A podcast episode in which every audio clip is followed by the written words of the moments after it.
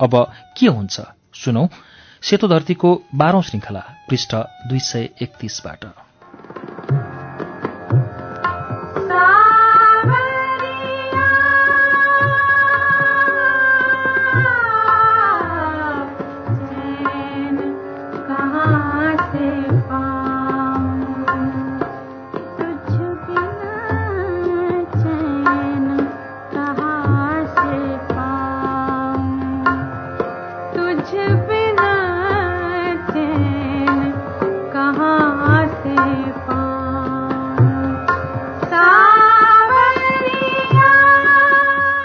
साल। ओहो समयले त कति धेरै डाँडाहरू काटिसकेछ मेरो उमेरका आफ्नै शरीर सुँदै। छिप्पिएको बैंसको गन्ध पो आइरहेको महसुस गरे। मेरी बालिका आमा पनि चौबिस वर्षकी भइन्। दुई सन्तानकी आमा। ठुलो भाइ पनि दुई सन्तानको बाबु भयो। छुट्टिएर अलग बसेको छ। बा बुढा देखिनु भएको छ। बालिका आमा तरुणी। त्यति निर्दोष बालिका आमा जसलाई मैले कहिल्यै सौतेनी आमा ठानिनँ। तर जब तिनी सोह्र सत्र वर्षकी भइन् क्रमशः परिवर्तन हुँदै गइन्। मलाई त उनले पराई जस्तो व्यवहार गर्न थालिन्। शरणार्थी जस्तै पो भएँ म त। कतै बस्ने ठाउँ नपाएर बस्न आए जस्तो गर्न थालिन्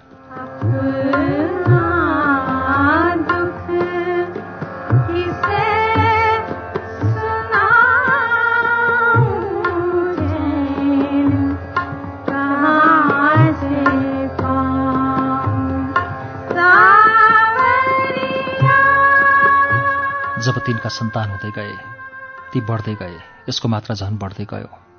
तिनका आफ्ना सन्तान भएपछि सानो भाइलाई पनि पराइला जस्तो व्यवहार गर्न थालिन्। बुढा भइसक्नुभएका बा तरुणी स्वास्नीको मोहम्मद चुर्लुममा डुब्नुभयो जब तिनको उमेर पनि कडा हुँदै गयो। तिनी अलिक कडा स्वभावकी भएर निस्किन्।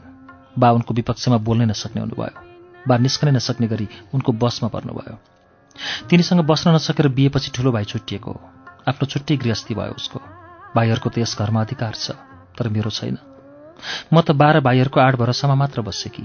यो घरमा मेरो मूल्य क्रमशः दासीको बराबर हुन थाल्यो। म काम गर्न मात्र बसेकी हुँ जस्ती भएँ। बाको निरीह अनुहार देखेर दया लाग्छ। त्यसरी केही गुनासो गर्न सक्दिनँ। बालिका आमाले धेरै पटक भनिन् तिमी आफ्नो घर किन जान्नौ?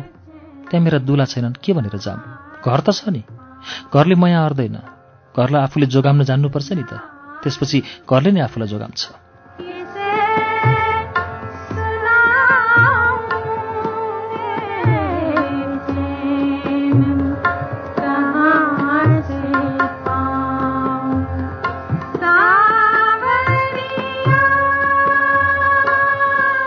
तिमीले यहाँ नबस। आफ्नो घर जाऊ भनेकी हुन् भन्ने कुरा बुझेर पनि म कतै जान सकिनँ। किनभने मेरो जाने ठाउँ कतै छैन। लाचार भएर बसिरहेँ। त्यो आफ्नो भनेको घर त बाटो हिँड्दा देखिने पराईको कुनै घर जस्तै लाग्छ। बरु म जङ्गलमा गएर ओढारमा एक्लै बस्न सक्छु। तर त्यहाँ गएर म त एकछिन पनि बस्न सक्दिनँ। कसरी जाउँ त्यहाँ? यतिसम्म कि तिनले मलाई खाना पनि बोलाउन छोडिन्। कति दिन तिनको चुलो ढोकेर खाउँ कुकुरले जाँ कति गरौँ त्यो घरको काम। कति हेरौँ तिनका चौपाया। बिचरा ती पशु मलाई नै धेरै माया गर्छन्। मलाई देख्नासाथ कराउँछन् तन्किन्छन् मेरो आशा गर्छन् केही दिन्छ कि भनेर। ती पशुले मलाई कति सुखी र शक्तिशाली सम्झेका होलान्। गाई भैँसी बाख्रा खुब पाले। मैले पालेका पशु खुब खाइलाग्दा भए। सबै भन्छन् तिमीलाई वस्तु भाव असाध्यै फाप्दो रहेछ। तिम्रो स्याहार सुसार पाएपछि सजिलै हुर्किन्छन् बाली लाग्छन् बगाल बढाउँछन् कहिले थारा बस्दैनन्।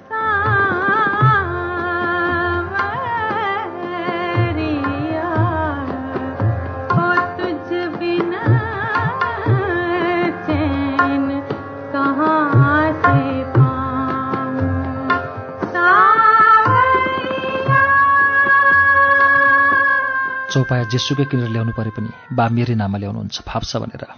ज्योतिषीले पनि भने तिम्रो गोठा चौपाया असाध्यै फाप्छन् अकाला मर्दैनन् थारा बस्दैनन् तर मलाई लोग्ने फापेनन्।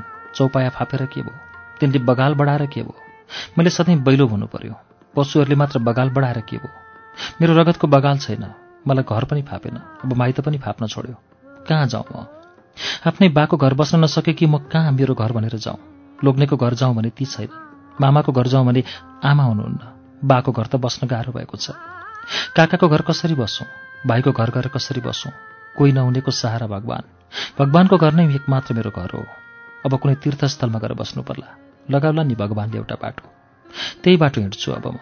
म जाँदा कसैलाई हानि हुँदैन किनभने म कसैलाई चाहिएकी छैन। सानो भाइ पनि हुर्कियो। सत्र वर्षको भयो। उसलाई पनि मेरो आवश्यकता पर्दैन अब। तर म कहाँको तीर्थ जाउँ? कहिले र कसरी जाउँ?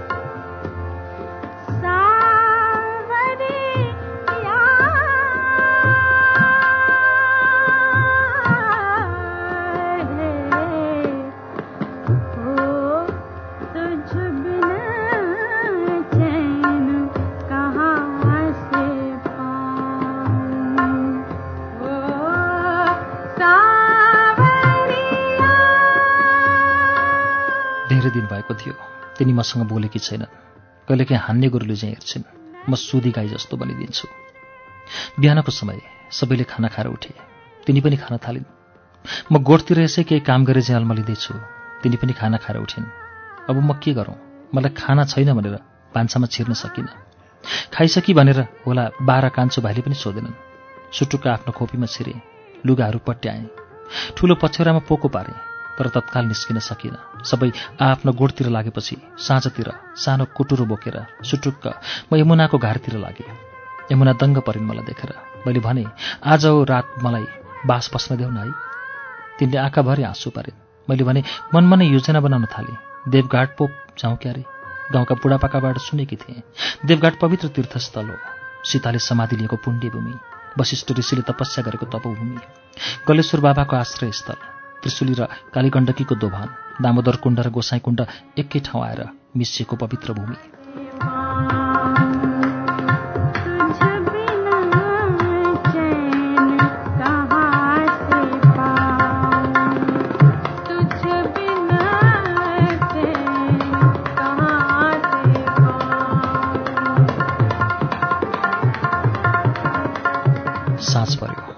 यमुनाको खोपीमै बसिरहे।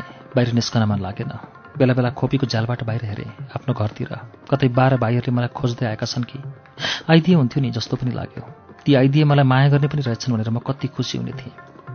अह तर ती कोही पनि आएनन्। रात पर्यो। आएनन्। आउँदै आएनन्। बल्ल मैले बुझेँ मेरा कोही रहेनछन्। छातीमाथि पृथ्वी राखेर आफूले हुर्काएको कान्छो भाइ पनि आफ्नो रहेनछ। नत्र त्यो भाइ त आउनु पर्थ्यो। दिदी यहाँ आउनुभएको छ कि भनेर खोज्दै। त्यो पनि आएन। किन आउँथ्यो त अब? कुनै स्वप्न सुन्दरीको संसारमा मस्तसँग डुबेर सुतेको होला। एक्कासी आँसु आयो। साह्रै नरमाइलो लाग्यो। आमा बाँचेकी भए मैले यसरी निस्कनु पर्थेन होला। म निस्किहाले पनि आमा अवश्य खोज्दै आउनुहुन्थ्यो।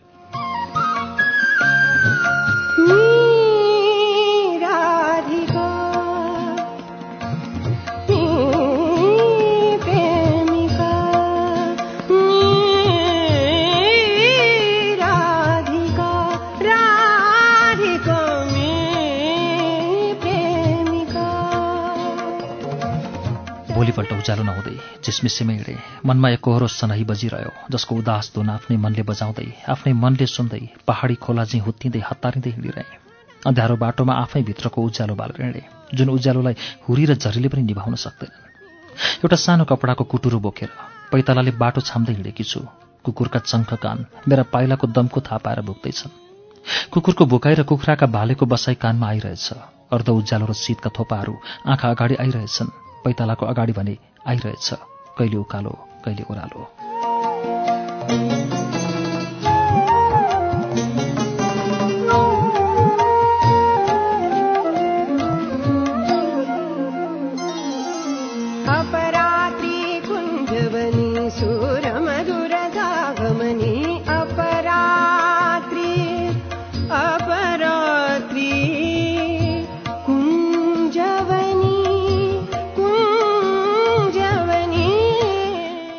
पास्ते खोलामा पुग्दा जलमल्ल उज्यालो भयो। बल्ल पहिलो पटक पछाडि फर्केर हेरेँ। मनले तीन पटकसम्म भन्यो त्यो सानो भाइ खोज्दै आएको भए म देवकाट जान हिँड्ने थिइनँ। कम्तीमा उनान्सय घोडाले मेरो मनलाई घरतिर ताने। फेरि पछाडि फर्केर हेरेँ कतै सानो भाइ मलाई खोज्दै आइरहेको छ कि भनेर। कोही मान्छे देखिँदा पनि सानो भाइ नै हो कि भनेर हेरेँ। भाइ नै ठानेर हेरेँ। एकछिनसम्म रोकिएँ त्यतै हेर्दै। तर नजिक हुँदै आएपछि मेरो काल्पनिक सानो भाइ अर्कैको भाइ भइदियो।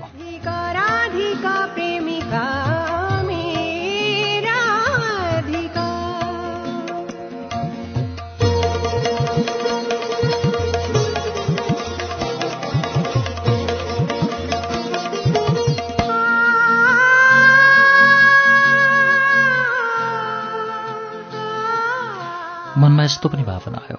पुराणका कथामा चाहिँ दैवी चमत्कार भएर त्यस दिन मेरो स्थानबाट दुध आएको भए मेरो सानो भाइ अवश्य पनि मलाई खोज्दै आउने थियो। खराबी मनको भए पनि दस धारा दुधको भाडा तिर्न ऊ रुँदै रुँदै मलाई खोज्न आउने थियो। त्यसपछि नौ हात्तीले मेरो मनलाई देवघाटतिर ताने र उनान्सय घोडाले घरतिर। मनका उनान्सय घोडाहरू कमजोर बन्दै गए। ओहो बल्ल पो थाहा पाएँ उनान्सय घोडाको बलभन्दा नौ हात्तीको बल पो धेरै हुँदो रहेछ। सायद ती घोडा कमजोर र अस्वस्थ थिए ती हात्ती बलिया र स्वस्थ थिए। धेरै बेरसम्म उभिएर म त्यहाँबाट आफ्नै मनका नौ हात्तीको पछि पछि लागेँ। निशब्द रुँदै रुँदै देवघाटतिर लागेँ।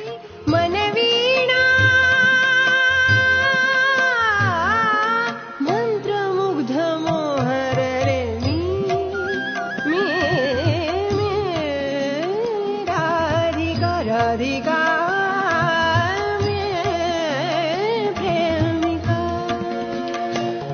जति जति हिँड्छु उति उति आँसु बग्दै जान थाल्यो। जति जति आँसु बग्दै जान थाल्यो उति उति आफ्नो शरीर आफैलाई हलुङ्गो लाग्दै जान थाल्यो। उति उति आनन्द र आत्मबल बढ्दै जान थाल्यो। त्यसपछि मेरो मनले तीन पटकसम्म भन्यो सानो भाइ नआएर ठिक गर्यो। पर नौ दसजनाको जत्था देखेँ। तिनको प्रकृति हेर्दा कतै बसाइ जान थाले जस्ता देखिन्छन्। मलाई डर लाग्यो तिनलाई भेट्टाउन। कतै तिनले टाढाको साइडमा विधुवा देखेर अशुभ भयो भन्ने त होइनन्। तर भनेनन्। कुहो कुहो नचिनेका मान्छे पनि एकैछिन सँगै हिँडेपछि आफन्त जस्ता भए। मेरै उमेरका लोग्ने मान्छेले सोधे कहाँ जान लाग्नु भएको? कहाँ भनौँ भने देउघाट एक्लै? उत्तर दिनुभन्दा पहिले मैले पनि सोधेँ तपाईँहरू कहाँ जाने नि? हामी त चितवन बसाइ जान लागा मलाई थाहा थियो चितवन र देवघाट एकैतिर पर्छन्। खुसी हुँदै भने अब म एक्लै छैन मसँग तपाईँहरू हुनुहुन्छ।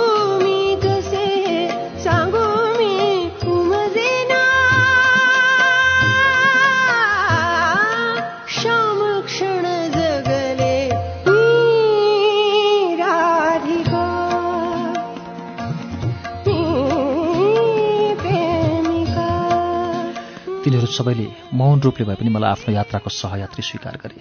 मैले भने तपाईँहरूसँगै जान्छु। अब त ढुक्क भएँ। चितवनमा जङ्गल फडानी गरेर सरकारले नयाँ बस्ती बसाल्दैछ भने दुई घर परिवार पहाडको सबै बेचबिखन गरेर बसाइ जान लागेका रहेछन्। धेरैजसो औलो लाग्छ भनेर जान डराउँछन्। पहाडमा खान नपुग्नेहरू दुःख पाएकाहरू भने जाँदैछन्।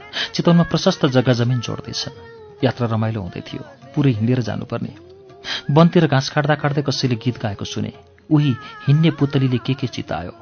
उडी हिँड्ने पुतलीले के के चितायो? एक धरको सिन्दुरले जीवन बितायो।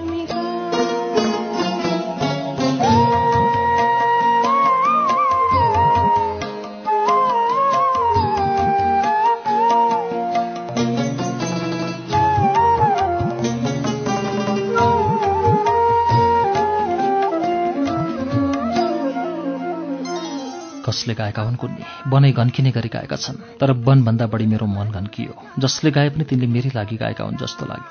पक्कै पनि म जस्तैहरूले गाएका हुन्। बाटो हिँड्दा प्राय जताततै वनै बन्छ। वनका माझमा सानो खरको कुटी बनाएर बसौँ कि भन्ने भावना पनि धेरै पटक आयो। तर ती भावनाहरूलाई त्यहीँ छोडेर म हिँडिरहेँ हिँडिरहेँ।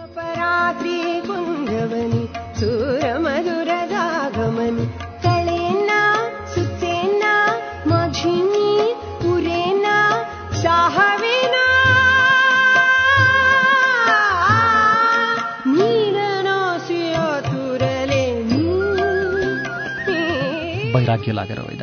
व्यवस्था र अपमानले लखेटिएकी छु। नचिनेका नजानेका बाटोमा संयोगले यसै भेटेका मान्छेसँग नदेखेको नचिनेको ठाउँमा देवभूमि भनेर जाँदैछु। थाहा छैन त्यहाँ देवता बस्छन् कि दानव या बस्छन् देवता र दानवको मिश्रणबाट बनेका मानिस या अमानिस। जे होस् कमसेकम त्यो ठाउँ त्यस्तो होस् जहाँ कसैले व्यवस्था गर्दा चित्त नदुखोस् अपमानित भएको महसुस नहोस्। चाहे जोसुकै हुन् पराईहरूले व्यवस्था गर्दा अपमानित भएको महसुस हुँदैन। मलाई त्यति भए पुग्छ।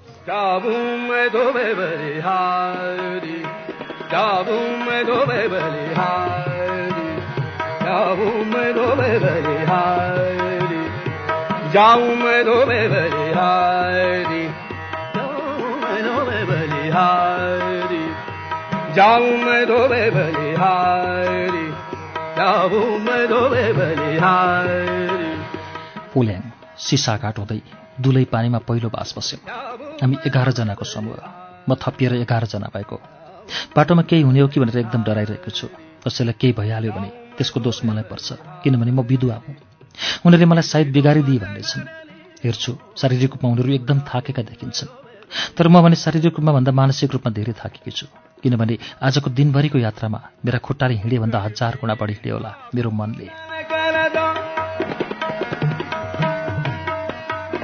गरीब की इच्छा तुम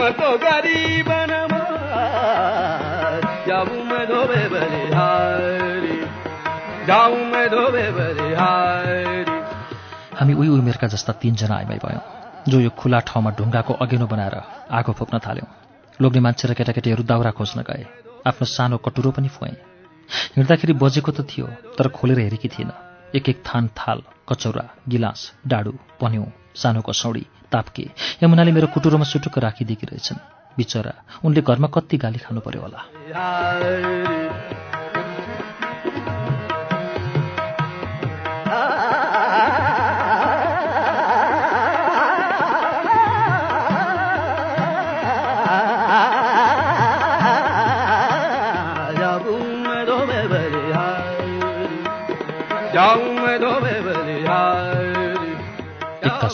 यी भाँडाकुँडाले मलाई मुनाको सम्झना गरायो।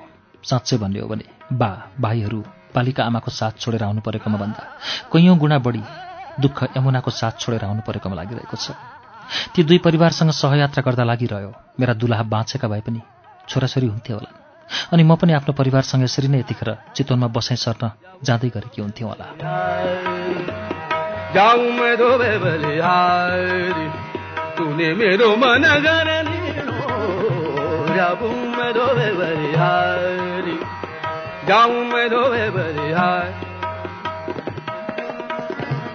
मनमा कम्तीमा सात पटक यस्तो विचार पनि आयो। बाटोमा कोही एउटा एक्लो लोग्ने मान्छे जसको कोही नहोस् तर उमेर भएको होस्। मसँग मिल्ने त्यस्तै कोही भेटियोस् उसँग मिलेर चितवनमा नयाँ घरबार गरेर बस्न सकौँ।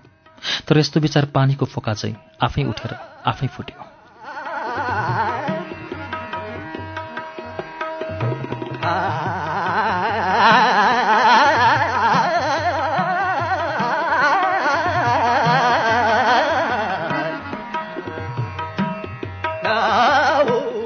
बाटोमा गाउँ बस्तीभन्दा धेरै जताततै वनै वन पहाडै पहाड मात्र देख्छु। समूहमा भएर पनि एक क्लास बाटोमा एक्लै भौतारी देखिरहेछु जस्तो लाग्छ। यसरी भौतारिँदा भौतारिँदै पाँचौँ दिनमा देवघाट आइपुग्यो। देवघाट पुग्ने बेलामा रामनगर भन्ने गाउँ आयो। ती दुई परिवारसँग छुट्टिएर त्यहाँबाट म देवघाटतिर लागेँ। उनीहरू चितवनतिर लागे। छुट्टिने बेलामा उनीहरू दसजना एकातिर र म एउटी एकातिर भयौँ। न म उनीहरूको पछि लागेर जान सक्थेँ। न उनीहरू मेरा पछि लागेर आउन सक्थे। छुट्टिँदा मलाई नरमाइलो लाग्यो।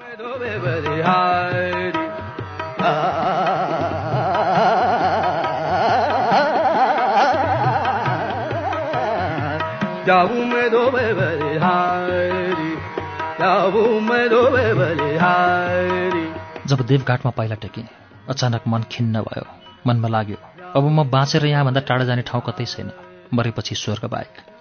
आफ्नो मृत्यु कुर्न आएकी हौँ कि क्या हो जस्तो लाग्यो। जीवनका अन्तिम दिनहरू कुर्न पो आएकी हौँ कि क्या हो भन्ने भावना पनि आयो। धेरै मान्छेका पैतालाले कुल्चन नपाएका गोरेटाहरू। घाँसै घाँसले गर्दा गोरेटाहरू कतै त हिँड्दा हिँड्दै घाँसभित्रै हराएका छन्।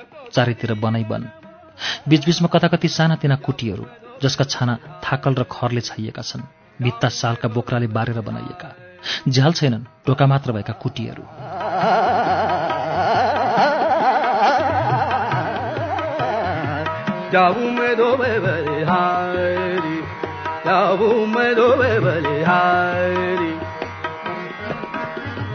चराको आवाज बाँदरको खेल। गण्डकी र त्रिशुलीको सुमधुर अविच्छिन्न लय मान्छेको वैमनस्य र कर्कश व्यवहारबाट मुक्त भएर चराको गीत र नदीको सङ्गीतमा लिप्त हुन पाउँदा लाग्यो यस्तो सुन्दर तपभूमिमा पहिले म किन हुन सकिनँ? किन त्यस्तो जन्जालमा कुहिएर बसेँ हँ यतिन्जेल? एकाएक मलाई ती कुटीहरू भगवान् बस्ने मन्दिर जस्तै लाग्यो। कल्पे मेरो पनि यस्तै एउटा कुटी भइदिए।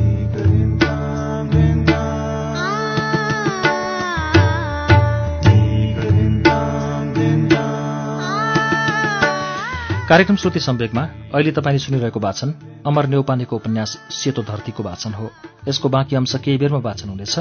उज्यालो सुन्दै गर्नुहोला।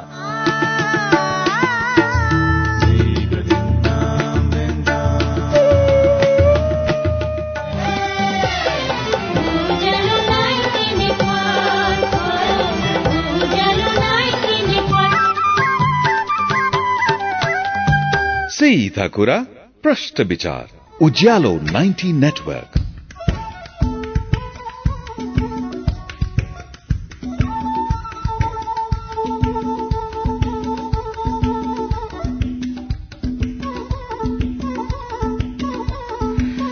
कार्यक्रम श्रुति सम्वेकमा पुनः स्वागत छ।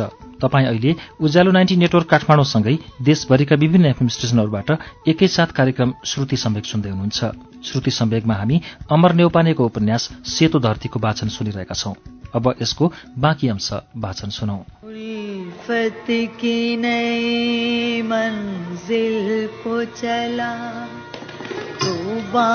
डाल के बाहों में दिल तोड़ने वाले देख के चल। हम भी तो पड़े हैं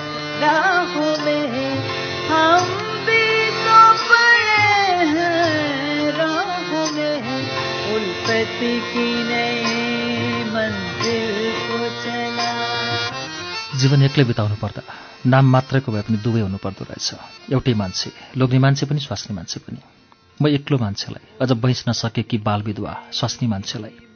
यही एउटा सानो कोटी बनाउन पनि कति गाह्रो पर्दो रहेछ। सानो भएर पनि अङ्ग त सबै पुर्याउनु पर्यो नि एउटा घरको। घर बनाउनेहरू सबै लोग्ने मान्छे हुन्छन्। तिनलाई खोज्नु पर्यो काम हराउनु पर्यो मानसिक रूपले पनि म अप्ठ्यारोमा परेँ परिरहेँ। एउटा भावना त हो नि आयो बादल चाहिँ उडेर। के गर्नु भावना भनेर। त्यसले नै झरी पारिदिन्छ आँखाबाट। बैलो र सेतो धरतीमा झरी परेर के भयो केही उम्रिँदैन। सधैँ हिउँले ढाकिएको धरतीमा केही उम्रिँदैन।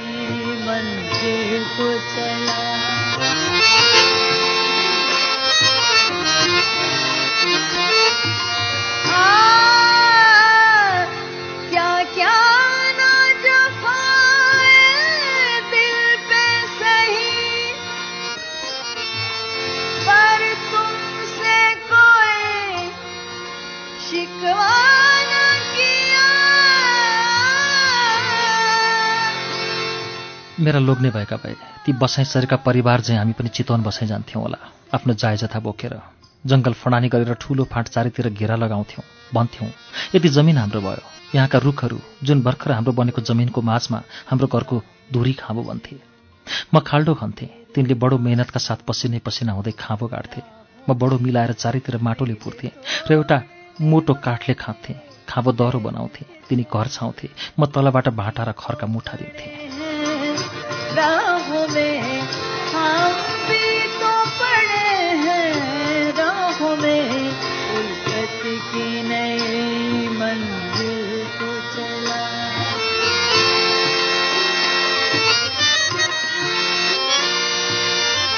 तिनी थाकेका हुन्थे म पनि थाकेकी हुन्थेँ। त्यही छानो मुनि आज त घर छाएको दिन भनेर म सेल रोटी पकाउँथेँ। तिनलाई थालभरि दिन्थेँ। मैले पकाएका चिल्ला रोटी खाएर राति सुतेको तिनको जिउमा तेल लगाइदिएर म पनि सुत्थेँ। हाम्रो घर हुन्थ्यो। दुई तिन छोराछोरी हुन्थे। गोठमा गाई भैँसी हुन्थे। घर वरिपरि खेत हुन्थ्यो। उनीभन्दा म बिहानै उठ्थेँ नुहाउँथेँ। उनलाई बाक्लो दुध चिया लिएर ओछ्यानमै टक्र्याउन जान्थेँ। त्यसपछि उनी आङ तन्दाउँदै कस्तो अल्छी लागेको भनेर उठ्थे। त्यसरी आङ तन्काउँदा उनको मुख मेरो नजिकै आइपुग्दथ्यो। भर्खर नुहाएको मेरो जिउबाट आउने ताजा महकले उनी लट्ठ परेर अझ नजिकै मुख ल्याउँथे। म आँखा तर्दै भन्थे यति चाँडै तागत भरियो फेरि? अनि अर्कोतिर फर्केर भन्थे उज्यालो भइसक्यो अब त। फिर आज है क्यों हम बेगाने? तेरी बेरहम निगाहों में दिल तोड़ने वाले देख के चल। हम भी तो पड़े हैं राहों में, हम भी तो पड़े हैं राहों में। उल्फत की नई मंजिल को तिनलाई जगाएर नखरा पार्दै म भान्सातिर लाग्थेँ र भान्साबाटै चिच्याउँथेँ। नुन छैन चिनी छैन तेल छैन साबुन पनि छैन। म अभावको सूची बनाइदिन्थेँ। उनी दिक्क मान्दै भन्थे अस्ति भर्खर ल्याएको चिनी यति चाँडै सकिन्छ त? म रिसाएर भन्थेँ तरकारी यहाँ हालेर सकेँ। हुन त चिनी चाँडै नै सकिएको हो। केटाकेटीले चोरेर चाँडै सक्छन्। म मनमा नै भन्थेँ उनी पनि के कम थियो? र भन्थे गुलियो भएको भए नुन किन सकिन्थ्यो? म पनि के कम भन्थेँ नुनले भएर नै सकेको छ नि नुन पनि। गाईबस्तुलाई चिनी दिन भन क्यारे उनी बिर्सिए चाहिँ सोध्थे साबुन र तेल पनि सकिया हो? म व्यङ्ग्य गर्थेँ। सकिन्न त। गाईबस्तुलाई साबुनले नुहाइदिएर तिनका जिउमा तेल लगाइदिएसी यो रमाइलो ठोकाबाजीपछि उनी ठुल्ठुलो दमको पार्दै बाहिर निस्कन्थे आँगनमा। म भान्साको जालबाट हुकुम गर्थेँ। चाँडै आउनु नि फेरि।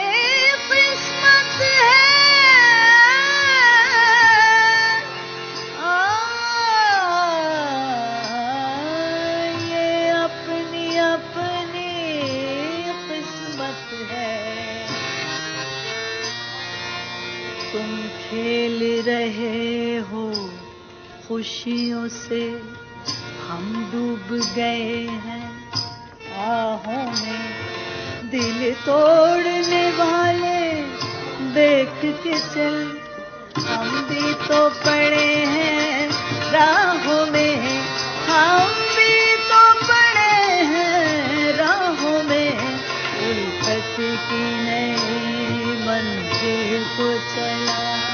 म आफ्नो आदेशलाई प्रमाणित गर्न मान्थेँ अहिले नै तरकारी यहाँ हाल्ने नुन छैन बोटुन्नी छैन तर उनी ढिलो आउँथे। मेरो हुकुमको अवज्ञा गरेको ठानीमा गुनासो गर्थे र देखे चाहिँ भन्थे घरमा चिया खाएर गसी दोकाना पनि चिया नखाइ हुन्न है? कहाँ खाएँ दोकाना भनेर त कसो भन्न सक्दैनन्? भन्थे सबै साथीहरू भेटिए अनि ती साथीहरू पनि त सबैले घरमा चिया खाएरै गएका होथे होला नि। मेरा कुराले ती झोकिन्थे। अन्त गएका हुन् र? चिया दोकाना गसी चाहिने कुरा पो अर्नु। चिसा दाउरा फुक्दै घुर्काउँथेँ म पनि। घरको चियाले धित मरेन भने त भइहाल्यो नि। म केही भन्दिनँ क्या? तिनी चुप लाग्थे। म मनमा नै भन्थेँ लोनी मुन्छेको जात। यस्ता ठासा ठुस्सले हाम्रो माया खुब बढाउँथ्यो। उनी घर बाहिरको व्यवहार सम्हाल्थे। म घरभित्रको। प्रत्येक रात हामी ती भित्र बाहिरका व्यवहारलाई जोड घटाउ गुणन भाग के के गर्नुपर्ने हो गर्थ्यौँ र नजिकै निधाइरहेका छोराछोरीको अनुहार हेरेर भविष्यको योजना बनाउँथ्यौँ।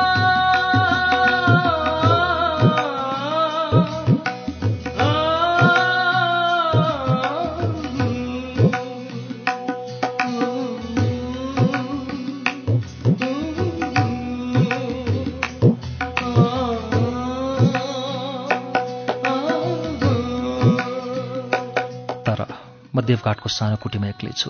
लोग्नेको ठाउँमा सेता र चिसा लुगा छन् र छ सिउँदोमा सिन्दुरले डामेको सेतो खत जहाँ म निधाएको बेला धारिलो हतियारले मेरो सात वर्षे कलिलो सिउँदोमा चरक्क चिरेर हारिदिए। मैले अनुहार नचिनेका मान्छेले एक चिम्टी बिखालु सिन्दुर जसको असर जति धोए पनि जाँदैन। चारै धामका चारै गङ्गाले धोए पनि जाँदैन। बाहिर सुकिलो खत देखिए पनि भित्रभित्रै सधैँ पाकिरहने यो घाउ। म जहाँ गए पनि मसँगै हुन्छ। शिरमा हुन्छ। मेरो मन मस्तिष्कमा हुन्छ। म नमरुन्जेल मसँगै हुन्छ। र मरेपछि मात्र मसँगै जान्छ सायद।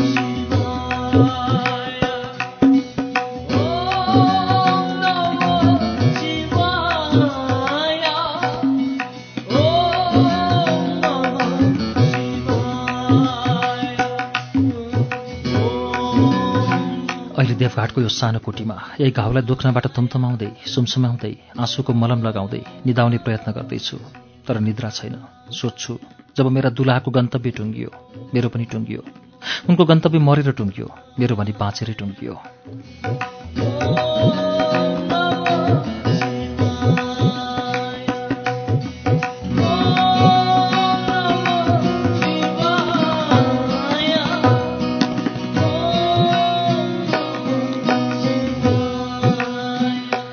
एक्लै भए पनि व्यवहारले दुवै काम गर्नु परेको छ मैले के गर्नु? एक्लै भएपछि दुवै गर्नुपर्छ। तर दुवै भएर पनि दुवै भएन भयो। लोग्ने मान्छे हुने कुरै भएन। स्वास्नी मान्छे पनि भएन। स्वास्नी मान्छेले गर्ने सबैभन्दा महत्त्वपूर्ण काम नै गर्न पाइन गर्नै नपाई म भित्रको स्त्रीत्व र मातृत्व खिया लागेर थोत्रिने तयारीमा छन्। कल्पनामा यस्तो पनि आयो। म त मकैको बोट पो हुँ क्यारे। मकैको बोट पुरुष पनि हो स्त्री पनि हो।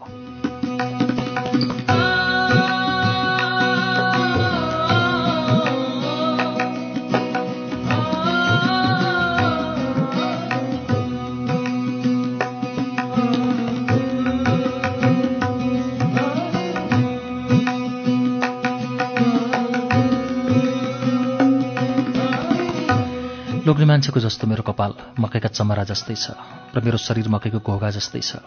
कुनै कुनै मकैका बोटले दुईटा घोगा पनि बोकेका हुन्छन्। माथि पुरुष चमराबाट झरेको पराग जब स्त्री घोगाको टुप्पामा पलाएको जुङ्गामा पर्छन् तब स्त्री मकैको घोगा आफ्नै बोटको पुरुष चमराबाट गर्भिणी हुन्छ। मेरो कल्पना पनि रद्दी भयो। म कसरी मकैको बोट बने त? म निराश बने। हे ईश्वर अहिले मलाई मात्र भए पनि मकैको बोट जस्तै बनाइदिएको भए जहाँ पुरुष र स्त्री दुवै हुन्छन्। यस्तो चराचर जगत ब्रह्माण्ड सृष्टि गर्न सक्ने ईश्वरले त्यति गर्न किन सकेनौ? मलाई त्यति बनाउँदा तिम्रो के बिग्रिन्थ्यो र तिम्रो के हानि हुन्थ्यो र?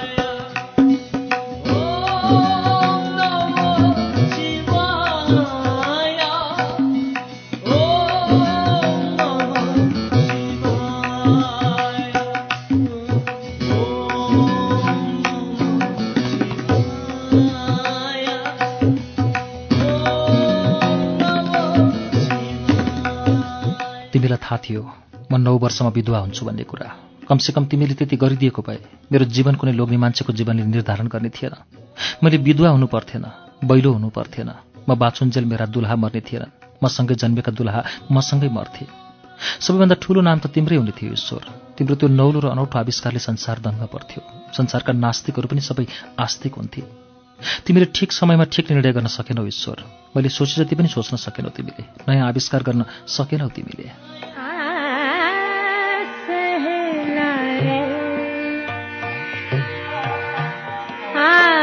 सहेला रे। मेरी गाय सहेला रे। मेरी गाय सहेला रे। मेरी गाय सप्त सुरन के वेद सुनाए सहेला रे। आश्रममा ठूलो यज्ञ भएको छ। मेरो काम पर्यो। स्वामीजी र गुरुहरूलाई पकाएर खुवाउने। भर्खर देवघाट आएकी म। यहाँको वातावरणसँग घुलमिल हुन यज्ञले ठूलो सहयोग गर्यो। प्रत्येक पटक खाँदा स्वामीजीले मैले पकाएको खानाको खुब प्रशंसा गर्छन्। अरू अरू भन्छन् स्वामीजीले त गाली नै गरे पनि मोक्ष चाहिँ प्राप्त हुन्छ तर मैले पाइरहेकी थिएँ प्रशंसा। थाहा छैन अब मलाई के प्राप्त हुन्छ।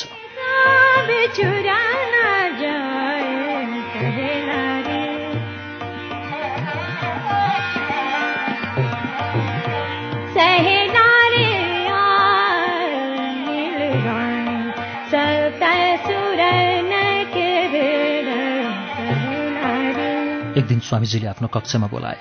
म त जान पनि डराएँ। तिनले भने एक्लै आऊ। झन् डराएँ। तिनको अध्ययन र शयन कक्ष एउटै रहेछ। म तिनको सामान्य एउटा निश्चित दूरीमा बसेँ जहाँ उनले देखाए। बस्दा टाढैबाट दर्शन गरेर बसेँ। सबै भन्छन् यी स्वामीजी त बडो घमण्डी छन्। जो कोहीसँग त बोल्दै बोल्दैनन्। उनीसँग बोल्दा बडो संयमी हुनुपर्छ। जतिसुकै ठुलो मान्छे किन नहोस्। थोरै तलबितल पर्यो भने तथा नाम गाली गर्छन्। रिस उठ्यो भने लौरो लगाउन पनि बेर लगाउँदैनन्। र तिनी बडा दयालु पनि छन्। र विद्वान पनि।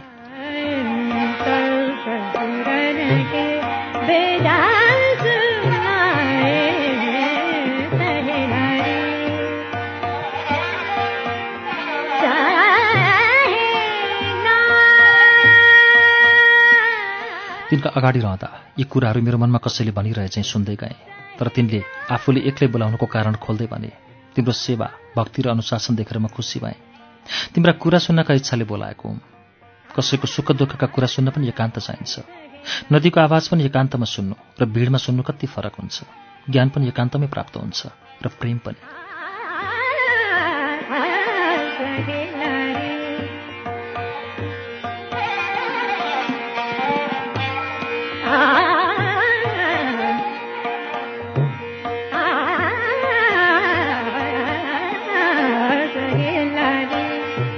तिनका बाणी प्रभाव र आवाले म नतमस्तक पाएँ नदी किनारको रुखले चुपचाप नदीको लय सुने चाहिँ स्वामीजीका वेदका वाक्य जस्ता लय सुनिरहे। तिनले सोधे तिमी ब्राह्मणी हौ? मैले हो भनेर शिर हल्लाएँ उपाध्याय हौ? फेरि मैले उसरी नै शिरले भने। तिनले मेरो जीवनको पृष्ठभूमि जान्न चाहेका रहेछन्। म किन देवघाट आएँ? कसरी आएँ? बुझ्न खोजेका रहेछन्। तर मैले केही भन्नै सकिनँ। ती हृदयमा आँखा भएका मान्छे रहेछन्।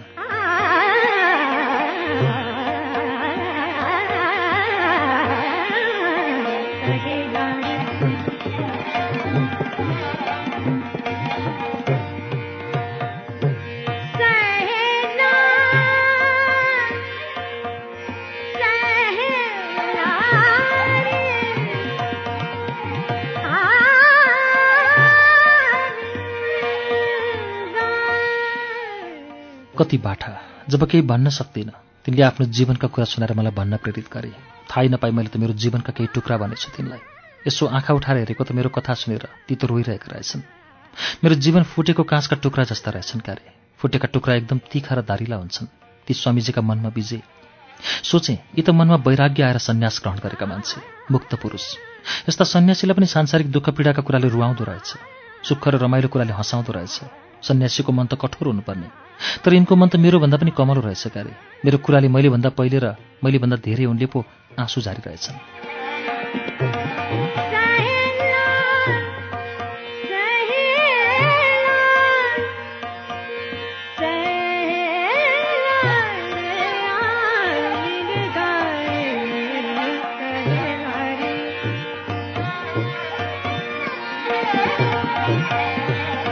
तिनी मभन्दा दुई चार वर्ष जेठा हुँदा। हेर्दा त्यस्तै लाग्यो। एउटा कुराले अचम्ममा परेकी छु। आफ्नै कुराले। उत्तरका लागि कसैलाई सोध्न सकिनँ। सायद कहिल्यै सोध्न पनि सक्दिनँ। कोही मान्छेसँग भावनात्मक रूपमा नजिक भएपछि उसमा गोविन्दलाई आरोपित गर्छु कि? पहिले नै उसमा गोविन्द आरोपित गरेर उसँग भावनात्मक रूपमा नजिक हुन्छु म। यो कुराले म आफै अन्यलमा परेकी छु। स्वामीजीमा म गोविन्दको झल्को देख्न थालेकी छु। गोविन्द ठिक यही उमेरका छन्। तर उनी गेरु वस्त्र धारण गरेर यस्तो जीवन मार्गमा छैनन्। उनी त सांसारिक सुख भोगमा छन्।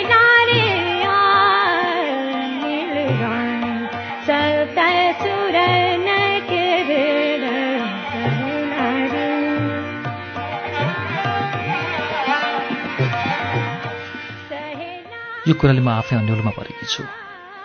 कहिलेकाहीँ त भगवान् कृष्णको फोटोमा समेत गोविन्दलाई आरोपित गरी पूजा गरिरहेकी हुन्छु। यो कस्तो पागलपन हो? यस्तो कुरा अरूलाई भन्न पनि पाप सम्झेर कसैलाई भन्न सक्दिनँ म। कहिले पनि भन्न सक्दिनँ। तर मनमा आफै किन आउँछन् यस्ता कुरा? जहाँ गए पनि म सँगसँगै किन आउँछन् गोविन्द मेरो मनमा? म क्रमशः बुढी हुँदै गएकी छु। गोविन्द पनि त बुढो हुँदै गएका होलान् तर मेरो मनका गोविन्द भने उस्तै छन् जवान जस्तो मैले उनलाई अन्तिम पटक देखेकी थिएँ।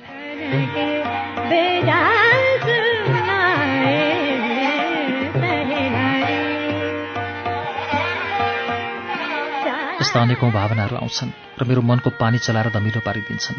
म अशान्त हुन्छु।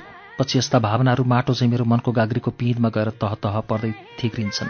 केही समयपछि फेरि मेरो मनको पानी सङ्लो देखिन्छ फेरि धमिलिन्छ फेरि सङ्लिन्छ यो क्रम निरन्तर चलिरहन्छ। मोरे बाके।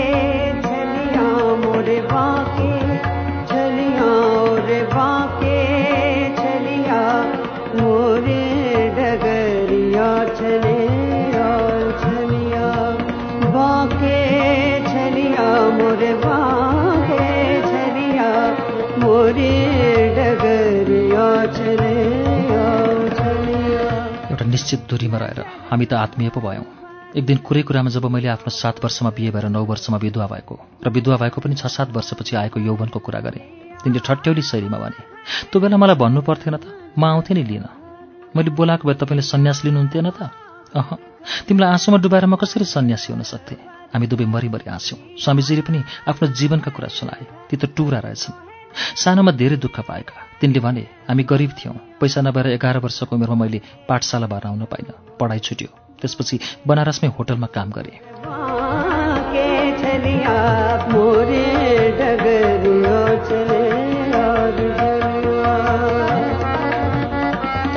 मैले पनि ठट्यौलो शैलीमा भने त्यो बेला मलाई भन्नु पर्थेन त। तपाईँलाई पाठशाला भर्ना गर्न चाहिने ठिक तिस रुपियाँ मसँग थियो नि त्यतिखेर। म दिन्थेँ नि। सबै दिन्थ्यो होइन त मलाई? सबै दिन्थेँ। पक्का दिन्थ्यौ त पक्का दिन्थेँ दिन्थिस् को कस्ति लोभी छेस् त पहिलोपटक मलाई दक्षिणा पनि जम्मा एक रुपियाँ दिएकी थिइस्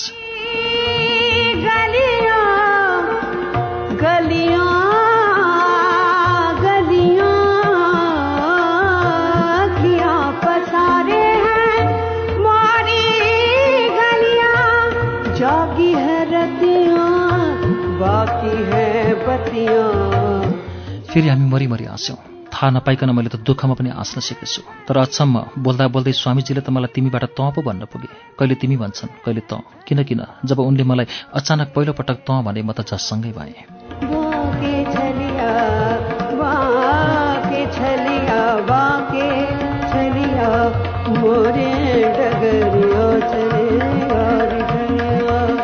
सानोतिनो प्रेमले तँ भन्न सकिन्न। तँ दुई प्रकारले भनिन्छ। एउटा प्रेमले अर्को हेलाले। उनले तँ प्रेमले भनेका हुन् भन्ने कुरा मैले सजिलै बुझेँ। उनले सम्वेदन गरेको तिमीमा भन्दा तँमा धेरै प्रेम छ भन्ने कुरा पनि मैले सजिलै महसुस गरेँ।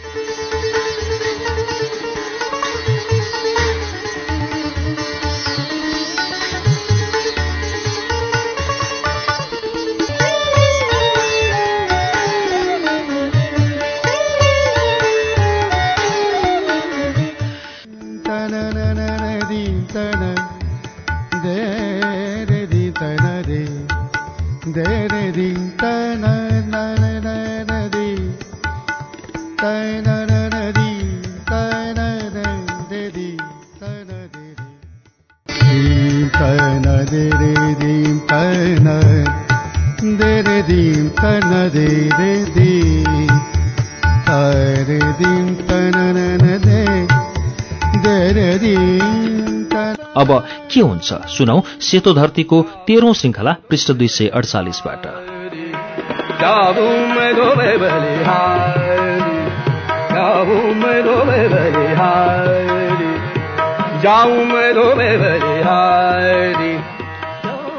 सबै भन्छन् स्वामीजीको साह्रै कडा नियम छ। राजाको नियमभन्दा पनि कडा छन् स्वामीजीका नियम। त्यसैले सबै उनीसँग डराउँछन्। म पनि डराउँछु तर प्रेमपूर्वक डराउँछु। उनलाई भेट्दा गोविन्दलाई भेटे जस्तै लाग्छ। सायद आफैले पनि थाहा नपाउने गरी गोविन्दलाई मैले उनमा आरोप गरेकी होला।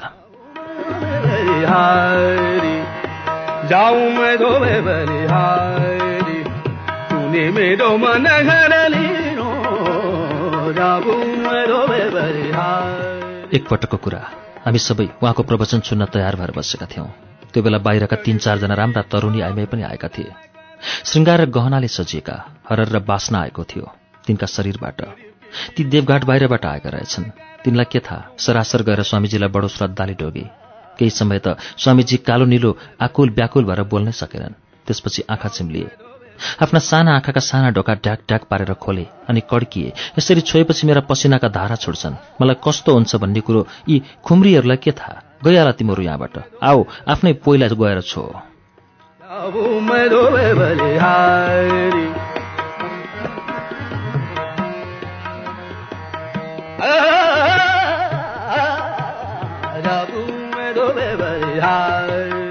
ती त साह्रै डराए तर गइहाल्न सकेनन् हामी पनि डरायौँ फेरि कड्किए तिमीहरू नगई म प्रवचन गर्न सक्दिनँ जान्छौ कि लट्ठी लाम त्यसपछि त ती खोरबाट बाख्रा बाहिर निस्किए चाहिँ निस्केर गए हामी सबैलाई नमज्जा लाग्यो त्यसपछि बल्ल स्वामीजीले प्रवचन गर्न थाले।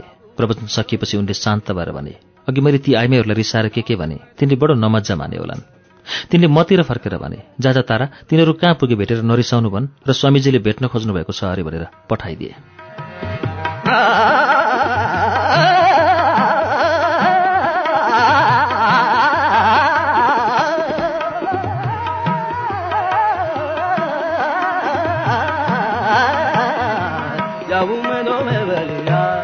जति गर्मी गए पनि कहिल्यै ताप्दैनन् रुखका जरा हाँगा र पातहरू। लाग्छ सबैभन्दा महान तपस्वी र ज्ञानी भनेका यिनै रुखहरू हुन्। रुखहरूको ध्यान कसैले भङ्ग गर्न सक्दैन। कसैले छोएर तिनमा क्रोध जगाउन सक्दैन। कसैले तिनका हात जस्ता हाँगा नै काटे पनि तिनको ध्यान भङ्ग हुँदैन। यति धेरै ज्ञानका प्रवचन गर्ने स्वामीजीहरू भने ग्रीष्म ऋतुको प्रचण्ड गर्मीले तातेका बगरका बालुवा जस्ता ताता। सानो कुरा तलमाथि पर्यो भने पनि आकाश खसे चाहिँ आत्तिन्छन्। लाग्छ स्वामीजीहरू ज्ञानले भन्दा धेरै क्रोधले भक्तजनहरूलाई आफ्नो नियन्त्रणमा राख्दछन्।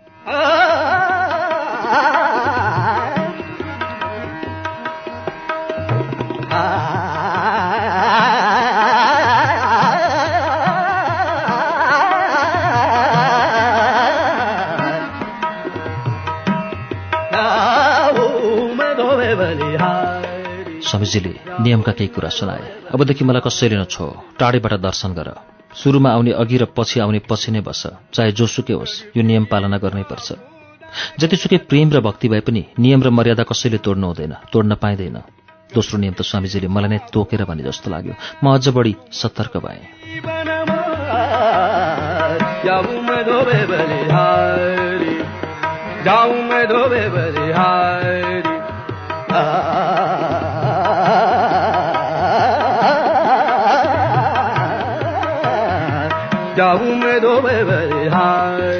म सधैँ अघि बस्छु। मेरो आसन प्राय सधैँ उही हुन्छ। सबै भन्छन् यो त ताराको आसन हो। त्यो दिन अलि ढिलो पुगेँ। प्रवचन सुरु हुन लागेकै रहेछ। म ढोकाको छेउमा निहुरिएर अलक्क बसेँ। स्वामीजीले केही कुरा हराए चाहिँ हेरेँ हामी भएतिर। के खोजे स्वामीजीले भने लाग्यो। भने तारा खै मलाई पो खोजेका रहेछन्। मैले यहाँ छु भन्न पनि सकिनँ। बसेकै ठाउँमा रहेर मुसु मुसु हाँसिरहेँ। अरूले देखाइदिइहाले र भनिदिए यी यहाँ छिन्। खुसी हुँदै उनले भने आइज आइज अगाडि आइज त। जाऊ मैं धोबे बलिहारी जाऊ मैं धोबे बलिहारी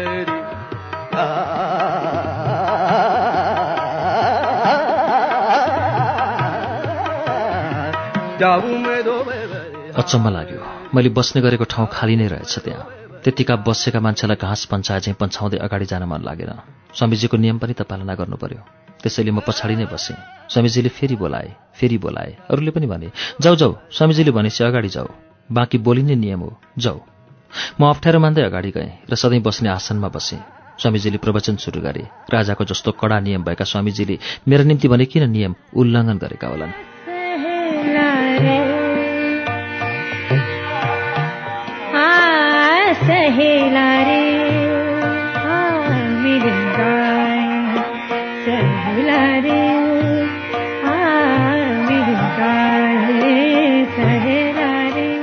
स्वामीजीले भने पूर्वजन्मको प्रारब्ध नभइकन त यति धेरै नजिक भएकी होइनस् प्रेम गरेकी होइनस् भेट हुन प्रेम हुन पनि पूर्वजन्मको प्रारब्ध चाहिन्छ। स्वामीजीले यसोभन्दा म धन्य भएँ। स्वामीजी अचम्मका मान्छे। जब म तिनको आसन नजिक जान्छु तिनी त्यसै डराए जस्ता हुन्छन् तर्किन खोजे जस्तै गर्छन् कतै खुट्टा छोइदिन्छ कि भनेर लुकाउँछन् पनि। एक दिन म तिनको नजिकै गएँ कोही थिएनन् एक्लै भागवत पढिरहेका। मलाई देख्न साथ भर्खर उज्यालो देखे चाहिँ हेरेर आँचे किन आँकियोस् मैले पनि प्रेमले जिस्केर भने तपाईँलाई छुन आँकियौँ उनले आफ्ना खुट्टा लुकाउँदै भने छोलिस त्यति भन्न पनि तिनको मुड हेर्नुपर्छ। तिनको स्वभाव महादेवको जस्तो छ। कहिले उत्पात खुसी हुने कहिले उत्पात रिसाउने कहिले एकदमै कामुक जस्ता पनि देखिने कहिले एकदमै वैराग्यले भरिएका जस्ता हुने। रिसाउने पो हुन् कि भनेर डराइ डराइ बिस्तारै सोधेँ। नछोइ छोड्दिनँ क्यारे आज त म।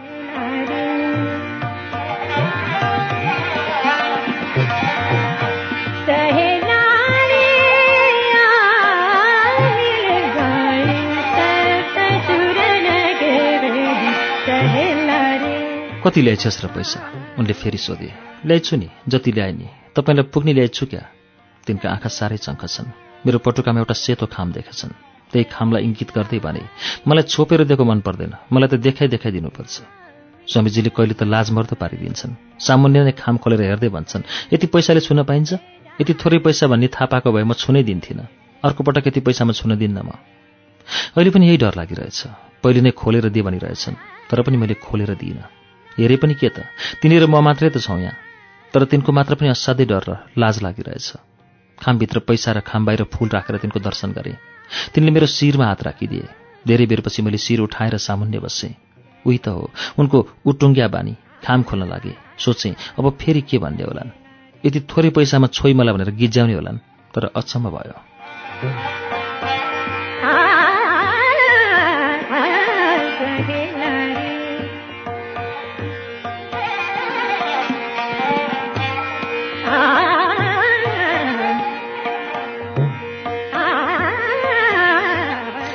के भयो थाहा छ? खाम त रित्तो रहेछ। मैले त आफ्नो होस नै कहाँ राखेर आएछु कुन्नी? रित्तो खाम पो परेछ। म त लाज र डरले निलै भएँ। एकदमै आत्तिएँ। स्वामीजीले मेरो अपमान गरिस् भनेर दुर्वासा बन्ने भए अब। तर बनेनन् रित्तै मलाई छोइस पनि भनेनन्। समय चोरेर यसो हेरेँ। उनको अनुहार ती त आकाश जस्तै पो देखिएका छन्। सफार निलो आकाश। भने तैँले आज जति धेरै पैसा आजसम्म कहिले राखेकी थिइनस्? म झन् डराएँ के भन्न खोजेका? हुन् मैले केही पनि बुझिनँ। थपे। आज तैँले खाममा पैसा होइन प्रेम हालेकी रहेछस्। त्यसैले आज म तँसँग सबैभन्दा बढी खुसी छु।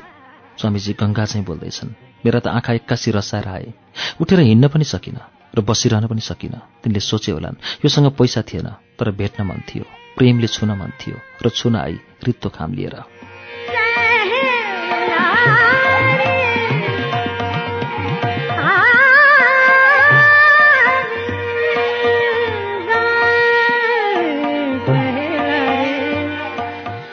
प्रेमको बदला प्रेमले नै पूर्ण गरेर यसलाई पठाउनुपर्छ भनेर सोचेछन् क्यारे। स्वामीजी यति आत्मीयपूर्वक बोलेको पहिलो पटक अनुभव गर्दैछु। उनले आफ्नो हृदय मेरो हृदयमाथि खन्याइदिए चाहिँ लाग्यो। उनले शान्त श्रृङ्गार र वैराग्य रसलाई एकै ठाउँमा बिसाएर भने त धेरै नजिक भइस् अब यहाँभन्दा नजिक नहो। मलाई टिका लगाउने दर्शन गर्ने बाहनामा शिरमा पाउमा शरीरमा कतै नछो। म त सन्यासी मान्छे।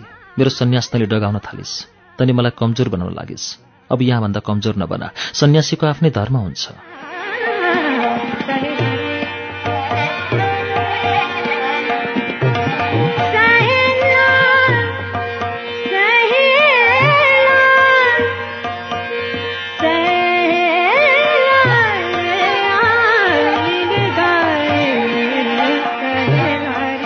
मैले आँखाभरि आँसु पारेर भने त्यसो भए म नि सन्यास सन्यास त हुन्छु।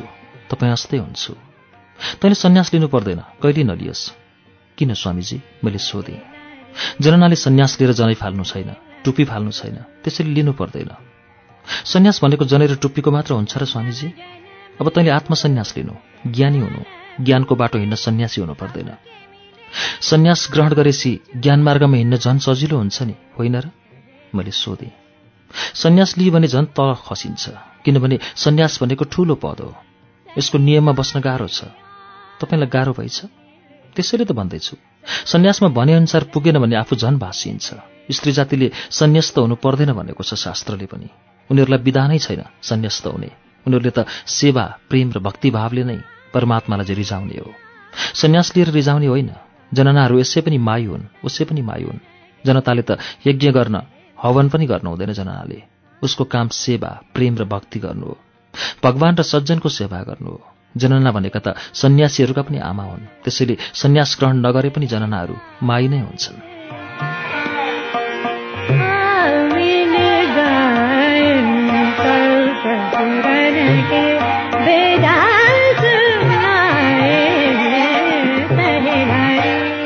मैले फेरि जिज्ञासा राखेँ। म मरेसी मेरो क्रियार्नी पनि कोही छैनन् सन्यस्त बसी यसको चिन्ता पनि हुन्न। मुक्तिको बाटो पनि मिल्छ भनेर सन्यस्त हुन खोजेकी हुँ स्वामीजी। मलाई तपाईँ जस्तै सन्यासी हुन मन छ। मरेपछिको चिन्ता तैँले हर्नु पर्दैन। त्यो सबै परमात्माको जिम्मा छोडिदिए। त्यसपछि म चुपचाप लागेँ। स्वामीजी पनि चुपचाप। उनी बिस्तारै आफ्नो आसनबाट उठे। मेरो नजिकै आए र मलाई बतासले चाहिँ छोए। तिनको शरीरबाट सूर्यको जस्तो न्यानो आइरहेको छ। तिनले मेरो पिठ्यौमा छोए। सूर्यको प्रकाशले हिमालको टुप्पामा छोए जस्तो भयो। हिउँ बिस्तारै पग्लियो। समीजीले सोधे रागद्वेष आउँछ? म केही बोलिनँ। फेरि सोधे मैले ढाँटेर भने आउँदैन मैले ढाँटेकी हुँ भन्ने कुरा हृदयमा आँखा भएका स्वामीजीले अवश्य पनि थाहा पाए होलान् तर केही भनेनन्। मैले बिस्तारै सोधेँ अरूले आफूमाथि रागद्वेष राखे कि नि नि स्वामीजी? उनले भने त्यो रागद्वेष उनीहरूकै हो आफ्नो होइन त्यसको चिन्ता नगर्नु।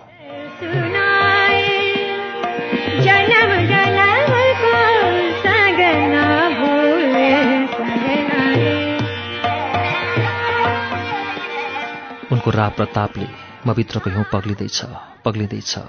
मेरो हिमालको उचाइ तिनको हत्केलाको स्पर्शले क्रमशः घट्दैछ घट्दैछ। म एकदम आत्तिन थालेँ बाफिन थालेँ बकबकी उम्रिन थालेँ। उनले मेरो दाहिने हातको हत्केलामा सुस्तरी छोए। लाग्यो मैले आफ्नो मन झिकेर आफ्नो हत्केलामा राखेकी छु जहाँ स्वामीजीले सुरुमा सुस्तरी त्यसपछि च्याप्प समाए। कस्तो भयो होला मलाई? उनले त्यसरी मेरो मनमा च्याप्प समाउँदा। उनले फेरि सोधे विषय बासनाको भाव आउँछ? उसरी नै मैले आफैलाई ढाँटेर भने आउँदैन स्वामीजी। हँ तिनले ठुलो सास फेरे। त्यो सास मेरो अनुहारभरि फैलियो। एक मनले सोच्यो यसरी स्वामीजीले के गर्न खोजेका होलान्? सायद म भित्र वैराग्य भावना कत्तिको छ भनेर विचार गरेका होलान् परीक्षा लिन खोजेका होलान्। अर्को मनले सोच्यो स्वामीजीको मनमा पनि विषय वासनाको भाव आएर यसो गरेका होलान्। मेरो मन यिनै दुई सोचाइमा डुबेर विषयमा पौडिरह्यो खप्नै नसकेर सोधे विषय वासनाको भाव आयो भने के हुन्छ स्वामीजी? यसको चिन्ता नलिनु। सबै परमात्माको जिम्मामा छोडिदिनु। केही हुँदैन। पाप लाम्दैन। त्यसैले त परमात्माको जिम्मा छोडिदिए भनेको। विषयको भाव आउँछ भने रोक्नु हुँदैन। त्यसलाई आउन दिनुपर्छ। किनभने त्यो जान आएको हो पाहुना चाहिँ। कहिलेकाहीँ आउने पाहुनालाई सक्तो सम्मान गर्नुपर्छ। अपमान र तिरस्कार गर्नु हुँदैन।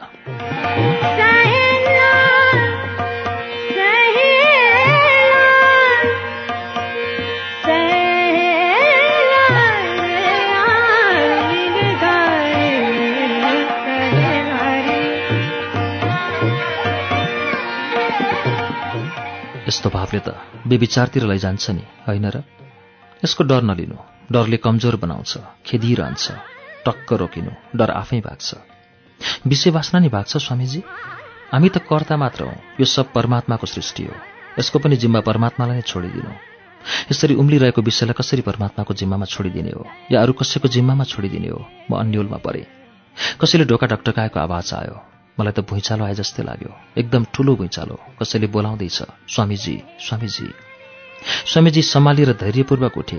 बाहिरबाट हेर्दा ध्यानमग्न तपस्वी पहाड झैँ बसिरहे म तर मेरो मनमा सुनामी आइरहेछ। स्वामीजी त्यो नौलो मान्छेसँग कुरा गर्न थाले। म भने सुनामीको लहर चाहिँ आफ्नो कुटीतिर लागे। सोचे परमात्माले यति ठुलो सुनामी कसलाई डुबाउला भनेर ल्याइदिएका होलान्। कतै म भित्र आएको सुनामीले मलाई नै डुबाउने त होइन?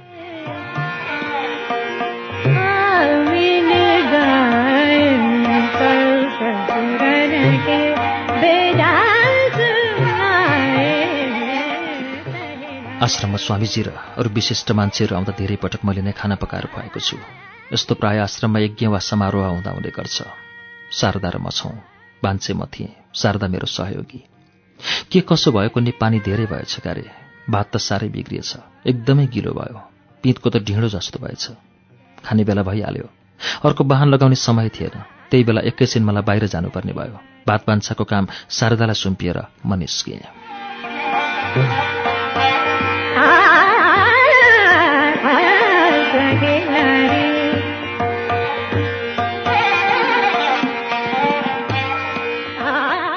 स्वामीजी र अरू पाहुनाहरू खाना आएछन्। बडो अप्ठ्यारो मान्दै एक दुई गाँस खाएपछि स्वामीजी कड्किएछन्। के भात पकाएको यस्तो? ढिँडो हो कि भात हो यो? पकाउने ढङ्गसँग छैन तिमीहरूको। खान्न म यो भात। खाँदै खान्न। स्वामीजी त उठ्न लागेछन्। अरू चुपचाप केही नबोली खाँदै रहेछन्। उनको साह्रै कडा र कठोर रिससँग सार्दा साह्रै डराइछन्। डराउँदै पनि छन् भात त मैले पकाकी होइनँ ताराले पकाकी हुन्। मैले त पस्केर देखि मात्र हुँ त्यसपछि स्वामीजी त तातो फलाम एक्कासी चिसो पानीमा डुबाए जस्ता भएछन्। नरम भएर बिस्तारै भनेछन्। गिलो भए पनि स्वादिलो त स्वादिलै छ नि। जा जा रे अपने मंदिरवा जा जा रे अपने मंदिरवा जा जा रे अपने मंदिरवा जा जा रे पछि यो प्रसङ्ग भन्दै हामी खुब हाँस्यौँ। त्यसपछि अझ मैले थाहा पाएँ। स्वामीजीको म प्रतिको लगाव र प्रेम। स्वामीजी त्यति ठुला मान्छे। उनका अगाडि म भुस्सुना बराबर। तिनले दिएको ज्ञान र सहयोग मैले राम्रो सत्सङ्ग पाएकी छु। मेरो मनमा रहेका धेरै गुनासाहरू आफै पातला भएर गएका छन्। स्वामीजीका सत्सङ्गले मेरो मनको दुर्गम र अँध्यारो घरभित्र उज्यालो छिरेको छ। त्यो उज्यालो स्वामीजीको हो जसको सहायताले आफ्नो मनको अँध्यारो ढुसी परेर बसेका कुराहरूलाई देख्न पाएकी छु। त्यसैले उनलाई कहिलेकाहीँ आफ्नो कुटीमा बोलाएर आफूले पकाएको खुवाउन मन लाग्छ। बोलाउँछु पनि ती खुसी हुँदै आउँछन् पनि। ती आउँदा तीभन्दा धेरै खुसी म हुन्छु सायद।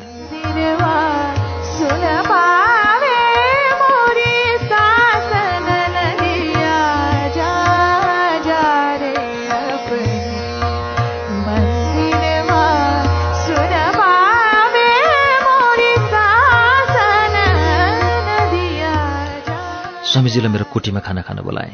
सधैँ चाहिँ उनी खुसी भएर आए मलाई रहस्यमय आँखाले हेरे। यसरी कहिले हेरेका थिएनन्? के हेरेका होलान् यसरी? पक्कै पनि यिनले मैले बाटेको कपाल हेरेका होलान्। नौ वर्षको उमेरदेखि कहिले कपाल बाटेकी थिइनँ किनभने बाट्न मिल्ने गरी पालेकी थिइनँ।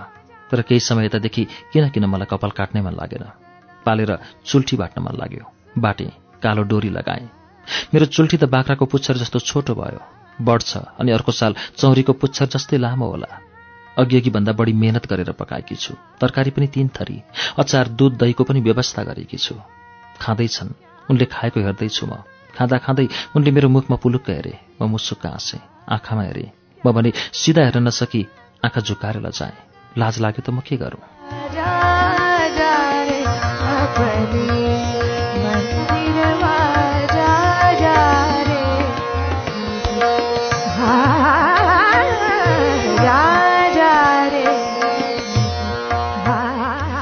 खाँदा खाँदैका तिनका हात टक्क रोकिए।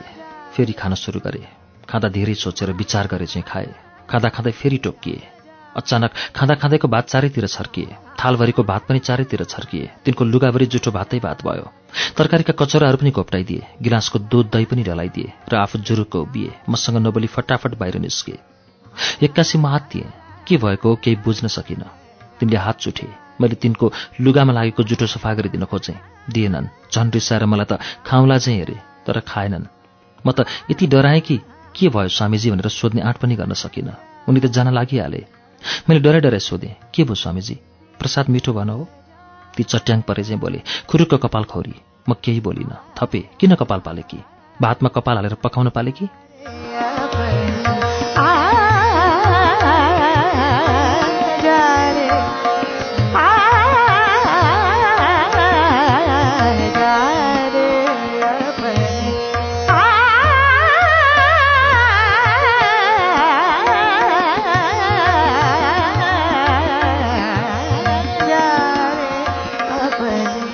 बल्ल कुरा बुझे।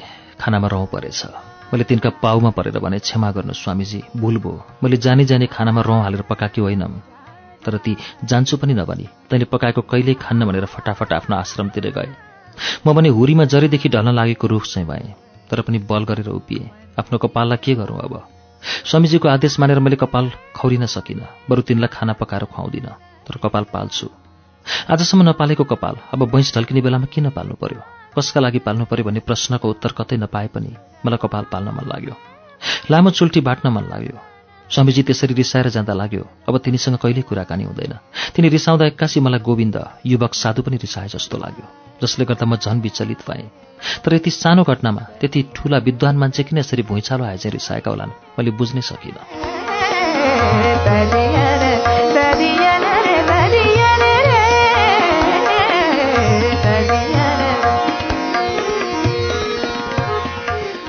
अचानक ममा वैराग्य जस्तो भाव आयो। किनभने स्वामीजी गोविन्द र युवक साधु सबै मबाट टाढा भए। गोविन्द र युवक साधुलाई पनि स्वामीजीमा आरोपित गरेर आफूसँगै राखेकी थिएँ। त्यसैले सबै टाढा भए। मेरो मनबाट पनि टाढा भए। म मनले पनि एक्लै भएँ। छुट्याउन सकिनँ। यो वैराग्य हो कि निराशा? साँच्चै मैले यसरी किन आरोपित गरेँ गोविन्दलाई? के प्रत्येक स्वास्नी मान्छेमा हुन्छ यस्तो बहुपुरुष प्रवृत्ति? मेरो अवचेतनले आफूलाई मन परेका प्रत्येक पुरुषहरूमाथि गोविन्द आरोपित गर्दै विभिन्न पुरुष मन पराउन थालेको त होइन। आफूभित्र त्यस्तो बहुपुरुष प्रवृत्ति छैन भनेर सच्चरित्रको घेराभित्र छु भन्ने पार्न आफूले नै थाहा नपाउने गरी आफैसँग म फसिरहेकी त छैन। सोचमग्न भए। मेरो मन स्वामीजीले दुखाए। सन्चो नहुने गरी दुखाए।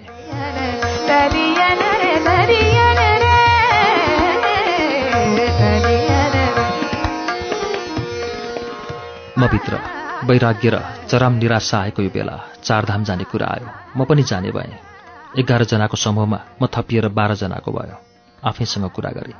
जाने खर्च भए पुग्छ मलाई। आउने खर्च चाहिँदैन त। फर्किन्न। उतै भगवान्को शरणमा पर्छु। भगवान्ले शरण दिन्छन् त। शरण नदिए मरण त देलान् नि। बद्रीनाथमा पुगेर मनमा नै भने भगवान् अब फर्केर देवघाट जान्न। अब मलाई कि शरण दिनुहोस् कि मरण। जे दिनुहोस् आफ्नै काखमा दिनुहोस्। प्रत्येक धाममा मैले भगवान्सँग यही भने। फर्किने बेला भयो। त्यो बेला मनमा आयो। आश्रम कस्तो भयो होला? यतिका दिनसम्म। मेरो कुटी वरिपरि झारै झार उम्रियो होला। हप्ता दिन भाइ बहिनीका घर जाँदा शून्य मान्थे आश्रमका साथीहरू। सबैभन्दा शून्य मान्थे स्वामीजीले। मेरो शुद्धि पनि कस्तो होला? शरण या मरण दिने कुरा त भगवान्को हातमा छ। मैले भनेर हुन्छ त? फर्केर हेरेँ। भगवान्ले भने चाहिँ लाग्यो जाऊ तारा जाऊ। तिमीलाई देवघाटले कुरिरहेछ। तिमीले आउने बेला भएको छैन। आउने बेला भएपछि म आफै लिन आउँछु। तिमीले दुःख गर्नु पर्दैन।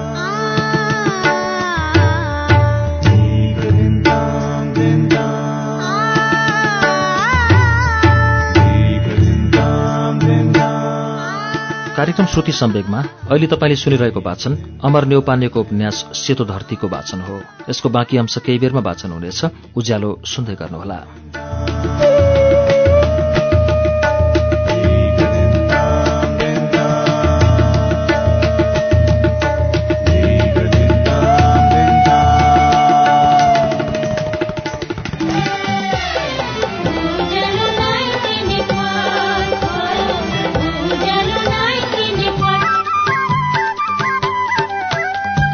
सीधा कुरा प्रश्न विचार उज्यालो 90 नेटवर्क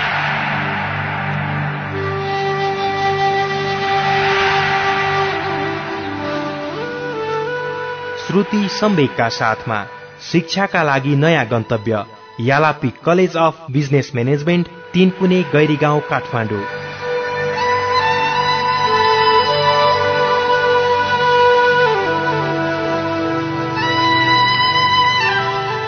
BHM र एमबिए अध्ययनका लागि यालापी कलेज।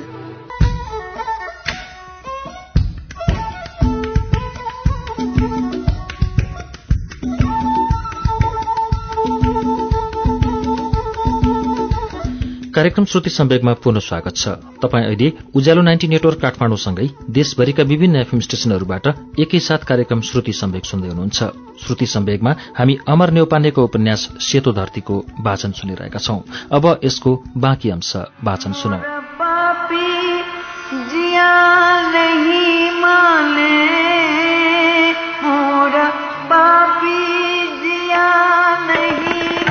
माने।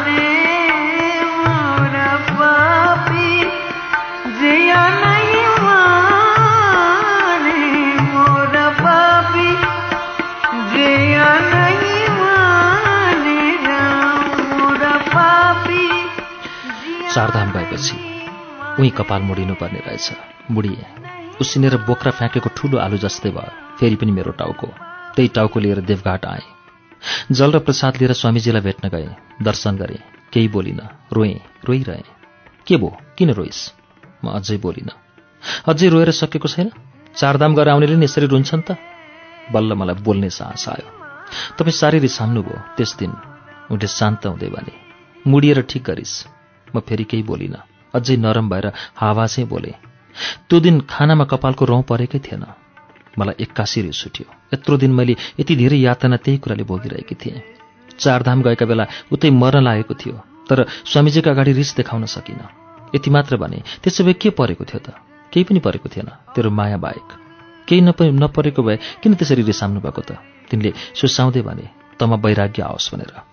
हामी कता कता रागमा डुबे जस्ता भएका थियौँ। म आफैसँग पनि डराइरहेको थिएँ। तसँग नि डराइरहेको थिएँ। तैँले कपाल खौरेर ठिक गरिस्।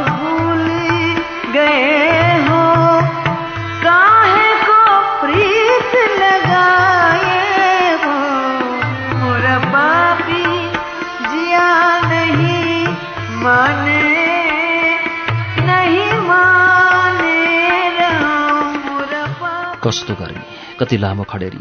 गर्मीले आत्तिएर मानिसहरू एक एक घण्टामा घैँटाको पानी पिइरहेछन् शीतल छारी खोजेर बसिरहेका छन्। रुख र बोट बिरुवाहरू भने उस्तै ध्यानस्थ अवस्थामा छन्।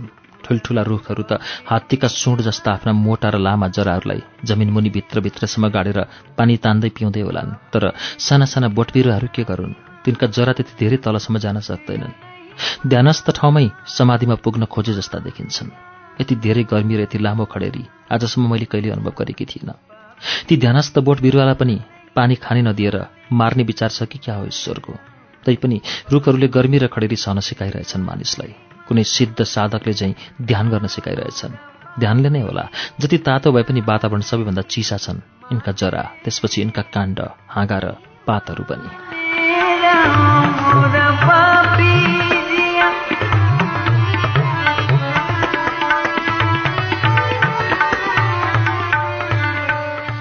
मान्छेहरू अनुभव गरिरहेछन्।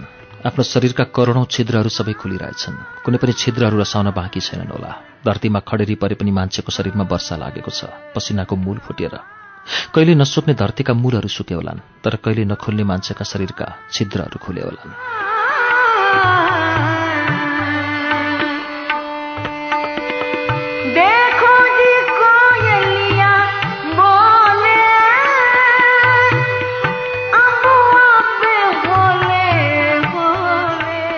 मधेसमा बहिनीको घर छ। तिन चार दिनका लागि देवघाटबाट छाता ओढेर बहिनीको घरतिर जाँदैछु। बसबाट ओर्लिएर एक घन्टा जति हिँड्नुपर्छ उसको घर पुग्न।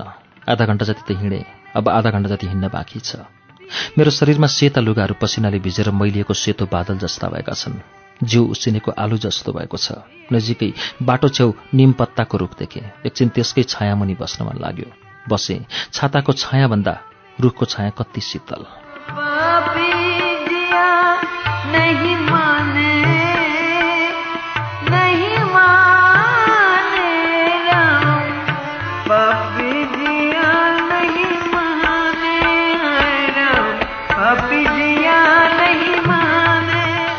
परको झाङ बयरको जस्तै छ। बयर लगभग निक्रिसकेको हुनुपर्छ। तर पनि ती दुईटा केटालाई देख्दा लाग्यो यस्तो घाममा पनि उनीहरूलाई घामै भएको छैन।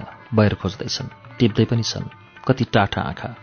कतै बयर छैन जस्तो झाङमा पनि टिप्दैछन् बयर। टाढा कम देख्न र नजिक देवडी देख्न सक्ने उमेर भएका होला। यो उमेरमा नै त्यस्तो।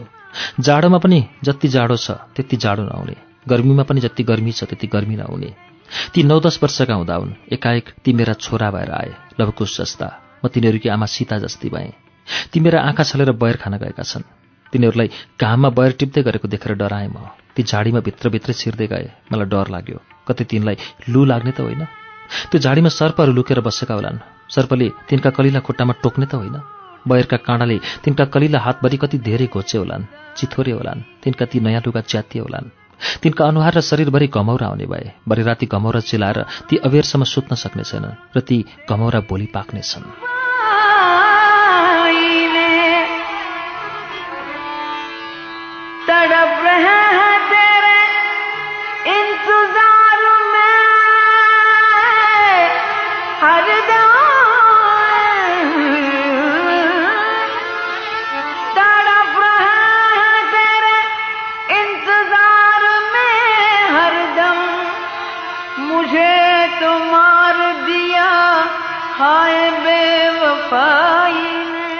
मायाले गाली गरेर बोलाउन मन लाग्यो। मेरो माया मिस्सेको गाली तिनको कानमा पर्दा साथ दौडेर घर आउन् र मेरो डरले घर पछाडि करेसम्म एक घन्टासम्म लुकुन्। मैले गाली गरेपछि अब कहिल्यै काममा यसरी जान्न आमा भनेर मेरा पछाडि झुक्दै कसम खाउन् तर मैले बोलाउनै सकिनँ। घाँटीसम्म आएको आवाजलाई पनि पुनः निले गुटुक्क। एकछिनपछि तिनीहरूले बयर पाएनन् या के भयो फर्किए। फर्किँदा म भएतिरै भएर फर्किए। ती बाख्राका पाटा चाहिँ दौडिँदै र उफ्रिँदै आए। छोराहरूलाई नजिकैबाट हेर्न हतारिएका छन् मेरा आँखा। जब ती नजिकै आए तिनको आवाज पनि सुने। गङ्गाको कलकल जस्तै सुरिलो रहेछ आवाज। के के कुरा गर्दै थिए? मैले खुब ध्यान दिएर हेरेँ। तर तिनीहरूले मतिर हेर्दै हेरेनन्। अझ नजिक आएपछि मैले मन थाम्नै सकिनँ र बोलाएँ ए बाबु हो यता आऊ त। ती दुवै दङ्ग परेर रोकिए र बेवास्तापूर्वक हेरे हाँसेनन् जस्किए यी त अरूकै छोरा पो हुन्?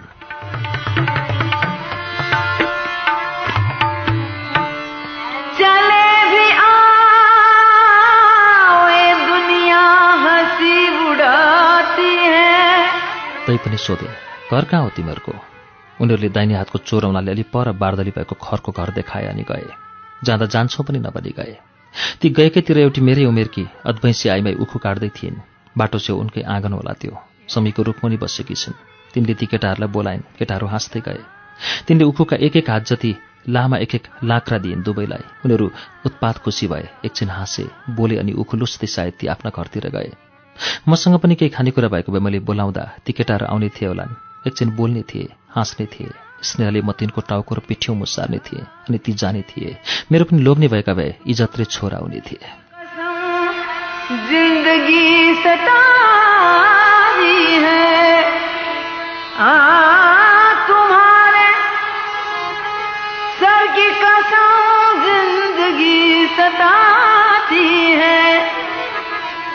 ती केटाहरू आएकातिरबाट दुईजना लोग्ने मान्छे पनि आए। तिनीहरू मेरै बहिनीका छिमेकी पो हुन् क्यारे। त्यस्तै लाग्यो। रहेछन्। ती नजिकै आएपछि म हाँसेँ।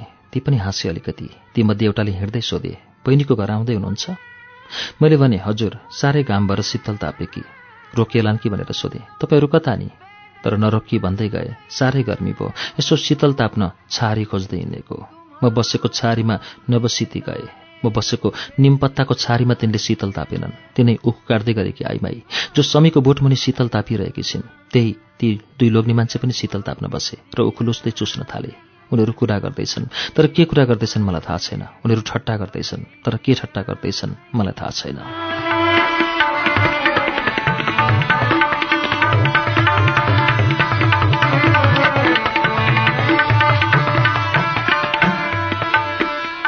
उनीहरू कुरा गर्दैछन् तर के कुरा गर्दैछन् मलाई थाहा छैन। ती मेरी उमेरकी आइमै राम्री छन्। सिँगारिएर बसेकी। उखु लुस्दा पनि तिनका हातका चुरा बजिरहे होलान्। तिनका दुई तिन छोराछोरी होलान् तर छोराछोरी नपाए जस्ती। जिउ कस्तो जोगाएर राखेकी? लोग्ने घरमा छैनन् जस्तो छ।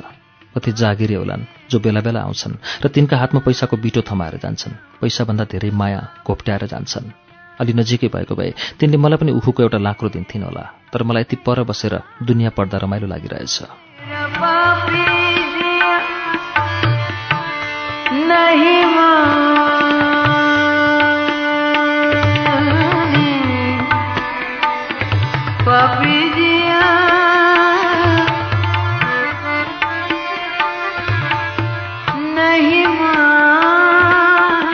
अगाडि ठुलो फाँट छ तर केही खेती छैन। जोतेर राखेको तर मकै लगाउन बाँकी जमिन पानी नपरेकाले कसैले पनि मकै लगाउन पाएका छैनन्। माटो त खरानी जस्तो सुक्खा देखिएको छ। सानो बतासले पनि धुलो उडाउँछ र वातावरणमा धुलोको पर्दा लाग्छ। धुलो उडेर सबैभन्दा बढी मान्छेको आँखामा पर्छ किनभने धुलोलाई सबैभन्दा बढी संवेदनशील भएर अनुभूति गर्ने हाम्रा बाहिरी अङ्गहरूमध्ये सायद आँखा नै हो। आलितिर कतै कतै हरिया चार घाँसका मुन्टा देखिएका छन् प्राय पुरै सुकेको छ घाँस पनि। फाँटको माझभन्दा अलि ओर मेरो नजिकै एउटा सेतो बाख्री देखेँ। कसको बाख्री हो कुनी खोरबाट फुत्किएर के के न खान पाउँछु भनेर आएकी जस्ती छ। तर सबै सुक्खा आलितिर अलिअलि हरियो देखेका घाँसका मुन्टा टिप्दैछ। परदेस गए और भूल गए हो देश गए और भूल गए हो। काहे अद्वैंसी निखर सेती बाख्री त्यसले कम्तीमा पाँच बेत भ्याइ होला भोकले भौतारिएकी छ। भोकले होला अझ बुढी जस्ती देखिएकी पनि। त्यसको पेट झोलुङ्गो जस्तो देखिएको छ। आखिर झोलुङ्गै त हो। जन्मिन बाँकी पाटापाटी नचलिकन बस्ने झोलुङ्गो मलाई एक्कासी आफू जस्तै लाग्यो रङले तर त्यसको सेतो रङ प्राकृतिक मेरो सेतो रङ कृत्रिम। प्राकृतिक सेतो रङमा पनि उसले पाँच बेद भ्याई तर म त थारी। पुरुषको स्पर्शसम्म नपाएकी दया गर्ने हो भने मैले भन्दा कति गुणा बढी त्यो बाख्रीले मलाई गर्नु पर्ला म भन्न सक्दिनँ। तर मान्छे भएका नाताले मलाई नै दया गर्न मन लाग्यो।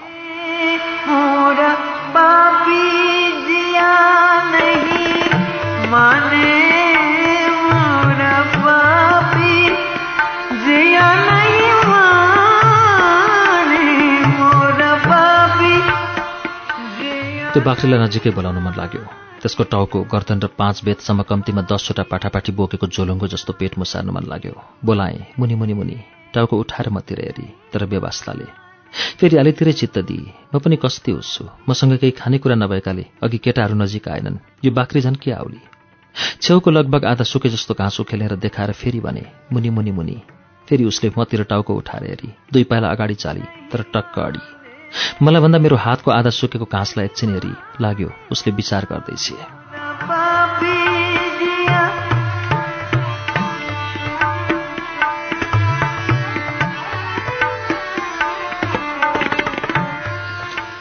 त्यो सुक्खा मौसममा भोकले भैतारिएकी त्यो सेती बाख्रीलाई मैले फेरि बोलाएँ। बोलाइरहेँ त्यो अडी मात्र आइन आउँदै आइन मैले जति बोलाए पनि आइन। त्यतिखेरै मेरो नजिकै आफ्नो घरको आँगनको डिलमा उभिएर बकाइनाको हरियो घाँस हातमा लिएर बोलायो एउटा बगरेले। मुनि मुनि मुनि बाख्री उत्पात खुसी हुँदै आफ्नो झोलुङ्गो जस्तो पेट हल्लाउँदै कति पनि नअडिएर दौडँदै गई हरियो घाँस खान।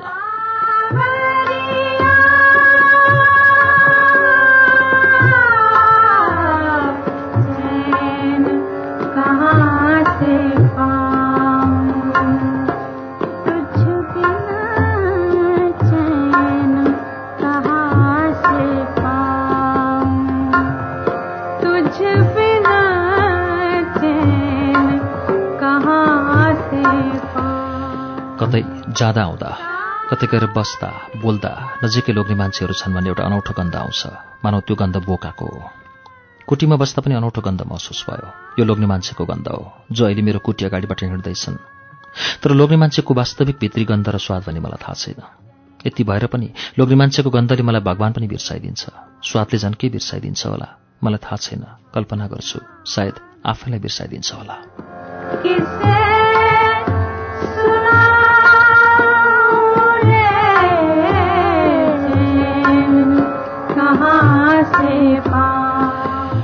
भगवान् बिर्सिएर काल्पनिक मोहमा डुबिरहेका बेलामा जब मन्दिरको घण्ट बज्छ म जससँग हुन्छु मन्दिर अगाडिको घण्टले मलाई भगवान्मा डुब्नुपर्छ लोग्ने मान्छेको कल्पनामा होइन भने जस्तो लाग्छ।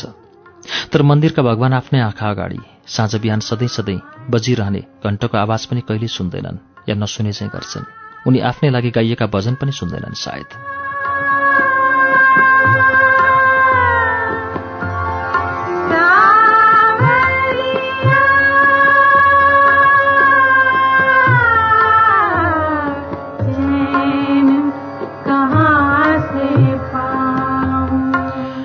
जब भगवान् पनि बहिरहेछन् भन्ने लाग्छ त्यसपछि मेरो कुरा सुन्नेहरू कोही छैनन्। अब यस संसारमा भन्ने कुराको भावमा डुबेर म विचलित हुन्छु अनि एक्लै क्वाँ क्वाँ रुन्छु। मेरो आँसुको मूल्य कमसेकम देवघाटको धरतीले उभिन दिएर चुक्ता गरिरहेको छ भनेर आफ्नो चित्त बुझाउँछु। म जहाँ जहाँ जान्छु खान्छु बस्छु उभिन्छु सुत्छु त्यहाँ त्यहाँ म हुन्छु। भगवान्लाई भेट्न नपाए पनि मैले सबैभन्दा भेटिरहने चाहने एउटै व्यक्ति म आफूलाई त कमसेकम भेटिरहेकी छु भनेर आफ्नो चित्त आफै बुझाउँछु। कहाँ से पाऊं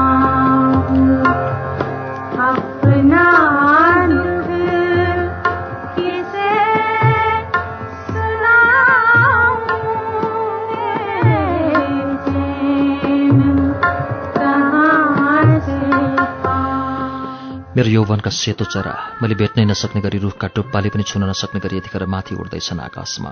उड्दा उड्दै ती मेरा आँखा अघिल्तिरको काल्पनिक हरियो रुखमा बस्छन् जसलाई भोक लाग्दा म तृष्णाका आहारा खुवाउँछु तिर्खा लाग्दा सपनाको पानी पियाउँछु। ती खुब खुसी हुँदै टपाटुप टिपेर खान्छन् पिउँछन्। मैले हेर्दा हेर्दै भालेपोथी मिलेर गुण बनाए सहभोग गरे तर फूल भने पोथीले मात्र एक्लै पारी त्यसपछि ऊ ओथारो बस्न थाली। कुनै लोग्ने मान्छेले आफ्नो जहान पाल्न बोराभरि अन्न बोकेर ल्याए झैँ टाढा टाढा पुगेर भालेले गजेराभरि अन्न बोकेर ल्यायो। पोथीलाई मुखमा मुख जोडेर खुवाउन लाग्यो। पोथीले चल्ला काडी भालेले बचेराहरूलाई पनि पोथीलाई झैँ आहारा खुवाउन थाल्यो। मुख मुख जोडेर। जब ती बचेरा उड्न सक्ने भए आफ्नै पखेटाले ती भालेपोथी पनि उडे अलग अलग भएर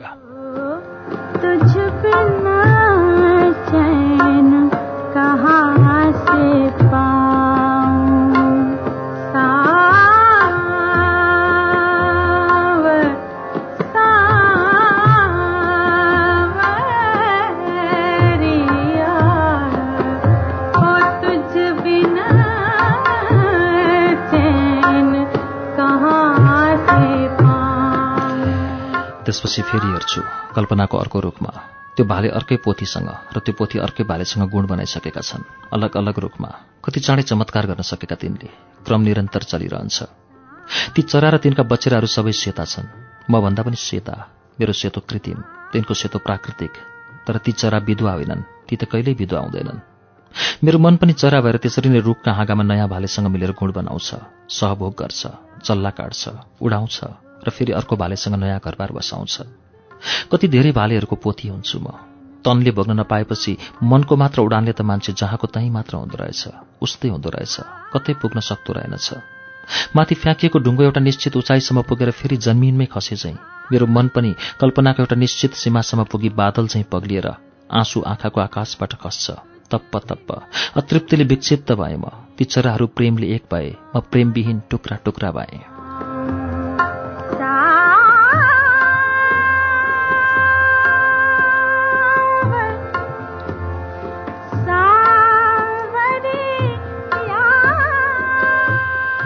ठुलो भूकम्प आएको साल जन्मेर हो कि क्या हो? त्यति ठुलो भूकम्प एक दुई मिनटमै रोकिए पनि मेरो जीवनमा भने भूकम्पको धक्का कहिले रोकिएन। त्यही भूकम्पको प्रकोपमा परेर मेरा मनमा कैयौँ इच्छा र रहरहरू एक एक गर्दै मरेर गए। रङ र स्वादहरू उडेर गए। म झन भग्न र रुग्ण हुँदै गएँ।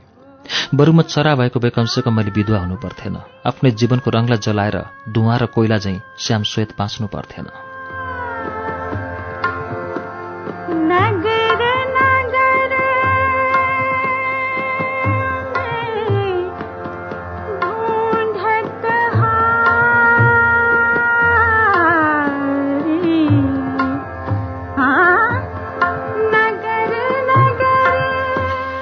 मेरो जीवनको घडेरीमा घर बनाउन हृदयको खन्तीले खाडर खनेर खाँबो गुहाडे गाडेन कसै। खाँबै नगाडेपछि घर बनाउने कुरै भएन घर छाउने कुरै भएन मेरो जीवनको घडेरी घरविहीन भइरह्यो। बरु डडेलोले खाएको वन जस्तो भयो झन् बगैँचा जस्तो त हुने कुरै भएन किनभने बगैँचा बनाउन फुल फुलका विभिन्न जातका बिरुवाहरू मिलाएर रोप्नुपर्छ गोडमेल मलजल गरेर हुर्काउनुपर्छ क्यारी बनाएर रङ्गी बिरङ्गी फुलहरू फुलाउनुपर्छ तिनलाई सजाउनुपर्छ तर मेरो जीवन त सधैँ श्याम श्वेत अचम्म लाग्छ। भगवान्लाई फूल मनपर्छ भने फूल जस्तै रङ्गीन जीवन किन मर् मर्दैन? भगवान्का लागि किन श्याम श्वेत जीवन बाँच्नुपर्छ हँ?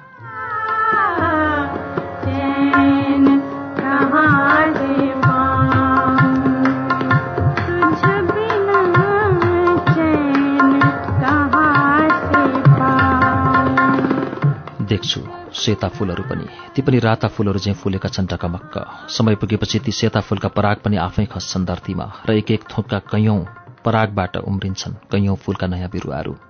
ती पनि ठूला भएपछि मौसमले गरेको प्रेम सँगसँगै फुल्न थाल्छन्। सेतै फूल। सेतो फूलको सृष्टि कहाँ रोकेका छन् र भगवानले? प्रकृतिले तर कृत्रिम सेतो बनाएर किन रोकियो? एउटा स्त्रीको सृष्टिलाई।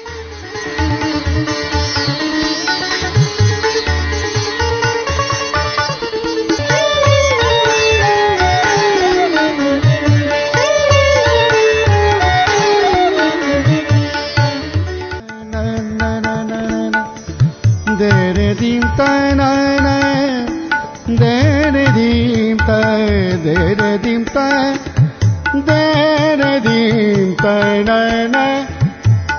त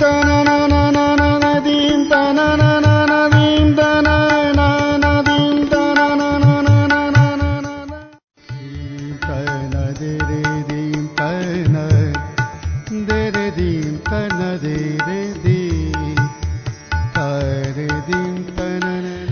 अब के हुन्छ सुनौ अमर न्यौपानेको उपन्यास सेतु धरतीको चौधौं श्रृङ्खला वाचन पृष्ठ दुई सय एकहत्तरबाट।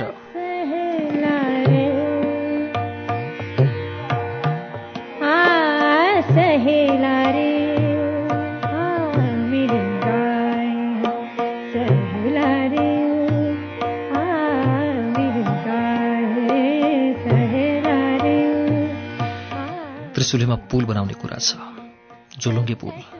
तर अहिलेसम्म बनाएका छैनन्। पारिजान नदी किनारमा छु। आज बजार जानु छ जाडाको लुगा किन्न। म बोटे कुरिरहेकी छु कि डुङ्गा जेउस कुरिरहेकी छु। पुल नबनेकोमा खुसी बोटेहरूले पुल नबनेकोमा दुःखी यात्रुहरूलाई नदी तारिरहेछन्। नदी तर्ता लाग्यो वेद पग्लिएर बगिरहेछ। नदी जो बगेर कहिल्यै सकिँदैन जसरी जीवन पढेर कहिल्यै सकिँदैन। किनभने प्रत्येक पढाइमा जीवनका नयाँ नयाँ अर्थ खुल्दै जान्छन्। यो नदीमा पनि प्रत्येक हेराइमा नयाँ नयाँ अर्थहरू भेटाउँछु र आनन्दित हुन्छु।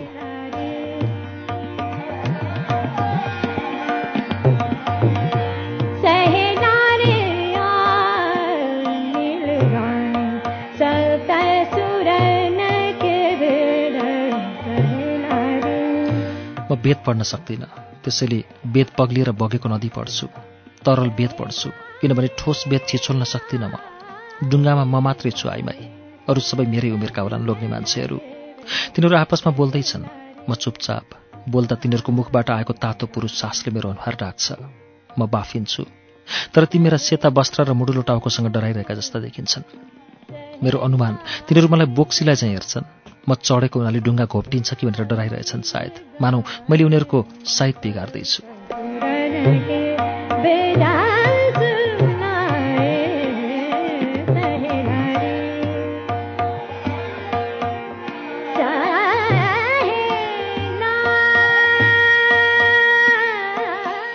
तिनका कुरा सुनेर अर्थ लगाउँछु। तिनीहरू देवघाट तीर्थ गर्न आएका हुन्।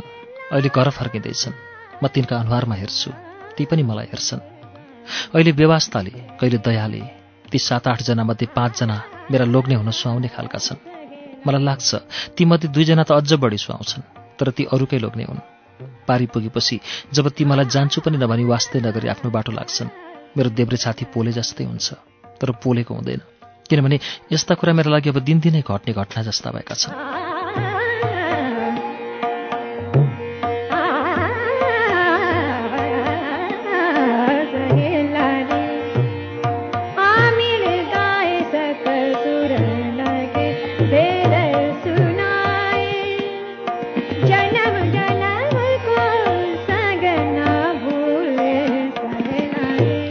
बिस्तारै जाडो बढ्दैछ जाडोको लागि केही लुगा किन्न बजार डुल्दैछु। बजारभरि कति राम्रा राम्रा गहना सजाएर राखिएका छन्। यति धेरै गहना छन् कि यो क्षेत्रभरि बस्ने सबै आइमाईका लागि पुग्छ होला तर ती मेरा लागि होइन। राता सारी चोलो पछ्यौरा अझ धेरै देख्छु। ती पनि मेरा लागि होइनन् मैले आफ्ना लागि उस्तै सेता लुगा किने। कहिलेकाहीँ त लाग्छ मेरो बिहे पनि सपनामा भएको हो। विधवा पनि सपनामै भएकी हुँ तर यसको असर र परिणाम भने विपनामा भोगिरहेकी छु।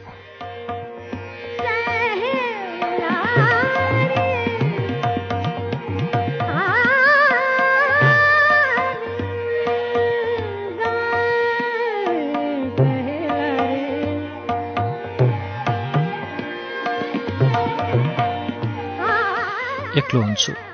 भगवान् सम्झिन्छु। भगवान् आएझै लाग्छ। आफ्नो मान्छेसँग रुन होस् वा भगवान्सँग रुन एक्लो हुनुपर्ने रहेछ। नत्र त मन खोल्नै सकिँदो रहेनछ। मेरो मनपर्ने भगवान् कृष्ण। कहिलेकाहीँ लाग्छ मैले तिनलाई पाएँ। धेरैले पाउँदा हुन् तिनलाई। त्यसैले त ऊ बेलामा पनि उनका सोह्र हजार एक सय आठ कोपिनी भए। कुटीको एक कुनामा पूजा गर्ने ठाउँ बनाएकी छु। भित्तामा कृष्णले मुरली बजाएको फोटो छ। प्रेमका आँखाले हेर्दा हेर्दै त्यो फोटो फोटो हुँदैन। साँच्चैका कृष्ण हुन्छन्। मुरलीको धुन सुन्छु। जब म यो भित्री संसारबाट बाहिरिन्छु एकदम आत्तिन्छु। कृष्णलाई सपना र विपनाको बीचमा पाउँछु। कहिलेकाहीँ त लाग्छ भगवान्को नाममा श्रृङ्गार गरौँ रङ्गीन बनौँ तर सक्दिनँ भगवान्का नाममा बलि दिइन्छ भने मैले भगवान्का नाममा श्रृङ्गार गर्न किन हुँदैन?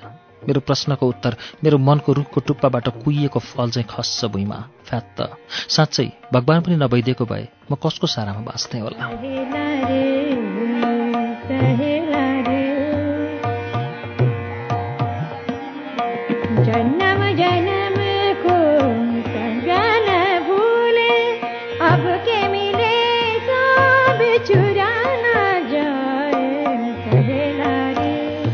आजसम्म मलाई कसैले सपना देखाएन भगवान्ले बाहेक। बरु लोग्ने मान्छेहरू तिनीहरूले नदेखाउँदा नदेखाउँदा पनि म आफैले देखेँ सपना किनभने मेरा सपनाहरू मेरा नितान्त निजी भगाइ हुन्। प्राय म सपना देखिरहन्छु रङ्गीन सपना।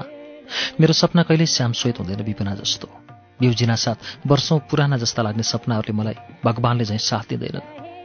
विपनामा सिन्दुर हालेको सम्झिन्न तर सपनामा सिन्दुर हालेको सम्झिन्छु।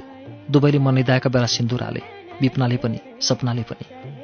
दुला भगवान् कृष्ण जस्तै थिए। उनले मलाई रुक्मिणीलाई हरण गरेर लगे चाहिँ लगे। आफ्ना मनका बलिया हातले फुत्किन नसक्ने गरी मेरो कमलो मनलाई बाँधे आफ्नो छातीमा। मैले बल गरेँ फुत्किन सकिन। त्यसपछि आफ्नो तन मन सर्लक्कै समर्पण गरिदिएँ। उनीमाथि उनले मलाई सपथोप गरे।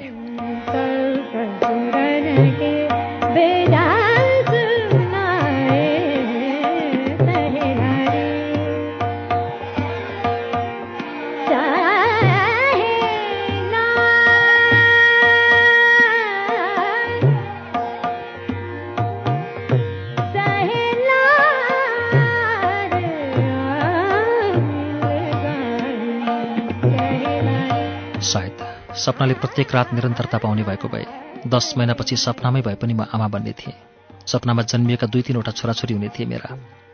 बिउजेपछि सोचेँ कस्तो निर्लज्ज तर आनन्ददायक सपना देखेछु। भगवान पनि कस्ता कस्ता अपवित्र सपनाका सिनेमा देख्न मात्र होइन भोग्न पनि लगाउँछन् राति राति यो सपना भनेको कस्तो होला? जसलाई म देख्छु उसले मलाई देख्दैन। जसले मलाई देख्छ उसलाई म देख्दिनँ।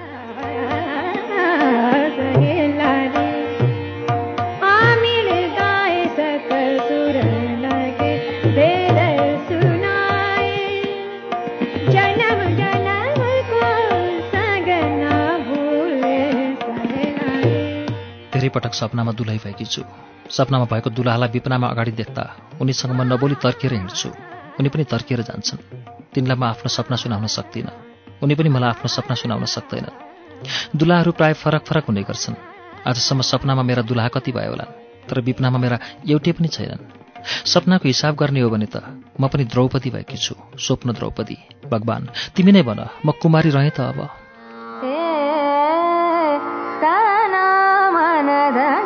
दो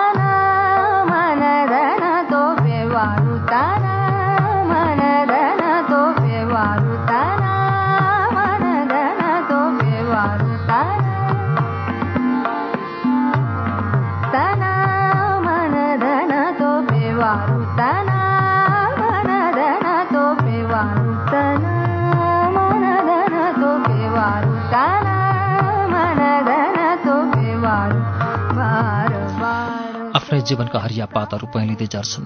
आफ्नै जीवनको तलाउमा एउटै पातको स्पर्शले पनि अनौठो तरङ्ग ल्याइदिन्छ र हल्लाइदिन्छ मेरो मनको तलाउ।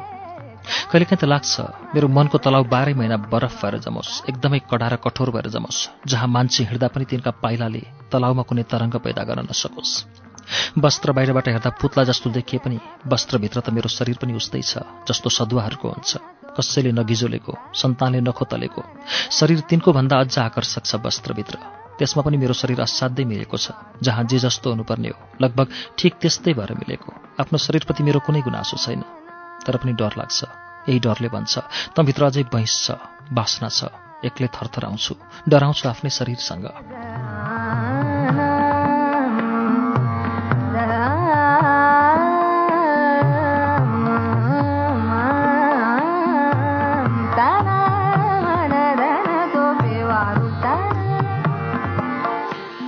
जब समयले बार बार झापड हानेर मेरो शरीरलाई थोत्रो बनाउनेछ बुढो बनाउनेछ त्यसपछि म डराउने छैन आफ्नै शरीरसँग।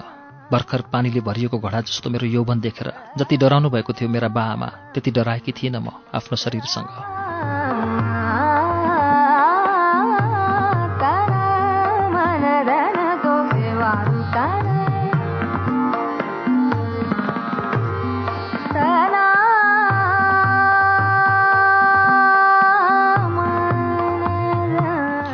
सधैँ चाहिँ बिउजाइदिए चराहरूले कहिले त मन्दिरका घन्टाहरूलाई पनि बिउजाइदिन्छन् चराहरूले कहिले पनि मन्दिरका घन्टाहरूले बिउजाइदिन्छन् चराहरूलाई ध्यान भनेको एक्लै गर्नुपर्छ भनेर म गङ्गातिर लागेँ। अँध्यारै छ। कोही उठेका छैनन्। घडी छैन मसँग। प्राकृतिक घडी उदाउन अझ कति समय लाग्ने हो थाहा छैन। साह्रै चाँडै भएछ क्यारे। होस् भगवान्सँग मैले एकान्त पाउँछु गङ्गा किनारमा। जतिसुकै अँध्यारो होस् छामेरै भए पनि गङ्गाको किनारसम्म त पुग्न सक्छु। पुगेँ। त्यहाँभन्दा टाढा जाने ठाउँ पनि त छैन मेरो। तर मेरै अगाडि बगेकी गङ्गा भने कहाँ कहाँ पुग्छिन्?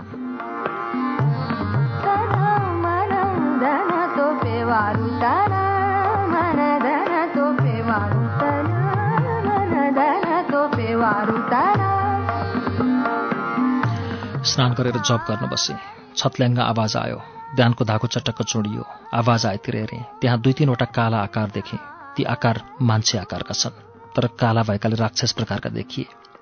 तिनले जस्ता रङका वस्त्र लगाए पनि ती वस्त्रमाथि अँध्यारोले अँध्यारै वस्त्र लगाइदिएको छ। एकदम डराएँ। भन्थे राति गङ्गा किनारमा भूत प्रेतहरू हिँड्छन्। बाहुन्ने वीरहरू डुल्छन्। म के गरौँ? म भागेँ भने पनि तिनले लखेड्छन् भेट्छन्। किनभने म तीभन्दा चाँडो दौडन सक्दिनँ। म नभागे पनि तिनले भेट्छन्। फेरि छत्ल्याङ्ग आवाज आयो। झन् डराएँ। मानौ मैले भगवानको होइन। डरको जब गरिरहेछु। चाँडो चाँडो दोहोऱ्याइरहेछु।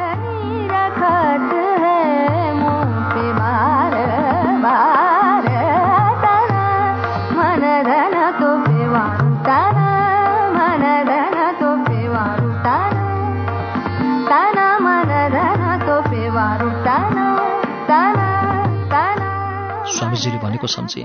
कुनै दिन केही पर्यो भने कोही आक्रमण गर्न या तर्साउन आयो भने परमात्मालाई सम्झिनु। ती जे भए पनि तिनलाई भगवान् सम्झिनु। कसैले छुन सक्दैन। भगवान् सम्झिएपछि भूत प्रेत पिसाच पनि भगवान् नै हुन्छन्। त्यही सम्झेर मैले मनमा नै भने मेरा भगवान् मलाई दर्शन दिन आउनुभएको छ। म धन्य भएँ। एकपटक मैले आँखा चिम्लेर दोहोऱ्याइरहेँ मन्त्र झैँ मन्त्रको सट्टा मैले तिनी भूत प्रेतहरूको जप गरेँ सायद। सोचेँ मेरो मृत्यु यसरी नै हुन लेखेको रहेछ भने मेरो के लाग्छ र? म मृत्यु पर्के चाहिँ बस्न थालेँ ध्यानमा। केही बेरपछि मेरा परेलामाथि ज्योति खसे जस्तो भयो। उज्यालोले मेरो परेला ढकढकायो ओहो मलाई त केही गरेनन् भूत प्रेतले साँच्चै स्वामीजीले भने जस्तै ती भूतप्रेत पनि भगवान् नै भयो कि क्या हो? बिस्तारै आँखा खोले। मिरमिरी उज्यालो भइसकेको रहेछ। सूर्यले पूर्वको ढोका खोलिसकेका रहेछन्। त्यहाँ हेरेँ जहाँ भूतप्रेत थिए कोही छैनन्। त्यहाँ त दुईजना मान्छे स्नान गर्दै रहेछन्।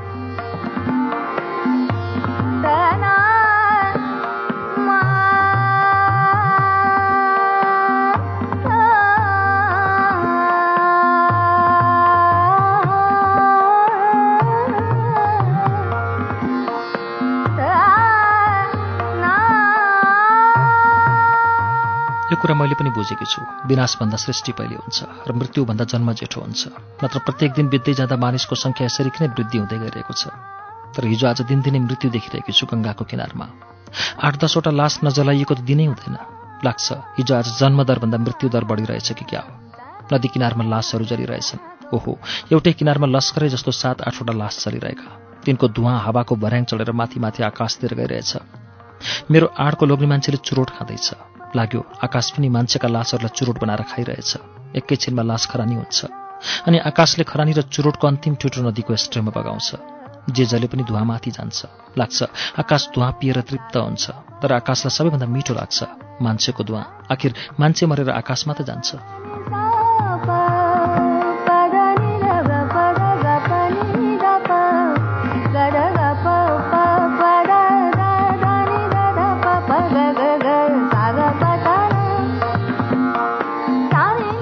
सधैँसँगै कोही हुँदो रहेनछ। आमा पनि।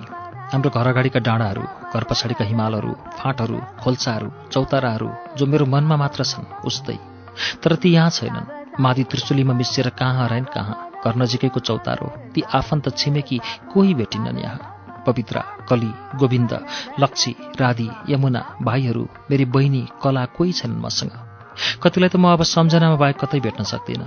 यहाँ अहिले भेटिएकाहरू पनि भेटिन्जेल मात्र मसँगै उभिएका हुन्छन्। यिनका शरीर भेटिएकाहरू एकैछिनमा छुट्टिन्छन्। सपना झै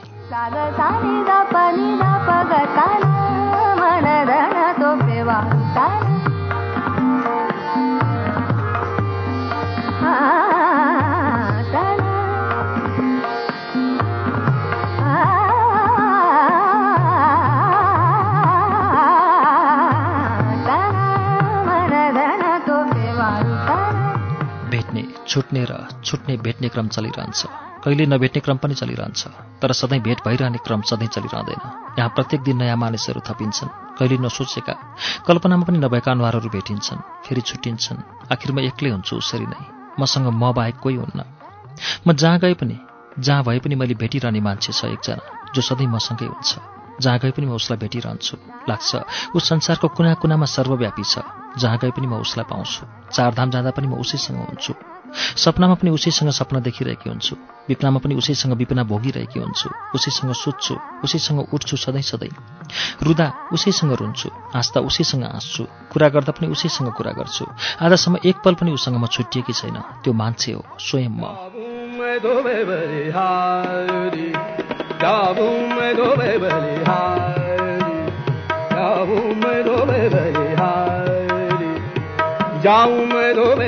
बलिहारी। जाऊं मैं बलिहारी। जाऊं मैं मैं बलिहारी। जाऊं मैं मैं बलिहारी। न बोक्नु न ब्याउनु। छयालिस वर्षकी हुँदा पनि अझै मुक्त पाएकी छैन मैले यस मासिक चक्रको झन्झटबाट ईश्वरलाई थाहा छैन कि क्या हो। सृष्टिकर्मबाट निवृत्तै हुन लागेकी छु म। सृष्टि नै नगरी। तर यसपटकको पालोमा भएन। हुनुपर्ने दिनमा महिनावारी नहुँदा म किन चिन्तित भइरहेकी छु? दुई चार आठ दस पन्ध्र बिस दिन कर्दा पनि भएन। नहुँदा झन् चिन्ता लाग्यो। सुक्नका लागि नभएको त भए ठिकै थियो तर झन् दुख्न पो थाल्यो। गरीब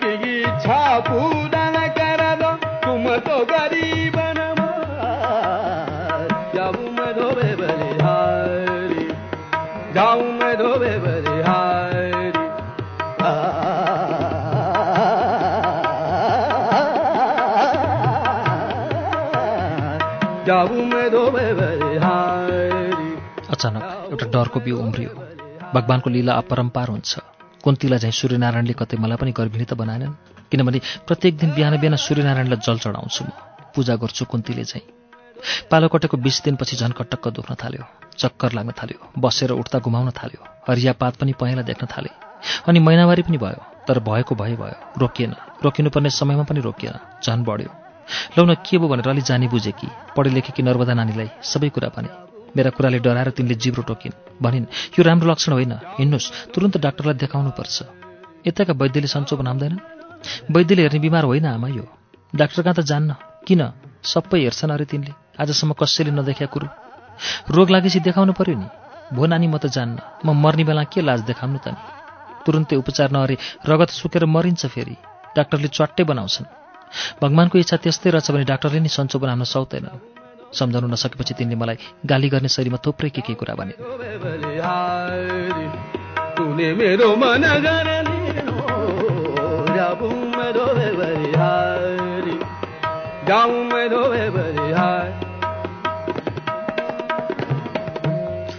साँझ पर्दै गयो व्यथा झन बढ्दै गयो। पृथ्वी पृथ्वीका रुख घर कुटी मान्छे सबै घुम्न थाले। स्वामीजी भन्छन् पृथ्वी घुम्छ शास्त्रमा लेखेको छ। कसरी घुम्छ होला पृथ्वी जस्तो लागेको थियो? शास्त्रमा लेखेको र स्वामीजीले भनेकाले मात्र पत्याएकी थिएँ तर आफैले देखे जस्तो भयो। मैले पृथ्वी घुमेको देखेँ। अघिपछि कहिले नघुमेको पृथ्वी घुमिरह्यो म ओछ्यानमा पछारिएँ। मर्छु कि क्या हो जस्तो भयो। कहिले त अब मर्न पाए पनि हुन्थ्यो जस्तो पनि लाग्यो तर अहिले लागेन। अनायास मलाई आफ्नो जिउको माया लागेर आयो। आफ्नो शरीरलाई मृत्युबाट जोगाउन मन लाग्यो।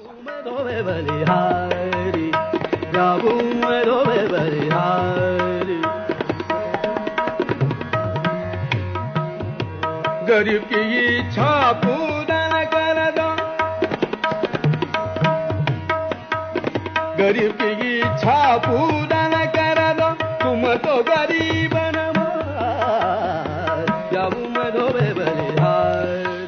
बिहानै नर्मदा नानीले अस्पताल लिएर गइन् भरतपुर। डाक्टरले के के हेरे कहाँ कहाँ जाँचे मैले त आधा मात्र थाहा पाएँ किनभने म त अर्थविहोस भएर लडेकी छु। अचम्म मान्दै डाक्टरले भने पाठेघरको अपरेसन गर्नुपर्छ। न बोक्नु न ब्याउनु किन गर्नु परेको होला यो पाठेघरको अपरेसन? किन भगवान्ले राखिदिएका होलान् मलाई पाठेघर? सधैँको यो रित्तो थैलो। आजसम्म त मैले बोकेरै हिँडेकी थिएँ जसरी सधैँ बोकिरहेकी छु वक्षस्थलका दुधरहित रित्ता छालाका थैलाहरू। अब किन फ्याँक्नु परेको होला? मैले प्रतिकार गर्न सक्ने ठाउँ अवस्था केही थिएन। अपरेसन भयो सबै दङ्ग परे। लोग्ने छोराछोरी केही नभएकीलाई पनि यस्तो भयो। संसारमा नहुने कुरा केही रहेनछ। त्यही नहुने कुरा भयो। आजसम्म कुनै जन्तुलाई मैले घाउ बनाएकी थिइनँ। बरु घाँस दाउरा गर्दा आफ्नै हात काटेँ होला कहिलेकाहीँ। अरूलाई केही गरेकी थिइनँ। डाक्टरले मेरो तल्लो पेट चिरे पाठेकर झिकेर फ्याँके र फेरि काटिएको पेटको छल्ला लुगा चाहिँ सिलाए। भगवान् मलाई पाप नलागोस्। मैले सूर्यनारायणमाथि नराम्रो शङ्का गरेँ।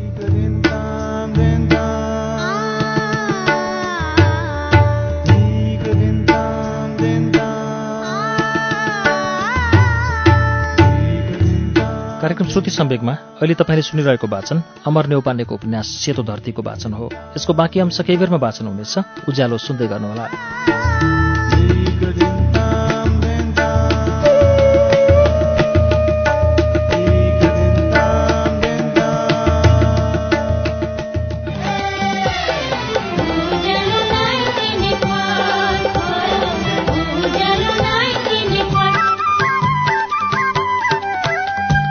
सीधा कुरा प्रश्न विचार। उज्यालो 90 नेटवर्क।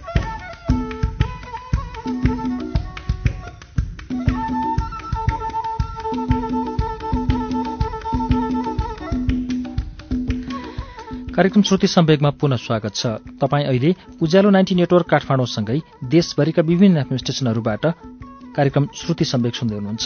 श्रुति सम्वेकमा हामी अमर नेौपानेको उपन्यास सेतो धरतीको वाचन सुनिरहेका छौं। अब यसको बाँकी अंश वाचन सुनौ। जा जा रे अपने मंदिर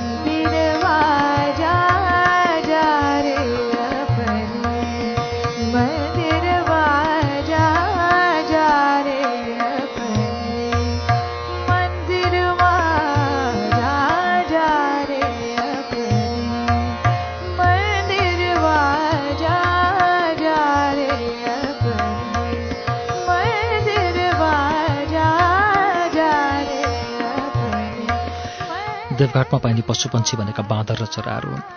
यी बाहिरका जस्तै छन्। तिनको जीवनशैली र प्रवृत्ति पनि उस्तै छ। एकदमै प्राकृतिक केवल फरक छ यहाँका मान्छेको जीवनशैली र व्यवहार। म कृष्ण भक्त हुँ र राम भक्त पनि। मभन्दा कैयौँ गुणा बढी राम भक्त हनुमान थिए।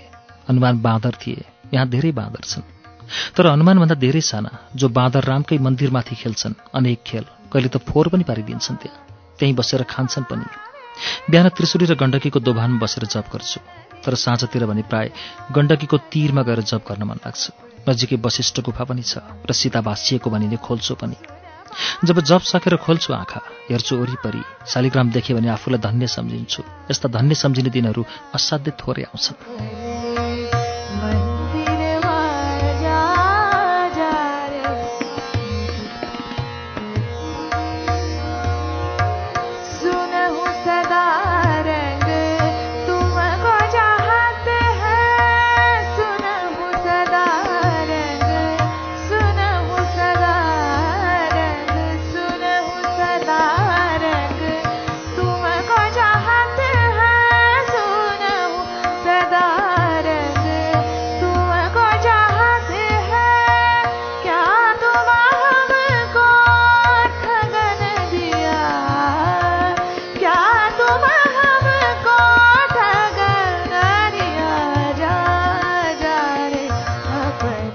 जप गर्न आउँदा कहिले त म रुद्राक्षका दानाभन्दा धेरै यहाँका बाँदर गनेर बस्छु। जसरी जप गर्दा सपथोक बिर्सिएर भगवान्मा ध्यान जान्छ र मन चङ्गा हुन्छ त्यस्तै हुन्छ यी बाँदरहरूको लीला हेर्दा पनि। यिनीहरूको लीला हेर्दा पनि म सपथोक बिर्सिन्छु कहिलेकाहीँ त बाँदरलाई पनि बिर्सिन्छु यी बाँदर हुन् भन्ने पनि बिर्सिन्छु। झोलिएको ठुलो पेट र पेटमाथि स्तनका गुलाबी मुन्टा भएकी एउटी सुन्दरी खोकिलामा आफ्नो बच्चा च्यापेर खुर्र रुखका हाँगे हाँगा दौडेर टुप्पामा पुगी।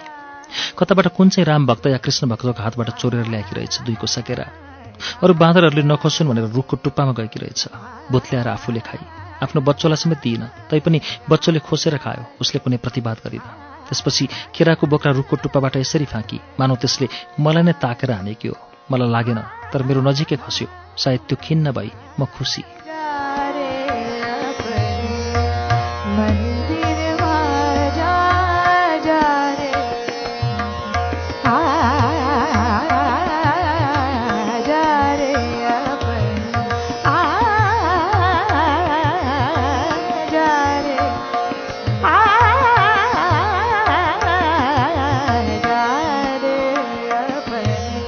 अर्को रुखको हाँगामा हेरेँ।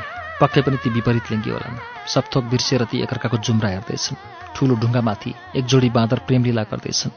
ती अरू बाँदरको मान्छेको कसैको लाजनमानी निर्धक्क काम कलामा निमग्न छन्। कोही खेल्दैछन् अघाएका कोही भोकाहरू भक्तजनहरूको हातमा हेर्दैछन् केही फलफुल चोर्न पाइन्छ कि भनेर। रित्ता हात भएका भक्तजनहरूलाई ती व्यवस्था गर्छन्। एक दिन अनौठो भयो। जप गर्दै थिएँ अर्धमुदित नयन बनाएर। खस्रा खुस्रुको आवाज आयो। आँखाका ढोका थोरै उगारेर आवाज आएतिर हेरेँ। मेरो नजिकै ढुङ्गामाथि एक जोडी बाँदर काम क्रीडामा मस्त रहेछन्। मलाई त मन्त्र नै बिर्सिए जस्तो भयो। झनक्क रिस पनि उठ्यो। यो लीला भगवान्ले नै गर्न लगाएका हुन् भन्ने बिर्सिएर ढुङ्गो टिपेर बाँदरलाई हाने। पेटमै लागेछ। त्यो डल्लो परेर कक्रक्क भएर भाग्यो। रन्थनिँदै भाग्यो। दुवै भागे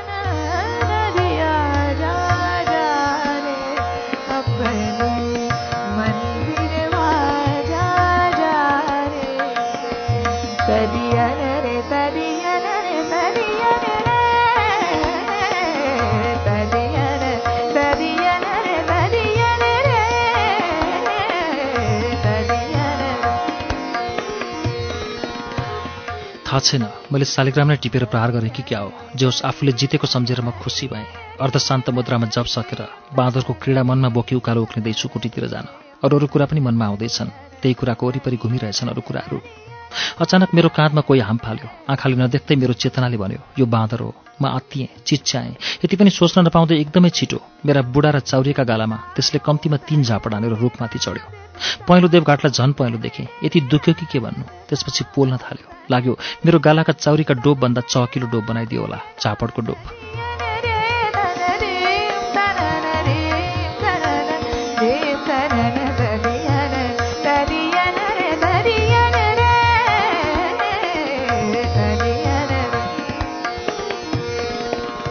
मुस्किलले रुखका हाँगातिर टाउको उठाएर हेरेँ।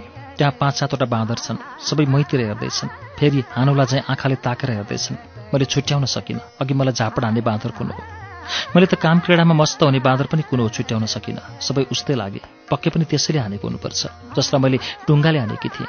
मैले चिने पनि त्यसलाई केही गर्न सक्दिनँ। मनमा नै सोचेँ नचिनेकै ठिक छ। जमिनतिर हेरेँ। त्यहाँ साना साना ढुङ्गा छन्। तर ढुङ्गा टिपेर मैले तिनलाई हान्न सकिनँ। हान्न पाए हुन्थ्यो भन्ने आक्रोश र बदलाको भावना पनि आएन। बरु अनायासै मन त्यही बाँदरलाई सम्बोधन गर्दै गङ्गा सुसाए चाहिँ सुसाइरह्यो। मलाई माफ गर। तिम्रो त्यो प्रेम लीलामा मैले त्यसरी ढुङ्गा फ्याँक्नु हुने थिएन। यस्तो कुरा मैले बुझ्नै सकिनँ। तिम्रो संवेदनशीलतालाई मैले महसुस गर्नै सकिनँ। महसुस पनि गरौँ कसरी? सायद त्यसको संवेदनशीलता मलाई थाहा थिएन।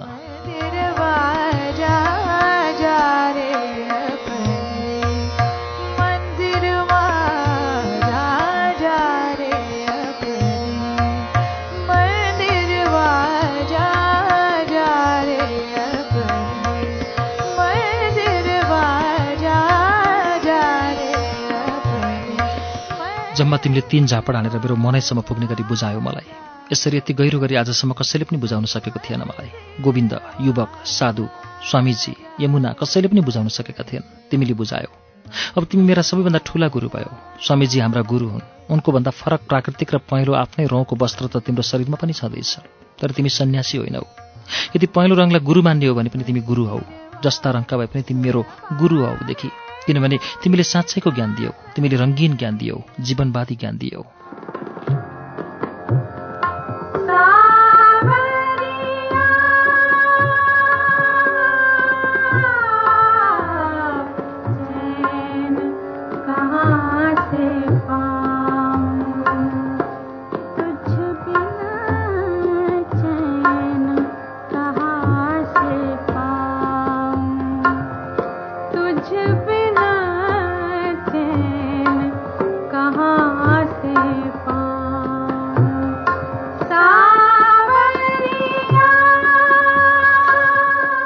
पैँतालिस सालको कार्तिक महिनामा मौसम पनि उस्तै छ जस्तो पहिलेका कार्तिकहरूको थियो।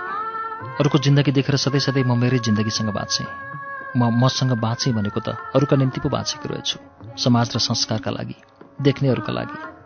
मनमा यस्तै कुराहरू मनको खेल मैदानमा खेल्दा खेल्दै ती आफै थाक्छन् र फेरि जीवनको नयाँ गन्तव्य बनाउन विश्राम गर्छन् फेरि खेल्छन्। एउटा नौलो तर परिचित अनुहार देखेँ। आफ्नै अनुहार हेरे चाहिँ हेरेँ। हेर्छु नि कहिलेकाहीँ त ऐनामा आफूलाई। हिँडाइ पनि उस्तै छ। अनुहारको डबक झन् ठ्याक्कै उस्तै यमुना जस्तै।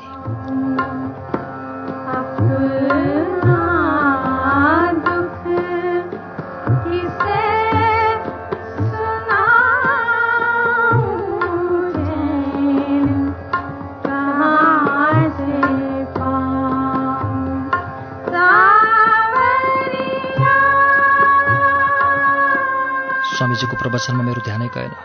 तिनलाई हेरिरहेँ। तिनको आँखा भनेकै कता कता चिप्लिरहे। प्रवचन सक्न साथ म तिनको नजिकै गएँ। तिनी चप्पल लगाउँदैछिन्।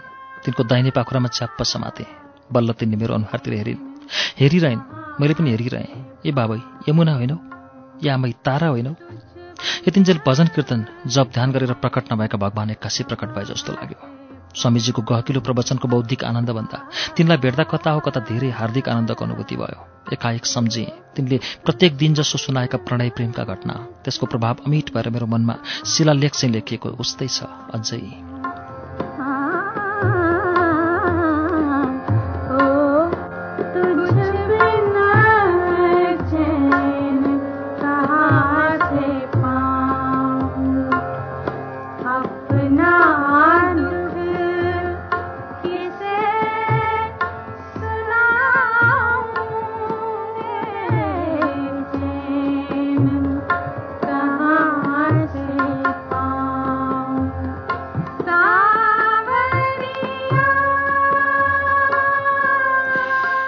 तिर्खा लाग्दा पानी खान्थे तर तिर्खा लागिरहन्थ्यो। पछि पो थाहा पाउँथे यमुनाका कुरा सुन्न तिर्खाएकी रहेछु। तिनले सुनाएका आफ्ना प्रणय प्रेमका कुरा मलाई कृष्ण चरित्र जस्तो रोचक र हार्दिक कथा जस्ता लागे सधैँ। बिछोडको एक्काइस वर्षपछि हाम्रो भेट अचानक देवघाटमा हुँदा मलाई किन नहोस् त? भगवान् भेटे जस्तो। मलाई लाग्यो यी कृष्णकी रुक्मिणी हुन् भगवती हुन्। यमुना तिमी यस्तो सुखी को थियो होला र? कसरी घर परिवार छोडेर आउन सक्यौ हँ? भगवान्ले ल्याउनुभयो। उहाँकै खेल हो। भगवान्ले भनेको बाटो हिँड्दै जाँदा यहाँ आइपुगे। अब यहाँबाट नि भगवान्ले कता पठाउनुहुन्छ त्यतै जानियो के तिमीलाई आफ्नो घर छोराछोरी नाति नातिनाहरूको मयाले बाटो छेकेन? वैराग्यको हुरीले सबै भत्काइदियो उडाइदियो तारा। मना राग नबसी आफ्ना सन्तान पनि बाटा देखिएका अरू मुन्छे जस्तै लाग्दो रहेछन्। तिमी त आमा हो जननी धरती। धरतीले पनि आफ्नो ठाम छोड्न सक्छ र? बुद्ध बाबु थिए छोड्न सके तर यशोधराले छोड्न सकेनन् किनभने उनी आमा थिइन् म आमाको भूमिकाबाट निवृत्त भइसकेकी छु तारा। आफ्ना नै अब बाबुआमा बनिसके भने यस्तो समयमा तिनलाई छोड्दा पाप लाम्दैन क्या? तिनलाई लाला बाला अवस्था छोडेर आकी भए मलाई पाप लाउने थियो। म निश्चिन्त छु।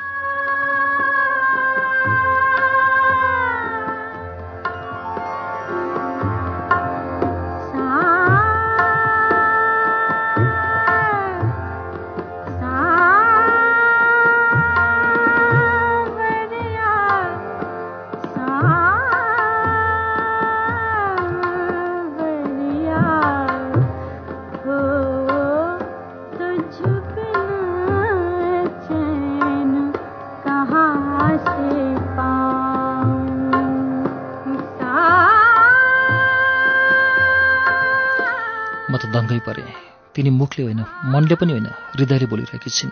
यतिका वर्ष भयो यो देवथलामा म बसेको। अझै मेरो मनमा यति वैराग्य आएको छैन जति तिनको मनमा आएको छ। यिनमा यति धेरै वैराग्य कसरी आउन सक्यो होला? त्यतिका धेरै धन सम्पत्ति र परिवार भएकी आइमाईमा कसरी वैराग्य आयो? तिनलाई देख्दा म किन तिनी जस्तो हुन सकिनँ भन्ने लाग्यो। सोचेँ भोको मान्छेलाई कसरी वैराग्य आउँछ त? वैराग्य आउनु पनि अघाउनुपर्छ तृप्त हुनुपर्छ। तिनका कुरा सुन्न म फेरि तिर्खाएँ तिनले मेरो मनको तिर्खा कसरी मेट्न सक्थिन् र तर पनि तिनका कुरा सुनेपछि म पनि जीवन बाँच्दैछु जस्तो लाग्छ।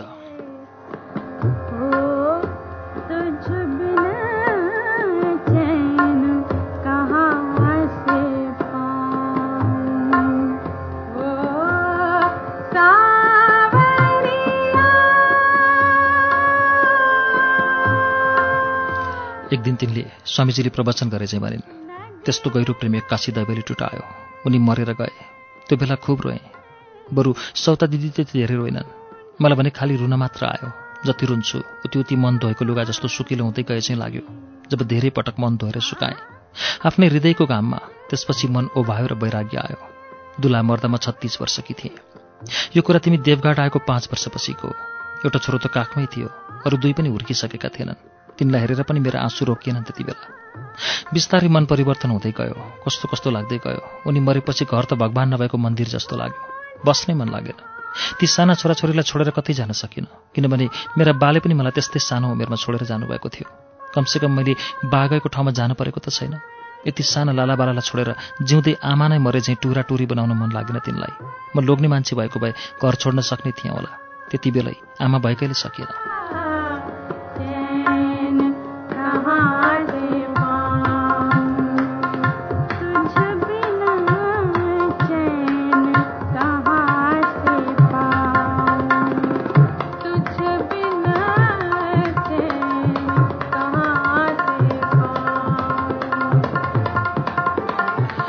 उनीभित्र म यति धेरै डुबेकी रहेछु कि उनीभित्र मात्र मेरो संसार बनेको रहेछ। म उनका गोडामा जोग्थेँ। उनी मेरो पुरै शरीरमा जोग्थे। म उनको गोडाको पानी खान्थेँ। उनी मेरो मायाको रस पिउँथे। उनी सामु जति समर्पित थिएँ म त्यति नै समर्पित थिएँ उनी पनि। उनी नभएपछि म कसरी बसौँ? दिदीको चाहिँ छोराछोरी नभएका भए त्यति बेलै म घर छोडेर हिँड्ने थिएँ। तर अचम्म लाग्यो। दिदीका आफ्ना छोराछोरी भएनन्। भएका पनि सानैमा खेर गए। तिनीभित्र अचम्मको आसक्ति थियो। अझै छ। उनीभित्र किन वैराग्य नआएर मलाई मात्र आएको होला? जसलाई जिन्दगीभर न पतिले माया गरे न भएका छोराछोरी बाँचे तर उनमा वैराग्य आएन। म पतिको सम्पूर्ण माया पाएँ कि? छोराछोरी नाति नातिना भएकीलाई किन वैराग्य आयो? सायद म तृप्त थिएँ।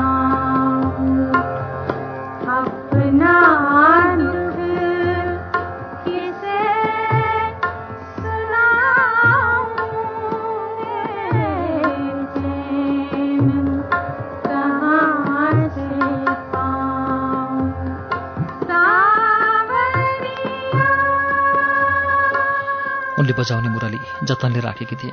बेला बेलामा मुरलीको रनको आउँथ्यो र मलाई सताउँथ्यो। मधेरामा पानी भर्दा भर्दै वनमा घाँस काट्दा काट्दै नुहाउँदा नुहाउँदै खाना पकाउँदा पकाउँदा पनि मुरलीको रन्कोले मलाई भुत्तुक्कै पार्थ्यो। छाती पिटी पिटी रोएँ तर अहिले सबै ख्याल ख्याल लाग्छ। माया जाल र इन्द्रजाल लाग्छ। तर थाहा छ तारा एक दिन राति यही कोठामा सुतेकी थिएँ। मध्यरात छ। अचानक सपनामा चाहिँ मेरो कानमा मुरलीको रनको आयो। मध्यरातमै पनि मुरलीको आवाजले उठाएर मलाई बाहिर ल्यायो। घन्टौँ बाहिर बसेर मुरलीको धुन कताबाट आएको भनेर कान थापिरहेँ। बेला बेलामा धुन आयो। र इनारबाट बाल्टीले पानी झिके चाहिँ त्यो धुनले मेरो आँखाबाट आँसु झिकिदियो। मैले आफ्नो प्रणय प्रेमको उमेर सम्झेँ। पर गाउँतिर कोही रात्रि जोडियोलान् भगवान् कृष्णतिर मन लगेर चित्त बुझाए। त्यो धुन कृष्णकै मुरलीको हो भनेर मायावी मनलाई भने हेर त तारा हामीभित्र राग कसरी गढेर बसेको हुँदो रहेछ? भित्रभित्रसम्म आफैले थाहा नपाउने गरी र मौका पाउनासाथ कसरी जाग्दो रहेछ? कुरा गर्दै थिएँ घर छोड्दाको। मन त कसै गरी त्यो घर परिवारमा टाँसिएर बस्न मान्दै मानेन। ती पति जसले माया र सन्तान दिए ती त नाशवान पति रहेछन्। अविनाशी पति त उनै रहेछन् अधिपति। मेरा पतिको आत्मा परमात्मामा गएर मिलेपछि तिनै हाम्रा पति भए। म त कति भाग्यमानी परमात्मालाई पति बनाउन पाएँ। अब त्यहीँ लु लिनुहुने हो। ती पति अस्थायी त्यो घर अस्थायी। स्थायी घर र स्थायी पति भनेका त भगवान् हुन्। म उनकै शरणमा जानुपर्छ। मैले अस्थायी घर छोड्नुपर्छ। अस्थायी पतिले नछोडेका भए म घर छोड्न सक्ने थिइनँ। उनले नै छोडेर गएपछि यही मौकामा घर छोड्न सक्नुपर्छ। नत्र म सधैँ सधैँ नरकमा डुब्नेछु भन्ने सोचेँ। मनले मनसँग एक्लै फलाक्न थाल्यो भित्रभित्रै। न यता न उता। म भएँ कता कता। डुबिरहेछु म प्रभु चाहिँ जतातता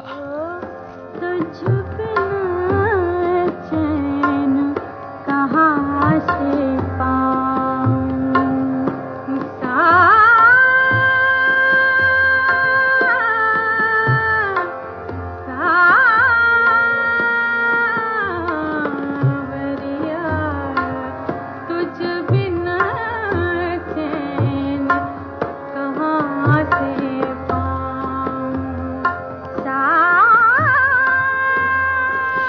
ठुलो तिन तले घर अज्ञात रूपमै भए पनि मनमा वैराग्यका मुना पलाएका रहेछन् पहिले।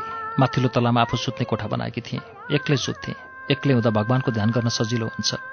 प्रेम गर्न पनि एकान्त चाहिन्छ र आकाश देखिनुपर्छ। जुन तारा देखिनुपर्छ। सिरानको तलामा बस्दा आकाश फराकिलो देखिन्छ। ईश्वरको आवाज अझ बढी हुन्छ भनेर माथिल्लो तला छानेकी थिएँ। सिरानका तलाबाट जुन तारा पनि नजिक जस्तो लाग्छन्। भगवान् पनि नजिक जस्तो।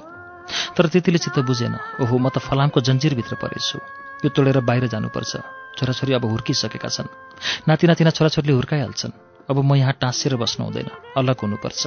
पानीमा तेल चाहिँ तटस्थ हुनुपर्छ भन्ने लाग्यो।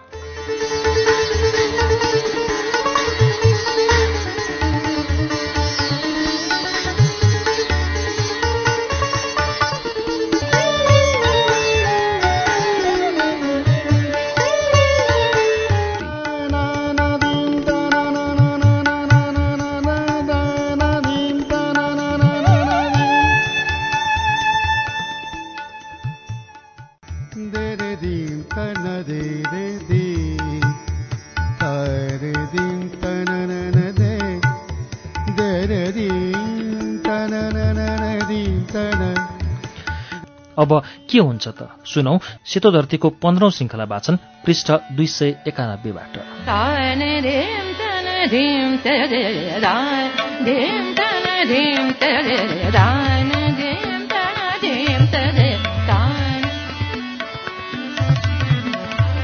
संसार केही हुँदै होइन रहेछ। छोराछोरी नाति नातिना आफन्त कोही आफ्ना रहेनछन्। नत्र ती किन दुई दिन मात्र आफन्त हुन्छन् त? किन छुटेर जान्छन् त? जसरी छुटेर गए मेरा पति। आफू पनि कसैको होइन हुँदै होइन। नत्र किन आफै पनि छुटेर गइन्छ अरूबाट? र अन्तिममा आफैबाट। यही भावमा डुबे। उत्रिनै नसक्ने गरी डुबे। माथिल्लो तलामा थिएँ। जब भर्याङ ओर्लिन थाले मलाई सांसारिकताको भर्याङ ओर्लिँदै गरे जस्तो लाग्यो। जीवनको भर्याङ ओर्लिँदै गरे जस्तो लाग्यो। क्रमशः दोस्रो तला भुइँ तला पिँढी हुँदै जब आँगनमा आइपुगेँ मबाट घर अलग भए जस्तै लाग्यो। आँगनको डिलबाट घरतिर फर्केर हेर्दा लाग्यो यो घर कसको रहेछ?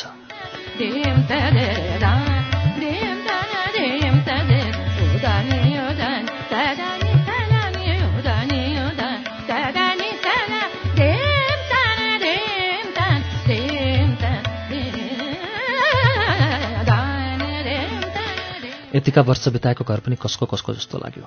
कहाँ बसिरहेछु जस्तो। घरमा छोराछोरी नाति नातिनाहरूलाई देखे मनले प्रश्न गर्यो यी को को मान्छेहरू हुन्? त्यति राम्रो तिन तले घर जहाँ मेरो पसिना छ मेहनत छ माया गर्ने छोराछोरी बुहारी नाति नातिना छन्। कोही आफ्नो लागेन केही आफ्नो लागेन। पाखोबारी बेसीको खेत गोठभरिका गाई भैँसी खोरभरिका बाख्रा केही पनि आफ्नो लागेनन्। सबै एक दिन छोड्ने नै हुन्। आज किन नछोड्नु भन्ने लाग्यो। मृत्युले जबरजस्ती छुटाउनुभन्दा पहिले आफैले छोड्नु जस्तो राम्रो अरू केही हुँदैन भन्ने लाग्यो। यो पनि होइन त्यो पनि होइन केही पनि होइन हुँदै होइन। सन्तान सम्पत्ति केही देख्दै देखिन भगवान् मात्र देखेँ तिनलाई मात्र सम्झेँ त्यसपछि सबैजनालाई भेला गरेर भने म तिमीहरूलाई सबै सुम्पेर जाँदैछु। कहाँ जानुहुन्छ आमा? थाहा छैन जान्छु होला कुनै तीर्थमा। भगवान्ले जहाँ डोर्याउनुहुन्छ त्यहीँ जान्छु। उनीहरूले नपत्याए चाहिँ गरे ठुलो छोराले ख्याल ख्याल गरे चाहिँ सोध्यो कहिले जानुहुन्छ आमा? दुई वर्षपछि पाँच वर्षपछि या दस वर्षपछि।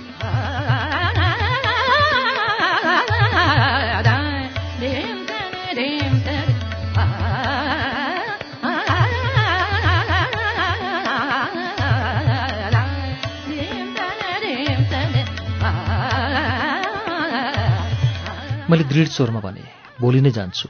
आज एक रात म तिमीहरूको घर आउन पाहुना भएर बस्छु। त्यसपछि कोही बोल्न सकेनन्। एकअर्कामा मुखामुख गरे चिन्तित भए।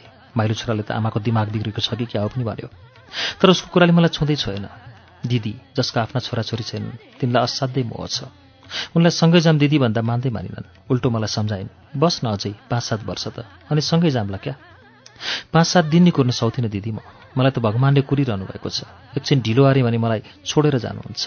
भोलिपल्ट सबै सामु मैले भने मलाई बिदा दियो अब।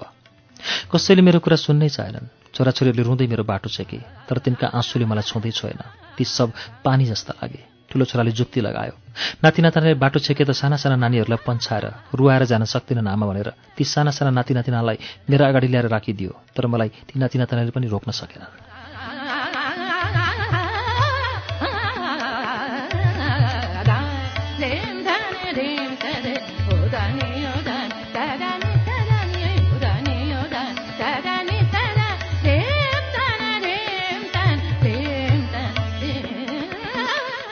छोराले अझै भन्यो आमा यस्तो भन्ने नहुने कुरो नि भन्ने। हामी सबैको अभिभावक भएर बस्नु पऱ्यो तपाईँ। आफ्ना रगतका टुक्राहरू श्री सम्पत्ति सबै छोडेर कोही नभए एक्लै यो उमेर कहाँ जान खोज्नुभएको? अरूले के भन्छन्? देख्ने सुनिले नि के भन्छन्? छिमेकी र आफन्तलाई हामी के उत्तर दिने? तर म मान्दै मानिनँ। भनिरहेँ मलाई बिदा दियो। दिदीले अझै भनिन् यस्तो जिद्दी नहर। दुई चार वर्ष त बस। छोराछोरी नाति नातिना यसरी रोका छन्। सन्तानको आँसुले बाटो सेक्छ बाधा पर्छ। जहाँ नि बस्ने हो। आफ्नै घरमा बस। मैले जिद्दी छोडिनँ। तपाईँ बसे बस्नु म त जानियो। छिमेकमा एकजना पण्डित थिए तिनलाई पनि ल्यायो छोराले मलाई सम्झाइदिनुहोस् भनेर। भगवान् सम्झे कि म तिनले सम्झाएर के सम्झिन्थेँ? उनले भने भगवान् जानी छन् घरमै बसेर पूजापाठ अरे हुन्छ घर छोड्नु पर्दैन जहाँ बसे नि फल पाइन्छ। साठी वर्ष पुगेपछि घर छोडेको ठिकै हुन्छ अहिले नछोड। भगवान्को भक्ति जहाँ बसेर नि अर्न सकिन्छ।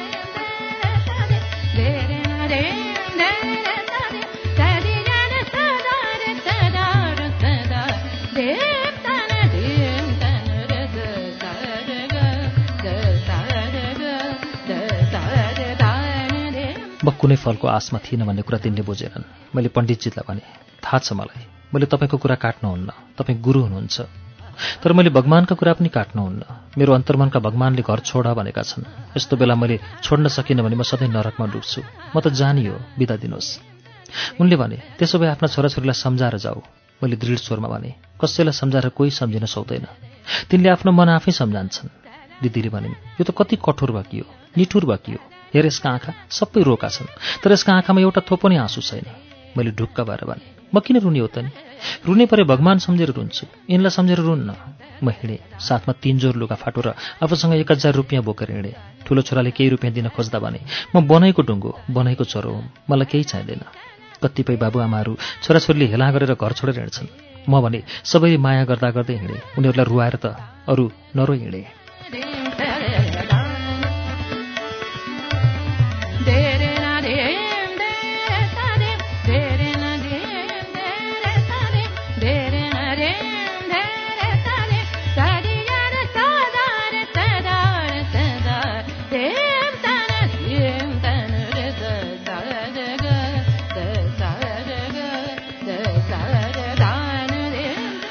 आँगन कटेर बाटोमा पुग्दा ठुला नातिले पिँढीको डिलबाट रुँदै भनेको सुने ए भगवान् हाम्री आमालाई तिम्रोमा नराखाई छिट्टै फर्काइदेऊ। तर मलाई भगवान्ले फर्काएनन्। सायद सबैजना भगवान्सँग पनि रिसायो होला।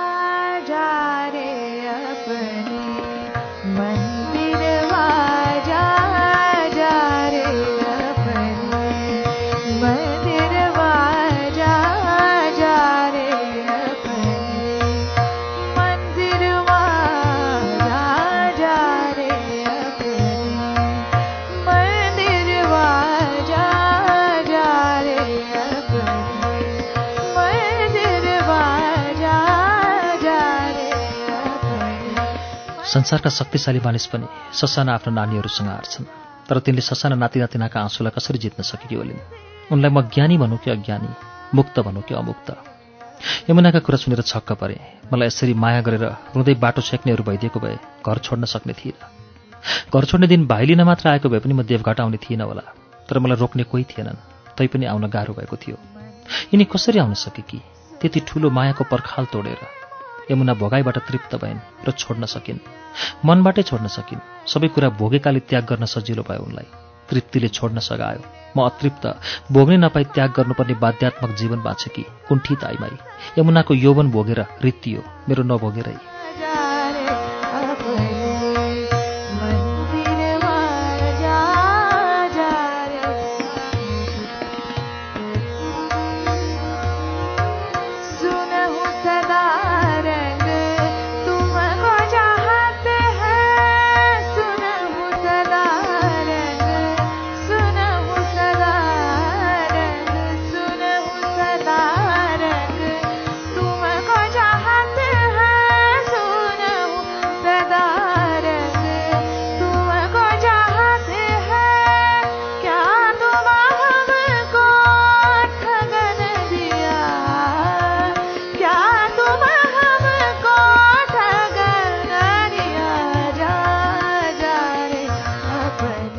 फेरि मेरो साथी भइन् झन् मिल्ने साथी।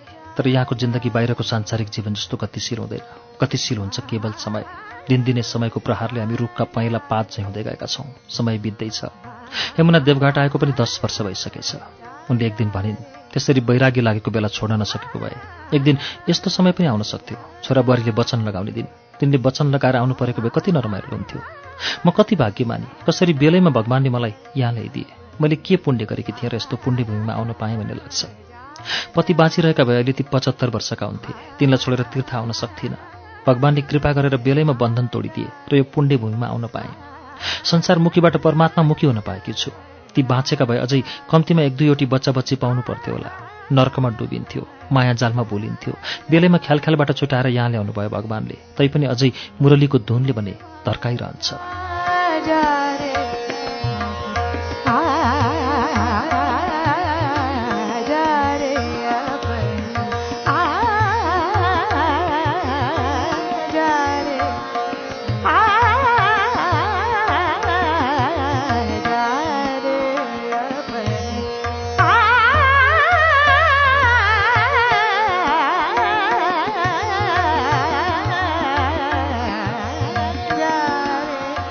बरु शङ्ख घण्टको आवाजले मन धर्काउँदैन तर मुरलीको धुनले मनै धर्काउँछ।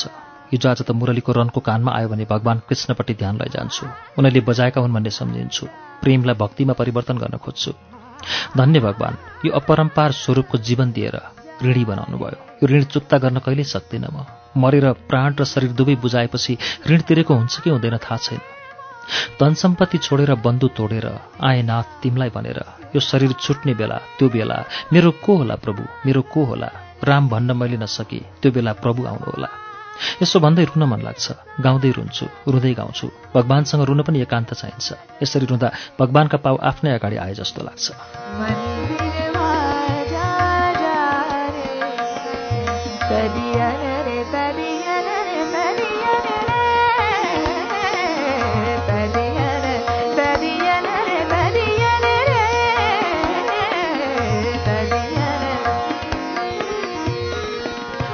पछि छोराहरू आए खोज्दै म जान मारिन। यी यस्तो पक्की घर बनाइदिएर गए। दिदी म त आएको तीन वर्षपछि बल्ल आएकी हुन् त्यो पनि मेरो करले मात्र आएकी। उनको मन त अझै घरमै छ। सधैँ मसँग ईर्षित रहने दिदी अझै मोहमा डुबेकी छिन्। यदि पति नमरेका भए यी दिदी मेरो यति नजिक हुने थिएनन्। एक दिन गङ्गामा जप गर्न बसेकी थिएँ। अचानक मुरलीको रनको आयो। पतिका पाउ आए। उनले बोलाए म जान हतारिएँ तर टक्क रोक्यो चेतनाले। कसरी झ्याप्प अगाडि आएका? लाग्यो यो सब भगवान्ले लिए गरेको परीक्षा हो। म जाँदै गइनँ मैले ध्यान भगवान्तिर लगेँ। त्यसपछि ती पाउ मेरा अगाडिबाट हराए। मुरलीको धुन बन्द भयो। आँखा चिम्लिरहे। भगवान्ले पाउ दिएको कल्पना गरेँ।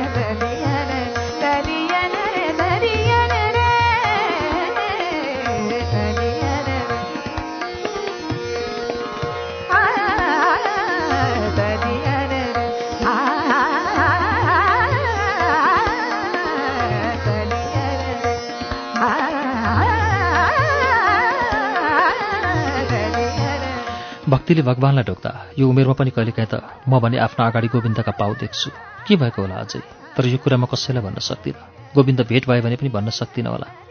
यमुनाले यतिका कुरा भन्दा उनलाई पनि भन्न सकिनँ। आफैलाई मात्र भन्न सक्छु। यमुनाका कुरा सुन्न पाउनु भनेको म अझ धेरै भगवान्को नजिक पुग्नु हो जस्तो लाग्छ। सधैँ उनका कुरा सुन्न हतारिन्छु तर उनले शान्त भएर भनिन् अझै उनी बाँचेका भए म मोहजालबाट उम्किन सक्ने थिइनँ। डुबिरहने थिएँ। मोहको कुवामा व्यागुत्त चाहिँ ठिकै भयो। उनी स्वर्ग गएर मलाई तीर्थ पठाए। उनीले पठाएको जस्तो त भयो। किनभने उनी बाँचेका भए म देवस्थलीमा आउन पाउने थिइनँ हेर तारा अलिअलि वैराग्य त मभित्र मैले नै थाहा नपाउने गरी जमेर बसेको रहेछ। उहिलेदेखि मेरो मनको समुद्रको पिँधमा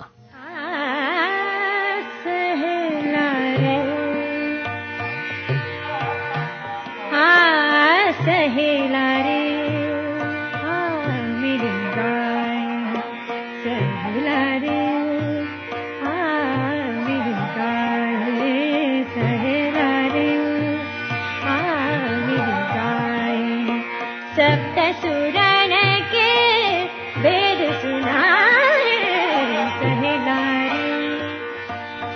तिमीलाई पनि थाहा छ नि तारा त्यो तीन वर्षको छोरो मर्यो उनी खुब रोए तर आमा भएर पनि म त्यति रोइन उनी जति। तिनी खुब शोकाकुल भए तर म त्यति शोकाकुल भइन एकपटकको कुरा छोरालाई दुध खुवाउँदा खुवाउँदै अलिकति बाँकी रह्यो कचौरामा मैले त ताउलोमा फ्याँक्छे भन्ने लागेछ क्यारे। पहिले चाहिँ उनले भने नफ्याँक तिमी आफै खाऊ। खान्न म त। किन? जुठो। आफ्नो छोराको जुठो नि कस्तो खान मन नलाग्ने होला। तिमी त साह्रै कठोर रहेछौ। अब मेरो जुठो नि नखाऊ। मैले समर्पित भावले भने तपाईँको जुठो खानु त मेरो धर्म हो नि। आफ्नो धर्म नि छोड्न हुन्छ र? उनी दङ्ग परे केही बोल्न सकेनन्। छोरालाई खुवाएर बाँकी रहेको कचौराको दुध बडो प्रेमपूर्वक अमृत पिए एकै घुटकोमा पिइदिए खाइसकेर मुख मिठ्याउँदै भने यो नि आमाकै दुध त हो नि। आमाको दुध फ्याँक्नुहुन्न क्या?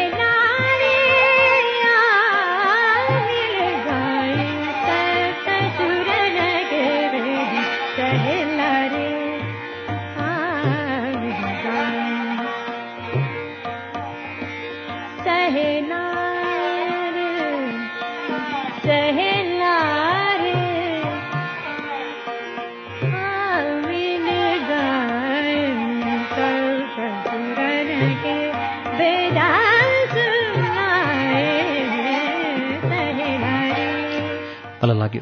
छोराको जुठो भएका कारण उनलाई त्यो दुध अझ मिठो भयो। उनले नखाएको अरू दिन जस्तै त्यो पनि ताउलोमा फ्याँकिदिन्थेँ होला मैले। तर अब म फ्याँक्दिनँ भन्ने सोचेँ। फेरि भने तिमी त मरि नै रुन्न होला है? उनी त्यति भन्दैमा म तिनका काखमा घोप्टो परेर रोएँ। तिनले मेरो शिर उठाएर कपाल मुसार्दै आँसु पुछिदिए। म झन् तिनको मायामा डुबेँ। भन्दैमा त्यति धेरै रुने म। साँच्चै मर्दा कति रुन्छु होला भन्ने लाग्यो त्यति बेला। खुब भक्कानिए। पछि जब उनी मरे साँच्चै म उत्पातसँग रोएँ। साह्रै भक्कानिए। एकछिन अघिसम्म सुन्दर लागेको संसार एकदमै कुरूप लाग्यो। तीन वर्षसम्म त मेरो आँखामा कहिल्यै आँसु छुटेनन्। बिछोडमा त त्यसरी शोकाकुल भएर रोएको मोहबाट मुक्त हुन रहेछ। तर अझै मुक्त भएकी रहेनछु। यो उमेरमा पनि टाढाका पाहुना चाहिँ बेला बेलामा मोह आइरहन्छ। मतिर फर्केर भनिन् हेर त तारा उनी साँच्चै मर्दा के गरेँ मैले?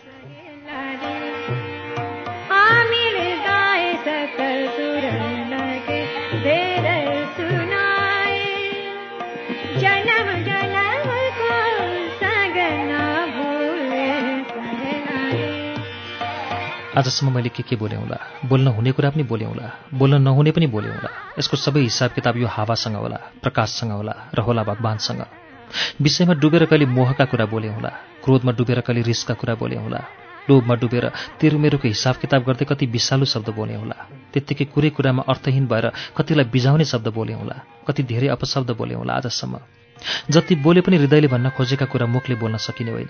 बोलिसकेपछि कुटीमा आएर राति ओछ्यानमा पल्टिन्छु र विचार गर्छु आफैले बोलेका कुराहरू लगभग आधाभन्दा बढी नबोल्ने कुरा बोलिरहेकी हुँदै रहेछु।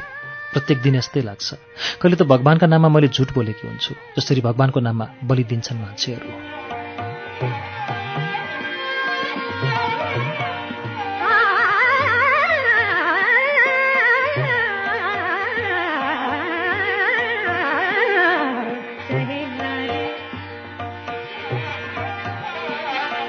के नबोलिकन जीवन चल्दैन रुखको जस्तो?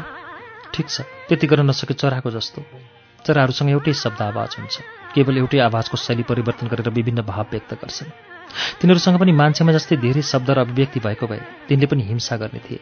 चोरी ठगी धुर्ते छुल्याइ गर्ने थिए। ठुलो सानो धनी गरिब विद्वान मूर्ख हुने थिए। अत्यन्त क्रूर र विषालु विचारहरू पनि हावाले उडाउँदा उडाउँदै देवघाटसम्म ल्याउँदो रहेछ। अनि मेरो मस्तिष्कसम्म यस्तो हुँदो रहेछ। चराको जस्तो बाचाल तर बाचालभित्रको मौन जीवन बाँच्छु म पनि। अब म मौन व्रत बस्छु।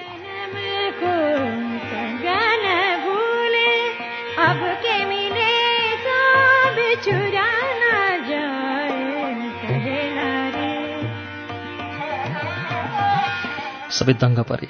यस्तो सङ्कल्प नगर पालना गर्न सक्दिनौ भनेर सम्झाए तर मैले मानिनँ। यमुनाले पनि भनिन् पछि सकिँदो रहन्छ भनेर छोड्नुभन्दा अहिले नै मौनव्रत नबस्नु ठिक हुन्छ। बरु एकदमै थोरै बोल्ने बानी बसाले हुन्छ अथवा एक दुई दिन मौनव्रत बस्ने बानी बसाला। त्यो राम्रो हुन्छ। आफूलाई बानी पर्दै गसी बरु व्रतको समय क्रमशः बढाउँदै लैजाऊ। मैले जिन्दगीभरि बाँडी नपाएका मान्छेहरूलाई सम्झेँ। कमसेकम तिनलाई सम्झेर तिनकै नाममा भए पनि मौन व्रत बस्छु किनभने ती पनि ईश्वरकै सृष्टि हो।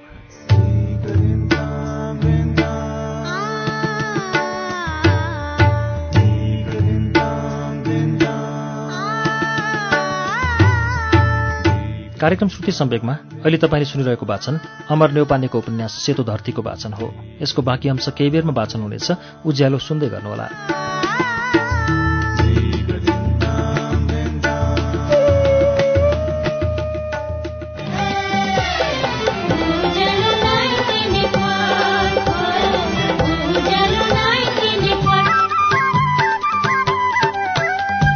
सीधा कुरा प्रश्न विचार। उज्यालो 90 नेटवर्क।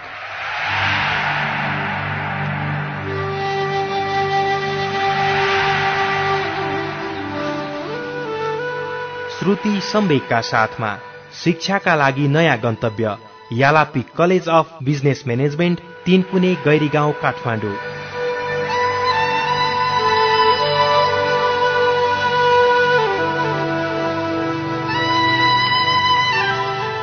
बिएचएम र एमबिए अध्ययनका लागि यालापी कलेज।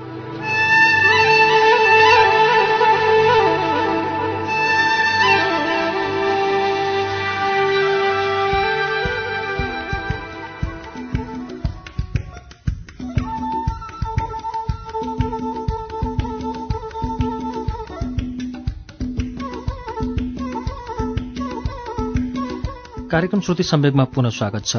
तपाईँ अहिले उज्यालो नाइन्टी नेटवर्क काठमाडौँसँगै देशभरिका विभिन्न एफएम स्टेशनहरूबाट एकैसाथ कार्यक्रम श्रुति सम्वेक सुन्दै हुनुहुन्छ। श्रुति सम्वेकमा हामी अमर न्यौपानेको उपन्यास सेतो धरतीको वाचन सुनिरहेका छौं। अब यसको बाँकी अंश वाचन सुनौ।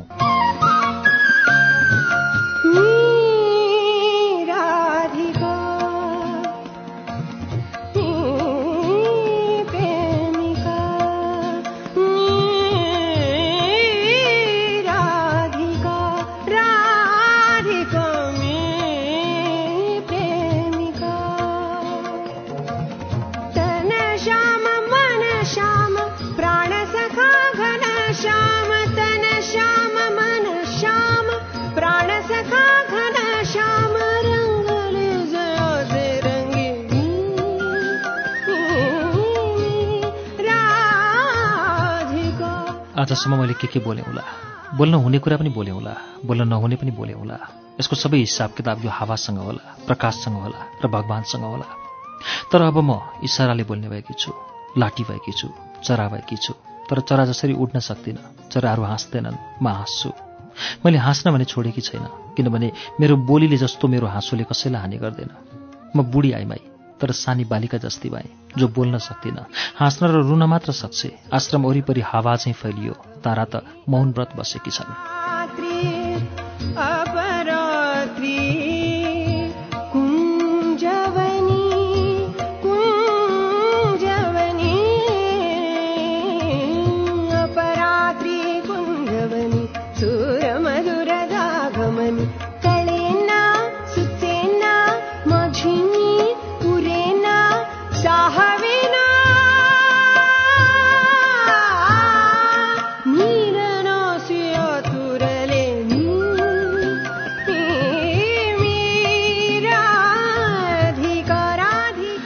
नबोल्दा पनि सुख दुःखहरू मसँग बोलिरहेकै छन्। बोक र प्यास बोलिरहेकै छन्। आफ्नै साससँग बोलिरहेकी छु। जिन्दगीसँग बोलिरहेकी छु। सबैभन्दा धेरै आफूसँग बोलिरहेकी छु।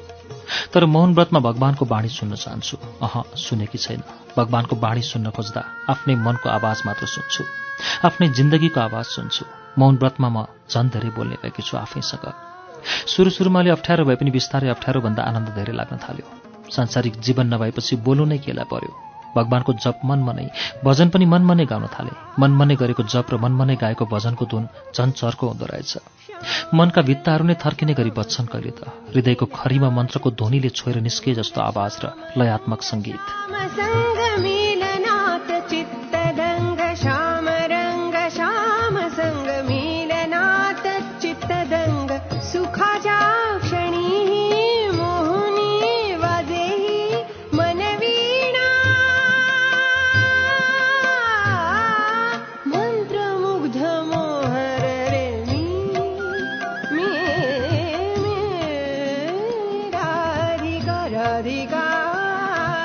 म झन्झन आनन्दको गहिराइमा डुब्दै गएँ। लाग्यो यस्तो आनन्ददायी मौन व्रत पहिले किन बसिनँ मैले?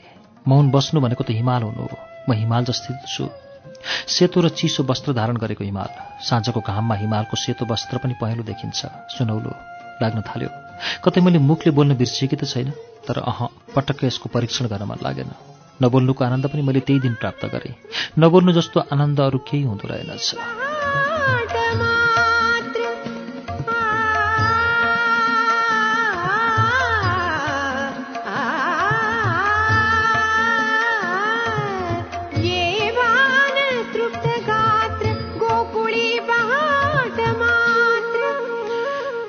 हिजो आज मौनताको आनन्दमा डुब्दैछु। मौन बसेपछि त मान्छेभन्दा धेरै ढुङ्गा माटो नदी पहाड फूल रुख चराहरूसँग मात्र कुरा गरे जस्तो लाग्दो रहेछ। आफूलाई माया गर्ने आफन्तहरूले भन्दा पनि थाहै नपाउने गरी तर अत्यन्त निर्दयी भएर छोड्दै जाँदो रहेछ उमेरले। उमेरले छोड्दै गएपछि यो खाली ठाउँ पुरा गर्न विभिन्न प्रकारका रोग र सन्तापहरू आउँदो रहेछन्। त्यसैले एक्लो र बेचैनीको महसुस पनि गरिरहेकी छु। जति जति बुढी हुँदै जान्छु उति उति बेचैनी बढ्दै गएको छ। मन एक्लो हुँदै गएको छ। शङ्खघण्टको आवाज पनि कहिलेकाहीँ त कर्कस लाग्न थालेको छ किनभने त्यहाँ जीवन प्रेम र करुणा हुँदैन। भक्ति मात्र हुन्छ अन्धो भक्ति।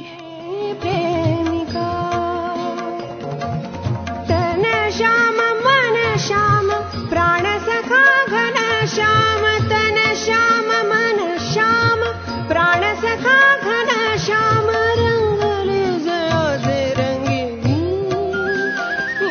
मान्छेको आवाजमा अझै माया गर्ने मान्छेको आवाजमा त जीवन प्रेम र करुणा हुन्छ। तर मलाई नजिकबाट माया गर्ने मान्छे कोही छैनन् किनभने मेरो रगतको अंश यस धरतीमा कतै छैन अनि मलाई प्रेम गर्ने कोही पनि छैन। सायद त्यसैको परिणाम पनि हुनसक्छ। मेरो मौन व्रतको एउटा महत्त्वपूर्ण कारण मैले नबोली नहुने मान्छे को छ र भन्ने लागेर होला मेरो भित्री मनलाई। यमुना जसरी तृप्त भएर देवघाट आएकी होइन म। बाहिरबाट आएका कोही नौला मान्छे देख्दा पनि मेरा भाइ बहिनीका छोराछोरी नाति नातिना या मेरा कोही अन्य आफन्त पो हुन् कि भनेर बाटोतिर मैले हजार पटक हजार मानिसहरूलाई हेरेँ होला। तर ती कोही पनि मेरा आफन्त थिएनन्। अनायासै सानो भाइलाई सम्झे। त्यो भाइ त बेपत्ता भएको पनि चौध वर्ष भयो। कहाँ गयो होला? स्वर्गमा होला कि यही धरतीमा? यस्तो सूचना सञ्चारको जमाना आयो तर आजसम्म उसको केही सूचना आएको छैन। सुरु सुरुमा त खुब सम्झिएँ उसलाई। तर हिजो आज त कहिलेकाहीँ मात्र सम्झिन्छु। सम्झना पनि थाक्दो रहेछ। कुम्भकर्ण जै छ महिनासम्म पनि निदाउँदो रहेछ।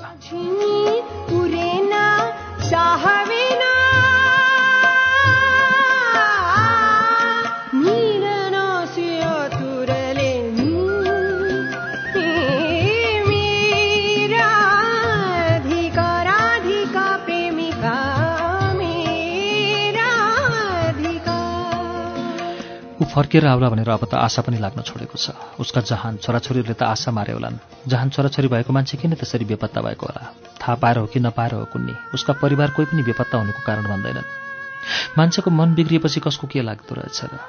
तर उसको मन किन बिग्रियो होला? किन किन कोही नौलो मान्छे हिँडेको देख्दा पनि म त्यो मान्छे मेरै आफन्त भइदिए हुन्थ्यो नि जो मलाई नै भेट्न आएको होस् जस्तो लाग्न थालेको छ। किनभने करिब एक वर्षभन्दा बढी भयो होला। मलाई भनेर मेरा कोही आफन्त भेट्न आएका छैनन्। अरू सबैका आफन्त आएका छन् तर मेरा आएका छैनन्। उनीहरू आफ्ना आफन्त भेट्न आएको के के ल्याइदिएको कुरा गर्छन् तर म उनीहरूसँग केही भन्न पाउँदिनँ। केही दिनदेखि आफन्तहरूको साह्रै अत्यार लागेको छ। कोही आफन्त आफ्नाहरू आइदिए भने मेरो भोको मन अगाउने थियो नि जस्तो लागिरहेछ।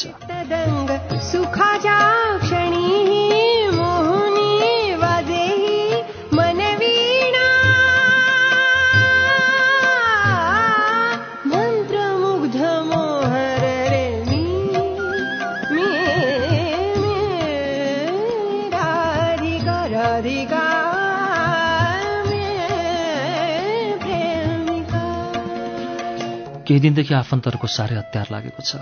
पिँढीमा बसेर बत्ती काट्दैछु। परबाट कोही नौला मान्छे अल्मलिँदै आउँदै गरेको हेर्दैछु। लाग्यो त्यो मान्छे म जस्तो एक्लो जीवन बाँचेकाहरूको आफन्त हो। त्यो मेरै आफन्त भए पनि हुन्थ्यो नि। तर त्यो मान्छे मेरो कुटीतिर आउने गल्ली छोडेर अन्तै मोडियो। खिन्न भएँ। फेरि केही समयपछि दुईजना अल्लारे जस्ता लाग्ने ठिटी देखिए। परबाट यतै आउँदै गरेका। ती मेरा भाइ बहिनीका छोरीहरू भइदिए नि हुन्थ्यो नि। रहेछन् कि क्या? आए। मेरै कुटीतिर आए। तर तिनले मतिर हेर्दै नहेरी गए ती हिँड्दा हिँड्दैकालाई झन्डै मैले सोधेँ कि तिमीहरूको घर कता हो नानी?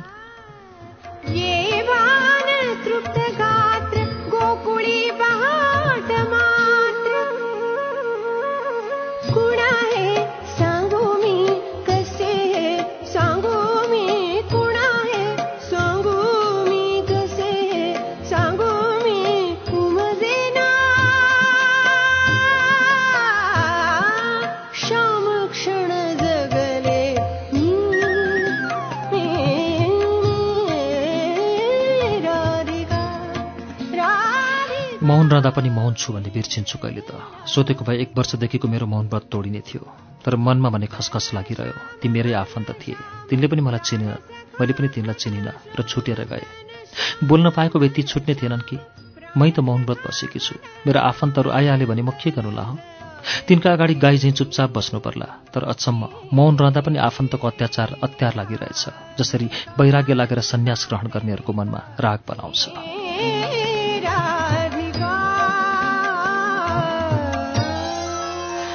एकछिनपछि पुरानो तर ठूलो झोला बोकेर एउटा अद्वैंसी लोग्ने मान्छे आउँदै गरेको देखेँ ऊ सँगसँगै यमुना जस्तै कोही आइमाई पनि देखेँ ती नजिक हुँदै आए त्यसपछि चिने ती त यमुना नै रहेछन् तर उनीसँगै आएको लोग्ने मान्छेलाई चिनिन दुवै मेरै आँगनमा आए उभिए यमुना हाँसिन् त्यो नौलो लोग्ने मान्छे पनि मुसु मुसु हाँस्यो म हाँसौँ कि नहाँसौँ भए हाँसेछु उहिलेदेखि चिने जस्तो लागे पनि चिनिन उसलाई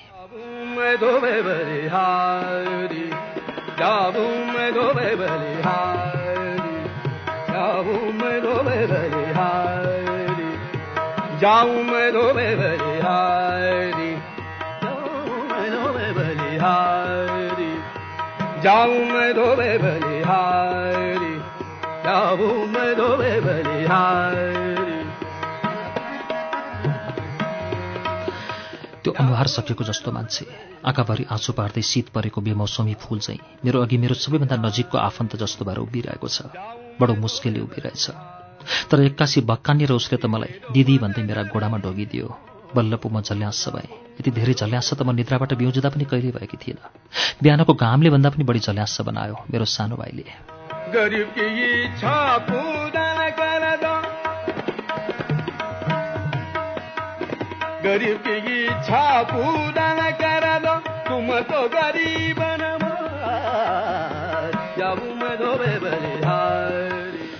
रहेछ भनेको त मेरो सानो भाइ पो रहेछ जसलाई मैले आफ्नो जीवनभरिमा सबैभन्दा धेरै माया गरेकी थिएँ। आमाले झैँ मेरो आँखा अगाडि विगत झलझरी आउन थाल्यो। चौध वर्षदेखि बेपत्ता भएको भाइलाई एक्कासी देख्न पाउँदा मलाई भगवान देखे जत्तिकै भयो। मौन व्रत बसेको पनि बिर्सिएर थाहै नपाई। मेरो भगवानको शिर सुमसुमाउँदै एक्कासी भक्कानिएर भनेछु ए मेरो सानो बाबु कहाँ थियो त तिमी यतिन्जेल ला मेरो त मौन व्रत नै तोडिएछ तर थाहै नपाई।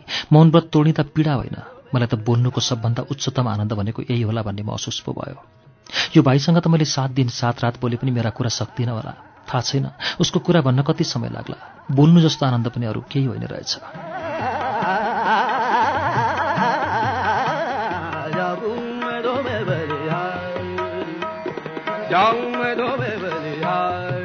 अरू साथीहरू गर्छन्। आफ्नै शरीरको असुरक्षाको कुरा डरको कुरा। डर त मलाई पनि लाग्यो तर डरलाग्दो घटना घटेन। कमला आरती र गोमाको जस्तो। आनन्द लाग्छ अहिले। रामराज्य भन्छन् हो त्यही आनन्द। भोको पनि छैन नाङ्गो पनि छैन मिठो खाने र राम्रो लाउने मोह पनि छैन कसैको दृष्टिको डर छैन आफ्नो शरीर देखेर कसैको मनमा मोह जाग्ला भन्ने पनि छैन अरूलाई देखेर आफूभित्र मोह जाग्ला भन्ने चिन्ता पनि छैन। यो शरीर त अब पुत्ला जस्तै भयो ठ्याक्कै पुत्ला। लौकिक दृष्टिको डर हरायो। एक्लो जीवनलाई शरीरमा बोकेर हिँड्नुपर्दा डर हुन्थ्यो। म एक्लै छु भन्ने। मेरो शरीर एक्लै छ। मेरो उमेर एक्लै छ। अब त्यो डर छैन। कसैको चिन्ता छैन। लिन सके यहाँभन्दा शान्ति र आनन्द कहिल्यै हुँदैन क्यारे।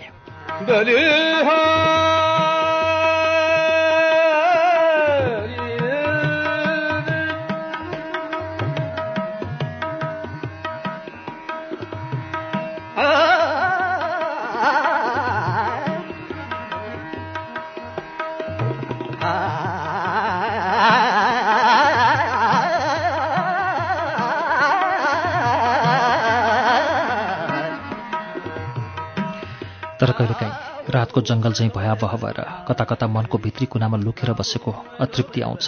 यस्ता सबै कुरा यसै चित्त बुझाउने कुरा मात्र हुन् जस्तो पनि लाग्छ। विधाताको खटन त्यस्तो त्राहिमाम संसारबाट अहिले रामराज्यको संसारमा आइपुगेकी छु। त्यसमाथि वेदान्तको सङ्गत स्वामीजीहरूको प्रवचन। वेदान्त त मेरो लागि लाटालाई गुड जस्तै भएको छ। ऊ गुड खान पाएर मिठो मान्छ खुसी हुन्छ तर केही भन्न सक्दैन। म त्यस्तै भएकी छु। स्वाद थाहा पाएर पनि भन्न सक्दिनँ। आँप खाएर त्यसको स्वाद भन्न नसके जस्तै स्वाद त स्वामीजीहरू भन्छन्। कहिलेकाहीँ त लाग्छ उनीहरूलाई पनि स्वाद थाहा छैन तर स्वादका बारेमा प्रवचन दिइरहेछन् अनुभूति गरेर होइन पढेर हो जस्तो लाग्छ। स्वाद त मलाई पनि थाहा छ तर भन्न आउँदैन। गुलाबी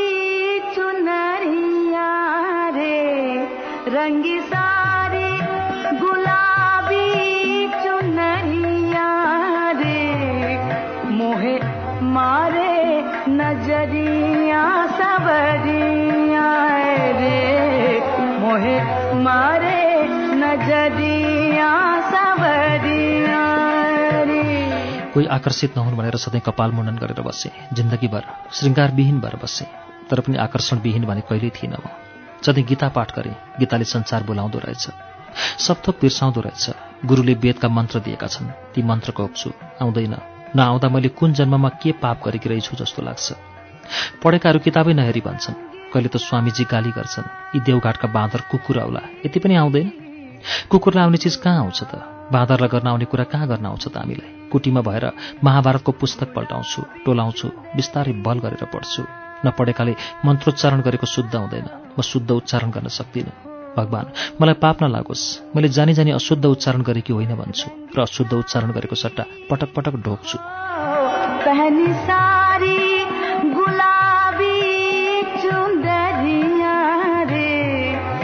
मोहे मारे नजरिया सबरिया। एउटा बालकले शुद्धसँग आमा भन्न नजानेर तोते बोलीमा आमा भन्छ। आमाले सजिलै बुझ्छिन् आफ्नो सन्तानको बोलेको।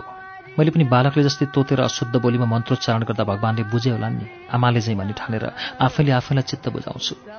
उभाएर प्रकाशका ताता हातहरूले बादलका घैला भर्दै सूर्यले धरतीको पानी पिए चाहिँ पिउँछन् अज्ञानीहरूले ज्ञानीहरूले ज्ञान। तर म अज्ञानी आफ्नै जीवनको पानी पनि सुक्न लाग्यो अब। पढ्न खोज्छु आउँदैन। बल्ल बल्ल अक्षर फुटाइहाले पनि तिनको अर्थ खोल्दैन। तिनको भाव बुझ्दिनँ। मलाई लाग्छ पहाडका बाटाभन्दा अक्षरका बाटा अप्ठ्यारा हुन्छन्। अक्षर हिँड्ने बाटाभन्दा अझ अप्ठ्यारा हुन्छन् जीवन हिँड्ने बाटाहरू।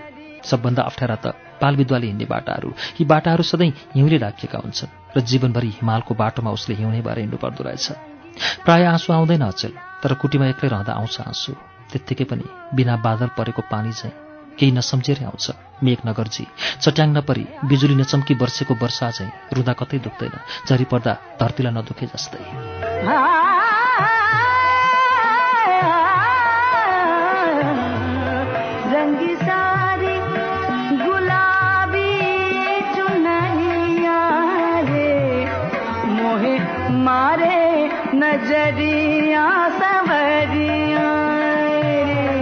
अचेल त आँसु पनि भर्खर धोएर सुकाउँदा लुगाबाट झरेको पानी जस्तै लाग्छ। मानव मैले आँसुले मन धोएर सुकाएकी छु वेदान्तको घाममा। यस्तो पावन भूमिमा छु र पनि बाँच्नका लागि जानेर नजानेर कति पाप गरे होला। हिसाब किताब गर्न खोज्छु सक्दिनँ। लाग्छ यसको सम्पूर्ण हिसाब किताब र लेखाजोखा त भगवान्ले राखेका छन्। सोध्छु भगवान्सम्म पुग्ने बाटो सुखको हो कि दुःखको? यदि दुःखको बाटो हो भने म त उहिले पुगिसक्नु पर्ने थियो जस्तो लाग्छ। तर म कतै पुगेकी छैन। मेरो संसार उमेर सँगसँगै झन्झन साँगुरिँदै गएको छ। कहिलेकाहीँ त लाग्छ मेरो संसार म मात्रै हुँ। मेरो संसारको धरती पनि म नै हुँ र आकाश पनि सायद मेरो भगवान् पनि म नै हुँ।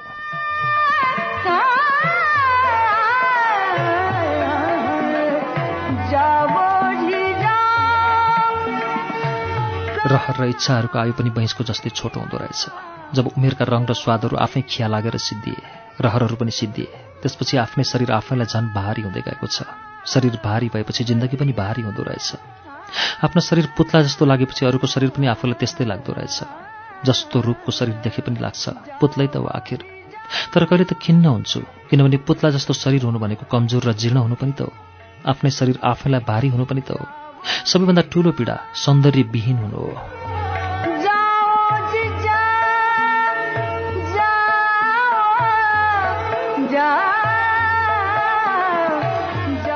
बिहान तिन चार बजेतिर उठ्छु। ढाड साह्रै दुख्छ जिउ कर्कर खान्छ घुँडा दुख्छन्। योगा गर्छु एकछिन ओछ्यानमै बसेर अनि गङ्गा जान्छु नुहाउँछु जप ध्यान गर्छु आरती गर्छु। गर्मीमा उहीँ गङ्गामै गर्छु जप ध्यान। जाडोमा कुटीमा आएर गर्छु कुटी सफा गर्छु देवी देवतालाई जल र फूल चढाउँछु। प्रवचन सुन्न जान्छु दिउँसो अनि यसो उसो गर्दा गर्दै दिउँसो जान्छ। फेरि अपराह्नको प्रवचनमा जान्छु कुटीमा आउँदा भोक लागिसकेको हुन्छ।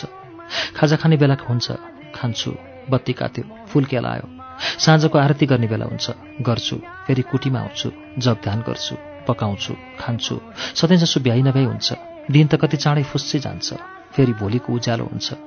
अब त यति अप्ठ्यारो जिन्दगी पनि प्रत्येक दिन जस्तै फुस्सै जान्छ होला।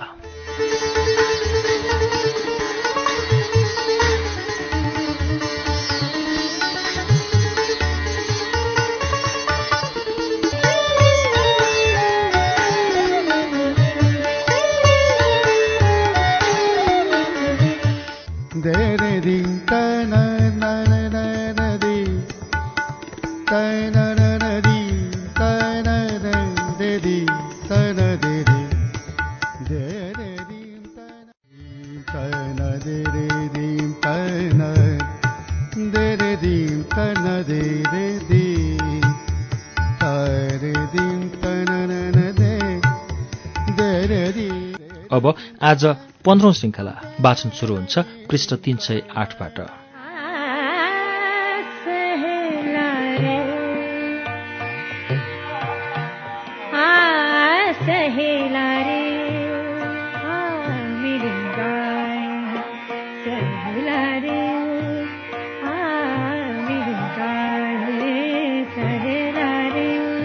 जन्मिएको धेरै पछि आफू जन्मिएको थाहा पाएँ। बिहे भएको थोरै पछि आफ्नो बिहे भएको थाहा पाएँ। विधवा भएको अझ थोरै पछि आफू विधवा भएको थाहा पाएँ। जीवनका यी महत्त्वपूर्ण घटनाहरू कुनै पनि बेला मैले घटाएका घटना थिएनन् तर तिनै घटनाहरूको परिणाम जिन्दगी बाँचिरहेछु यो सन्न्यस्त जीवन भने मेरो आफ्नो निर्णय हो तर मैले नगरेका मेरा जीवनका महत्त्वपूर्ण निर्णयहरूले नै सायद मलाई यहाँसम्म ल्याइ पुऱ्याए यो उमेरमा आएर देवघाट आउने निर्णय र सन्यास लिने निर्णय मेरो आफ्नो थियो तर यी सब निर्णयहरू बाध्यात्मक थिए। निर्णय गर्न बाध्य बनाउने मेरो पूर्व निर्णयका परिणाम थिए नौ दस वर्षमा भएको एउटा घटनाको निर्देशनमा चलिरहेछु पुरै जीवन त्यही घटनाको हुकुममा चलिरह्यो चलिरहेछ अब एक दिन चल्न नसक्ने हुनेछ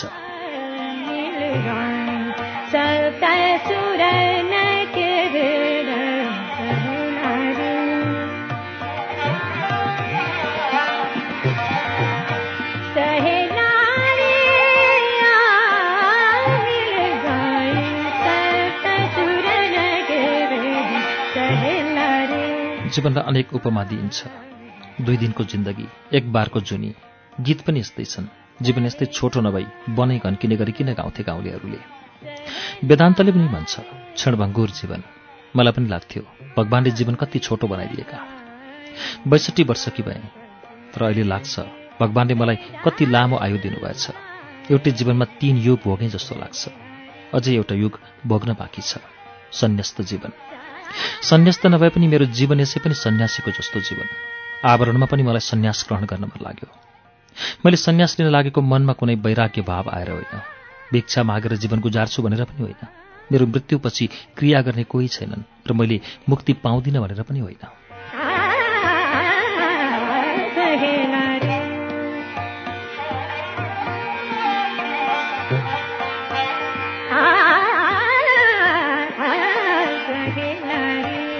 मनको सन्तोष नै होस्। मैले त आफ्नो गोत्र र थरलाई मेट्न सन्यास लिन खोजेकी हुँ। नचिनेका नजानेका कहिले अनुहार नसम्झेका मान्छेले दिएको थर। गोत्रलाई बोकेर कति हिँडौँ कति बाँचिरहँ मृत थर र गोत्र बोकेर। त्यसलाई मेट्न मात्र खोजेकी हुँ। म मर्दा थर र गोत्रविहीन भएर मर्न सकौँ। एउटी सानी बालिकाको सिउँदोमा निधाएको बेला सिन्दुरले डामेर बनाएको सेतो खत मेट्न र त्यहाँभित्रको कहिले निको नहुने घाउ निको पार्न सन्यस्त हुन खोजेकी हुँ। सोचे। सन्यस्तले मानसिक रूपमै भए पनि ती दुलाहा भनेका अपरिचित मान्छेले दिएको थर र गोत्र मेट्न सक्छ। सेतो खत जस्तो सिउँदो र त्यहाँभित्रको घाउ निको पार्न सक्छ। कमसेकम मेरो मृत्यु यी सबै कुराबाट मुक्त अवस्थामा होस् जसरी मेरो जन्म यी सबै कुराबाट मुक्त अवस्थामा भएको थियो।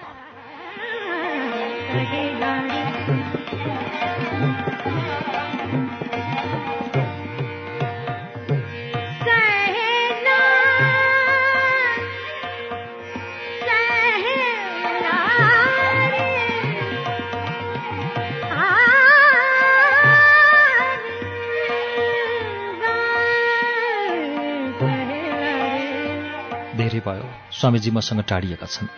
खानामा रौँ परेको कृत्रिम घटना जो घटायो उनले त्यहाँदेखि उनलाई पक्का आउँदैनन् भनेर आफ्नो कोटीमा खाना खान बोलाएकी पनि छैन उनी आफै आएका पनि छैनन्। त्यसपछि त उनी साह्रै टाढाको मान्छे जस्तो भएका छन्। उनी यसरी टाढिएको पनि झन्डै बिस वर्ष पुग्न लाग्यो। उनी टाढिएपछि गोविन्दलाई पनि असाध्यै थोरै सम्झिन थालेकी छु। उनी पनि मेरो मनबाट टाढिएका छन्। जे भए पनि सन्यास लिनुअघि एकपटक स्वामीजीसँग सल्लाह गर्नु पर्यो तर उनले अवश्य पनि उही कुरा भन्नेछन् जननाले सन्यास लिनु पर्दैन यदि त्यसो भनिदियो भने म के गरौँ? मलाई जसरी पनि सन्यास ग्रहण गर्नु छ। उनको स्वीकृति बिना सन्यास लिँदा उनको हुकुम अवज्ञा गरे जस्तो हुन्छ। उनलाई नसोधिकन लिँदा उनकै आश्रम र उनको अभिभावकको तलाई व्यवस्था गरे जस्तो हुन्छ। म के गरौँ?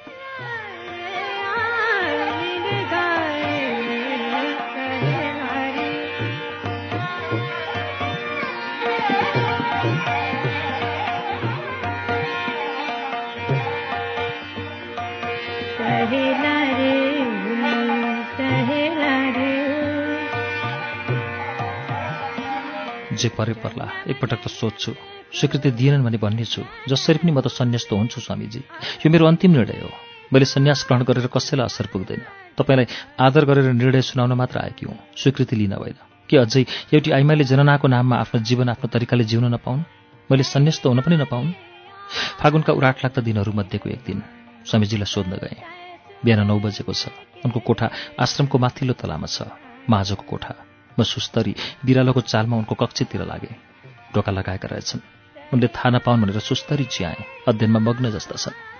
उनका कान कुकुरका जस्ता टाटा छन्। आँखा मात्र कमजोर। किताबबाट आँखा हटाएर टाउको उठाए र ढोकातिर हेरे म छेल परेँ ढोकाको। यिनले त मैले सास फेरेको पनि सुने होलान्। रुखको आवाजमा बोले को हो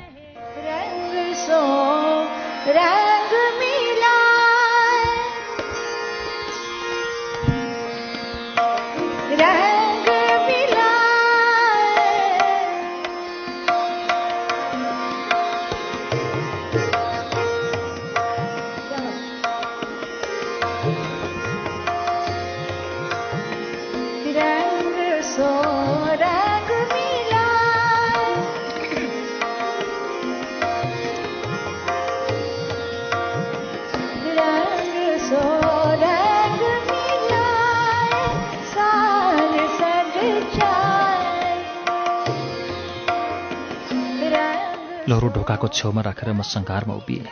उस्तै निम्तो आवाजमा बोले बिहान बिहान किन आयो त नि आज? केही कुरा सोधम भनेर आकि नि। अब सोध्ने होइन चिन्तन गर्ने हो मेरो यो। आफैसँग उत्तर खोज्ने बेला आयो। अरूको उत्तरले चित्त बुझ्दैन अब। पुरै उत्तरहरू अधुरा र अपुरा लाग्छन्। मैले भने कुरा त्यस्तो होइन। के हो त कुरो? मैले सन्यास लिने निर्णय अरे ओहो त्यसै हुन्छ सन्यास? कति थोक गर्नुपर्छ? के गर्नुपर्छ पहिलो कुरा त बाह्र वर्षसम्म ब्रह्मचर्य व्रत बस्नुपर्छ। मैले त जिन्दगीभर बसेँ ब्रह्मचर्य व्रत।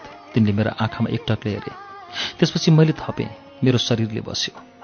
सन्यास पनि शरीरले मात्र लिन खोजेकी हो। उनले सोधे हो किन शरीरले मात्रै? मनसँग त म सधैँ हार्छु। यस्तो मान्छेले किन सन्यास्त हुन्छु भनेर हुन्छ त? सन्यास्त भएपछि के तपाईँले मनसँग कहिले हार्नु भएन? मैले प्रति प्रश्न गरेँ। त्यसपछि केही बेरसम्म बोलेनन्। प्रसङ्ग बदलेर तिनले मलाई जाँच्न खोजे। सन्यासी भएपछि फुल पनि टिप्न हुन सक्छौ? झरेको फुल टिप्छु।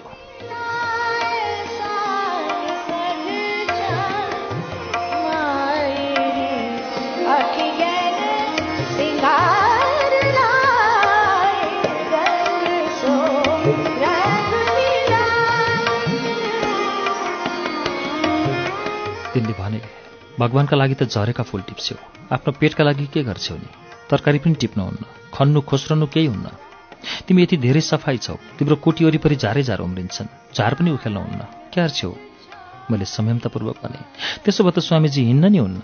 हामी यति धेरै ओजन भएका मुन्छेका पैताला मुनि ती साना साना कति किराहरू मर्लान्। यसो भनेर कुन सन्यासीले हिँड्न छोडेको छ र? ओहो खुब बाठी भएछौ। म केही बोलिनँ लाठी जस्तै भएँ एकछिनसम्म ती पनि केही बोलेनन्। त्यसपछि बोले तिमीले ठिक निर्णय गर्यो। ओहो त्यतिखेर कुनै हातमा सन्यास लिनु हुँदैन तैँले। हामीहरू सन्यास नलिए पनि माई हुन्। जनताले सन्यास लिनु पर्दैन भनेका स्वामीजीले कसरी तिमीले ठिक निर्णय गर्यो भन्न सकेका होला अहिले?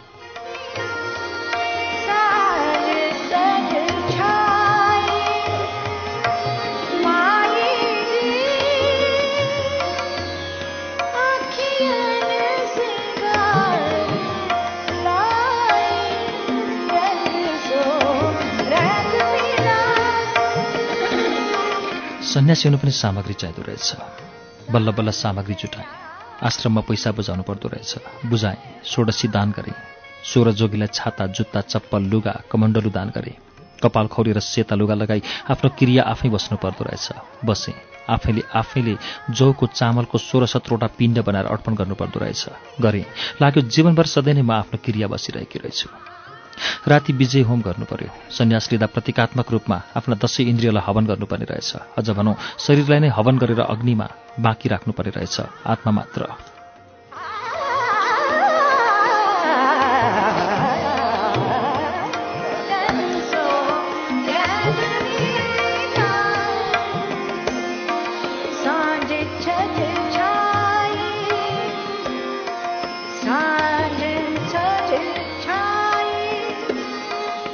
गङ्गा किनारमा छु। यत्तिकै एउटा भावना आयो पानीको अनुहार कस्तो हुन्छ? पानीमा आफ्नो अनुहार हेरेँ पानीको अनुहार त मेरो जस्तै पो रहेछ। तर पानीको जीवन मेरो जस्तो छैन। बिहान गङ्गा किनारमा आफ्नो क्रिया बस्दा लगाएका ती सेता कोराका लुगा राखेर गङ्गामा डुब्नु पर्दो रहेछ निर्वस्त्र। एक सय आठ पटक डुबुल्की मार्नु पर्दो रहेछ।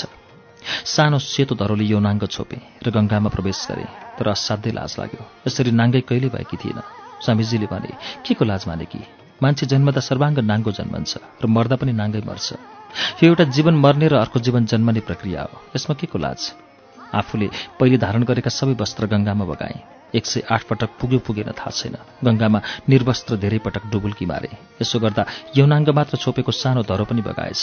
अब मेरो शरीरमा शरीर बाहेक केही पनि बाँकी रहेन।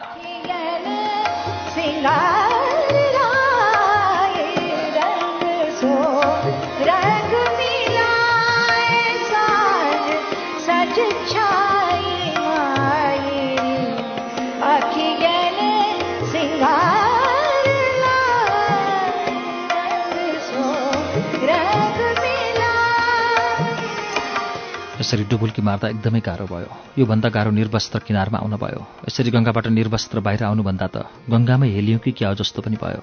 मलाई बाहिर निस्कन झन् गाह्रो भयो झन् लाज भयो। स्वामीजीले भने भर्खर जन्मेको बच्चाले पनि लाज मान्छ कतै? तिमीहरू अब भर्खर जन्मेका बच्चा भयो। तिमीहरूको नयाँ जन्म भयो। फेरि जन्मियौ। लाग्यो म अब गङ्गा पुत्री पाएँ मलाई गङ्गाले जन्माइन् भावना आइरह्यो कि यही हो त आत्माले लुगा फेरेको। मेरो शरीर त उही छ बुढो शरीर। फाटेको थोत्रो लुगा जस्तो शरीर। त्यसरी निर्वस्त्र हुँदा आफ्नो शरीरको छाला उतारेर नयाँ छाला फेरे जस्तै पीडा भयो। तर उही पुरानो चर्म वस्त्र छ मेरो शरीरमा। स्वामीजीले भने अब यसरी नै निर्वस्त्र अवस्थामै सूर्यलाई जल चढाओ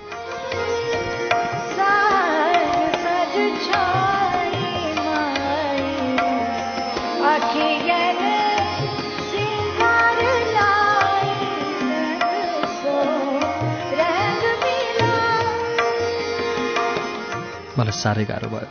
लाग्यो मेरो मनले अझै सन्यास ग्रहण गरेकै रहेनछ क्यारे त्यागीहरू त यतैबाट पहेँलो वस्त्र धारण गरेर काँधमा लट्ठी बोकी हातमा कमण्डलु लिई कहाँ कहाँ पुग्छन् अरे भिक्षा माग्दै हिँड्छन् अरे। किनारमा अरू माईहरूले मेरा लागि पहेँला वस्त्र राखिदिएका छन्। ती गेरु वस्त्रले मेरो निर्वस्त्र शरीरलाई ढाक्न हेरिरहेछन्। हतार हतार लगाएँ तर म यति बुढी र कमजोर भइसकेकी रहेछु। मनले जति हतार गरे पनि हातले हतार हतार वस्त्र लगाउन सकेन। जब वस्त्र धारण गरेँ आफैलाई हेरेँ उही शरीरमा म त सेतोबाट पहेँलो मात्र भएकी रहेछु पहेँलो वस्त्रभित्रको शरीर।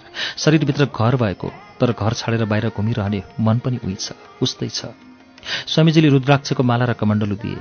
अरू पनि थिए सन्यास ग्रहण गर्नेहरू सातजना जति। भिक्षा माग्न बस्यौँ सबै भिक्षा दिन आए। अब म सन्यास्त भएँ। सन्यास्त भएपछि पनि मैले कहिल्यै सन्यास्त भएको सपना देखिनँ। सपनामा भने सधैँ सधैँ म सांसारिक भएँ रङ्गीन भएँ इन्द्रेणी भएँ।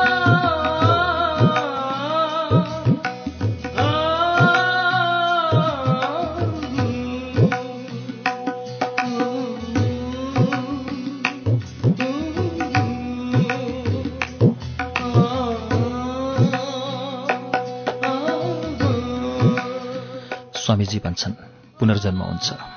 तर म यस्तो कुरा महसुस गर्न सक्दिनँ। तैपनि शास्त्रमा लेखेको छ भनेपछि पत्याउन कर लाग्छ। पत्याउँछु। कहिले त यी शास्त्रहरू पनि कस्तो निरङ्कुश भए जस्तो लाग्छ। जबरजस्ती आफ्नो कुरा मान्न बाध्य गराउँछन् मान्छेलाई। बकिँदै अनेक थोक सोध्छु। यो जन्मको योजना आफूले बनाउन नपाए पनि अर्को जन्मको योजना बनाउन थाल्छु। मिठा मिठा सपना बुन्न थाल्छु। यो जन्म जस्तो भए पनि अर्को जन्म यस्तो हुने छैन।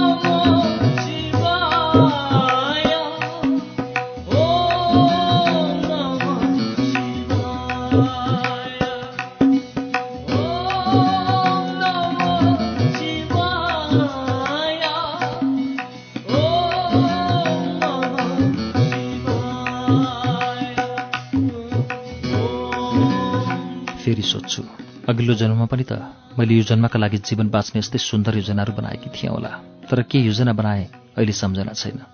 यसै जन्ममा आफू जन्मिएको डेढ वर्षसम्म आमाको दुध चुसेको आफ्नै बाल्यकाल त सम्झना छैन भने अघिल्लो जन्मको कुरा कसरी सम्झिनु? म पनि कति होस्छु अर्को जन्मको योजना बनाउने कि मैले अघिल्लो जन्ममा यही र यस्तै जीवन बाँच्ने योजना बनाएकी थिएँ होला त्यतिखेर? समय यति धेरै गतिशील छ कि आजलाई हेरेर भोलिका योजना बनायो तर भोलि नै त्यो योजनाले काम गर्दैन। यदि पुनर्जन्म रहेछ भने पनि कसरी त्यति पहिलेको योजनाले काम गर्ला र?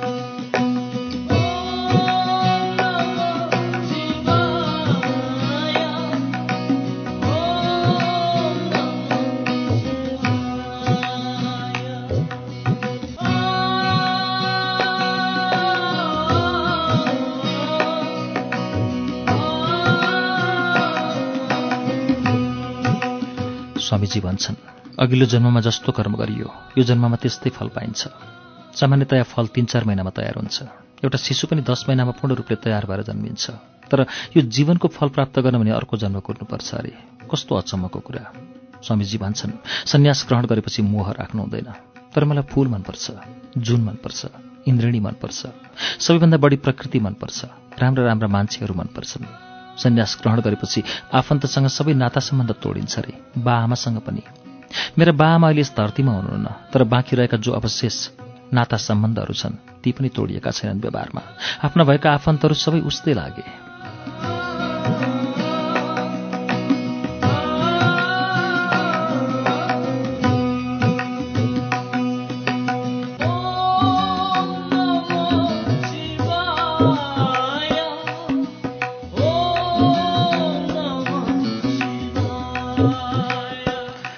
शरीर कमजोर र बुढो हुँदै गएर होला। आफन्तहरूको आड भरोसा पहिलेभन्दा अझ बढी चाहिने भएको छ। तनलाई पनि मनलाई पनि। भोक निद्रा थकाइ सबै उस्तै छन् तरकारी काट्दा काट्दै चोरौँलाको टुप्पो पनि अलिकति काट्यो चुलेसिए थोरै रगत बग्यो। रगतको रङ पनि उस्तै छ रातो। मेरा आँसु हाँसो दुःख सुखहरू पनि सबै उस्तै छन् कुटी उही हो उस्तै छ म पनि उस्तै र उही। म हिँड्ने बाटो। मेरो परिवेश सबै उस्तै। भर्खर सन्यासी भएर जन्मिएकी बुढी माई म। सबै सबै कुरामा उस्तै छु। केवल वस्त्र मात्र सेतोबाट पहेँलो भएको छ। अरू सबै उस्तै छ। मेरो दैनिकी रहन सहन आनी बानी मेरो बुढो शरीर मेरो पेट र मनभित्रका सबै सबै कुराहरू उस्तै।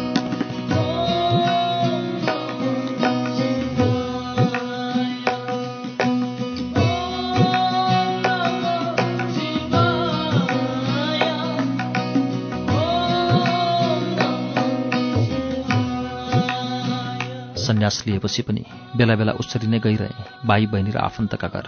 भएका नाता सम्बन्ध व्यावहारिक रूपमा कतै तोडिएनन्।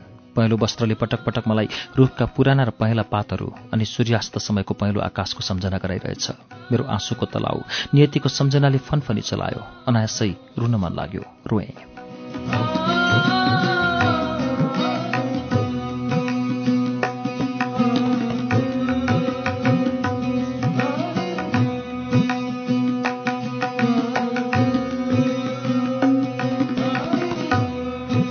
आफ्ना दुःखहरू पग्लेर आउने उस्तै आँसु उसरी नै सधैँ बग्ने आफ्नै अनुहारमा उमेरले बनाएका खोल्सा खोल्सै बग्दै गए। बादल रुँदा धरती हराभरा हुन्छ तर म रुँदा मेरो जीवनको खेतमा झन खडेरी पर्छ। पाहुना चाहिँ मनमा विभिन्न कुरा आए। साधु सन्यासीसँग झन रिसाउने पो हुन् कि भगवान्? किनभने उसले भगवान्का लागि फुल पनि टिप्न हुँदैन। प्रसादका रूपमा फलफुल पनि टिप्न हुँदैन। मेरो इष्टदेवता कृष्ण के कृष्णलाई मनपर्छ त सन्यास्त भएको? सन्यस्तहरूका इष्टदेवता त शिव अरे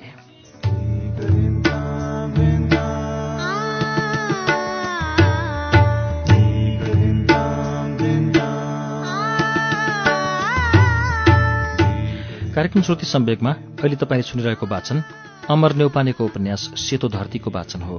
यसको बाँकी अंश केही बेरमा वाचन हुनेछ। उज्यालो सुन्दै गर्नुहोला।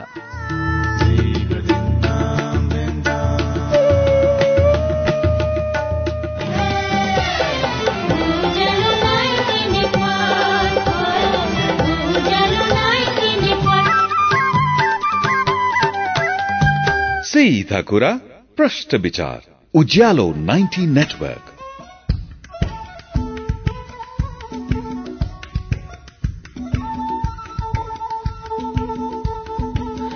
कार्यक्रम श्रुति सम्वेकमा फेरि स्वागत छ। तपाईँ अहिले उज्यालो नाइन्टी नेटवर्क काठमाडौँसँगै देशभरिका विभिन्न एफएम स्टेशनहरूबाट एकैसाथ कार्यक्रम श्रुति सम्वेक सुन्दै हुनुहुन्छ। श्रुति सम्वेकमा हामी अमर नेौपानेको उपन्यास सेतो धरतीको वाचन सुनाइरहेका छौं। अब यसको बाँकी अंश वाचन सुनौ।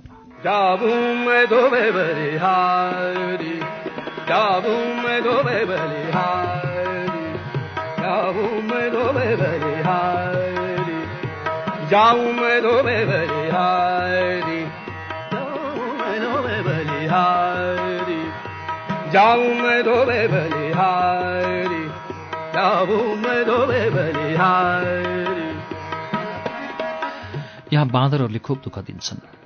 बाँदरहरू पनि सोच्दा हुन्। मानिसहरू हामीलाई खुब दुःख दिन्छन्। सन्न्यास्त भए पनि दिनचर्या उस्तै छ पेट उस्तै छ। नियम उल्लङ्घन गरेर भए पनि कुटी अगाडि तरकारी लगाएकी छु। बाँदरले तरकारी पनि खाएर केही राख्दैनन्। तिनलाई हेर्छु। हेर्दा हेर्दै लाग्छ हामी सन्यासीको पहेँलोभन्दा पनि ती बाँदरहरूको पहेँलो बढी छ। सन्यासीहरूको जस्तो होइन फुकाल्न नमिल्ने पहेँलो। तर ती सन्यासी होइनन्। एक दिन गलेश्वर आश्रममा बहिनीको फोन आयो। दिदी तिमी चार पाँच दिन चाँडै आऊ। फागुन सत्र गते छोरीको बिहा छ। म त केही मेलोमेसो पाउँदिनँ यस्ता कुरा। तिमी साह्रै सिपालु छौ। उसलाई थाहा छ व्यावहारिक कुराहरू म बढी जान्दछु। बिहे र पूजापाठको परिपाठ मिलाउन मैले धेरै जानेकी छु। पाहुना पाछा र आफन्तको मन राख्न जानेकी छु। ती सांसारिक जीवन बाँचेका भन्दा म बढी व्यावहारिक भइरहेछु। यो कस्तो सन्यास्त हो?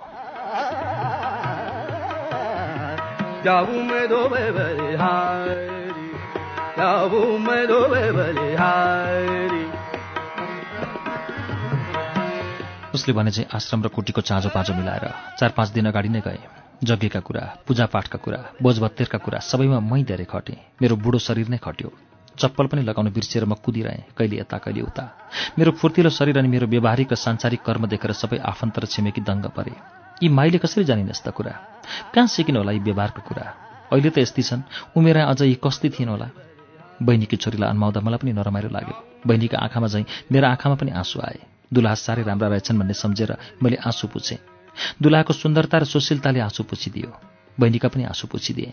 ती छोरीका दुलहा कति राम्रा धेरै पढेका रहेछन्। जागिर पनि ठुलै खाएका। फरसिला मैले भने तपाईँहरू दुवैजना एकपल्ट देवहाट जसरी पनि आउनुहोला। तिनले हाँसेर भने हुन्छ आमा यिनले ल्याइहाल्छन् नि अब। बहिनीका लोग्नेले भने दिदी नआम्नु भएको भए हामी त लठबत्रै हुने रहेछौँ। जाऊं मैं धोबे बलिहारी तूने मेरो मन गरली जाऊं मैं धोबे बलिहारी जाऊं मैं धोबे बलिहारी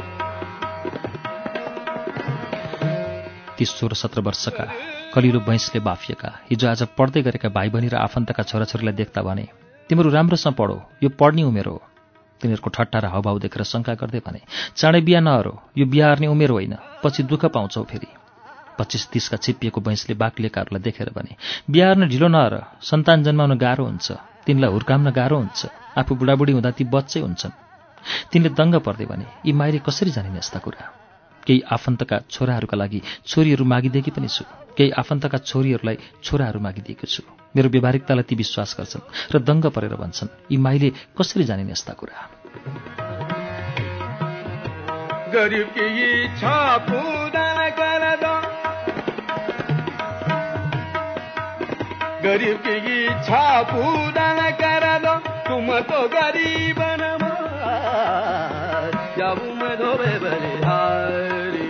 पहिले पहिले पनि भाइ बहिनीका घर जाँदा तिनका छोराछोरी मसँग साह्रै जामिन्थे लाग्थ्यो तिनका आमा बाबुलाई भन्दा तिनले मलाई नजिकको आफन्त ठानेका छन्।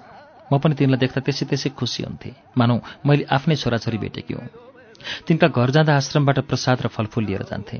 ती सबै खुसी हुँदै हारालुच गर्दै खान्थे। सुदामाले लिएर गएको कनिका कृष्णले खाए जस्तै म त्यसै त्यसै धन्य हुन्थेँ। अब यी ठुला भए तर पनि मसँग टाढा भएका छैनन्। अब यिनका छोराछोरी भने मसँग जामिन पाउँदैनन्। आधुनिक समयले तिनलाई कहाँ कहाँ पुर्याउला? पुरानो समयले थिचिएकी मलाई कहाँ पुर्याउला? मैले आफूलाई बुढी भएको महसुस गरेँ। गरीब की इच्छा पूरा कर दो तुम तो गरीब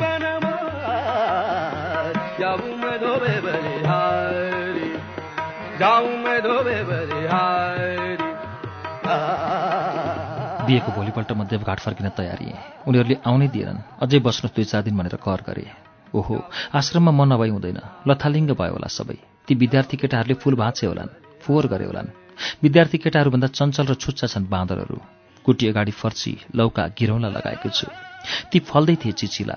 बाँदरले सबै खायो होलान्। चिप्ले भिन्डी र कटहर मात्र हो बाँदरले नखाने भनेको। अरू त केही देख्नै हुँदैन। झन् पशुपतिका र गुहेश्वरीका बाँदर पनि ल्याएर छोडिदिएपछि त के चाहियो र? त्यहाँका बाँदर त झन् छट्टु पो रहेछन्। कुटीका ती साना झ्याल खोलेर भित्र पनि पस्न बेर लाउँदैनन् बाँदरहरू। स्वामीजी र गुरुहरूले के भने होलान्? यतिका दिनसम्म म नहुँदा। साथीहरूले के भने होलान्? कहिले त स्वामीजीले रिसाएर भन्छन् आफन्त कहाँ जानै मरि हत्या गर्ने भए किन सन्यास लियो त? घरजम गरेर बस्या भए हुन्थ्यो नि नरकमा डुब्या भए हुन्थ्यो नि? एक्लै डराएँ लौ न नि यतिका दिन भयो। स्वामीजीले अब के भन्छन् होला?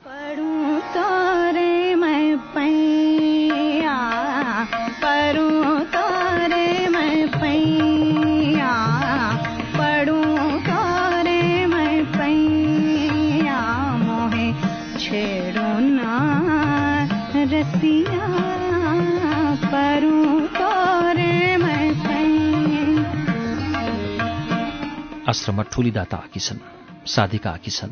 उनले त स्वामीजीले भन्दा पनि राम्रो प्रवचन अर्छिन् गाउन र नाच्न पनि सिपालु बजाउन नि त्यत्तिकै सिपालु। तिनले गाएको सुनेर स्वामीजी भन्छन् फेरि गाउँ गाउँ अघिको भजन।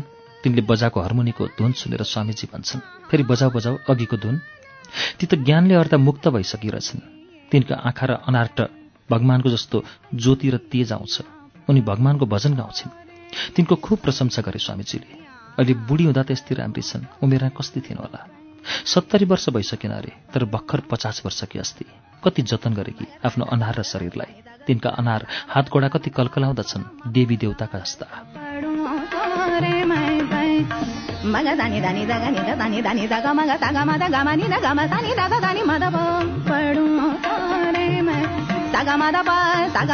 पढौँ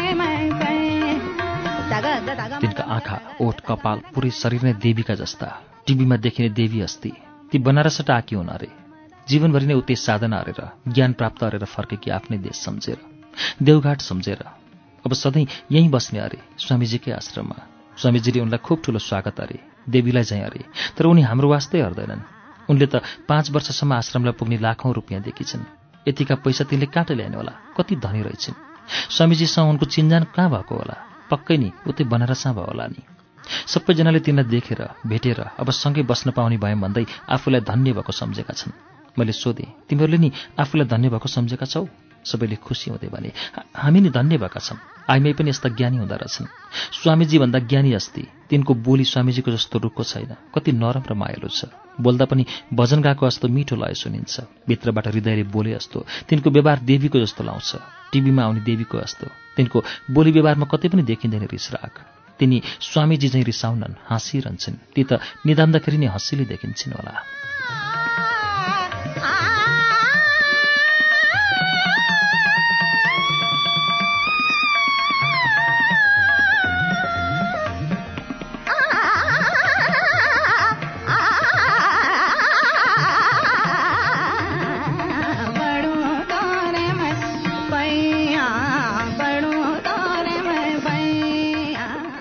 बहिनीका घरमा पाँच सात दिन बसेर फर्किँदा शारदा सीता पद्मा यमुना गङ्गाहरूले यस्ता कुरा सुनाए। ओहो कहिलेका त पाँच सात दिनमा पनि यस्तो ठुलो परिवर्तन हुँदो रहेछ देवघाटमा। मैले सोधेँ उनको नाम के हो अरे? यमुनाले भनिन् गङ्गेश्वरी साधीका गङ्गेश्वरी। तिनलाई कतिखेर भेटौँ देखौँ र बोलौँ भयो। आजलाई साँझ परिहाल्यो। तिनी आफ्नो नित्य कर्ममा लागिनु होला। अब भोलि बिहान भेट्छु भनेर आफैलाई बुझाएँ।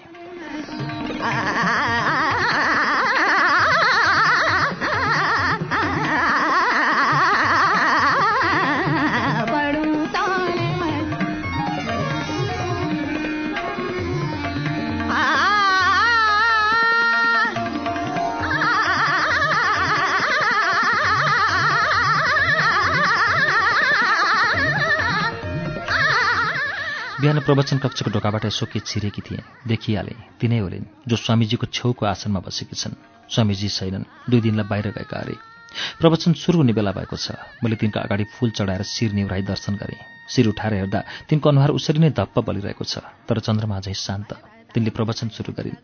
साँच्चै तिनको आवाजको शैली उनको ज्ञानको आयतन विषयवस्तुको प्रस्तुति विचित्र लाग्यो। स्वामीजीको भन्दा कति धेरै राम्रो? स्वामीजीले बोल्दा यति धेरै हार्दिक र आत्मिक अनुभव कहिले भएको थिएन मलाई? साथीहरूले ठिक भनेका रहेछन्।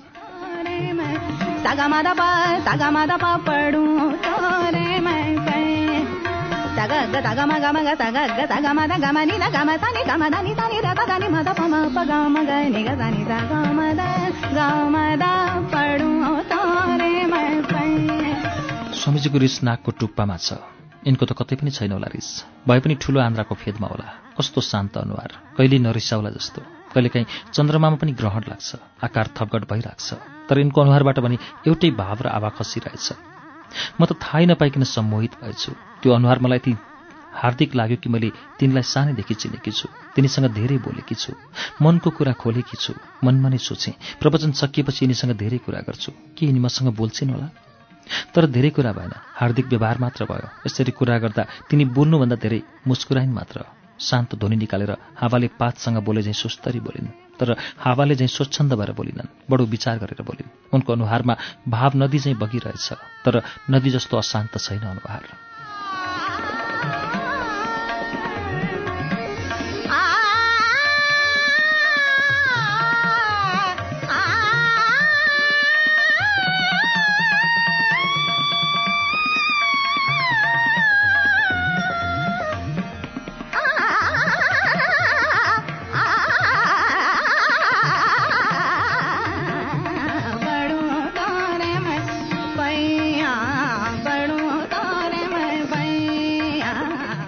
बित्दै जाँदा कसो कसो तिनीसँग म बढी नै आत्मीय र नजिक हुँदै गएँ। उनी पनि मसँग नजिक भइन्।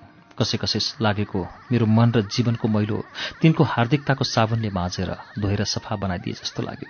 तिनी सबैभन्दा बढी नजिक मसँग किन भइरहेकी छन् हँ यसरी एक दिन साँझ तिनी मेरो कोटीमा आइन्। प्रेमपूर्वक मेरो छेउमा बसिन्। यति ठुली साधीका गङ्गेश्वरी जो मेरो कुटीमा मैले बस्ने गरेकै मैलो आसनमा मसँग बसेकी छन्। म धन्य पाएँ आफ्नो जीवनका असङ्ख्य सुस्केराहरूलाई हुरी बनाएर उडाउन खोजेँ मैले। आफ्नै मनको आँगनमा उहिलेदेखि जमेर बसेका फोहोर र कसिङ्गरहरू उनले मेरो बारेमा सोधिन्। मैले भने त्यही जिन्दगी बिर्सन त यहाँ आकी म। बिर्सियौ त। म केही बोलिनँ। झन् सम्झेर पुरानो जीवन मनै भरिएर आयो। भनिन् बिर्सेको भए त झन् राम्रो। तर सम्झेकी छौ भने म सुन्न चाहन्छु। साह्रै नजिकको ठानेर मात्र सोधेकी हुँ। यति प्रेमपूर्वक सोधेपछि मैले सबै कुरा बताएँ। मैले आँधी हुरी चले चाहिँ आफ्ना कुरा सुनाएँ तर उनले रुखले चाहिँ होइन पहाडले चाहिँ चुपचाप मेरा कुरा सुनिन्। मेरा कुराले उनको जीवनको पात हलिएन तर उनी पहाडको मूल चाहिँ रसाइन्। उनले भने आफ्नो बारेमा केही बताएनन्। मैले धेरै कर गरेर सोधिरहने आँट पनि गर्न सकिनँ।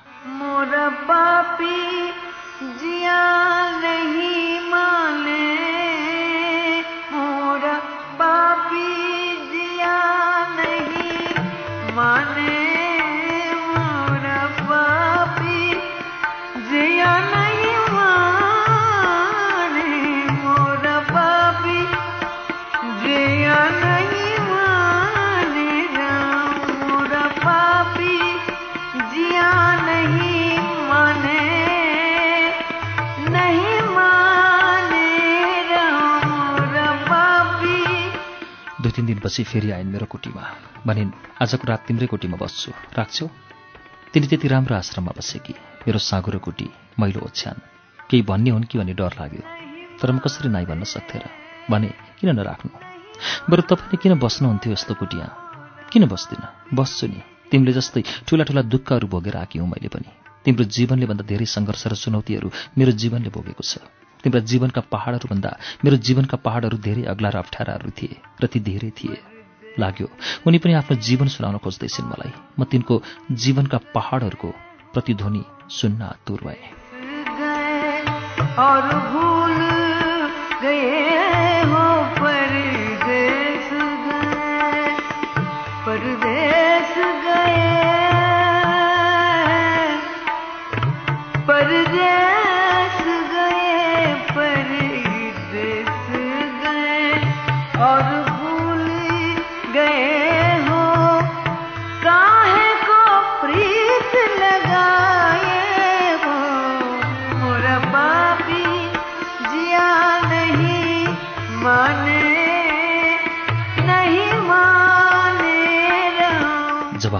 खाना खाएर ओछ्यानमा बस्यौँ।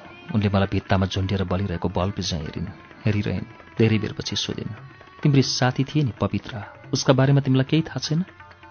मैले टाउको हल्लाएर भने युवक साधुको टोलीमा मिसिएर जब उनी गइन् त्यसपछि कहिल्यै गाम फर्केर आइनन् विभिन्न हल्ला मात्र आए।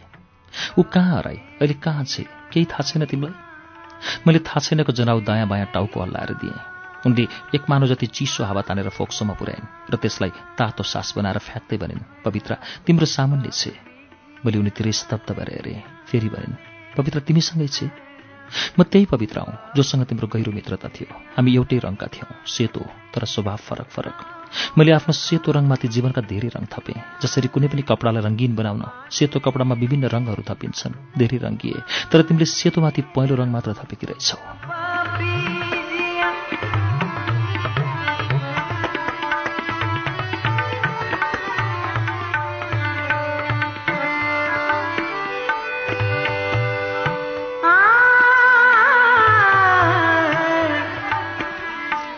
झनै स्तब्ध भएँ। जीवन त चक्रिय बाटो पो रहेछ। धरतीको पानी आकाशमा पुगेर फेरि धरतीमै झरे जस्तो लाग्यो। झन्डै छ दशकपछि पवित्रलाई यसरी अचानक आफ्नो अगाडि देख्न पाउँदा उनी आकाशबाट झरे जस्तै लाग्यो। यस्तो पनि हुँदो रहेछ भयो। देखेपछि बोलेपछि लागेको त थियो कतै चिने चिने जस्तो गहिरो र पुरानो मित्रता जस्तो। तर मेरो बुढो दिमागले त्यति चलाकीपूर्वक गङ्गेश्वरीलाई पवित्रालाई हुन् भन्ने अनुमान गर्न सकेन। सोधेँ तिमी पवित्राबाट कसरी गङ्गेश्वरी भयो त हँ?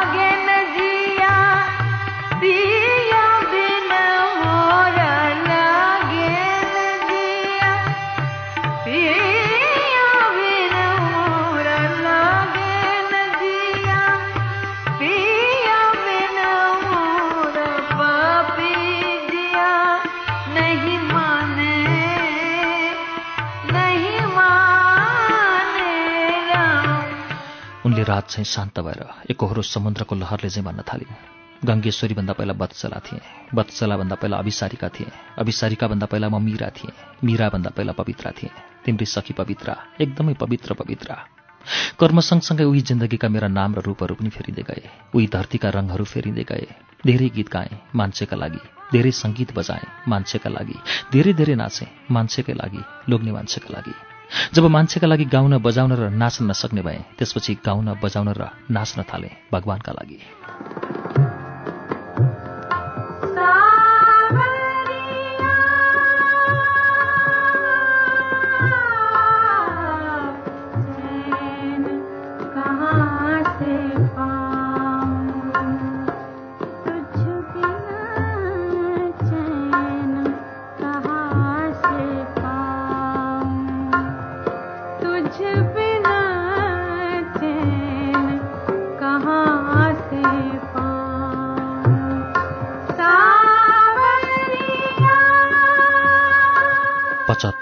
पचहत्तर वर्ष भनेको थोरै र हामी दुवै जीवनका अन्तिम दिनहरू बनिरहेछौँ तर हामी आफ्नो इच्छा अनुसार एकदमै चाँडै पनि गर्न सक्दैनौँ। एकदम ढिलो पनि गर्न सक्दैनौँ।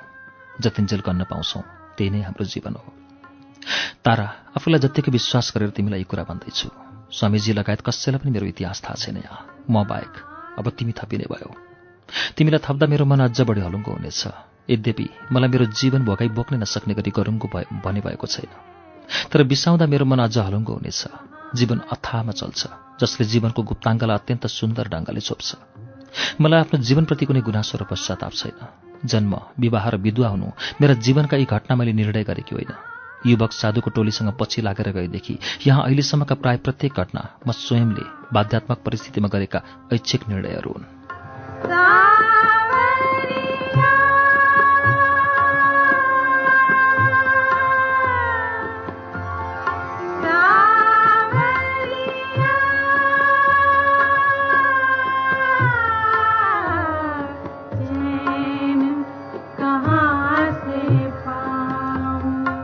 मेरो नियन्त्रणमा छैन र मृत्यु पनि। ती दुई भयानक डरलाग्दा र स्वीकार्नै पर्ने कुराले मान्छेहरूको रमझमबाट म भगवानको वचनमा आइपुगेँ। जब मैले पर क्षितिजमा घाम उदाए चाहिँ कालो भयानक अदृश्य पिण्ड पनि उदाएको देखेँ जोसँग उज्यालो छैन। त्यही हो मृत्यु जो मलाई लिन आइरहेछ भन्ने लाग्यो। मेरो मृत्यु त्यो बिरानो प्रदेशमा नहोस् भनेर म यहाँ आएँ। सात महिना अगाडि मङ्सिरमा पनि यहाँ आएकी थिएँ यी स्वामीजीसँग। एक दिन मात्र बसेर फर्केँ त्यति बेला। जाँदा यहाँ बस्ने निर्णय र बन्दोबस्त मिलाएर गएँ।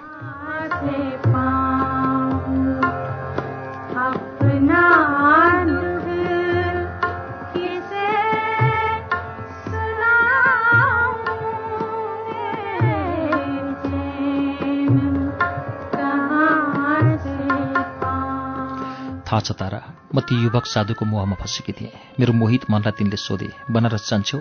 कसरी जाम? तिमी उहाँ आश्रममा सेवा गरेर बस्छौली म त हजुरको सेवा गरेर बस्ने हुँ। म त ब्रह्मचारी हुँ।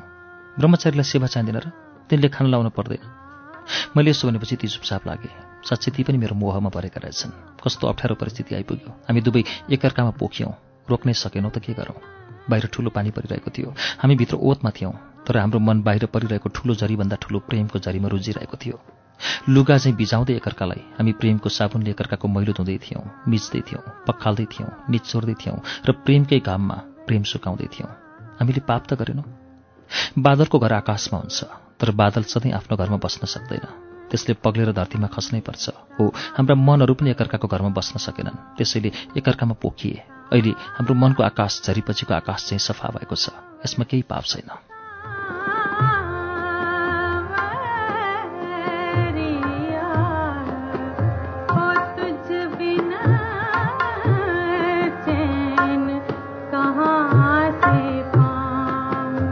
उनले त्यसो भनेपछि म ढुक्क भएँ।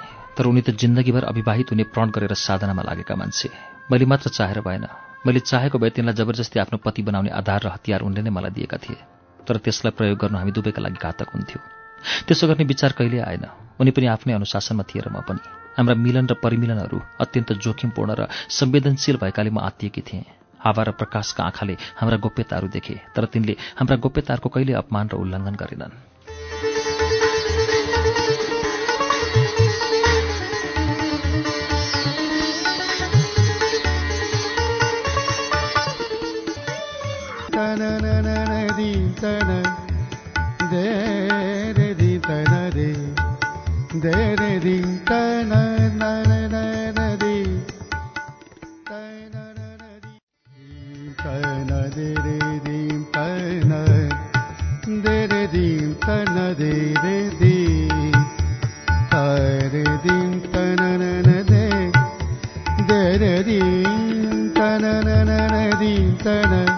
अब सेतो धरतीको सत्रौं श्रृङ्खलामा पृष्ठ तीन सय सत्ताइसबाट।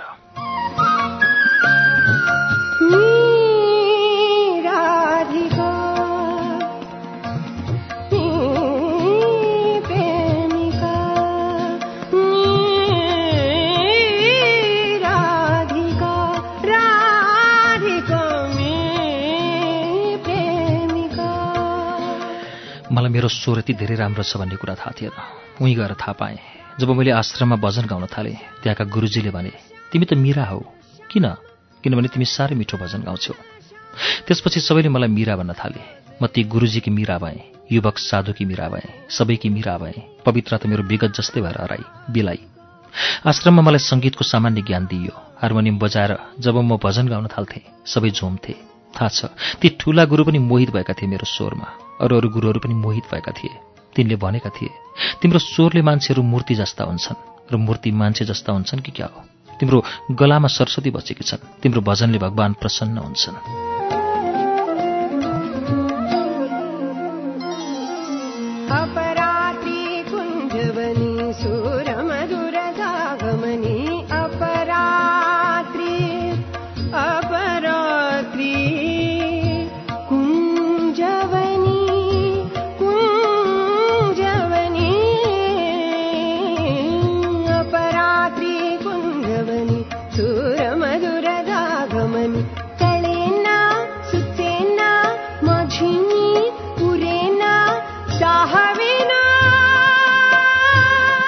भगवान त थाहा भएन तर मानिसहरू भने प्रसन्न भएका थिए। भगवान नै प्रसन्न भएको भए पनि के भयो? म प्रसन्न थिइनँ किनभने मलाई गीत मन पर्न थालिसकेको थियो भजन होइन। मलाई थाहा भयो तिनका वेदान्तमा मात्र होइन मेरा गलामा पनि शक्ति रहेछ म भित्र पनि अरूलाई मोहित बनाउने क्षमता रहेछ। त्यसपछि म भित्र आकाङ्क्षाहरू उम्रिन हुर्किन बढ्न फुल्न र फल्न थाले जब एक दिन बजारतिर निस्केँ त्यहाँ धेरै पसल थिए। ती पसलहरूमा विभिन्न रङ्गीन लुगा देखेँ। ती मलाई लगाउन मन लाग्यो। श्रृङ्गारका विभिन्न प्रसाधनहरू देखेँ। ती मलाई प्रयोग गर्न मन लाग्यो। कहिलेकाहीँ आश्रमबाट यसरी बजारतिर निस्किँदा मलाई लाग्यो संसार बाहिर छ जुन धेरै ठुलो छ। आकाशमा माथि उडिरहेका चराहरू हेर्दै सोच्थेँ संसार कति ठुलो छ भन्ने कुरा। यी चराहरूलाई थाहा छ। आकाशबाट चराहरूले मानिसलाई कति सानो र होचे देखे होलान्। कल्पना त कसले रोक्न सक्थ्यो र मलाई? तिमीलाई त थाहा छ नि पहिलेदेखि नै म एकदमै काल्पनिक स्वभावकी केटी थिएँ। कल्पनामा रमाएर आनन्द लिने।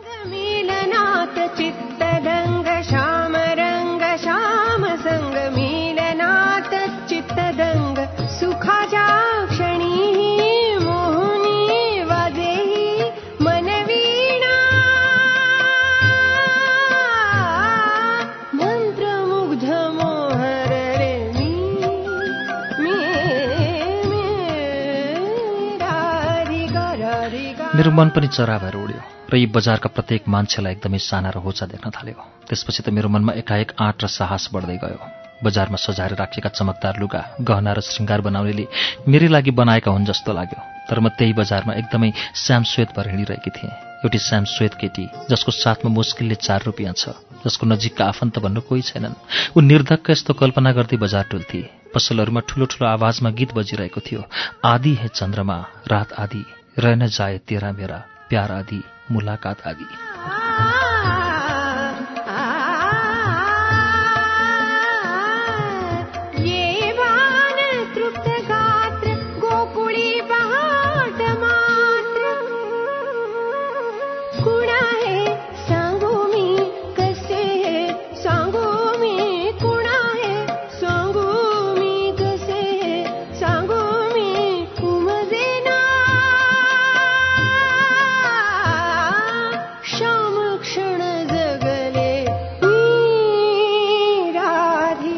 जब मैले बाहिर यस्ता रसिक प्रेमपूर्ण गीत सुने मलाई भजन गाउन मन लागेन। मलाई पनि त्यस्तै गीत गाउन मन लाग्यो। ती फेन्सी स्टोरहरूमा सजाएर राखिएका चमकदार लुगा र श्रृङ्गारले सजिएर प्रेमका श्रृङ्गारिक गीत गाउन मन लाग्यो। ती गीतमा नाच्न मन लाग्यो तर साँझ आश्रममा म उसरी नै फर्किएँ जसरी गाएकी थिएँ। केवल मेरो मनले मात्र सिँगारिएर गायो नाच्यो आश्रममा काम गर्दा थाहै नपाई गाएछु आदि हे चन्द्रमा। गुरुले सुनेर आपकाए आश्रममा यस्तो गीत गाउँछन्? यो त भजन गाउने ठाउँ हो। यस्ता गीत त रन्डीहरूले मात्र गाउँछन्।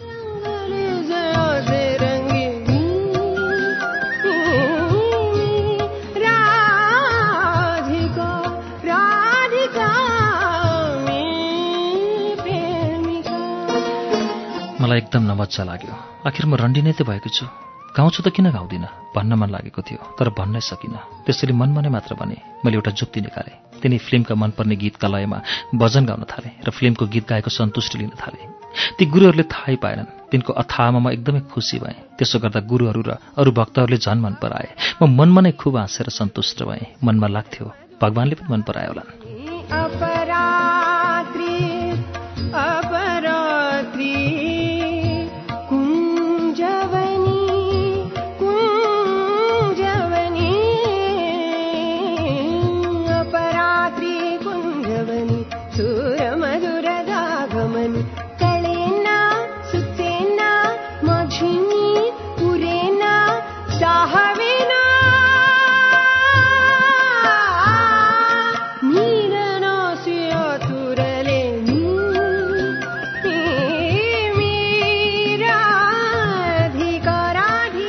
सेतै सारी र चोलोमा भए पनि मैले आफूलाई खुब सजाएकी थिएँ। पहेँलो पछ्यौराले शिर ढाकेर बाहिर निस्केँ। यसको अरू केही कारण थिएन। ती बजारका पसलहरूमा रसिक गीतहरू बजेका हुन्थे। मैले थाहा पाएँ ती गीतहरू फिल्मका हुन्। ती गीत सुन्न म त्यत्तिकै पनि बाहिर बजारतिर जान्थेँ। कसैलाई पर्खिरहेको बाहना गरेर ती गीत सुन्थेँ। त्यति बेला लोग्ने मान्छेहरूका कम्तीमा एक सय जोर आँखाले मलाई ताकिरहेका हुन्थे। ती लोग्ने मान्छेहरू यो युवतीले मलाई नै पर्खिरहेकी हो कि चाहिँ हेर्थे? यदि मेरो शरीरमा सादा र सेता लुगा नभएको भए तिनीहरूले सोझे आएर मेरो पाखुरा समाएर भन्ने थिए। जाने हो। मोरे बाके झलिया मोरे बाके झलिया रे बाके।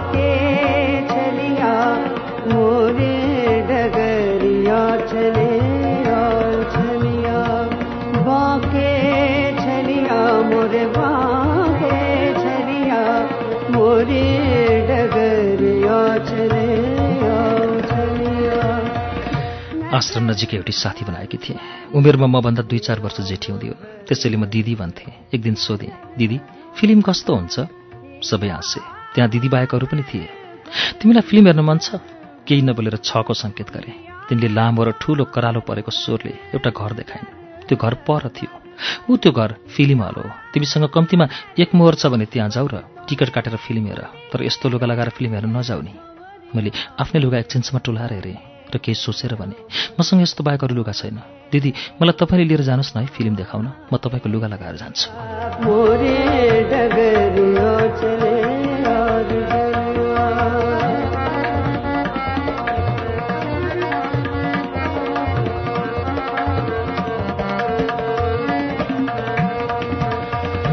तिनले मलाई अचम्म मानेर हेरिन्। केही बोलिनन्। ती नेपाली दिदी भएर मात्र यति अनुरोध गर्न सकेकी थिएँ। मेरो कुरा मन परेन कि भनेर थपेँ। बरु हामी दुवैलाई टिकट किन्न पुग्ने पैसाको व्यवस्था म गर्छु। ती दिदीको नाम थियो शरीफा। शरीफा दिदीले मलाई फिल्म देखाउन लागिन्। पहिलोपटक फिल्म हेर्दा त म यति डुबेछु कि म त्यहाँबाट कहिले उत्रिन सक्दिनँ जस्तो लागेको थियो। बिस बाइस दिनपछि फेरि डुब्नेछु भनेर आफ्नै मनलाई विश्वस्त पारेपछि मात्र उत्रिन सकेँ। उत्रिएपछि झन् डुब्न मन लाग्यो। किनभने उत्रिएपछि नै थाहा हुँदो रहेछ डुब्नुको मजा। डुब्ने र उत्रिने उत्रिने र डुब्ने क्रम चलिरह्यो। बाकी है बदिया चकोरी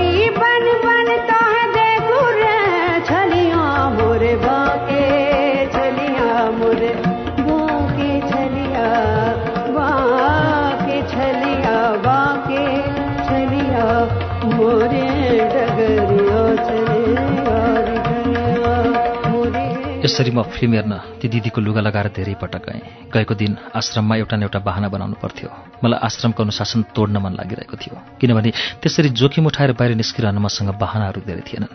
एकपटक गुरुले म फिल्म हेर्न गएको शङ्का गरेँ तर मैले होइन भनेर कम्तीमा बिस पटक भने।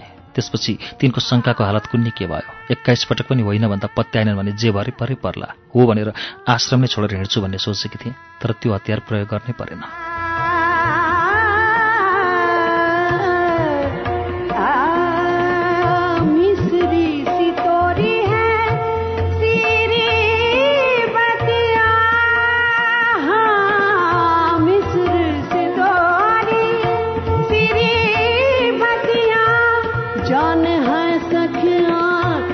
जरे मोरी सखिया। जान है सखिया। जरे मोसे सखिया। अंजुरी भर भर पियो रे छलिया मोरे बाके छलिया मोरे बाके छलिया। मोरे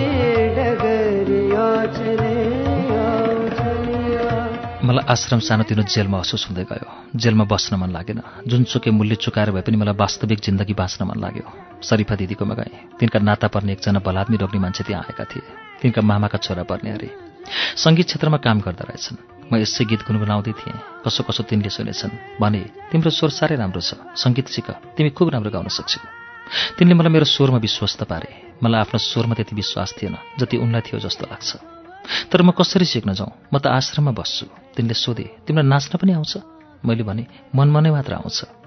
तिमीले हिँड्दा नै नाचे जस्तो देखिन्छ। त्यसैले तिमी नाच्न पनि सक्छौ। खुब राम्रो नाच्न सक्छौ।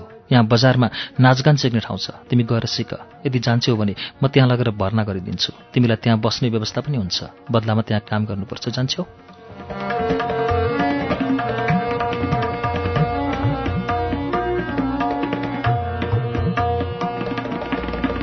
अखियाँ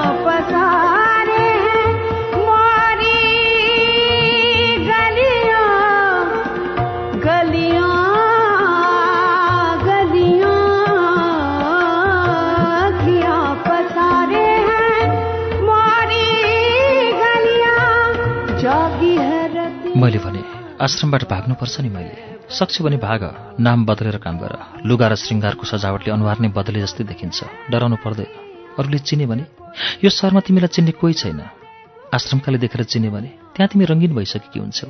देखे पनि उनीहरूले रङ्गीन संसार चिन्दैनन् किनभने उनीहरूको जीवनमा एउटा मात्र रङ हुन्छ। त्यसैले उनीहरू संसारलाई एउटा रङले मात्र देख्छन्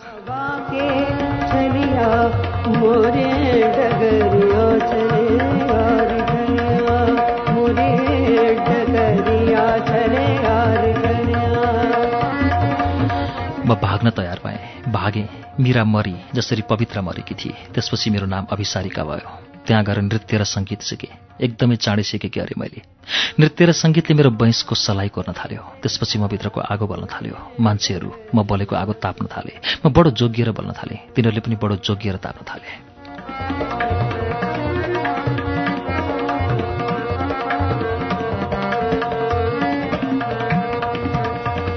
मेरा आकाङ्क्षाहरू अझ बढ्दै गए। मेरो रूप त्यति राम्रो छ भन्ने मलाई थाहै थिएन। जब मान्छेहरू मेरो रूप यौवन शरीर स्वर र नृत्यमा लट्ठ पर्न थाले तब म भित्र अझ आत्मबल बढ्दै गयो। मलाई मन पराउनेहरू झन् बढ्दै गए। मान्छेहरू मलाई कस्तो रूपमा मन पराउँछन् भन्ने कुरामा मैले पटक्कै ध्यान दिइनँ। तिमी देवी हौ। त्यसो भए पूजा गर। फुल प्रसाद र प्रशस्त भेटी चढाऊ। अनि ठट्टाको शैलीमा नखरा पार्दै थप्थे तर बलि चाहिँ नचढाऊ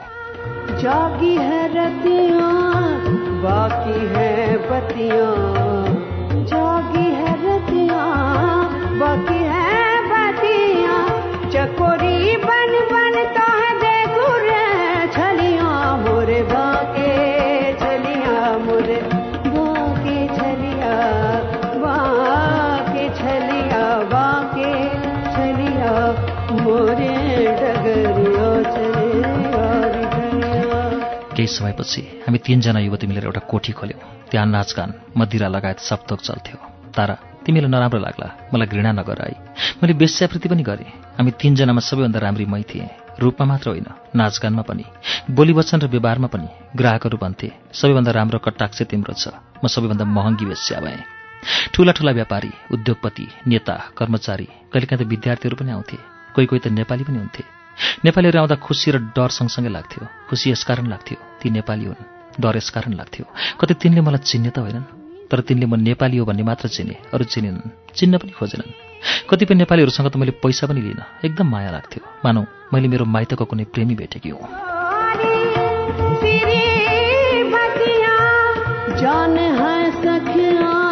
जरे मोरी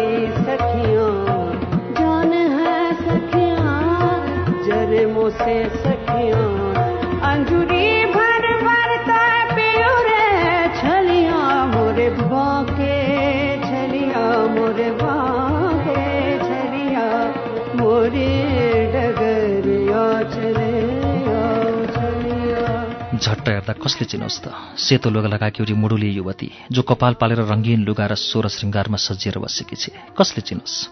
तर मैले जो पाएँ त्यही मानिससँग सम्बन्ध राखिनँ। धेरै विचार गरेर तौलिएर मात्र मैले आफूलाई बेचेँ। यसै पनि रित्तिएर जाने बैंस बेचेँ। सकेसम्म म त्यस्ता मान्छेलाई छान्थेँ जोसँग उसले तिरेको मूल्य सम्झेर एक रात बिताउन गाह्रो नपरोस्। तैपनि ती ग्राहकहरू एकदमै खराबदेखि असल मूर्खदेखि विद्वान सर्वहारादेखि सामन्त शिक्षकदेखि विद्यार्थी लेखकदेखि पत्रकार भर्खरका किशोरदेखि बुढासम्मका हुन्थे जस्ता पनि हुन्थे। कोही नसाका सुरमा हुन्थे कोही बेसुरमा हुन्थे जे होस् ती हुन्थे नाच्ने गाउने पिउने हाम्रो मधुशालामा हुन्थे।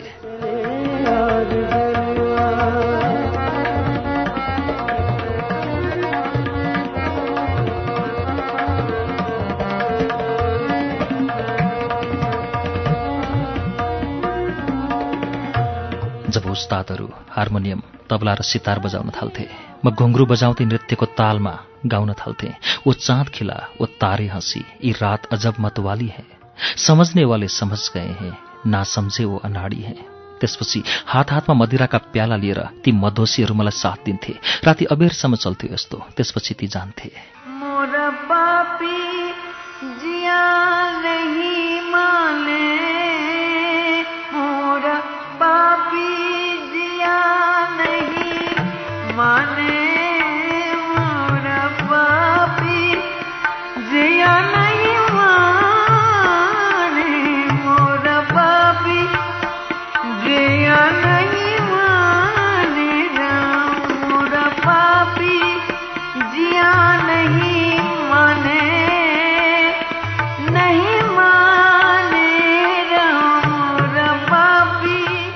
अचम्म लाग्ला तारा। एउटी बेस्याले पनि प्रेम गर्छ भन्ने सुन्दा। तर मैले जीवनमा दुईजनालाई असाध्यै प्रेम गरेँ युवक साधु र कमल शरणलाई। अझ अचम्म लाग्ला बेस्यालाई पनि कसैले प्रेम गरे भनेको सुन्दा। सबैभन्दा बढी प्रेम कमल शरणले नै गरे त्यसपछि युवक साधुले। त्यसपछि एकजना लेखक थिए भर्खरका लेखक। म जस्ती बेस्यालाई भेट्न आउँदा पनि उनी आफ्ना र अरूका केही पुस्तकहरू उपहार लिएर आउँथे। ती दिन्थे र जान्थे। ती पुस्तक पढ्ने मुड हुन्थेन वर्षौंसम्म थन्क्याएर राखेँ। पछि हेर्दा पो थाहा पाएँ ती त असाध्यै राम्रा कविता कहानी र जीवनीका पुस्तकहरू रहेछन्। तिनै पुस्तकहरूका कारण म साहित्य पढ्ने भएँ।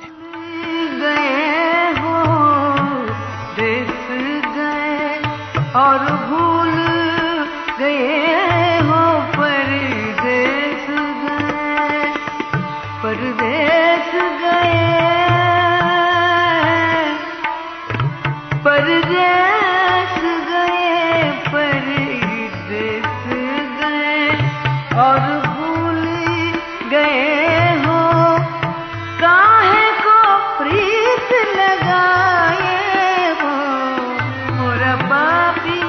धेरै पटक उनले भने म तिमीलाई प्रेम गर्छु। म हाँसिदिएँ मात्र। यो सब नाटक हो जुन भ्रमले सम्भोगका लागि अझ रोमाञ्चित बनाउँछ। त्यसैले म पनि भनिदिन्छु म पनि तिमीलाई प्रेम गर्छु। एक दिन उनले भने म तिमीलाई बिहे गर्छु। मैले सोचेँ कि उनी बढी भावुक भएर भन्दैछन् जुन भावनाको आयु धेरै हुँदैन लहरको जस्तै। कि यिनको मनस्थिति अलिक खुकुलो छ। मैले उनको तल्लो ओठमाथि दाहिने हातको चोराउन राखेर भने म बेस्या हुँ।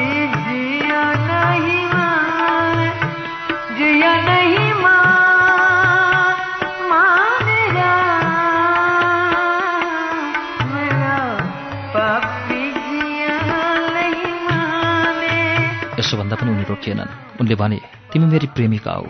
म एक रातका लागि सबैकी प्रेमिका हुँ। तर मेरी भने सधैँ सधैँका लागि प्रेमिका। सधैँ त केही कुरा पनि रहँदैन।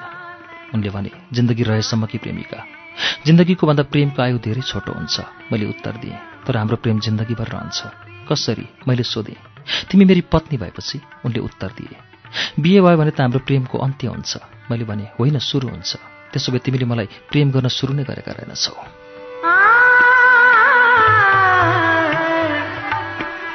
नयाँ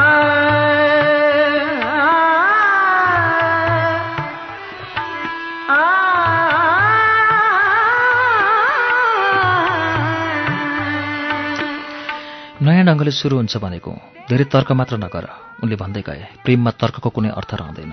म तिमीलाई पत्नी बनाएर एउटा आदर्श जीवन बाँच्न चाहन्छु। मेरो उपन्यासमा एउटा पात्र यस्तै छ जसले बेस्यालाई प्रेम गरेर बिहे गर्छ र सुखमय जीवन बिताउँछ। ती त सब कल्पनाका कुरा हुन्। यस्ता कुरा कल्पना गर्दा मिठो लाग्छ तर भोग्दा त्यत्तिकै तितो। यो हाम्रो जीवनका मसला होइनन् तिम्रो उपन्यासका मसला हुन्। साँच्चै तिमीलाई पत्नी बनाउन चाहन्छु उनले जिद्दी गरे। साँच्चै तिमीलाई पति बनाउन चाहन्न मैले उत्तर दिएँ। मैले स्वीकारेपछि तिमीलाई के को डर? तिमी मेरा प्रिय ग्राहक हौ आइराख। बस त्यसपछि मैले उनको ओठ बन्द गरिदिएँ ओठहरूले नै।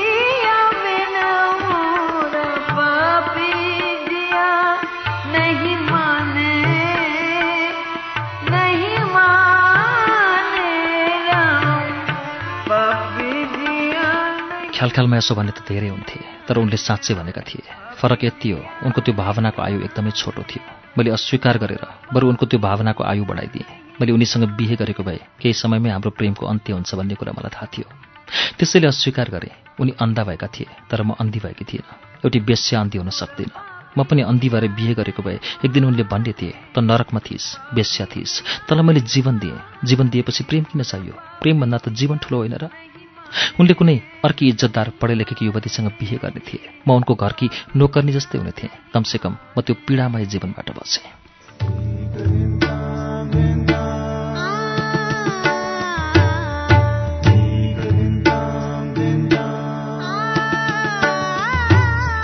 कार्यक्रम श्रुति सम्वेगमा अहिले तपाईँले सुनिरहेको वाचन अमर नेउपानेको उपन्यास सेतो धरतीको वाचन हो। यसको बाँकी अंश केही बेरमा वाचन हुनेछ। उज्यालो सुन्दै गर्नुहोला।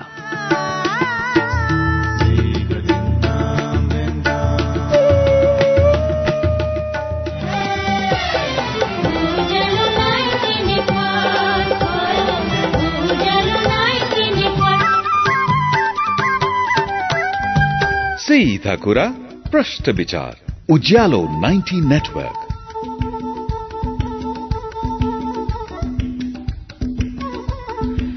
कार्यक्रम श्रुति सम्वेगमा पुनः स्वागत छ। तपाईँ अहिले उज्यालो नाइन्टी नेटवर्क काठमाडौँसँगै देशभरिका विभिन्न एफएम स्टेशनहरूबाट एकैसाथ कार्यक्रम श्रुति सम्वेग सुन्दै हुनुहुन्छ। श्रुति सम्वेगमा हामी अमर नेउपानेको उपन्यास सेतो धरतीको वाचन सुनिरहेका छौं। अब यसको बाँकी अंश वाचन सुनौ।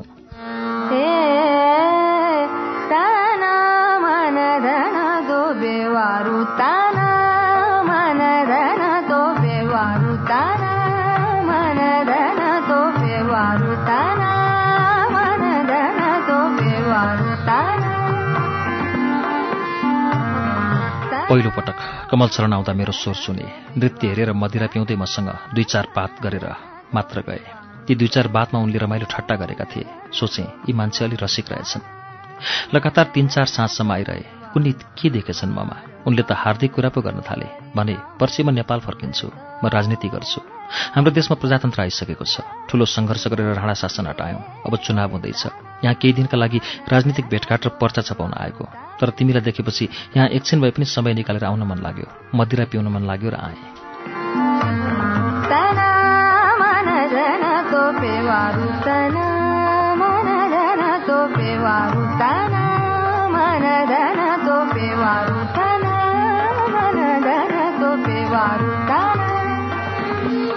भोलिपल्ट पनि आए। धेरै ज्ञानका कुरा पनि गरे प्रेमका कुरा पनि गरे प्रेमकै प्रसङ्गमा उनले भने म तिमीलाई प्रेम गर्छु। प्रेम गर्छु त धेरैले भन्थे तर कसैले गर्दैनथे। तिनलाई पनि मैले त्यही हरफमा राखेँ। मैले भने म अलि आज बिरामी छु। त्यसपछि उनले त झन् माया गर्न थाले। म बिरामी भएको थाहा पाएपछि ग्राहकले त छोडेर जान्छ र सन्चो भएपछि मात्र आउँछ। तर उनले छोडेनन्। के भएको भनेर औषधि पो किनेर ल्याइदिए।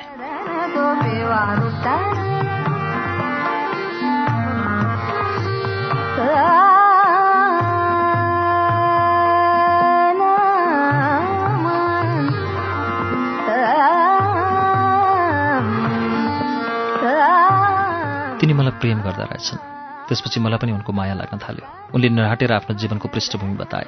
सायद उनलाई ढाँट्नुपर्ने आवश्यकता थिएन होला तर मैले आफूलाई पुरै ढाँटेर आफ्नो पृष्ठभूमि बताएँ किनभने मैले आफूलाई जोगाउनु थियो। मैले ढाँटेका कुरा पनि तब उनले पत्याए त्यसपछि झन् उनीप्रति माया बढेर आयो।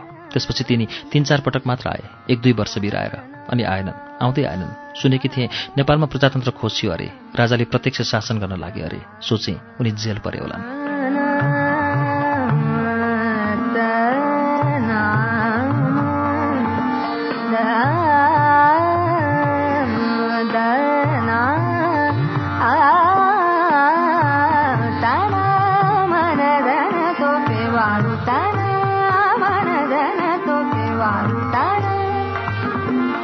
तर उनले मलाई कहिले बिहे गरौँ भनेनन्। म त एउटी बेस्या मैले त्यसो भन्ने आँटै गर्न सकिनँ। तिनले बिहे गरौँ भनेको भए मलाई नाइ भन्न धेरै गाह्रो हुने थियो। नाइ भनेको भए त्यसपछिको क्षण झन् गाह्रो हुने थियो। ती सबै अप्ठ्यारा क्षणहरूबाट म मुक्त भएँ। त्यो साह्रै सुखद पक्ष थियो। पन्ध्र वर्षसम्म मैले यो व्यवसाय गरेँ। लाखौँ कमाएँ। लाग्यो मेरो शरीरको मूल्यभन्दा धेरै सम्पत्ति कमाएँ कि क्या हो?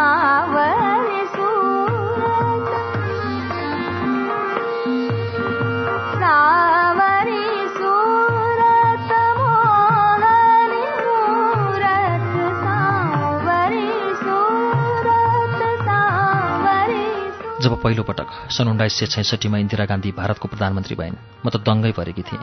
आइमाई पनि प्रधानमन्त्री हुँदा रहेछन्। अझ दङ्ग परे ती पनि विधवा हुन्। ओहो विधवा पनि प्रधानमन्त्री हुन सक्दा रहेछन्। ती त अझ हाम्रो पुस्ताभन्दा पनि अघिल्लो पुस्ताकी थिइन्। तिमी र म जस्तै विधवा। उनी प्रधानमन्त्री भएको उनकै देशमा उनी जस्तै विधवा म वेश्यावृत्ति गरिरहेकी थिएँ। म जस्ता कति थिए होलान् उनको देशमा। कति हजार या लाख थिए होलान्। के उनलाई यसबारेमा थाहा थिएन होला? सोच्थे तिनले कहिले थाहा नपाइदिने हुन्थ्यो।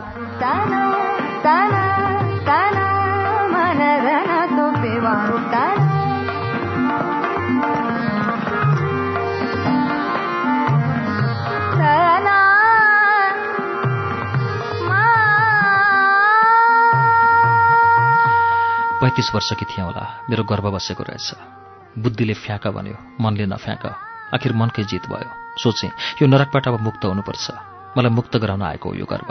गर्व बसेपछि यदि त्यसलाई जोगाउने हो भने म यो कर्मलाई निरन्तरता दिन सक्दिनँ। बच्चा भइसकेपछि म आमा बन्छु र समय सन्तानलाई दिनुपर्छ। सन्तान भइसकेपछि मसँग लोग्ने मान्छेलाई आकर्षण गर्ने पहिलेको सुन्दरता र सुगठित शरीर रहँदैन। उमेर र सन्तान यी दुई चिजले खाएको शरीर लोग्ने मान्छेहरूका लागि प्रिय र हुँदैन। त्यसैले सो त म आफ्नो त्यो कर्मबाट अवकाश प्राप्त गर्छु भन्ने सोचेँ।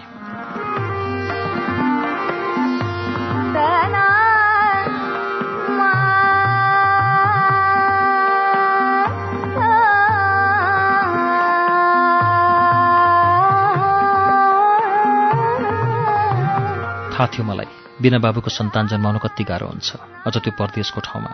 आखिर त्यो र योमा एउटा रोज्नु नै थियो सन्तान रोजे। किनकिन मलाई आमा भन्न मन लाग्यो। गर्व फ्याँकिन। मलाई त्यो पेसाबाट छुटाउन नै गर्व बसेको जस्तो लाग्यो। इन्दिरा गान्धी प्रधानमन्त्री भएको एक वर्षपछि मैले पेसा छोडेँ। म अभिसारिकाबाट बत्सला बने। पवित्रा र मीरा चाहिँ अभिसारिका पनि मरी।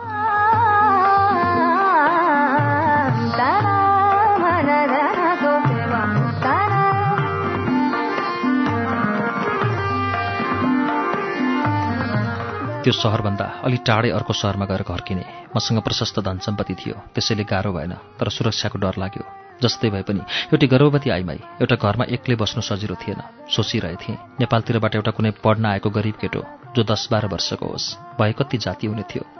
उसलाई म छोराको स्थानमा राखेर पाल्ने थिएँ। उसलाई हार्दिक र आर्थिक दुवै कुराको कमी हुन दिने थिएन। राम्रो पाठशालामा पढाउने थिएँ। वरिपरिका छिमेकीहरूलाई पनि भने नभन्दै केही दिनमा एउटा दस वर्ष जतिको केटो फेला पर्यो। ऊ एउटी छिमेकीको घरमा काम मात्र गर्दो रहेछ नोकर भएर जसलाई आश्रय चाहिएको थियो। मैले उसलाई मेरै घरमा सहयोगीका रूपमा राखेँ। उसले मलाई सहयोग र सुरक्षा दुवै दियो। बदलामा मैले आश्रय दिएँ। हामी दुवै खुसी भयौँ।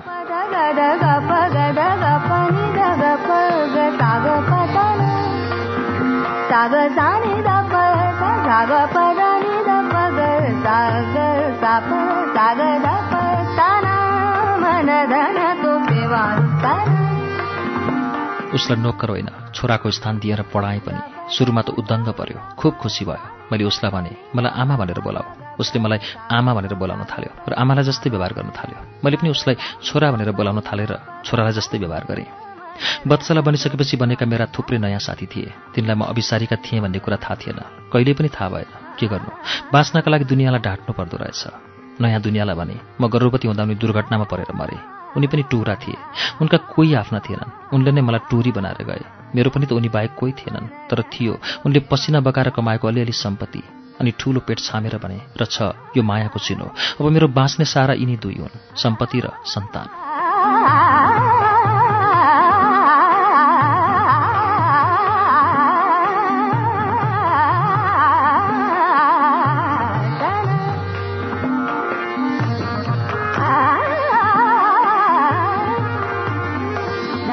छोरी जन्मी म आमा भएँ पूर्ण रूपले आमा अत्यन्त मर्यादित आमा। सायद म जसरी पूर्ण रूपले आमा अत्यन्त थोरै आइमाईहरू मात्र हुन सक्छन् होला। किनभने म कसैकी पत्नी बुहारी जस्ता अनेकौँ सम्बन्धहरूसँग सम्बन्ध नगाँसी आमा भएकी थिएँ।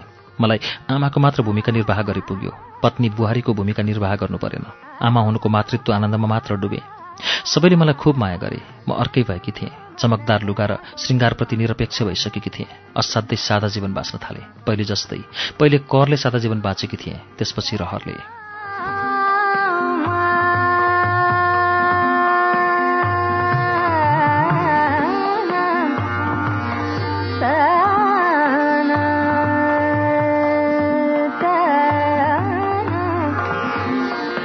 टोल छिमेका मेरै उमेरका आइमाईहरू जो आफ्नो परिवारसँग छन् ती बडो सिँगारिएर हिँड्थे तर उनीहरू मेरो सादापन देखेर प्रभावित हुन्थे। तिनका लोग्नेहरू अझ प्रभावित हुन्थे।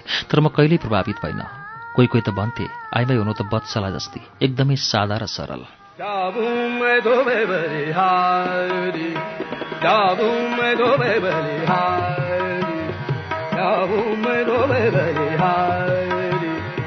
जाऊं मैं मैं धोबे बलिहारी जाऊं धोबे बलिहारी जाऊं मैं धोबे बलिहारी ती मेरा सङ्गीहरू भन्थे आमा पत्नी र बुहारी सँगसँगै हुनुपर्दाको पीडा मध्यरात भएको छ। एकातिरबाट दुधे बालक बोकले व्याकुल भएर देब्रे स्तन चुसिरहेको हुन्छ।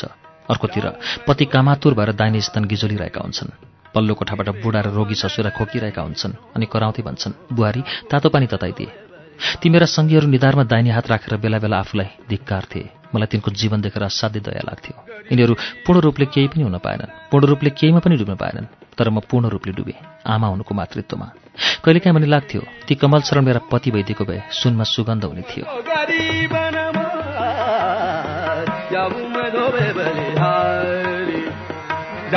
धोबे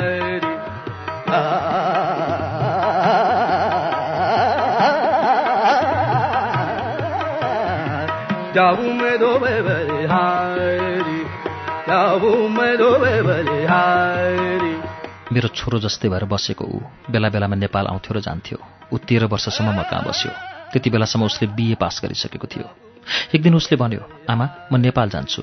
बा आमा बुढाबुढी हुनुहुन्छ। अब मेरो बिहे पनि उतै हुँदैछ। मैले उसलाई आँसुले विदाई गर्दै भने यो घर तिम्रो लागि सधैँ खुला छ। म पनि तिम्री आमा हुँ। म पनि बुढी हुँदै गएकी छु। तिमीलाई रोक्न सक्दिनँ म। तर बेला बेला आफ्नै आमा र बहिनीलाई भेट्न आऊ ऊ आयो तर त्यसपछि त्यति धेरै भेट्न आएन। तिन चार पटक आयो होला। ऊ आफ्नै सांसारिक जीवनमा नेपालतिर रमाउन थाल्यो। मेरी छोरी पनि हुर्किसकेकी थिए। मलाई खासै समस्या परेन।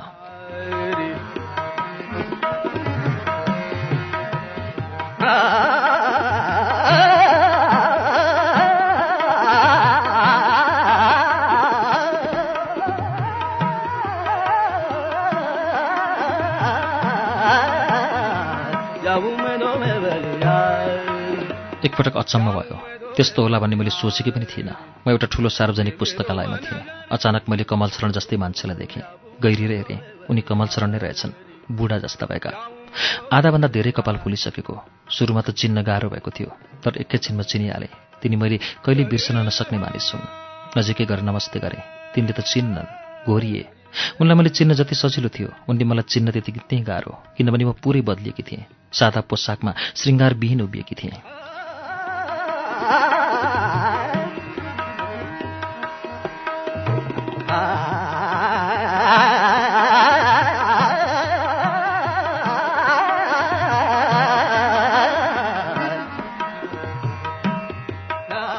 धेरै बेर कोरिए तर अझै चिनेनन् मलाई असाध्य अप्ठ्यारो पर्यो। म आफूलाई को भनेर चिनाऊ पुरै शरीर निर्वस्त्र देखेको मान्छेले अनुहार मात्र देख्दा चिनेनन्।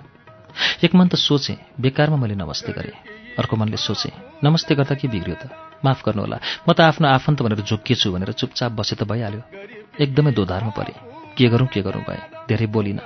नमस्ते बाहेक दुई तिन वाक्य भन्दा। अलि बेर बोलेकी भए चिन्थे कि कुन्नी? अर्को मनले भनेकै कुरा भनेर म एउटा कुर्सीमा बसेर पढ्न थालेँ। ती पनि अर्को कुर्सीमा गएर पढ्न थालेँ। उनले बेला बेला मतिर पुलु पुलु हेरेको म थाहा पाउँदै थिएँ तर व्यवस्था गरे जस्तो गरेँ।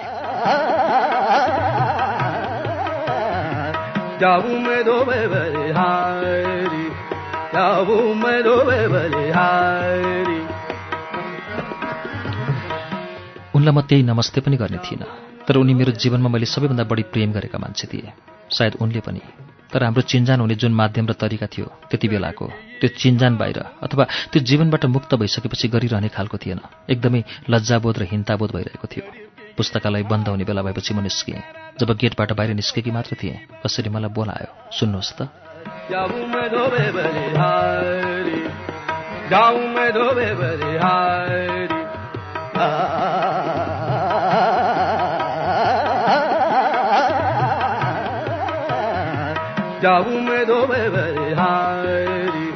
मैले पछि फर्केर हेरेँ। उनी कमल शरण ती हाँसे पचास वर्षे हाँसो पनि बालकले हाँसे जस्तो निश्चल मैले तपाईँलाई चिनेँ नि। को हुँ त? मलाई भन्नु त। मैले भने तपाईँ अभिसारीका होइन? मलाई पनि उनले जस्तै ठट्टा गर्न मन लाग्यो। होइन नि म त बत्सला हुँ। अब अल्मलिने पालो उनको थियो। खुब अल्मलिए त्यसपछि थोरै हाँसेर भने माफ गर्नुहोला म पनि झुकिएछु। बराबर भयो। ती त फर्केर जान लागे। गए। अलिकति परकी पुगेका थिए। मैले त मनै थाम्न सकिनँ। बोलाएँ सुन्नुहोस् त।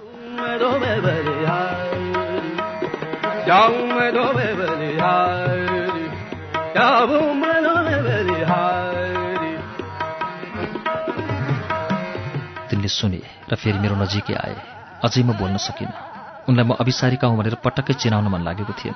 चिनाउने अरू उपाय पनि त थिएन। मेरो माइतीघरको प्रिय मान्छेसँग भाग्यले भएको भेटलाई जानी जानी म किन अभाग्यमा परिणत गरौँ? मलाई थाहा छ चिनाएपछि उनले मलाई कुनै पनि हालतमा घृणा गर्ने छैनन् बदलामा माया माया गर्नेछन्। मैले दृढ स्वरमा भने हो म अभिसारिका नै हुँ। मेरो जीवनमा हजारौँ भेटहरू भयो होलान् विभिन्न मान्छेहरूसँग। जीवनभरिकै सबैभन्दा सुन्दर भेट नै त्यही थियो।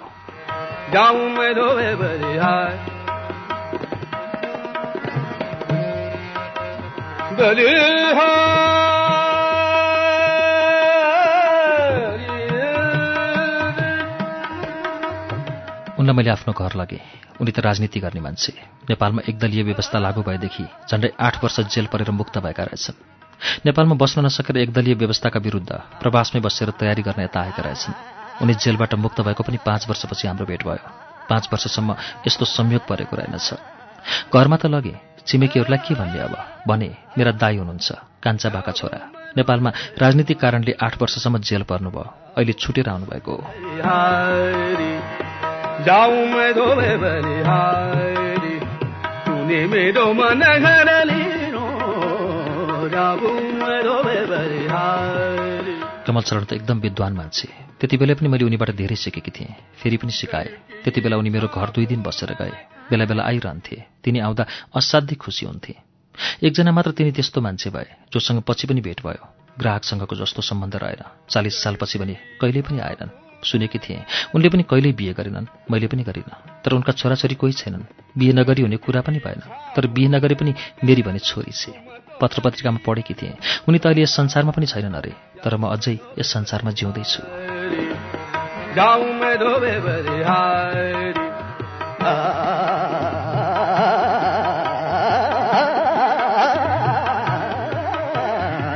जाऊ मैले आफ्नो दिनचर्या सजिलो बनाउन आध्यात्मिक पुस्तकहरू पढ्न थालेँ दर्शन र साहित्य खुब पढ्न थालेँ विभिन्न विद्वानहरूको सङ्गत गर्न थालेँ। जसरी म वेश्यावृत्ति गर्दा सम्पत्तिबाट सन्तुष्ट थिएँ त्यसरी नै पुस्तकहरूको अध्ययनबाट पनि म हार्दिक र बौद्धिक रूपमा सन्तुष्ट हुँदै जाएँ। जति जति पुस्तक पढ्दै गएँ मलाई एउटा अनौठो कुराको महसुस हुँदै गयो। मैले सबैभन्दा धेरै पुस्तक त्यति बेला पढेकी रहेछु जति बेला म वेश्यावृत्ति गर्थेँ। तर यो कुराको एक्या त्यतिखेर कहिले पनि राखिनँ।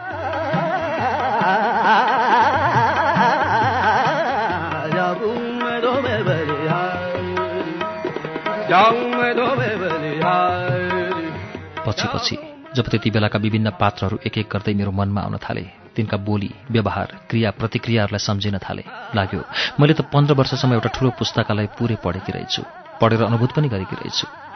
त्यति बेलै मलाई जीवनको एउटा महत्त्वपूर्ण कुराको अनुभव भयो जुन कुरा अहिलेसम्म पनि मेरो मुटुको धड्कनसँगै धड्किरहन्छ। त्यो कुरा हो म त्यति राम्री नभएको भए सायद युवक साधुले मलाई लैजाने थिएनन् लगिहाले पनि म त्यही आश्रममै बुढी हुने थिएँ।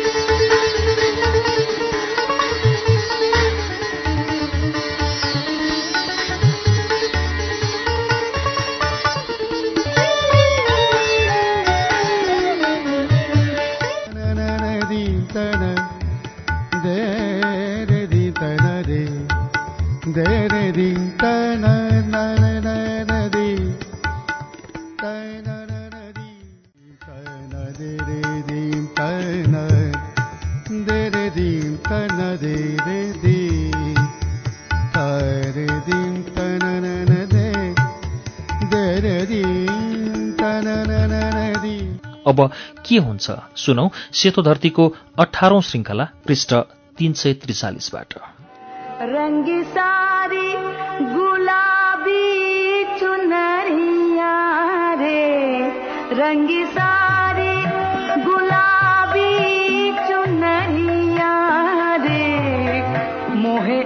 मारे नजरिया मोहे मारे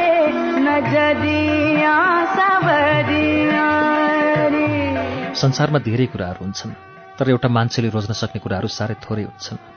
म अस्वतन्त्रताभित्र स्वतन्त्र जीवन बाँचेकी आइमाई स्वतन्त्रताको कुरा सुनाउँदा भारतसँग जोडेर म थप एउटा कुरा सुनाउँछु। बनारस पुगेको तीन वर्षपछि मात्र थाहा पाएँ भारत त स्वतन्त्र भइसकेको पनि सात वर्ष भइसकेको रहेछ। तर मलाई भारत अङ्ग्रेजको उपनिवेशमा छ भन्ने पनि थाहा थिएन।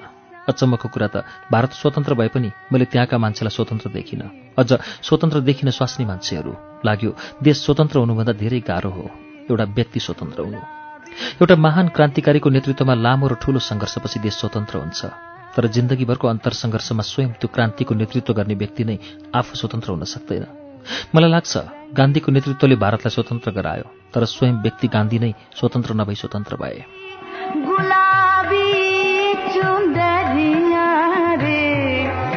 मोहे मारे नजरिया सबरिया लाग्यो मान्छे स्वतन्त्र हुनै सक्दैन। ऊ आफ्नै जीवनको अस्वतन्त्रता भोग्न मात्र स्वतन्त्र छ। प्रत्येक निर्णयहरू बाध्यात्मक हुन्छन्। मेरा जीवनका प्रत्येक निर्णय अत्यन्त बाध्यात्मक थिए तिम्रो जस्तै तारा। केही निर्णयहरू अत्यन्त क्रूर र भयानक हुन्छन्। केही निर्णयहरू अत्यन्त कोमल र हार्दिक पनि। तर हार्दिक बनिएका निर्णयहरूबाट पनि एक दिन हृदय पग्लिएर जान्छ। हिमालबाट हिउँ पग्लिए चाहिँ र बाँकी रहन्छन् सुक्खा मरुभूमि पहाड जस्ता निर्णयहरू मात्र। सास पनि हामी आफ्नो इच्छाअनुसार फेर्न पाउँदैनौँ। मनमा आनन्द भएको बेला मात्र आनन्दले सास फेरिरहेका हुन्छौँ। त्यही बेला जीवनमा घटनाले तनाव भयो भने या आफूसँग जोडिएका कुनै दुःखद कुरा सुन्नु पर्यो भने मन एक्कासी खलबलिन्छ। सिरसिरे बतास जसरी चलेको सास एक्कासी हुरी भइदिन्छ। आफ्नै सासले आफैलाई उडाइदिन्छ कि जस्तो लाग्छ। थाहा छ तारा एक दिन हामीलाई आफ्नै सासले उडाएर लैजान्छ। क्षितिजमा।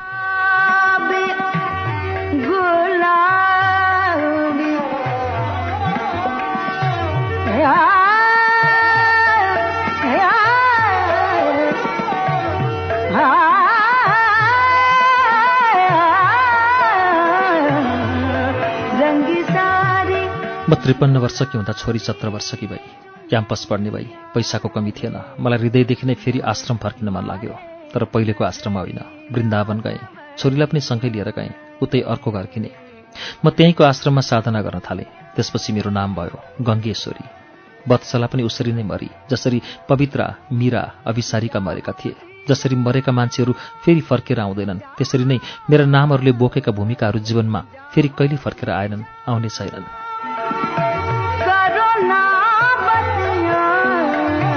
सुरुमा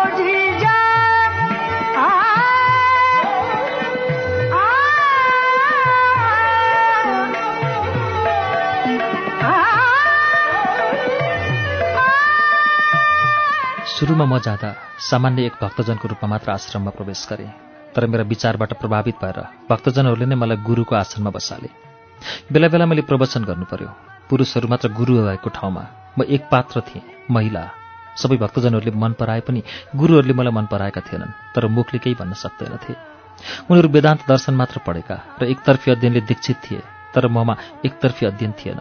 म सकेसम्म सबै धर्म दर्शनका विचारलाई पनि उत्तिकै समान रूपले सम्मान गर्थे। त्यस सम्बन्धी अध्ययन पनि गरेकी थिएँ। थप कुरा जीवन र साहित्यलाई पनि नजिकबाट छामेकी थिएँ। त्यसरी जीवनलाई हेर्ने दृष्टिकोण एकतर्फी थिएन। भक्तजनहरूलाई मेरा आयामिक कुराहरू बढी मन परे तर गुरुहरूलाई मन परेनन्।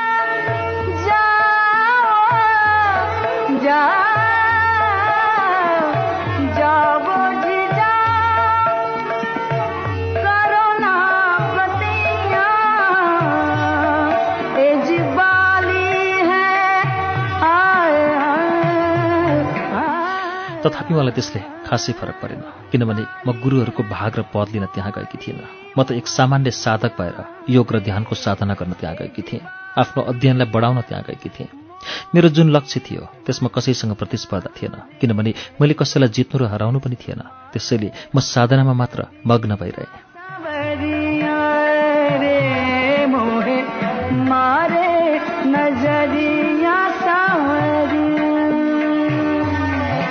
जब म सत्तरी वर्षकी भएँ अब धेरै बाँच्दिनँ भन्ने लाग्यो।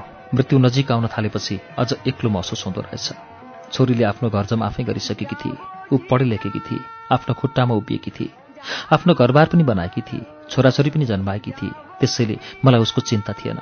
मैले सोचेँ अब म नेपाल फर्किनुपर्छ। तर कहाँ जाने कहाँ बस्ने यस कुराले मलाई चिन्तित बनायो। यहाँका शिवानन्द स्वामीजी वृन्दावन आएका बेला मैले आफ्ना सबै कुरा राखेँ। उनले भने देवघाट हिँड्नुहोस् न त।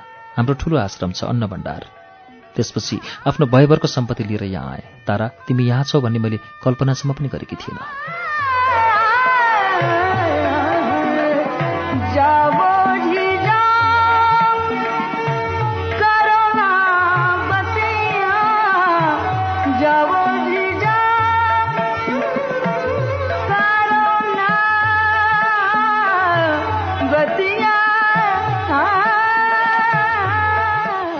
जीवनलाई यसरी भोगेर आउँदा मैले धेरै थोक भोगेँ जस्तो लाग्छ। धेरै थोक भोगिन जस्तो पनि लाग्छ। धेरै थोक पाए जस्तो पनि लाग्छ। तर पाएका थोकहरूलाई जोगाएर राख्न सकिँदो रहेनछ उमेर जस्तै। पाएका सबै थोक गुमिसक्दै जिन्दगी नै गुम्ने दिन पनि अब त नजिकै आए जस्तो लाग्छ। अहिले म जीवनसँग सन्तुष्ट छु। अहिले आफू रित्तो छु। उमेरले दिएर आफूसँग भएका सबै कुरालाई रित्याएँ। रित्याएँ पनि के भनौँ? रित्तियो। भाग भोगेर रित्तियो। त्यसैले म तृप्त छु। मेरो मन सेतो कागज जस्तो भएको छ अहिले। खाली काम क्रोध लोभ मोह केहीले पनि छुँदैन। लाग्छ यही नै मेरो मोक्ष हो। अनुभव र भोगाइले म संसारकै ठूलो पुस्तक मध्येको एक कहानीको पुस्तक भए जस्तो लाग्छ।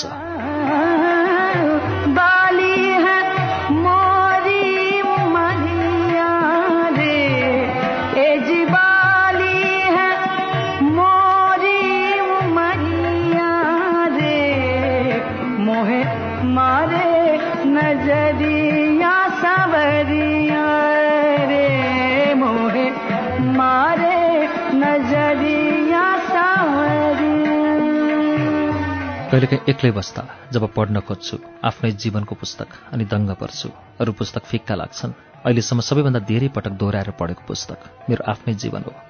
यति धेरै पटक त मैले गीता पनि पढेकी छैन। थाहा छ तारा मैले यसरी जीवनलाई भोग्न नपाएको भए यसरी तृप्त हुन नपाएको भए मैले मोक्ष प्राप्त गर्ने थिइनँ। थाहा पायो तारा म कसरी पवित्रबाट गङ्गेश्वरी भएँ?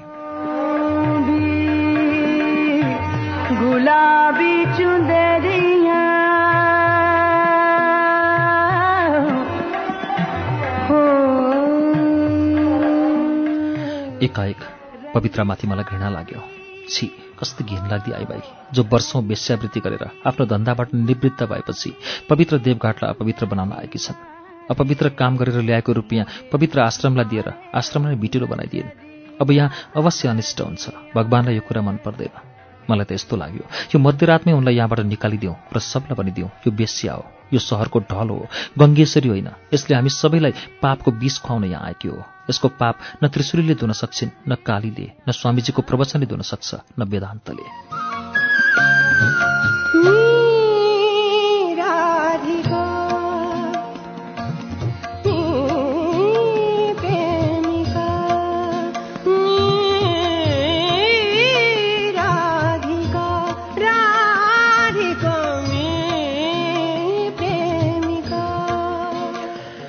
अध्यारो छ। बाहिर जुन लागिरहेछ जुनको उज्यालो झ्यालबाट थोरै छिरेको छ। त्यस्तो मधुर उज्यालोमा हामी एकअर्काको अनुहार देखिरहेका छैनौँ। नत्र उनले मेरो अनुहार देख्ने थिइन् र थाहा पाउने थिइन् म उनलाई कति घृणा गरिरहेकी छु। उनीप्रतिको घृणाले मेरो चाउरिएको अनुहार अझ चाउरिएको देख्ने थिइन्। जब उनले छोटकरीमा आफ्नो कथा सुनाइन् त्यसपछि मसँग सोध्ने कुनै प्रश्न थिएनन्। सोध्नु भनेको कुनै गन्ध नालीलाई चलाउनु जस्तै हो भन्ने लाग्यो। म उनीप्रतिको घृणाले यसरी खुम्चिएकी थिएँ कि म एकदम सुक्खा र बाँझो भएँ। प्रश्नहरू जन्मिएनन्। केवल जन्मियो घृणा मात्र तिनको अपवित्र बेस्या शरीर र अनुहारभरि सक्ने भए तीन पाती थुक थुक्न मन लाग्यो तर मेरो मुख ओभाइरहेछ। योभन्दा राम्रो त गाउँमै जोसुकैसँग होस् बरु पहिला गएर जीवन चलाएको भए हुन्थ्यो छोराछोरी पाएको भए हुन्थ्यो। लोकनाथकी छोरी मेनुका बाल विधवा हो डोलेसँग त्यो पनि सौतामाथि पहिला गएर पाएकी ती छोराछोरी पवित्रभन्दा कति धेरै पवित्र देखेँ मेनुकालाई।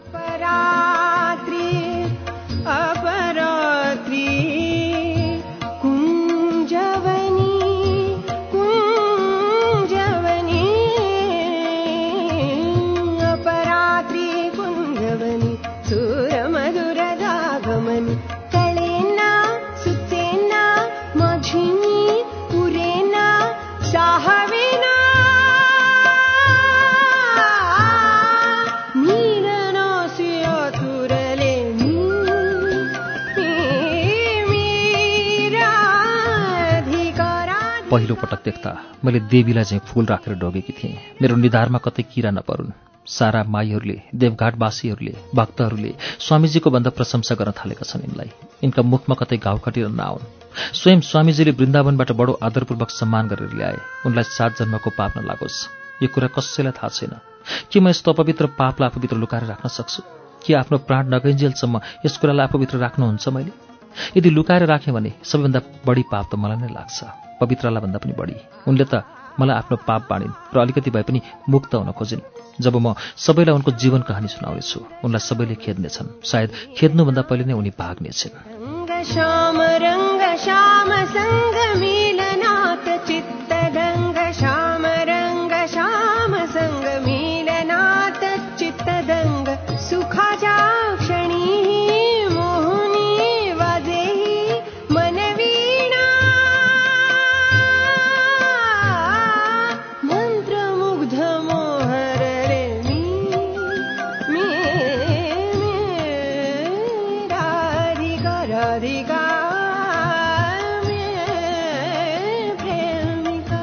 दुवै चुपचाप छौँ। बोलेका छैनौँ। जिन्दगीमा यस्तो विस्मयकारी तरिकाले मेरो हृदय वेदन कहिल्यै भएको थिएन। गाउँमा पनि पवित्राको रूप देख्दा लाग्थ्यो। एकदम मायावी रूप बोली व्यवहार सबै मायावी। त्यही मायावी रूप प्रयोग गरेर उनले आफ्नो जिन्दगी बिताइन्। पुरुषको स्पर्शसँग सधैँ डराइरहे भागिरहे म। सधैँ शोक वस्त्र जस्तो लुगा लगाएर सधैँ मुडुलो टाउको लिएर श्रृङ्गारविहीन जीवन बिताउँदा त कतै पापमा फसे कि भन्ने डर लागिरह्यो। एकपटक कपाल पालेर कालो डोरी लगाउँदा पनि नियतिले रोक्यो। त्यसपछि फेरि मुडिए। जीवनभरि सधैँ मुडिरहे। अभिराम भगवानको नाम जप गरिरहे। कहिल्यै कुनै एक पुरुष रोजेर घरजम गर्ने आँट गर्न सकिनँ। यत्रो हिमाल जत्रो गरुङको संस्कार र लामो परम्परा तोडेर त्यसो गर्न सकिनँ। त्यस्तो परिस्थिति पनि आएन।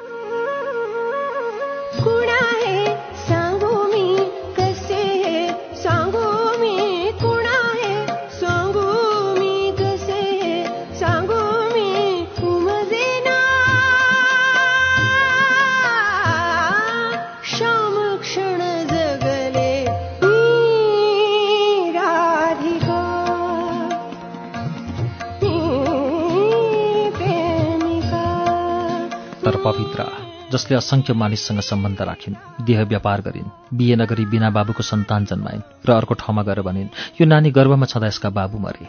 उनले त्यहाँ पनि मान्छेको माया र सहानुभूति बटुलिन् र इज्जतदार भएर बाँचिन् सारा दुनियाँलाई भ्रममा पारेर बाँचिन्। आज यहाँ पनि सबैलाई भ्रममा पारेर यहाँका सयौं बाल विधवा जो सधैँ आफ्नो मर्यादा इज्जत र संस्कारमा बसेका छन् तिनको कुनै मूल्य मान्यता छैन जो वर्षौं वेश्यावृत्ति गरेर आएन् उनको यत्रो इज्जत यत्रो मान सम्मान छ त्यो पनि ढाँटेर छलेर दुनियाँलाई भ्रममा पारेर लिएको इज्जत र मान सम्मान लाखौं रुपियाँमा किनिएको मान सम्मान के इज्जत मान मर्यादा पनि यसरी रुपियाँमा किनिने कुरा हुन्? त्यस्ता ज्ञानी भनिने स्वामीजी पनि ज्ञानी रहेनछन्। ती ज्ञानी भएको भए यिनले ढाँटे पनि तिनका ज्ञानका आँखाले सत्य देख्न सक्नु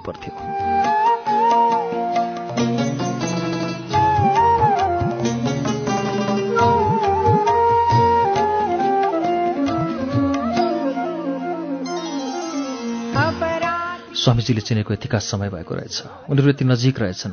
एउटै आश्रममा बस्छन्। तर स्वामीजीलाई यसबारेमा केही थाहा छैन। सत्य थाहा छैन।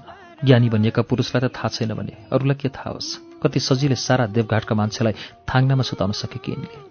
यदि उनले मलाई पनि नभनेको भए मैले पनि थाहा पाउने रहेनछु। म पनि भ्रममै हुने रहेछु। तर यति धेरै विश्वास गरेर यस्ती मायावी र चलाक आई मैले यो अवस्था र स्थानमा आएर यी सारा कुरा कसरी भन्न सके कि मलाई? नभनेको भए पनि त हुन्थ्यो। कसरी निर्वस्त्र पार्न सके कि आफ्नो जीवनलाई आफैले? कमसेकम मेरो मनमा उनीप्रति यति धेरै घृणा त उत्पन्न हुने थिएन।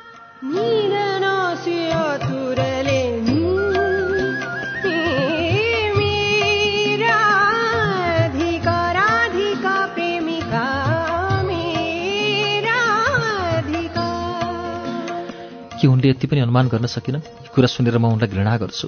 म भित्र उनको अपवित्र कथा सुरक्षित रहन सक्दैन। मेरो मन छटपटाइरहेछ। मनको छटपटी यो बुढो शरीरले थाम्न सकिरहेको छैन। अँध्यारै भए पनि उनी भएतिर हेरे। उनी त मस्त निधाइरहेकी पो छन् क्यारे। ध्यान दिएर सुन्ने प्रयत्न गरे। लामो लामो सास फेरिरहेकी छिन्। मस्त निधाएको बेलामा फेरिने सास। तर म उनका कुराले अब कति दिनसम्म सुत्न सक्दिनँ होला। उनका कुराहरूले भित्रभित्रै टोकेर मेरो हालत के होला? उनका कुराले त मलाई एकसाथ एक सय मौरीले शरीरभरि टोकिरहे जस्तो भइरहेछ। कतै म अब एकैचोटि मरेपछि मात्र निधाउने पो हुन्छु चित्तदङ्ग श्याम रङ्ग श्याम सङ्ग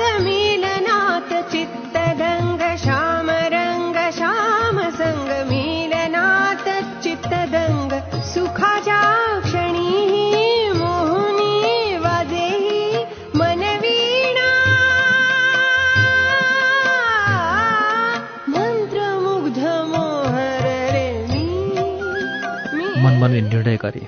यो कुरा मैले स्वामीजीलाई भन्नै पर्छ। कुनै पनि हालतमा भन्नै पर्छ। साराका मुक्तिका लागि पनि भन्नुपर्छ। यदि मैले भन्न सकिनँ भने म कहिले निधाउन सक्ने छैन। एकान्त पारेर स्वामीजीलाई सबै कुरा भनेर यिनलाई देवघाटबाट निकाल्नुपर्छ। सबै कुरा भनेपछि स्वामीजी आफैले निकाल्छन्। त्यसपछि बल्ल म निधाउन सक्नेछु। चराहरूको चिरबिर आवाज आयो। उनी त चराहरूकै आवाजले जुरुक्क उठिन् र भनिन् तारा म पनि निधाएर भर्खर बिउ जे गरेर उठेँ। मेरो हातमा त घडी कहिल्यै भएन। उनको हातमा छ। हेरेर भनिन् चार बज्न लागेछ। थपिन् जाउँ गङ्गामा प्रातः स्नान गर्ने बेला भयो।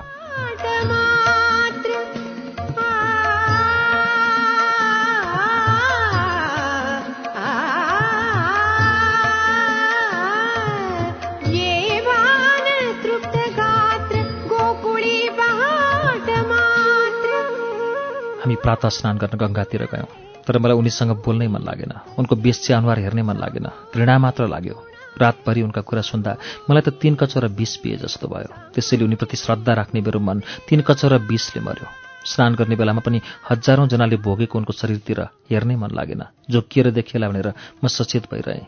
जप ध्यान पूजा आरती जे गर्दा पनि उनको घृणित र तुच्छ जीवन कथा मनमा आइरह्यो र दिगमिग भइरह्यो। खाँदा पनि उनकै कहानी सम्झेर खानै मन लागेन।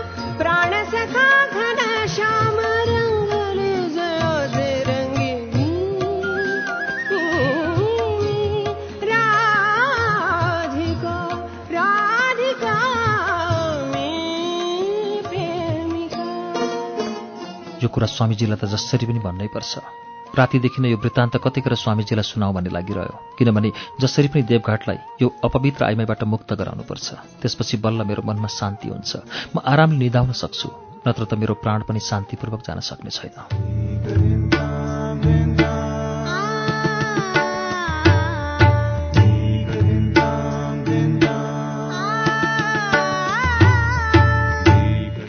कार्यक्रम श्रुति सम्वेकमा अहिले तपाईँले सुनिरहनु भएको वाचन अमर नेौपानेको उपन्यास सेतो धरतीको वाचन हो। यसको बाँकी अंश केही बेरमा वाचन हुनेछ। उज्यालो सुन्दै गर्नुहोला।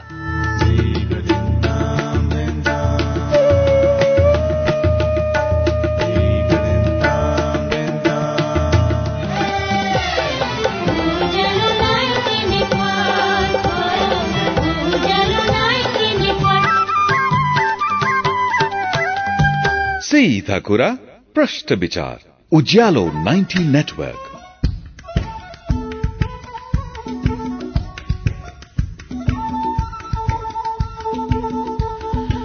कार्यक्रम श्रुति सम्वेकमा पुनः स्वागत छ। तपाईँ अहिले उज्यालो नाइन्टी नेटवर्क काठमाडौँसँगै देशभरिका विभिन्न एफएम स्टेशनहरूबाट एकैसाथ कार्यक्रम श्रुति सम्वेक सुनिरहनु भएको छ। श्रुति सम्वेकमा हामी अमर नेौपानेको उपन्यास सेतो धरतीको वाचन सुनाइरहेका छौं। अब यसको बाँकी अंश वाचन सुनौ।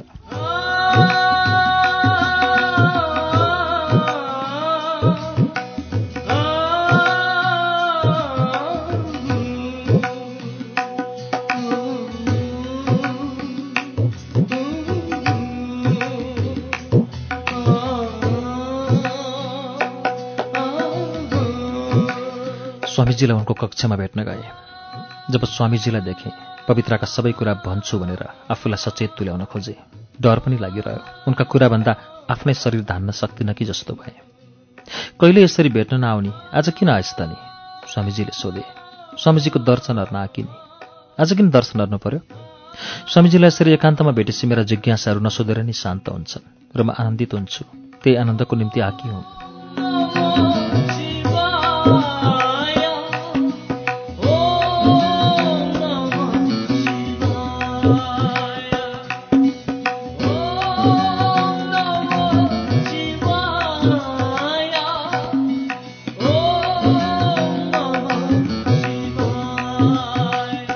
यति भनेर फर्कन खोजे। सकिनँ। फेरि उनका अगाडि तिन खुट्टाले उभिएर भने एउटा कुरा भन भनेर आकी। के कुरा हो? पवित्राका बारेमा। को पवित्र? गङ्गेश्वरी। के भन्नु छ उनका बारेमा भन्। मेरो मनमा एक्कासी आँधीभरि चल्न थाल्यो पहिरो जान थाल्यो। म धेरै बेरसम्म बोलिनँ उनले फेरि सोधे किन नबोलेको होस् त नि?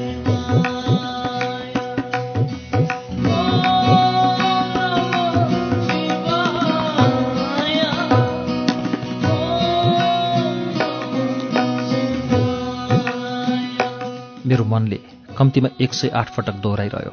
यो गङ्गेश्वरी होइन बेस्या हो रन्डी हो छल हो नरक हो। यसले पवित्र आश्रम र पुरै देवभूमिलाई नै अपवित्र बनाई नरक बनाई। यसलाई जसरी पनि यो तपोभूमिबाट निकाल्नुपर्छ स्वामीजी। सायद मेरो मौनता देखेर स्वामीजी अलिक कड्किए के भन्नु छ भनेको होस्? सुनिनस् भनेको।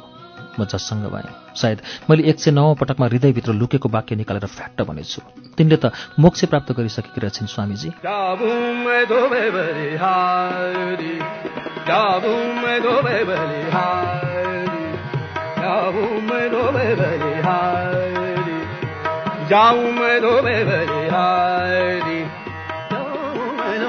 बलिहारी जाबुम धोबे बलिहारी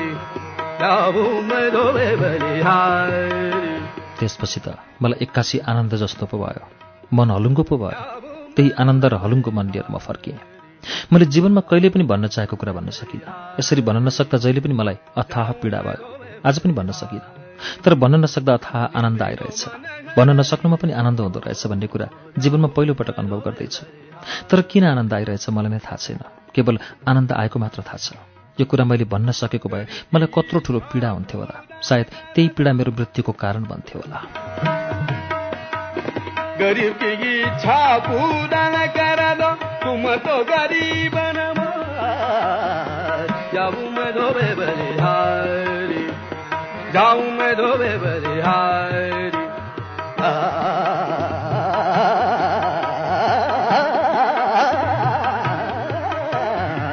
जाऊं भोलिपल्ट बिहान पनि उनीसँग गङ्गा किनारमा भेट भइहाल्यो। अनायासै उनको अनुहार हेरिरहन मन लाग्यो। उनीप्रति पलाएको घृणा कति पनि छैन मनमा। बिहानको घाम झुल्कियो। उनको अनुहार झन् उज्यालो देखियो। घामले पनि उनकै अनुहार मात्र हेरिरहे जस्तो लाग्यो। घामले त यति प्रेमपूर्वक हेरेको उनको अनुहारलाई हिजो मैले किन त्यति धेरै घृणाले हेरेकी होला? तिनी बडो शान्त मुद्रामा छिन् तर म बडो अशान्त र विक्षिप्त। सँगसँगै स्नान गऱ्यौँ जप गऱ्यौँ ध्यान गऱ्यौँ। प्रत्येक काम उनी बडो निमग्न भएर गरिरहेकी छिन्। उनको ध्यान ध्यानमा बाहेक अन्त कतै गएको देखिँदैन। स्नान गर्ने विधि कति पूर्ण मन्त्रोच्चारण र स्मरण पनि कति स्पष्ट र पूर्ण आरती पनि कति डुबेर गरेकी। उनले जे गरे पनि पुरै डुबेर कतै ध्यान नदिई गरिरहेकी छन्। म सँगै छु भन्ने बिर्सिएर गरिरहेकी छिन्। म भने उनलाई ध्यान दिइरहेकी छु। उनी भने ध्यानमा ध्यान दिइरहेकी छिन्।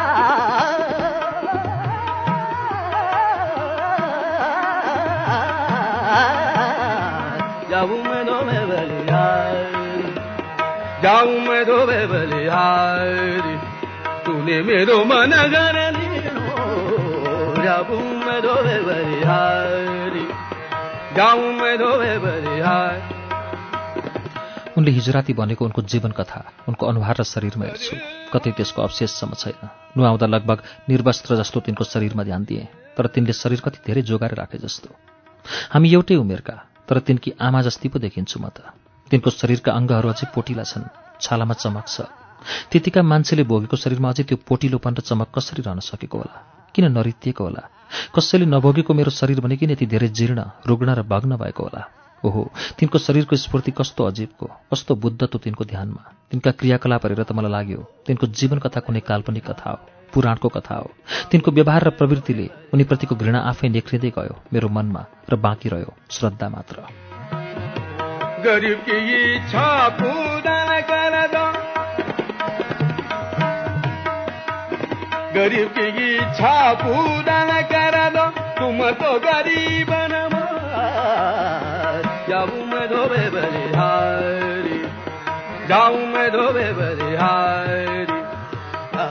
आफै रित्तिएर खुइलिएर उमेर र समयको ताप र रापले डढाएर लैजाने जीवनका रङहरूलाई उनले कति कुशलतापूर्वक उपयोग गर्न जाने कि? कसरी त्यसो गर्न सके कि? उनले के भोगिनन्? उमेर छौन्जेल कैयौँ लोग्ने मान्छेहरूलाई भोगिन्। त्यो बाध्यतामा पनि उनले जीवनले प्राप्त गरेको रङ श्याम श्वेत थिएन। प्रशस्त धन सम्पत्ति कमाइन् एउटा लोग्ने मान्छेले पढे लेखेर ठूलो जागिर खाएर कमाउने भन्दा धेरै धन सम्पत्ति कमाइन् कसैलाई ठगेर चोरेर होइन सबैमाथि विजय प्राप्त गरेर कमाइन् कुनै लोग्ने मान्छेले वर्षौँ गुरुकुलमा पढेर प्राप्त गर्ने ज्ञान र विद्वताभन्दा बढी ज्ञान र विद्वता प्राप्त गरिन्। जब वैँस ढल्किन लाग्यो तिनी आमा बनिन् एउटै सफल आमा। आमा हुने समयलाई कसरी उनले चलाकीपूर्वक आफ्नो अगाडि रोक्न सकेकी पुरुषको साथ पाउँदा त कति गाह्रो हुन्छ सन्तान हुर्काउन। तिनी एक्लैले कसरी हुर्काउन सकेकी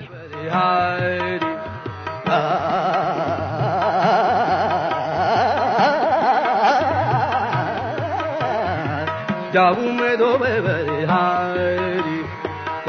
मैं धोबे मान्छेहरूको चोर आँखा र गिद्दी दृष्टिबाट बच्दै अर्कै स्थानमा गएर उनी आमा बनिन्। जब आमा बनिन् उनी बेस्या बनिनन् पूर्ण रूपले आमा मात्र भइन्। सङ्घर्ष र साहस गरेर छोरीलाई हुर्काइन् बढाइन् पढाइन् बिहेदान गराइन्। जो अहिले विश्वविद्यालयमा प्राध्यापक भएकी छन् ओहो कत्रो ठुलो सफलता। जब आमाको जिम्मेवारी सकिन् उनी पूर्ण रूपले अध्ययन र अध्यात्ममा डुबिन्। तिनका अनुहारमा कतै कुण्ठा अतृप्ति गुनासो भोक रिस राग केही छैन। त्यो बुद्धको जस्तो शान्त अनुहारमा विगतको उनका सबै कुरा मेटिए जस्तै देखिन्छ। वास्तवमा भोगेर नै जिन्दगीका दागहरू मेटिने रहेछन् क्यारे। जब आमा भइन् उनी वत्सला भइन् र जब यिनले ज्ञान प्राप्त गरिन् गङ्गेश्वरी भइन्।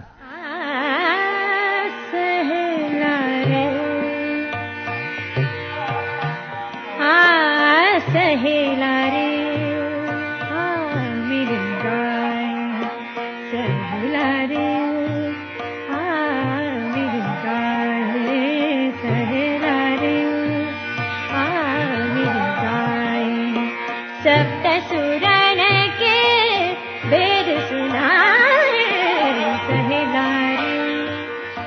सुनिरहेछु। उनी प्रवचन गर्दैछिन्। मेरो मनमा हुरी चलिरहेछ। तर उनी समुद्र जस्तो शान्त भएकी छिन्। उनको मनमा अतृप्तिको हुरी चलेको छैन। कुण्ठाको धुवा उडेको छैन। उनको जीवन भोग्दै र त्यहाँबाट क्रमशः मुक्त हुँदै गएको जीवन हो। म आफूलाई त चारै युग भोगेको जस्तो लागेको थियो। यिनलाई कतिवटा युग भोगे जस्तो लागेको होला। उनको त्यो शान्त तर उज्यालो दिइरहेको अनुहार हेर्दा लाग्यो उनी बेस्या भएर पनि मभन्दा धेरै पवित्र छिन्। आफूभित्रका फोहोरहरूलाई उनले बेस्या भएरै सफा गरिन् र पवित्र बनाइन्। ती यौवनका विषहरू मेरो शरीरमा जमेर बसे बसिरहेछन्। महादेवको घाँटीमा हलाहल विष बसे जस्तै जसले मलाई अपवित्र बनाइरहेछ।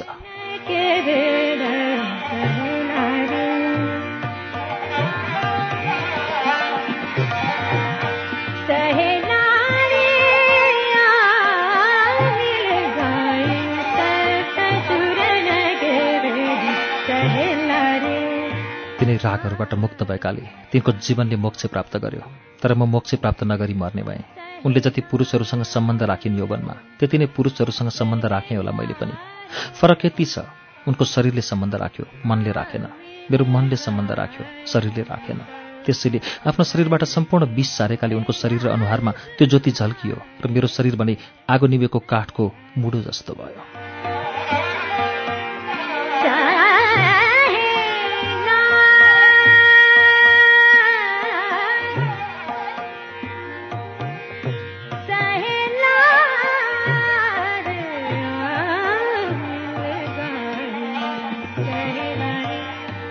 लाग्छ। तिनी वेश्या प्रवृत्तिबाट मुक्त भइन्। शारीरिक र मानसिक दुवै रूपमा मुक्त भइन्। तर ममा भने भित्र कतै अचेतनमा जमेर बसिरहेछ जसले सायद मलाई अर्को जन्ममा पनि दुःख दिइरहनेछ। पवित्र त अर्को जन्ममा सुरुमै कुनै बुद्ध पुरुष भएर जन्म लिनेछिन् जस्तो लाग्छ। म त सधैँ सधैँ शरीरलाई र मनलाई हेला गरेर बाँच्छेँ मुक्त गराउनु पर्ने कुरा नै यिनै दुई हुन्। सधैँ यिनै कुण्ठामा डुबिरहेँ। पवित्र मुक्त भइन्। एकाएक पवित्रप्रति अझ पवित्र भावना पलाएर आयो। आफ्नै पाइलाले हिँडेर पार गरेका उनका जीवनका पहाडहरू सम्झेर म दङ्ग परिरहेँ। तिनको सङ्घर्ष त्याग र सफलता देखेर सम्मोहित भइरहेँ।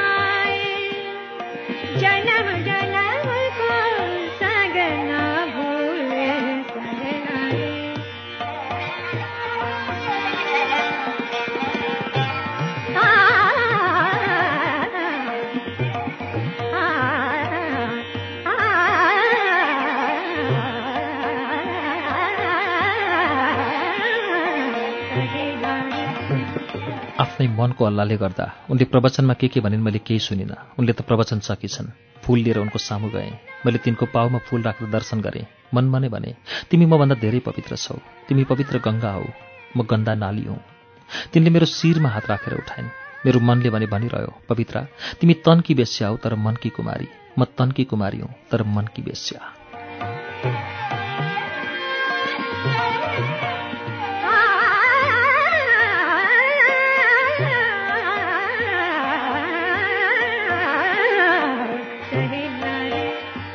यो पनि अचम्मको सङ्गम स्थल रहेछ। नदीहरूको मात्र होइन पुराना जीवनहरूको पनि। कहिलेकाहीँ त लाग्छ यो बुढाबुढीहरूको सङ्ग्रहालय हो। कहाँ यमुनाको बाटो कहाँ मेरो। हामी कति फरक फरक जीवनको बाटो हिँडेर पनि यहाँ एकै ठाउँमा भेटिएका छौँ तर दुई नदी भेटिए चाहिँ होइन। भेट होला भन्ने कहिले सोचेकै थिइनँ लाग्थ्यो कहाँ पुगिन होला पवित्र? कतै तिनी संसारभन्दा टाढा त पुगिनन् तर उनी पनि जीवनको यो उत्तरार्धमा यहीँ भेटिन्। कत्रो ठुलो संयोग हो यो। जीवनका कल्पनातीत बाटो हिँड्दा हिँड्दै कहाँ कहाँ पुगेकी पवित्रासँग भेट हुँदा भगवान भेटिए जस्तै आश्चर्य लागिरहेछ मलाई। जीवनका प्रत्येक कुराबाट सन्तुष्ट र शान्त यमुना अनि भुइँचालो जस्तै विद्रोही र पहाडी खोला जस्तै अशान्त पवित्रालाई मैले आफ्नो शुष्क जीवन थन्काएको ठाउँमा नै पाएँ जति अलग अलग बाटो हिँडे पनि पुग्ने ठाउँ एउटै मृत्यु हो भन्ने कुरा त बुझेकी थिएँ। तर यतिखेर एकै ठाउँमा यसरी यमुना र पवित्र दुई विपरीत ध्रुव म भएको ठाउँमा भेटिनुको अर्थ बुझ्न खोज्दैछु।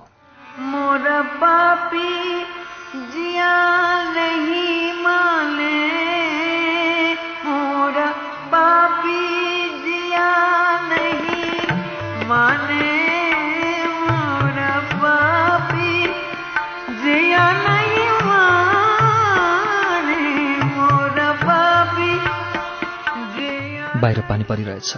म कुटीभित्र भात पकाउँदैछु। यसो माथि टाउको उठाएर हेरेँ। मेरो कुटीको दलिन कालो बादल लागेको आकाशभन्दा पनि मैलो छ। कालो छ। यो मेरो कुटीको आकाश हो। मेरो जीवनको आकाश। झरी पर्दा आनन्द लाग्छ। झरीको शान्त लय सुनेर सोध्छु झरीले पनि भजन गाउँदो रहेछ। बलेसीबाट झरेको पानी देखेर लाग्छ। म कति भाग्यमानी। किनभने मैले कहिले रुनु परेको छैन झरी जसरी। जब मेघ गर्जिन्छ दुवै कान थुन्छु। मानौ चट्याङ मेरो कानमा पर्दैछ। चट्याङ परिसकेपछि उत्तिखरी आनन्दित हुन्छु। किनभने आफैमाथि परे चाहिँ लागेको चट्याङ आफैमाथि परेको हुँदैन।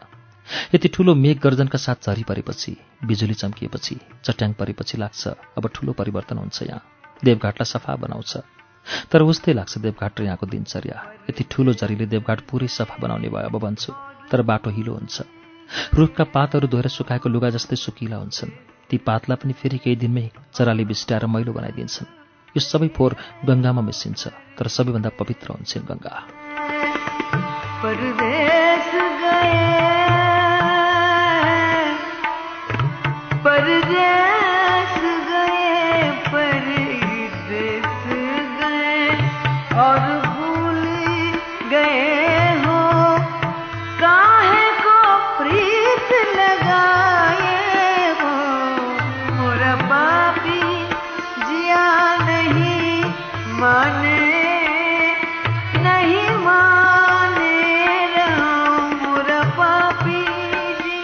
नदी यहाँका सबै मान्छेको दुःख लिएर बग्छ। सायद सुख पनि लिएर बग्छ। आँसु लिएर बग्छ। सायद हाँसो पनि लिएर बग्छ। पाप लिएर बग्छ। सायद धर्म पनि लिएर बग्छ। यसरी बग्दा एकहोरो आफू मात्रै बोल्दै बग्छ। अरूको कुरा सुन्दै नसुनी बग्छ। अरूको कुरा सुन्न आफू चुप लाग्नुपर्छ। तर नदी आफू कहिले चुप लाग्दैन। त्यसैले नदी किनारका कुरा कहिले सुन्दैन। झन् हाम्रा कुरा के सुन्थ्यो? के नदीको काम मृत्युको आवाज मात्र सुन्नु जीवनको आवाज सुन्नु पर्दैन नदीले? एकछिन मात्र चुपचाप लागिदिए सुनाउने थिए नदीलाई आफू जीवित भएको कुरा।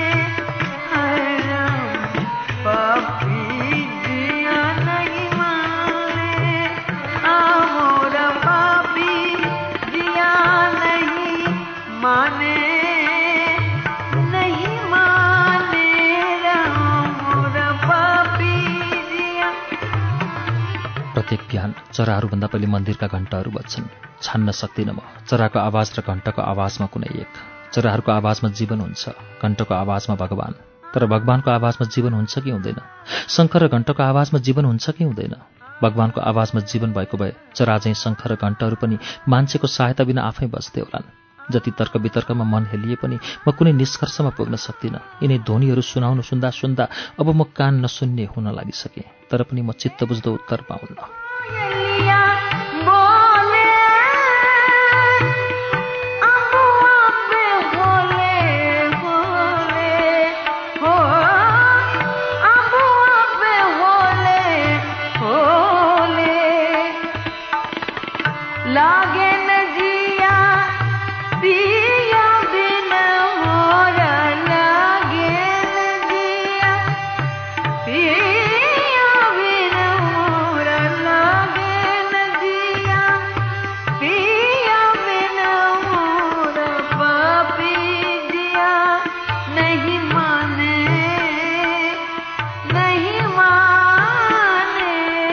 बस्दा बस्दै पनि थकाइ लाग्छ र उठ्छु। हिँड्दा हिँड्दै पनि थकाइ लाग्छ र बस्छु। सुत्दा सुत्दै पनि थकाइ लाग्छ र उठ्छु। उठ्दा उठ्दै पनि थकाइ लाग्छ र सुत्छु। काम गर्दा गर्दै थकाइ लाग्छ र थकाइ मार्छु।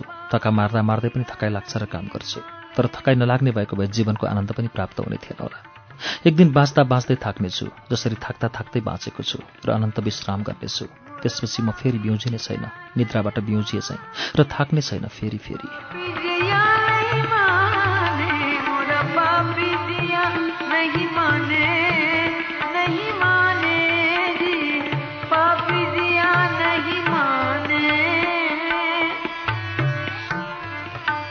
सपनामा पनि भोक लाग्छ र खान्छु। मिठा मिठा खानेकुरा। कहिले खाँदा खाँदै बिउजिन्छु कहिले खाइसकेपछि बिउजिँदा त म भोकाइरहेकी हुन्छु। विपनामा म अगाइन्जेल खान्छु र सुत्छु राति। सपनामा त म भोकाइसकेकी हुन्छु। सपनामा उडिरहेकी हुन्छु कहिले चरा चाहिँ कहिले हनुमान चाहिँ बन्द झ्याल र डोकाभित्र सुतिरहेकी मान्छे उडेर कहाँ कहाँ पुगेकी हुन्छु। पुग्नुपर्ने ठाउँमा पनि नपुग्नुपर्ने ठाउँमा पनि तर बिउजिँदा त म एक्लै ओछ्यानमा हुन्छु। सपनामा मेरो बिहे हुन्छ दुलाहा हुन्छन् छोराछोरी पनि हुन्छन् तर बिउजिँदा एक्लै हुन्छु। सपनामा म एकदमै तरुणी हुन्छु इन्द्रेणी हुन्छु तर बिउजिँदा एकदमै बुढी र इन्द्रेणी विहीन हुन्छु।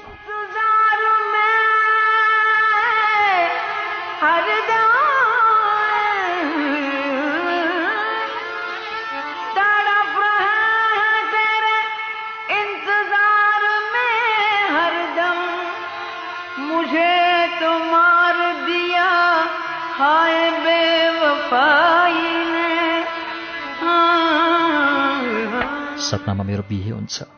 सपनामा कहिल्यै नभेटेका गोविन्द भेट हुन्छन्। कली धर्म राधि लक्ष्मी पनि भेट हुन्छन्। चौतारो मुनि फाँटमा खेलिरहेका हुन्छौँ। तर बिउजिँदा म खेल्न त के? चलमलाउनै नसकेला चाहिँ कुन्जिएकी हुन्छु। सपनामा त मरेका मानिसहरू पनि बाँचेर आउँछन् हाँस्छन् बोल्छन् खेल्छन्। सपनामा त सपना भ्रम हो भन्ने पनि लाग्दैन। विपनामा विपना भ्रम नलागे जस्तै आफू जहाँ बाँचिरहेकी हुन्छु त्यही सत्य लाग्दो रहेछ। सपनामा सपनै सत्य लाग्छ। विपनामा मात्र सपना भ्रम हो भन्ने लाग्छ। तर सपनामा विपना भ्रम हो भन्ने लाग्दैन नहीं माने ना मेरा पापी जिया। वेदान्त भन्छ ब्रह्म सत्यम जगन मिथ्या। तर मलाई सपनामा पनि सपना मिथ्या लाग्दैन। बरु लाग्छ कहिले त विपना नै मिथ्या भइदिए हुन्थ्यो नि। यो उमेरमा आएर पनि बिना प्रयोजन कहिलेकाहीँ दुलाहाको अनुहार सम्झिन खोज्छु। सम्झिन्न। दुलाहाको अनुहार सम्झिन खोज्दा गोविन्दको अनुहार याद आउँछ। अब मर्ने दिन आउन लाग्यो। दुलालाई त म स्वर्गमा गएपछि पनि चिन्दिनँ होला।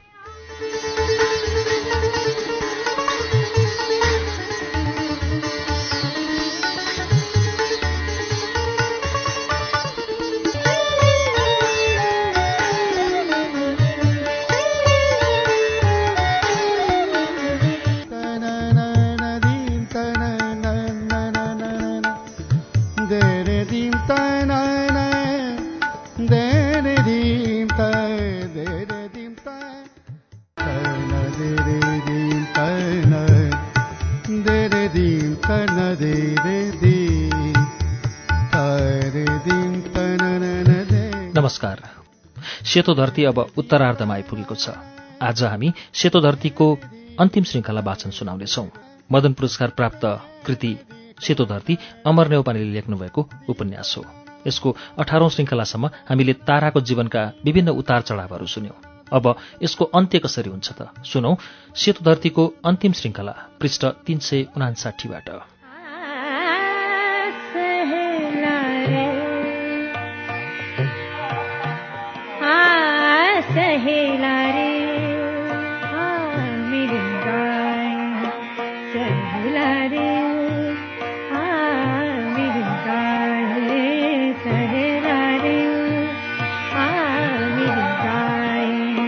सप्त सुरन के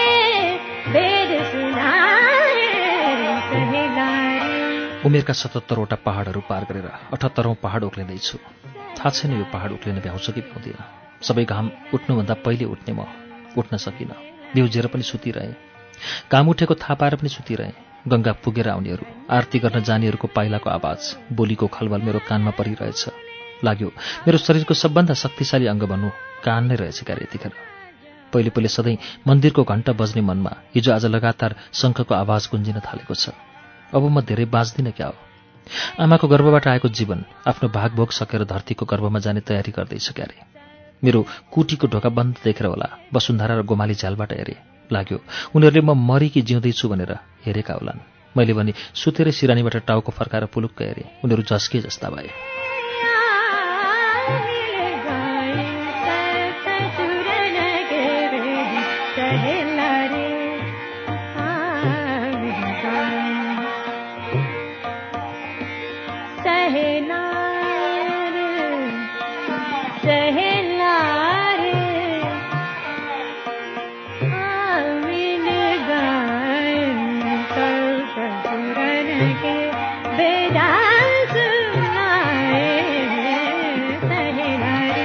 जहिले पनि लाग्यो प्रत्येक दिन नयाँ नयाँ दिनहरूले नै मलाई पुराना बनाएर गए बुढी बनाएर गए।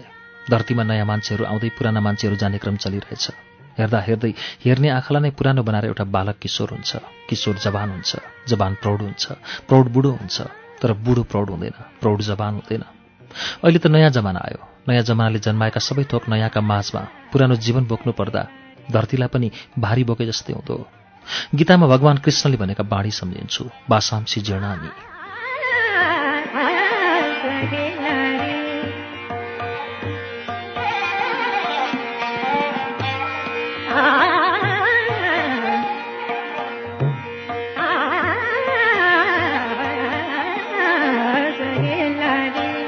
शरीरले लुगा फेरे चाहिँ अब मेरो पनि आत्माले शरीर फेर्ने दिन नजिकै आए जस्तो लाग्छ तर आत्माले नयाँ शरीर लगाउन पाउने भयो अब भनेर मन पटक्कै खुसी हुँदैन जसरी खुसी हुन्छ मन शरीरले नयाँ लुगा लगाउन पाउँदा नयाँ लुगा लगाउन पाउँदा सबैभन्दा बढी खुसी भइन्थ्यो केटाकेटीमा। तर यत्रो लामो सत्सङ्ग लिएर पनि नयाँ शरीर लिन पाइने भयो भनेर किन खुसी नलागेको होला? एक्लै डराउँछु। सायद त्यो डर मृत्युसँगकै हो। आत्माले लुगा फेर्नुको दुःख त शरीरबाट छाला उतार्नु जत्तिकै पीडादायी हुन्छ होला। यो उमेरमा सबैभन्दा धेरै आफ्नो कुरा सुनिँदो रहेछ। सुनिरहन्छु तर मसँग जवाफ हुँदैन। सबै कुरा भगवान्लाई थाहा छ। यो साह्रै पवित्र तीर्थ हो। तर शरीरले नदिएपछि त तीर्थ पनि अतीर्थ जस्तो हुँदो रहेछ। भगवान्ले जीवन दिए। जीवनले धेरै कुरा दियो। दिएका जति सबै खोज्दै पनि लग्यो। अहिले शरीर छ र शरीरभित्र खण्डहरू छ रोग छ र यो शरीरले दुःख दिइरहेछ। भगवान्लाई बिन्ती गर्छु। भगवान् यो शरीरलाई यति रुग्ण र भग्न नबनाऊ किनभने म तिम्रो पूजा गर्न सक्दिनँ जप ध्यान गर्न सक्दिनँ।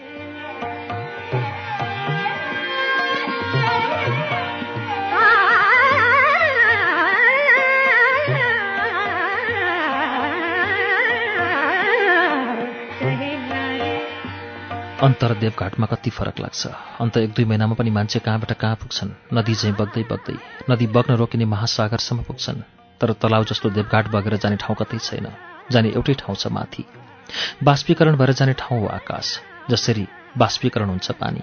लाग्छ म पनि अब छिट्टै बाष्पीकरण भएर सकिँदैछु। आकाशको बत्ती निभ्यो। भित्र पसेर कुटीको बत्ती बाले। र जीवनभरिकै सबैभन्दा बढी थकाइ लागे चाहिँ खाटमा बसेँ। काम त केही गरेकी थिएन। काम भए पो गर्नु। कामबाट सन्यास लिएको जीवनले मामबाट सन्यास लिएको छैन। जहाँ सबैभन्दा धेरै मासु हुनुपर्ने हो ती अङ्ग पनि सुके जस्ता भएका छन् पुट्ठा र तिग्रा। हाड र छाला मात्रै बाँकी भए जस्ता पुट्ठा र तिग्रामा कहिले निको नहोलान् जस्ता घाउ भएका छन् चार ठाउँमा। पुट्ठाको घाउ त देखेकी पनि छैन। हप्ता दिनअघि डाक्टरले एउटा मलम दिएका थिए। मलम लगाउन हातमा लिए तर कसो कसो हात चलाउनै सकिनँ। कमजोरीले हो या रोगले सबैभन्दा बढी बुढ्यौलीले नै होला जसले गर्दा हात चलाउनै सकेकी छैन भित्रैदेखि दुखेर आउँछ। मासु त दुखेकै छ। हाड र हाडभित्रको मासी पनि दुखे जस्तो लाग्छ। आश्रम परिसरमा मेडिकल छ। डाक्टरले मलम दिँदा भनेका थिए सन्चो हुन्छ।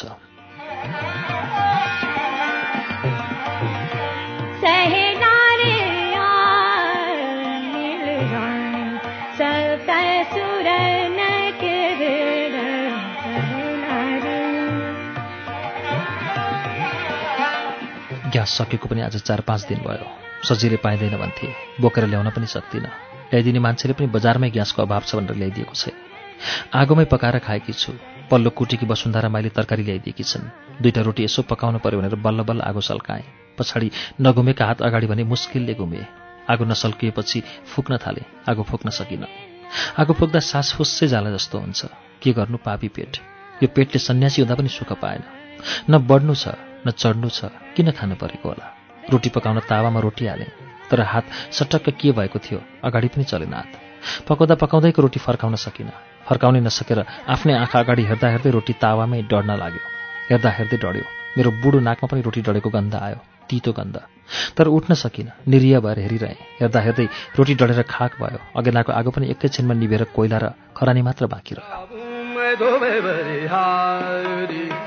जाबू मैं धोबे बलिहारी जाऊं मैं धोबे बलिहारी जाऊं मैं धोबे बलिहारी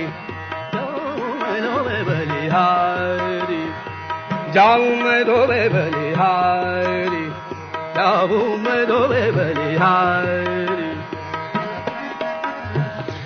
मैं उज्यालाका हातले झ्यालका पल्ला निशब्द टकटकाए सधैँ झिसमिसैमै उठ्ने मेरो शरीर केही दिनदेखि उज्यालो हुँदा पनि उठ्न सकिरहेको छैन।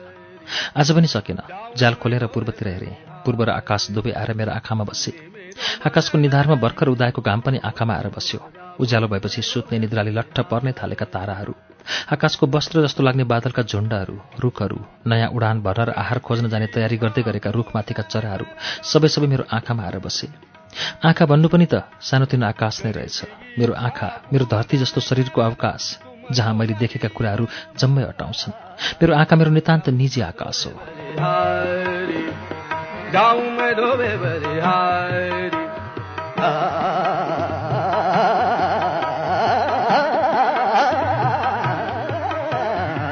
जाऊं मैं धोबे बलिहारी जाऊं मैं धोबे बलिहारी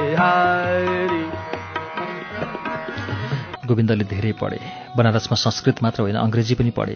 बनारसभन्दा पनि टाढा अरू अरू ठुला विश्वविद्यालयमा पनि गएर पढे। सरकारको ठुलो जागिर मन्त्रालयमै हो खाए। धेरै धन सम्पत्ति कमाए काठमाडौँमा घर बनाए जेठी पत्नी नपढेकी सोझी पछि आफू जस्तै पढेकी घरानी या केटी बिहे गरे देश विदेश घुमे। उनका त छोराछोरी पनि अमेरिका छन् अरे। ठिटातिर हेरेँ गोविन्द यही उमेरका थिए होलान्। मैले गाउँमा उनलाई अन्तिम पटक देख्दा त्यसपछि तिनी गाउँ आएनन्। सबै परिवार सहर गए। म यता आएपछि गए होलान् गाउँमा।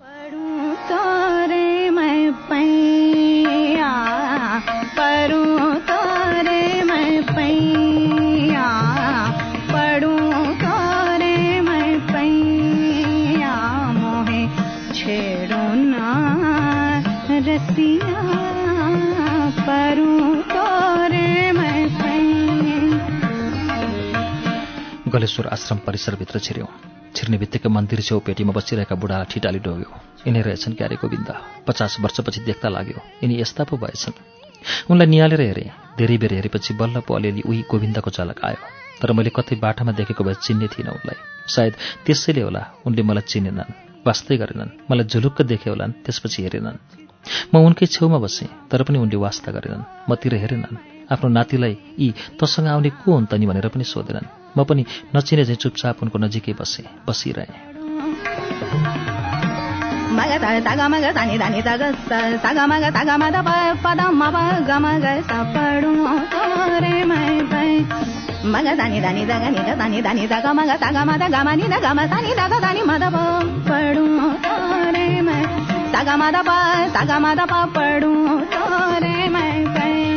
उनीहरू नाति हजुरबा आफ्नै पारिवारिक र व्यवहारिक कुरा गर्न थाले। म सुनेर बसिरहेँ। मैले सुनेको उनले मन नपराएको पनि थाहा पाएँ तर पनि उनको अनुहारमा अपलक हेरिरहेँ। मलाई त साक्षात् भगवान् देखे जस्तो भयो।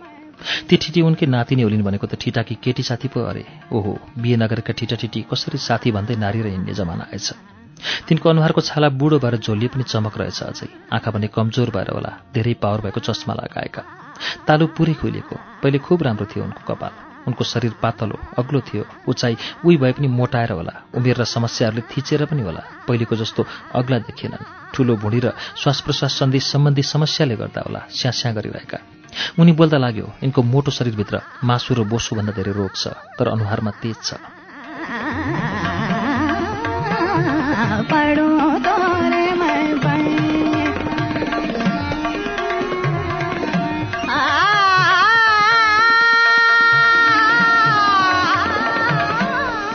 मेरो अनुहारतिर याद नगरे पनि नजिकै बसेर ती दुईका कुरा सुनिरहेकी छ। कुनै बुढी माइले भन्ने कुरालाई पनि उनले खासै वास्ता गरेनन्। जुन उनलाई मन परेको रहेनछ भन्ने थाहा पाइरहेकै छु। को हो? को हो एउटी बुढी माइले त्यसरी आफ्ना कुरा सुनेर बसेको उनलाई ठिक लागेनछ? मतिर रिसाए चाहिँ गरेर हेरेँ। आँखा र अनुहारको भावले यहाँबाट जाऊ। किन अर्काको कुरा सुनेर बसेकी माई बुढी भन्यो? तर म गइनँ। त्यसपछि उनले मुखै परे किन यहाँ बसेकी माई? गोविन्दले पनि यति रुखो र अपमानपूर्ण ढङ्गले बोल्लान् भन्ने मलाई लागेकै थिएन। उनको मनमा त म कतै छैन होला। सम्झनमा त धमिलै भए पनि हुनुपर्ने हो। म केही बोलिनँ। बोल्न खोजेर पनि बोल्न सकिनँ। उनको नातिले ल्याएको रहेछ। झोलाबाट एउटा स्याउ र एउटा कोसो केरो झिकेर मेरो हातमा राखिदिए गोविन्दले। मैले बुझिहालेँ। केही आशा गरेर बसेकी हो यो बुढी माई। यति दिएपछि जान्छे भनेर उनले मलाई दिएका हुन्। दिँदा गाईलाई घाँस दिए चाहिँ दिए। मैले हात थापेर लिएँ तर गइनँ।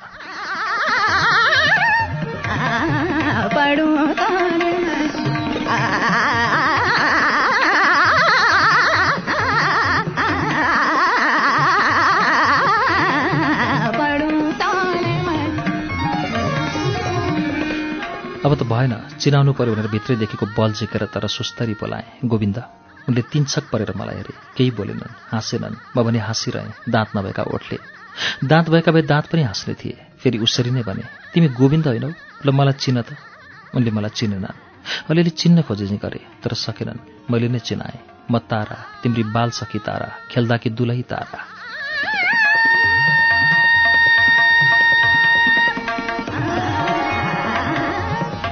ता ता ग मग ता नि दा नि दा ग सा सा ग ता ग म प सा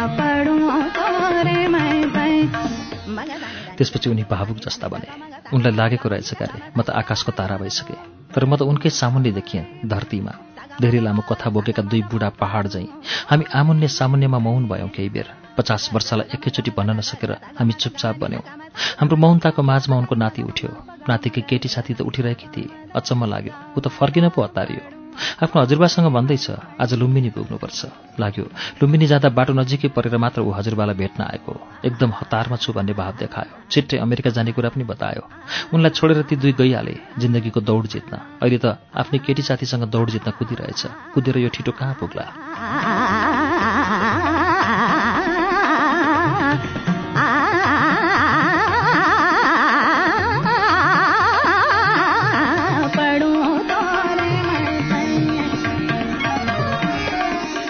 गोविन्द जिन्दगीको दौडबाट थाकेर अब दौडिनै नसक्ने भई जिन्दगीको अन्तिम थकाइ मार्न सायद यहाँ आएका हुन्। जीवनभर सायद उनी धेरै दौडिए धेरैलाई जिते धेरै टाढा टाढासम्म पुगे र अन्तिममा दौडिँदा दौडिँदै देवघाट पो आइपुगे।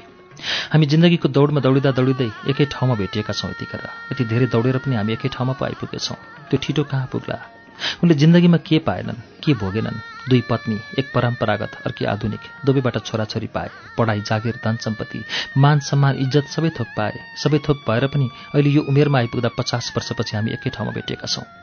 चार युग जस्तो यो जिन्दगी के के थोक पाएर के के थोक नभएर के के थोक भोगेर के के थोक नभोगेर हामी एकै ठाउँ आइपुगेका छौँ। कति फरक फरक बाटो हिँडेर पनि एकै ठाउँमा भेटिएका छौँ। जीवन यात्रामा जो जहाँ पुगे पनि आखिरमा भेट त एकै ठाउँमा हुँदो रहेछ।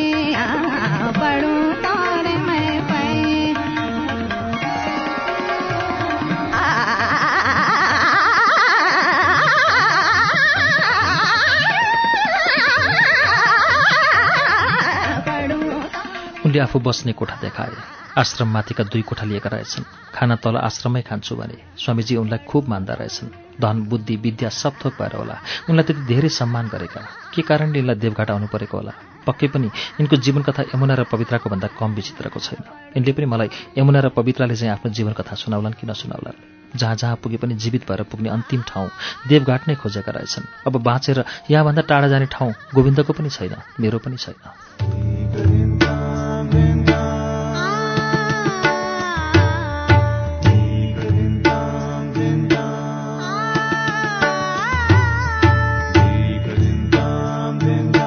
कार्यक्रम श्रुति सम्वेकमा अहिले तपाईँले सुनिरहेको वाचन अमर नेौपानेको उपन्यास सेतो धरतीको वाचन हो। यसको बाँकी अंश केही बेरमा वाचन हुनेछ। उज्यालो सुन्दै गर्नुहोला। नेटवर्क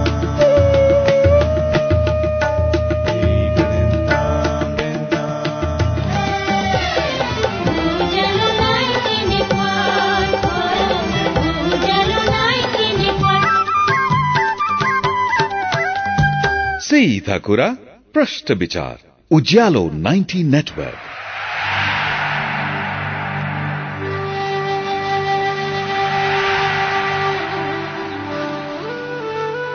श्रुति सम्वेकका साथमा शिक्षाका लागि नयाँ गन्तव्य यालापी college of business management Tinkune Gairigaun Kathmandu.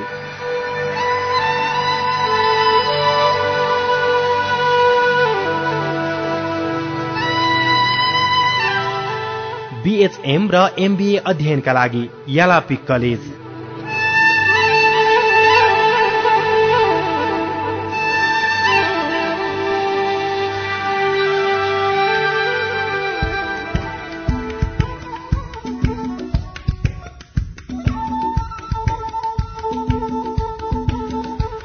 कार्यक्रम श्रुति सम्वेकमा पुनः स्वागत छ।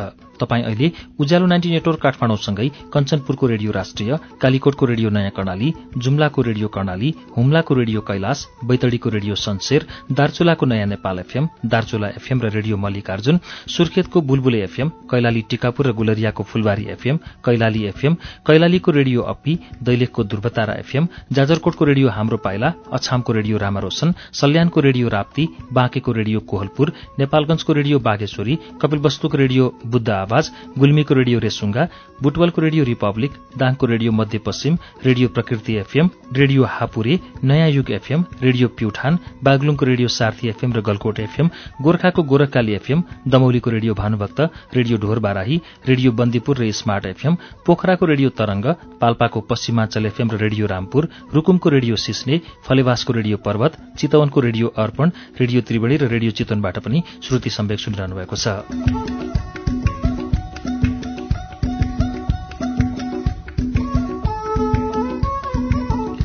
त्यसै गरी मकवानपुरको हेटौँडा एफएम काभ्रे धुलीखेलको रेडियो सेफर्ड नुवाकोटको रेडियो त्रिशुली रेडियो जाल्पा दोलखा जिरीको रेडियो हिमाली रामेछापको रेडियो तीनलाल रौतहटको नुन्थर एफएम सर्लाहीको रेडियो एकता मुक्तेश्वर एफएम र Himali FM Dukduki FM खोटाङको Halesi FM radio Bardibas Janakpur FM भोजपुरको radio Chomolungma FM radio Terhathum उदयपुरको radio Triyuga सोलुखुम्बुको शिखर एफएम धरानको विजयपुर एफएम मोरङको रेडियो सुनाखरी विराटनगरको radio Purveli Awaj झापाको radio Saptarangi FM FM Mirchi tunes र बिर्ता एफएम रेडियो ताप्लेजुङ र इलाम एफएमबाट पनि एकैसाथ श्रुति सम्वेक प्रसारण भइरहेको छ।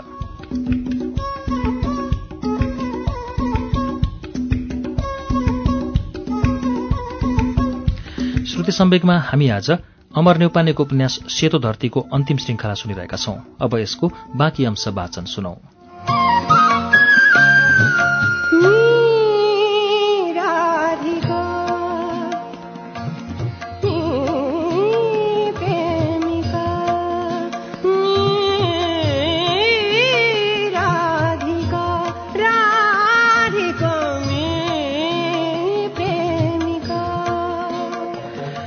यतिखेर गोविन्द पनि एक्ला भएका छन्। सधैँ चाहिँ म त एक्लै छु। उनी सबै थोक र सबैजना भएर पनि एक्ला छन्। म कोही र केही नभएर एक्लै छु। उनी माया गर्नेहरू भएर पनि एक्ला छन्। म माया गर्ने कोही नभएर एक्लै छु। भाग्यले पनि उनलाई कहिल्यै एक्लो छोडेन। मलाई भने भाग्यले सधैँ एक्लै छोड्यो। तर समयले हामी दुवैलाई एक्लो बनाएको छ यतिखेर।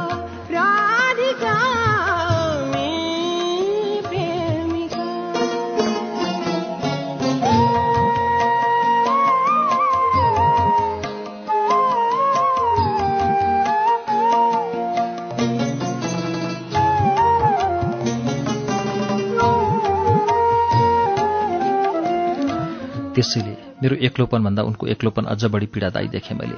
एक्लो भएर बाँच्न मलाई जति सजिलो छ उनलाई त्यति नै गाह्रो छ। उनले सोधे तिम्रो कुटी कहाँ छ? मैले भने नजिकै छ। जाम न म देखाउँछु। हामी हिँड्न थाल्यौँ। भर्याङ ओर्लिन मलाई भन्दा उनलाई पो गाह्रो भए जस्तो लाग्यो। बाटोमा हिँड्दा पनि उनीभन्दा म नै छिटो छिटो हिँड्ने रहेछु। अपरात्रि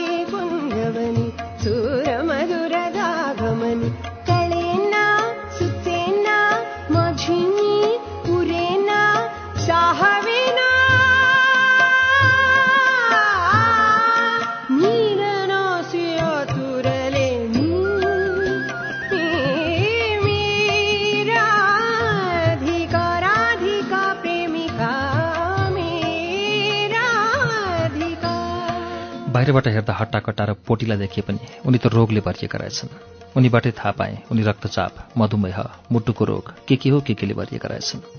रोगका हिसाबले पनि उनी त मभन्दा धेरै धनी रहेछन्। उनलाई यति धेरै रोग बोकेर हिँड्न गाह्रो परिरहेछ। हामी धेरै बोल्न सकिरहेका छैनौँ।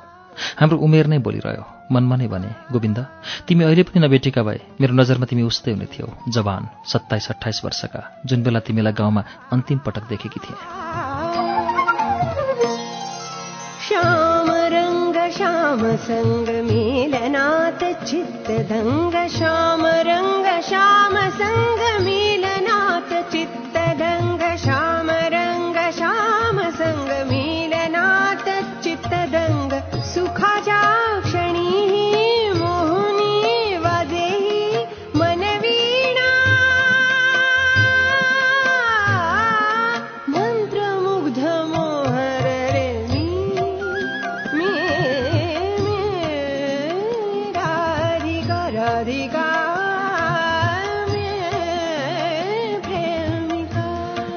कुटी आइसकेको छैन तर देखिएको छ।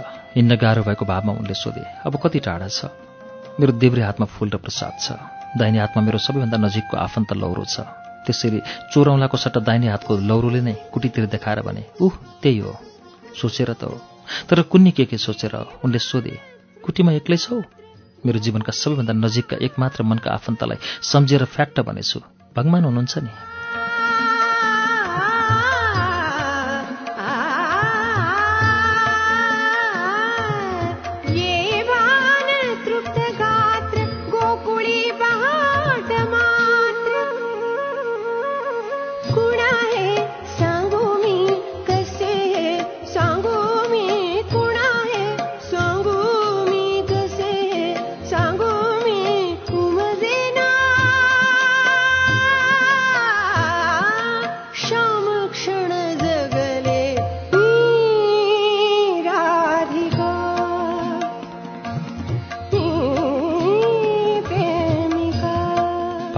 हुनुहुन्छ नि कुल्लाही सँगसँगै उमेरले भित्रभित्रै थिचेर ओडारमा पुर्याएका मेरा साना आँखा मन ताता भए। उहिलेदेखिको के के थोक मिसिएर मलाई नै नसोधी आँसु आएको रहेछ। ती आँसु मैले थाहै नपाउने गरी समयले असङ्ख्य झापड हानेर बनाएको कुलेसा जस्ता अनुहारका चाउरीहरूमा बग्न थाले। मेरा गाला भर्खरकी युवतीका जस्ता पुष्ट भएका भए आँसुका थोपा गुलाबका पत्रमा तप्केका पानीका थोपाहरू चाहिँ टलक्क टल्कने थिए। मेरा पोटिला गालामा र खस्ने थिए शीतका थोपा चाहिँ तप्प तप्प भुइँमा। देख्ने थिए गोविन्दले पनि मेरा आँसु। तर गोविन्दले मेरो अनुहारका चाउरीहरूभित्र सेती नदी चाहिँ धस्सिएर बगेका आँसु पक्कै देखेनन्। भित्रभित्रै सुसाउँदै गरेको पनि आफूले मात्र सुन्दैछु। उनले पक्कै सुनेनन्। आफूसँग भगवान् भएर पनि म साँच्चै किन रोएँ यसरी?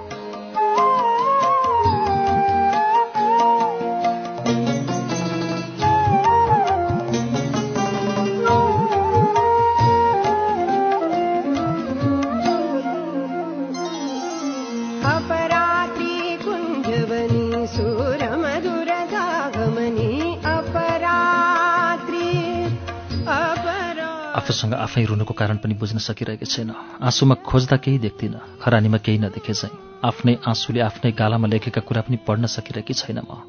मेरा आँसुका अक्षर मैले पढ्न नसके कसले पढ्न सक्छ होला? साँच्चै मेरा आँसुमा के के थोक मिसिएको होला मेरो आस्थाको नाम गोविन्द जसलाई मैले जहाँ जाँदा पनि सधैँ सधैँ मनमा बोकेर हिँडेँ। भगवान्लाई चाहिँ मेरो मनका भगवान् कृष्णलाई नै प्राय गोविन्द देखेँ मैले। लाग्छ कृष्णमा पनि मैले गोविन्दलाई आरोपित गरेकी थिएँ। त्यसैले त कृष्णलाई पनि गोविन्द देखेँ र उनको भक्त बनेकी थिएँ। युवक साधु र स्वामीजीमा पनि गोविन्दलाई आरोपित गरेर उनीहरूलाई मन पराएँ।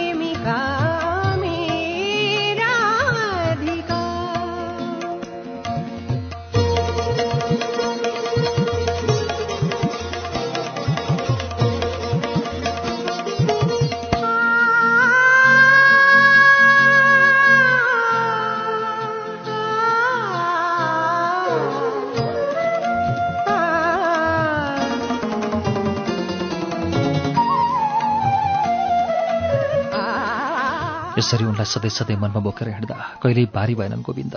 त्यसैले मनका गोविन्दलाई मैले कहिल्यै कतै बिसाइन बरु मैले उनलाई पाएको भए एक दिन त्यो भारी हुने थियो होला। जीवनको कुनै मोडमा बिसाउनु पर्थ्यो होला। जीवनको यो उत्तरार्धमा अहिले तिनै गोविन्द मेरा आँखा अगाडि छन्। यसरी अचानक आँखा अगाडि उनलाई देख्न पाउँदा पनि जति खुसी हुनुपर्ने हो त्यति खुसी हुन सकिरहेकी छैन म। उनलाई देख्दा लाग्यो मेरा आँखा अगाडिका गोविन्दका कैयौँ गुणा सुन्दर दयालु र मायालु छन्। मेरो आफ्नै मनका गोविन्द। मेरो मनका गोविन्द पनि सँगसँगै मर्दैछन्। सायद त्यसैले रुँदैछु म।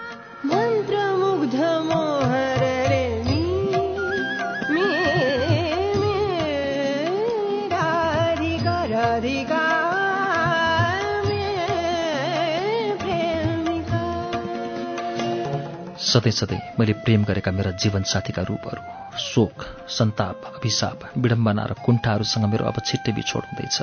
मेरो जीवनसाथीसँग म रुन पाउँदिनँ कि भनेर आफ्नै भगवान्सँग रोँदैछु सायद। सबैभन्दा ठुलो कुरा त शरीर नै रहेछ। प्रेम पीडा पूजा धर्म धन दुःख सुख आँसु हाँसो र देवघाट भन्नु पनि शरीर छाइन्जेल मात्र त रहेछ।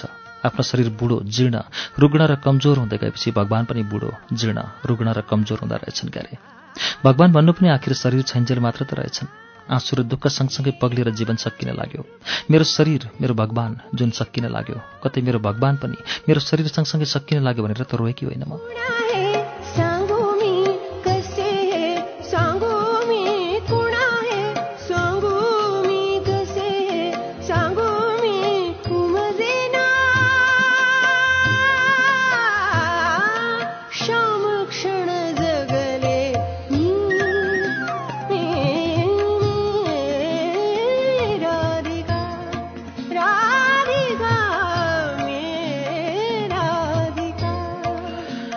जिन्दगीभर मैले भगवान्को नाम जति अरू कसैको नाम जपिनँ होला तर अहिले लाग्छ मेरो नाम भने कहिले पनि लिएनन् भगवान्ले। सायद त्यसैले रुँदैछु म। आफूसँग भगवान् भएको मान्छे त आफूसँग सांसारिक सुख भएको मान्छे भन्दा पनि धेरै सुखी र खुसी हुनुपर्ने होइन र। सधैँ भगवान्को नाम जप्दै एकबारको जिन्दगीलाई सौन्दर्यविहीन सृष्टिविहीन निस्सार बाँचेँ मैले। कतै जिन्दगीभर भगवान्को नाममा बाँच्नुलाई भूल सम्झेर रोएकी त होइन म। आफूसँग भगवान् भएर पनि म साँच्चै किन रोएँ यसरी?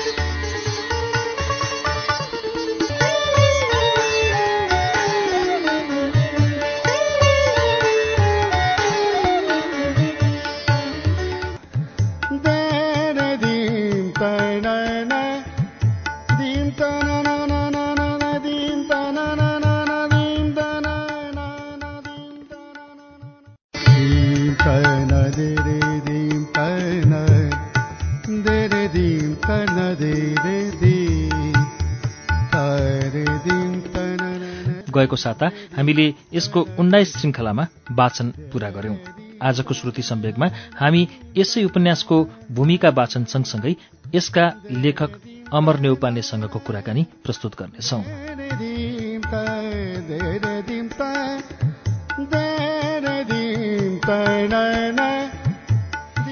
सेतो धरतीका लेखक अमर नेउपानेसँग कुराकानी गर सुरु गर्नुभन्दा अगाडि प्रस्तुत छ यसै पुस्तकको भूमिका सेतो धरतीको आलम्बन शीर्षकमा।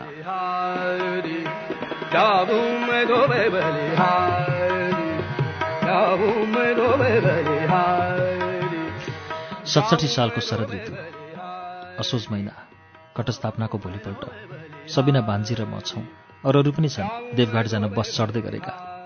मेरो छेउमा एक बुढी माई छन्। रुग्न र भग्न जस्तो लाग्ने वृद्ध शरीरमा पुराना पात जस्ता पहेँला वस्त्र धारण गरेकी बिजार निचोरिएको खद्दरको कपडा झैँ मुजा मुजा परेको अनुहार। मैले उनको फोटो खिचेँ तर उनले थाहा पाएनन्। लाग्यो बुढाबुढी भएपछि मानिस हिमाल जस्तो हुँदो रहेछ पहाड जस्तो हुँदो रहेछ।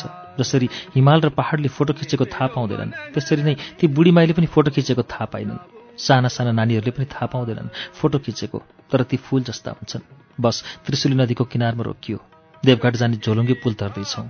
वर्षा ऋतुले धोएर सुकिलो बनाएको आकाश हेर्न पुलबाट त्रिशुली नदीमा जलदर्पण हेरे।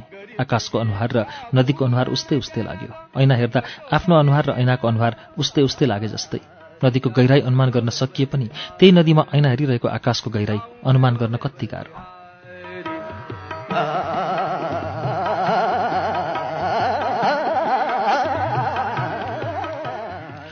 नदीले चितवन र तनहुलाई छुट्याएको छ र जोडेको पनि छ। जसरी छुट्याएको छ र जोडेको पनि छ नदीको पानीले नदीका दुई किनारलाई। देख्नमा झोलुङ्गे पुल तर्दै गरेको देखिए पनि थाहै नपाउने गरी हामी जीवनकै पुल तर्दैछौँ। यतिन्जेल आफूले तरेका पुलहरू आफैले हिँडेका पाइलाहरू जति नै असङ्ख्य भयो होलान्। समयले समय जोड्ने पुल। पुल तर्दै गर्दा सोचेँ एकैपटकको पुल तराईमा पनि प्रत्येक पाइलामा एक एक त्रिशुली नदी तर्दैछु मैले। किनभने प्रत्येक पाइलामा मेरो टाङमुनिबाट एक एकवटा त्रिशुली नदी बगिरहेछन्। एकपटक पुल पार गर्दा पनि कम्तीमा मैले तिन सय पैँसठीवटा त्रिशुली नदी तरेँ होला। पुल तर्ने बित्तिकैको सानो बजार बजारको निधारमाथि सानै चौतारो।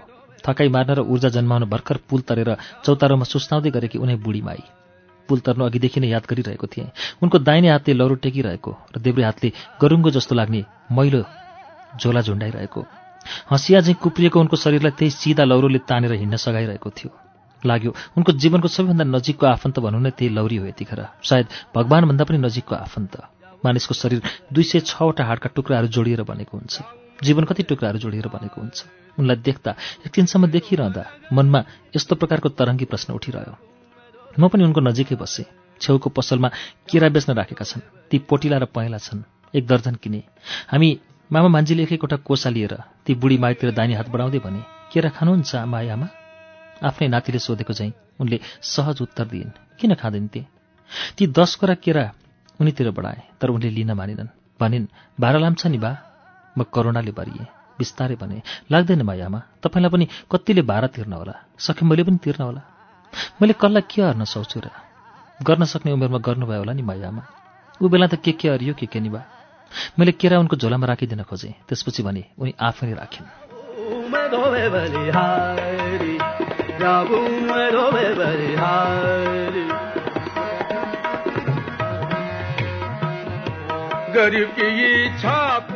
एकैछिन सुस्ताएपछि कुटीसम्म जाने बल भरिएछ क्यारे उनको शरीरमा। उठिन्। उसरी नै दाहिने हातले लौरो टेकिन्। देब्रे हातले झोला झुन्ड्याइन् र कुटीतिर जाने भर्याङ जस्तो ढुङ्गे सिँढीलाई ठुलो पहाड हेरे चाहिँ हेरिन्। आमा दिनुहोस् झोला मलाई दिन्छु। उनले फेरि उही वाक्य दोहोऱ्याइन्। भाडा लाम्छ नि बा। उनले यसो भने पनि उनको हातबाट मैले झोला लिएँ। बोली थपिन् म कसरी तिरम? झोला निकै गरुङ्गो रहेछ। कसरी बोक्न सकेकी होलिन्? यस्तै वृद्धाले उनको अनुहार हेरेँ आँखा हेरेँ झोला मैले लिइदिएर पनि उनलाई त्यति हलुङ्गो महसुस भइरहेको छैन सायद।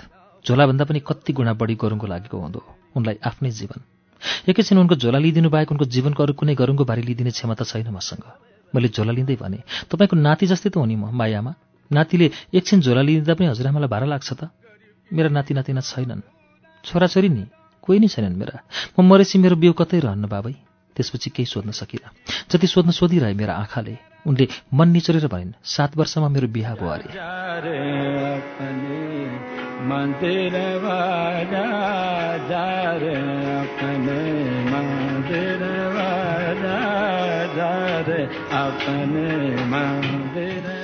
बग्दा बग्दैको नदी टक्क रोकिँदैन तर म रोकिएँ। अरूले रोक्न बाध्य बनायो। मेरो मनको प्रवाह भने रोकिएन। झन् बढ्न थाल्यो। अनन्त यात्रारत उनको जीवन नदी भने एकदमै शान्त र थाकेको देखेँ। भन्दै गइन् बाहुन देहरादुन हो कि बनारस पढ्न जानुभएको थियो रे? उतै मोटरले हानेर हो कि गङ्गा डुबेर हो बित्नुभयो अरे? एकछिन रोकिएर लामो सास फ्याँकिन् र फेरि भनिन् नौ वर्षमा म विधवा भएँ अरे। संवेदनाले रन्थनेर रुख चाहिँ टक्क रोकिए पनि जीवन त हिँडिरहेको हुन्छ। हिँड्दैछौँ। सिँढीहरू चढेर सकिए। थोरै समथर बाटो हिँडेपछि हरिहर आश्रम आयो। फेरि भर्याङ जस्ता सिँढीहरू आए। तर तल ओर्लिने। हामी ओर्लिँदैछौँ। ओर्लिँदै गर्दा फेरि उकालो देखियो नहीं माने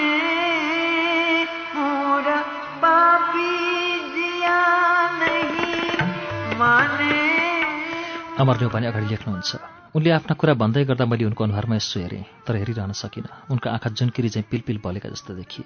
लाग्यो उनको आँखामा आँसुको बाँध बाँधिएर बिजुली बत्ती बलिरहेछ। उनले नदी सुसाए चाहिँ भन्दै गइन् बाहुन मरे अरे भनेर कहाँ जाम? सानै थिएँ। बा आमाले घर छोडेर माइत नआइज भन्नुभयो। सासू ससुराले जे जे भन्छन् मानिरहेछ है नानी भन्नुभयो मानिरहेँ। एक दिन जुठा भाँडा माझिसकेर भान्सा कसेर बढार्दै थिएँ। सासूले चुल्ठा समातेर जगल्टाउँदै भन्छाट मजेरिया मजेरियाट पिँडिया पिँडियाट आँगना ल्याएर धकेलिदिन् म त आँगना पछारिएँ। पछि पो थाहा पाएँ सासूले किन धकेलेकी रचिन् भनेर। म त कपाल नुहाउने रजस्वला भकिरहेछु विधवा भएको सात वर्षपछि नसुनी जिया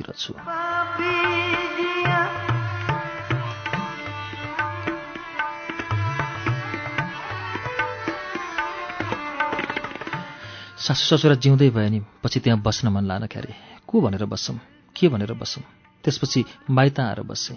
माइता नि बा आमा मरेसी बस्नै मन लान। दाजुभाइको बोझ भयो जस्तो लाग्यो। मन बिउरिँदै गयो। क्यारम? भिरटा फदालेर मर्न पनि सकिनँ क्यारे। त्यसपछि देउघाट आएँ। कल्पवासमा बसिच्छु।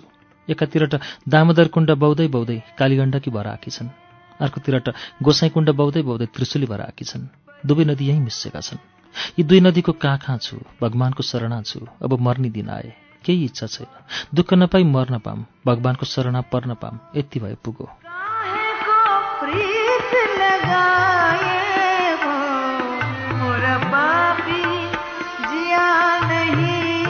माने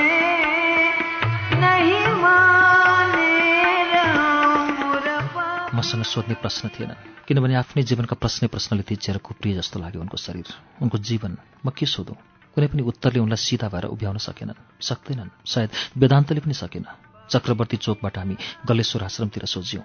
मैले सोधेँ मायामाको कुटी कता पर्छ? आमै लायो अब। यहाँ गलेश्वर नजिकै पर्छ। एकैछिनमा कुटीमा आइपुग्यौँ। आँगनको डिलमा तुलसीको मठ छ। उनको कुटीको भित्तामा विभिन्न भगवानका फोटाहरू टाँसिएका छन्। तिनले पानी खान दिन्। र दिइन् भान्जीलाई र मलाई एक एकवटा कोसा केरा र एक एकवटा दाना स्याउ पनि। भनिन् त्यसै जानुहुन्न नि बा। उनलाई र उनको कुटीलाई आफूले सके जति निहालेर हेरेँ। लाग्यो उनलाई आफ्नो लागि खाना पकाउन पनि कति गाह्रो हुन्छ होला। एक्लै त उनी कसरी बस्न सक्लिन् र कसैको सहारा नभई? सोधेँ अनि कुटीमा एक्लै हुनुहुन्छ मायामा? सुस्केराको उदास लयमा उनले भनिन् भगवान् हुनुहुन्छ नि। उनको यो बाणी मेरो मनको पहाडी भित्तामा कतिपटक ठोक्कियो र अनौठो लयमा कतिपटक गुन्जियो। मैले गनिनँ।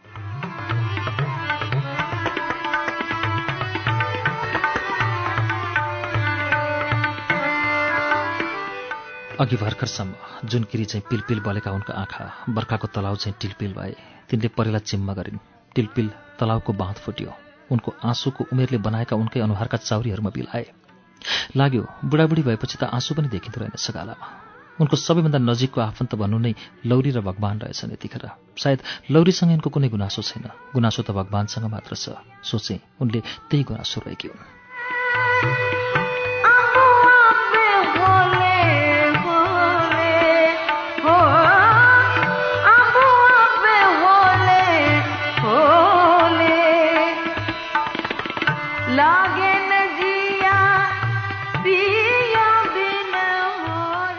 त्यसपछि जीवन कथाको यही कडेरीमा घर बनौँ कि कुटी बनौँ जस्तो एउटा उपन्यास तयार गरेको छु।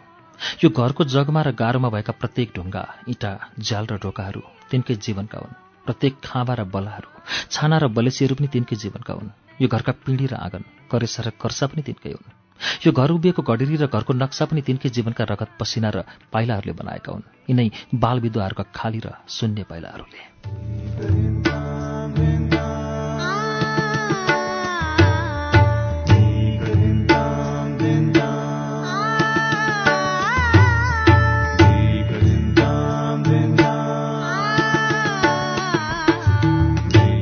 कार्यक्रम श्रुति सम्वेगमा हामीले अहिले सुनिरहेको वाचन सेतो धरतीको भूमिका सेतो धरतीको आलम्बन हो। अमर नेौपानेको यो भूमिका सेतो धरतीको आलम्बनको वाचन मैले पूरा गरेँ। अब यसपछि अमर नेौपानेसँगको कुराकानी लिएर आउनेछौँ। उज्यालो सुन्दै गर्नुहोला।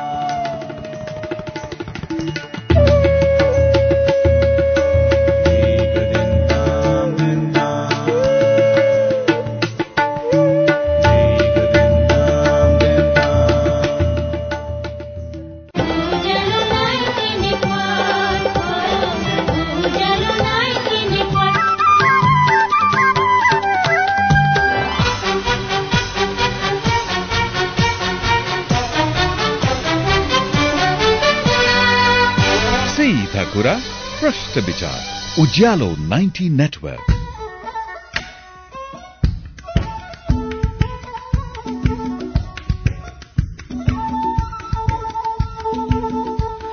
कार्यक्रम श्रुति सम्वेकमा तपाईँलाई फेरि स्वागत छ। कार्यक्रम श्रुति सम्वेक तपाईँ अहिले उज्यालो नाइन्टी नेटवर्क काठमाडौँसँगै देशभरिका विभिन्न एफएम एकैसाथ सुनिरहनु भएको छ। श्रुति सम्वेकमा हामी विगत उन्नाइस श्रृङ्खलादेखि सेतो धरतीको वाचन सुनिरहेका छौं। अब आज हामीले यसका लेखक अमर नेउपानेलाई ल्याएका छौं। सेतो धरती पुस्तक फाइन प्रिन्ट्सले बजारमा ल्याएको पुस्तक हो। यसको पहिलो संस्करण दुई हजार अडसठी साल चैत्रमा प्रकाशित भएको थियो। यस पुस्तक तपाईँले सुनिसकेपछि तपाईँका जिज्ञासाहरू के के रहे तपाईँले पठाउनुभएका जिज्ञासासहित अबको चरणमा हामी अमर नेउपानेसँगको कुराकानीलाई अगाडि बढाउँछौं। अमरजी स्वागत छ हाम्रो कार्यक्रममा। हजुर धन्यवाद अक्षयजी। तपाईँले सेतो धरती अहिलेसम्म कति संस्करण निस्कियो र कति कपी बिक्री भयो भन्न मिल्छ? यो भनौँ न तिस को भन्दा बढी तिस हजारभन्दा बढीको उसमा गएको छ यो। तिसको भनौँ तिसको रेन्जमा। संस्करण चाहिँ तेस्रो चौथो कति भएको छ। हाम्रो उन्नाइस श्रृङ्खला लगाएर हामीले पुरा गऱ्यौँ वाचन गरेर गएको शुक्रबारदेखि। अ, कस्तो प्रतिक्रिया केही पाउनु भएको छ कि थुप्रै प्रतिक्रिया पाएको छु। म जब गाउँमा जान्छु गाउँमा जाँदाखेरि चाहिँ अथवा सहरमा पनि पहिला पहिला किताब पढेँ भन्ने मान पाठकहरू भेटिनुहुन्थ्यो भने अहिले किताब सुने भन्ने पाठकहरू भेटिनुहुन्छ। हामीलाई नि खुसी लागेको छ यो मदन पुरस्कार प्राप्त उपन्यास यसरी गर्न पाउँदाखेरि। अब त्यसो त तपाईँले यसमा रचना गर्वहरू पनि राख्नु भएको छ यसका सन्दर्भहरू धेरै छन्। तर पनि किताब हातमा नपरेका जसले यो सुन्दै आउनुभएको छ कथा उपन्यासलाई सुरुवातदेखि। उहाँहरूलाई भन्नुपर्दा चाहिँ तपाईँले आम प्रश्न शीत धरती लेख्दाखेरि आफ्नो दिमागमा सबभन्दा पहिला कल्पना प्रारूप कसरी ल्याउनु भयो यसको? मलाई के लाग्यो भने एकचोटि जब बुढाबुढीहरूलाई सम्झे नि चाहे ती सहरका हुन् या गाउँका। ती बुढाबुढीहरू एकदम उपेक्षित परिवारबाट पनि उपेक्षित राज्यबाट पनि उपेक्षित सानसाना बाल बालिकाहरूको निम्ति अथवा युवाहरूको निम्ति थुप्रै कार्यक्रमहरू ल्याइन्छन् एउटा एउटा युवा युवाले एउटा तन्नेरी मान्छेले अथवा एउटा महिलाले आफ्नो छोराछोरीलाई जति माया गरेको हुन्छ बाबा आमालाई त्यति हुँदैन जस्तो देखेँ मैले। अनि मनमा एउटा प्रश्न आयो अचानक। सानसाना नानीहरूको भविष्य हुन्छ युवाहरूको वर्तमान हुन्छ तर बुढाबुढीहरूको के हुन्छ। के हुन्छ बुढाबुढीहरूको? यो प्रश्नको उत्तर खोज्नमा धेरै बुढाबुढीहरू चाहे वृद्धाश्रममा अथवा गाउँतिर गाउँतिर अरब कतारतिर गएका छन् युवाहरू अमेरिका युरोपतिर गएका छन्। गाउँघरमा सबै गाउँ नै कुर्ने मलामीको अभावमा बुढाबुढीहरू छिडी कुनेर कुरेर पिँढी कुनेर घरको पिँढी कुरेर बसेका छन्। सहरमा पनि ठुलो बिल्डिङ छ करोडौँको सम्पत्ति छ तर छोराछोरीहरू अमेरिका युरोपमा छन्। बुढाबुढीहरू घर कुरेर बसिरहेका छन्। मलाई तिनीहरूको कथा लेख्न मन लाग्यो। त्यसै सिलसिलामा म देवघाट गएको थिएँ सडसठी साल असोज महिनामा। त्यहाँ जाँदाखेरि एकजना यस्तो बुढी आमा भेट्नुभयो बाल विधवा आमा। उहाँकोबाट एकदम प्रभावित भएँ। उहाँको कथा सुनेर त्यसको रचना गरेर मैले किताबमा पनि लेखेको छु। अहिले प्रसङ्ग आयो भने भनौँला। उहाँसँग एउटा संवाद भयो मेरो। अलिकति कथा जस्तो। एउटा बुढाबुढीको कथा भयो भन्ने लागेको थियो। अनि त्यसपछि अरू बुढाबुढीहरूसँग नि मैले त्यहाँ कुराकानी गरेँ धेरैसँग। चार पाँच दिन बसेँ म देवघाट सडसठी सालको असोजमा। अनि दसैँ मानेर घर फर्क के अरे यो काठमाडौँ फर्केँ।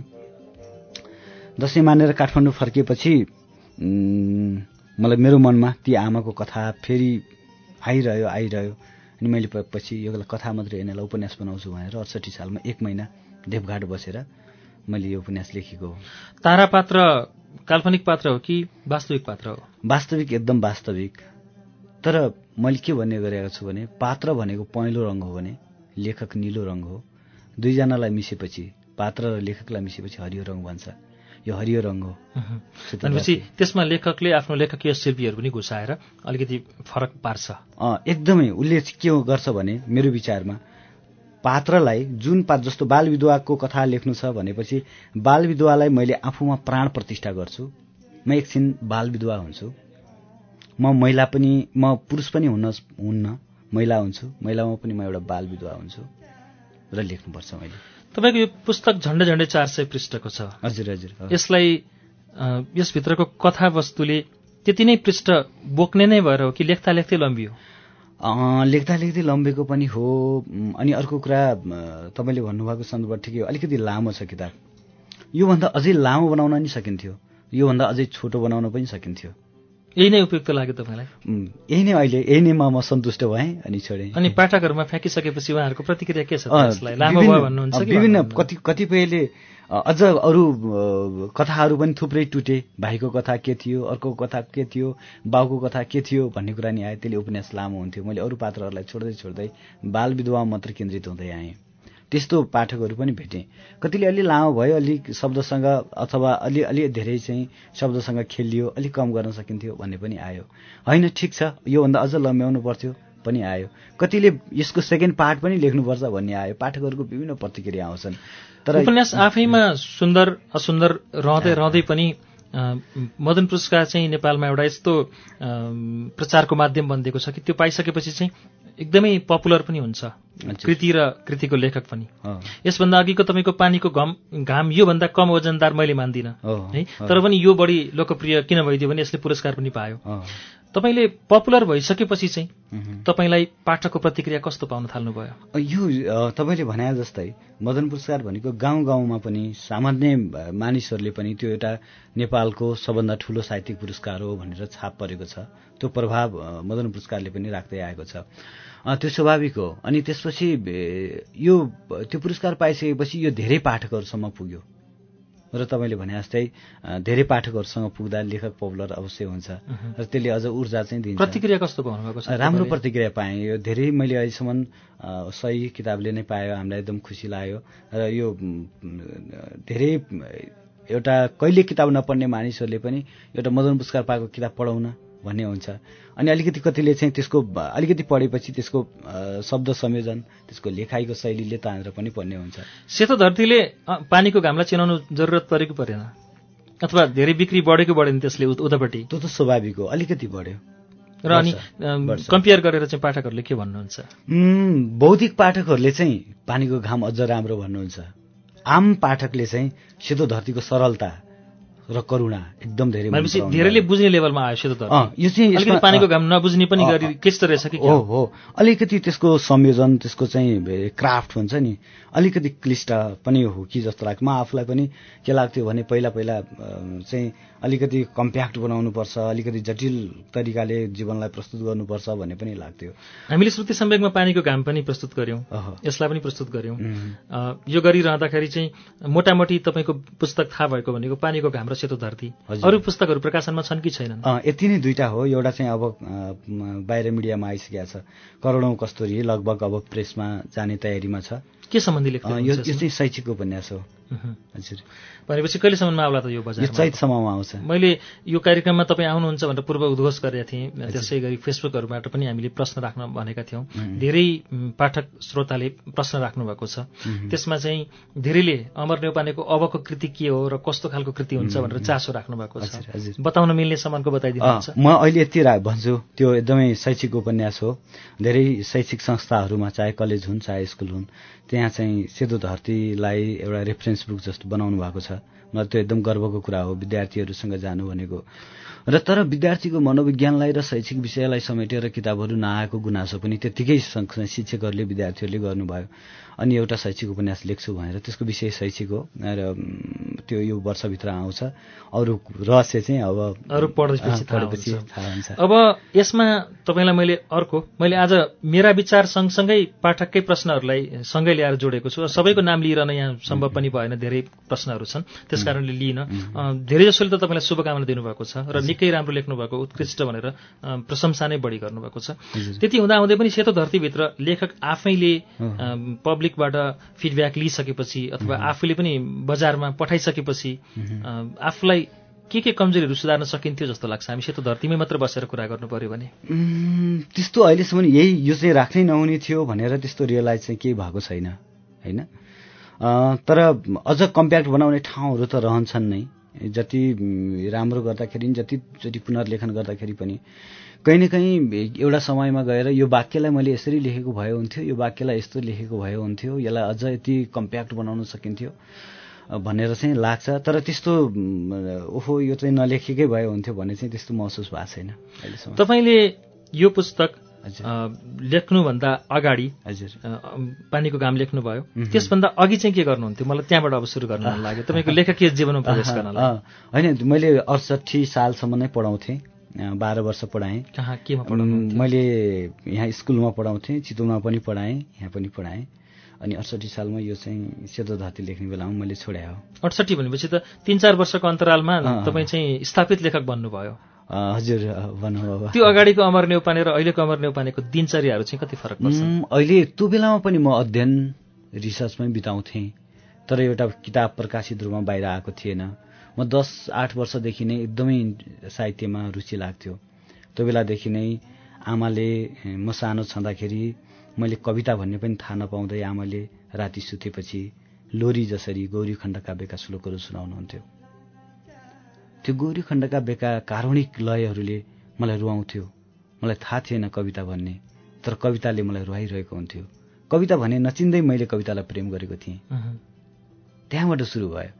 जस्तो अनि अर्को कुरा घरमा हाम्रो चितवनमा एकदम गर्मी हुने बिहानमा स्कुल पढाइ हुन्थ्यो। बाले दिउँसो स्कुल बा बानी स्कुल पढाउने। दिउँसो त एकदम गर्मी हुन्छ। निम्बत्ताको बुटमुनि बसेर बाले नासो कथा सङ्ग्रहका कथाहरू पढेर सुनाउनुहुन्थ्यो। अरू मान्छेहरू छिमेकी जम्मा हुन्थे। शीतल ताप्दै कथाको एउटा होइन कर्णपान गर्दै बसिरहेका हुन्थे। बाले त्यो नासो कथा अझै मलाई त्यो लाग्छ। छेउमा बसेर म सुनिरहेको हुन्थेँ। सञ्चालाश्री भइकन पनि देवी देवीरणका सन्तान थिएनन्। सन्तान होस् भन्नका निम्ति चौतारो बनाए हरिवंश पुराण लगाए तैपनि सुभद्राको कोख सफल हुन सकेन भनेर बाले त्यो लय भन्दाखेरि चाहिँ म पछाडि बसेर रोइरहेको हुन्थेँ कि? अनि- लय चेतनाको विकास हुँदै त्यो। एउटा कस्तो राम्रो लाग्थ्यो त्यो ऊ अनि त्यस्तै त्यसले गर्दाखेरि मेरो सानैदेखि एउटा साहित्यमा एकदम लगाव थियो। अनि म चित्र मलाई क लेख्नुभन्दा पहिला बालुवामा मैले चोरौँलाले दाहिने हातको चोरौँलाले चाहिँ कुनै गोरुको साँडेको चित्र बनाएको थिएँ कि। त्यो मलाई चित्रकला पनि सानैदेखि रुचि थियो। त्यसकारण त्यो दिनचर्या चाहिँ मेरो यो कला साहित्यकै एउटा चिन्तनमा अध्ययनमा बितिरहेको हुन्थ्यो। त्यसै गरी धुलौटो बलौटो केरेर चाहिँ कति मान्छेहरू आफूमा चेतना भरेर ल्याएका छन्। तर सबैले अमर नेौपानेकै जस्तो लेख्न सक्दैनन्। अमर नेौपानेको भाषा र साहित्यमा निखार ल्याउनलाई चाहिँ के चिजले काम गर्यो? मान्छेको चासो यसमा छ। अब म त्यस्तो उत्कृष्ट लेखेँ यस्तो राम्रो लेखेँ भन्दिनँ किनभने मैले अझ राम्रो लेख्न बाँकी छ भन्ने लाग्छ। मैले आफूलाई अझै खार्न बाँकी छ भन्ने लाग्छ त्यो प्रयत्नमा छु। तपाईँको स्कुलिङ अथवा कलेज अथवा अरू कुनै साहित्यिकहरूको सङ्गत केले गर्दा तपाईँको भाषामा मिठास आउन थाल्यो? खै त्यो पाठकहरूले उ गर्नुहोला मलाई चाहिँ के लाग्छ भने मेरो त्यस्तो सङ्गत कहिले भएन। हरेक कुरा मैले आफै खोजेको हो। म पढ्ने स्कुलको वातावरण साहित्यिक थिएन। म एक कक्षादेखि दस कक्षासम्म पढेको स्कुलमा कहिले पनि साहित्यिक कार्यक्रम भएको थाहा पाइनँ। र सरहरूले बाहिरी किताब पढेर बाहिरी कुनै साहित्यिक किताबको प्रसङ्ग निकाल्नु भएको पनि थाहा पाइनँ। तर सरहरूको चरित्र सरहरूले बोल्ने तरिका र सरहरूले बेला बेलामा हाल्ने किस्सा विभिन्न किस्साहरूले असाध्यै प्रभावित बनाउँथ्यो। लाग्थ्यो अहिले सम्झिँदा लाग्छ उहाँहरूको जीवनले साहित्य लेखिरहेको थियो। तर उहाँहरूले भनौँ न कुनै बाहिरी साहित्यिक कुनै टेक्स्टको कुरा नगरे पनि उहाँहरूले एउटा जीवनलाई चाहिँ विभिन्न तरिकाबाट अभिव्यक्त गर्नुभएको थियो। जस्तो बरु त्योभन्दा घरमा आमालाई पनि धेरै पढ्न लेख्न आमाले थाहा छैन। तर आमाले बाले गौरीखण्ड काव्यका श्लोकहरू भन्दाखेरि आमालाई कण्ठ भएको हो। आमाले पढ्न लेख्न जानेर होइन र त्यो आमाको एउटा एकदम कारुणिक चेतना छ आमासँग छ। अहिले पनि आमाले आमाले भन्नुहुन्छ त्यस्तो कुराहरू। र बासँग पनि किताब पढ्ने एउटा रुचि घरमा अलिअलि किताब थिए। त्यस कारणले पनि मलाई एकदम प्रभाव पाइरहेको हो। तर बाले के गर्नुहुन्थ्यो भने जहिले पनि बाले पढेको किताब मैले पढ्न खोज्दा बाले लुगाइदिनु "यो तैँले पढ्ने होइन यो। तैँले आफ्नो किताब पढ होइन? तैँले कक्षाको किताब पढ्ने हो भन्नुहुन्थ्यो। यो किताब अहिले पढ्ने आम होइन" नेपालीका भन्नुहुन्थ्यो। बाहरूले त्यसै गरी भन्ने होइन। बोलाउनु भएको हुन्छ तर। त्यसले मलाई एकदम रुचि लाग्यो बाले चाहिँ पढ्दै गरेको किताब बाको सिरानमा हुन्थ्यो अनि दराजमा चाबी लाग्थ्यो।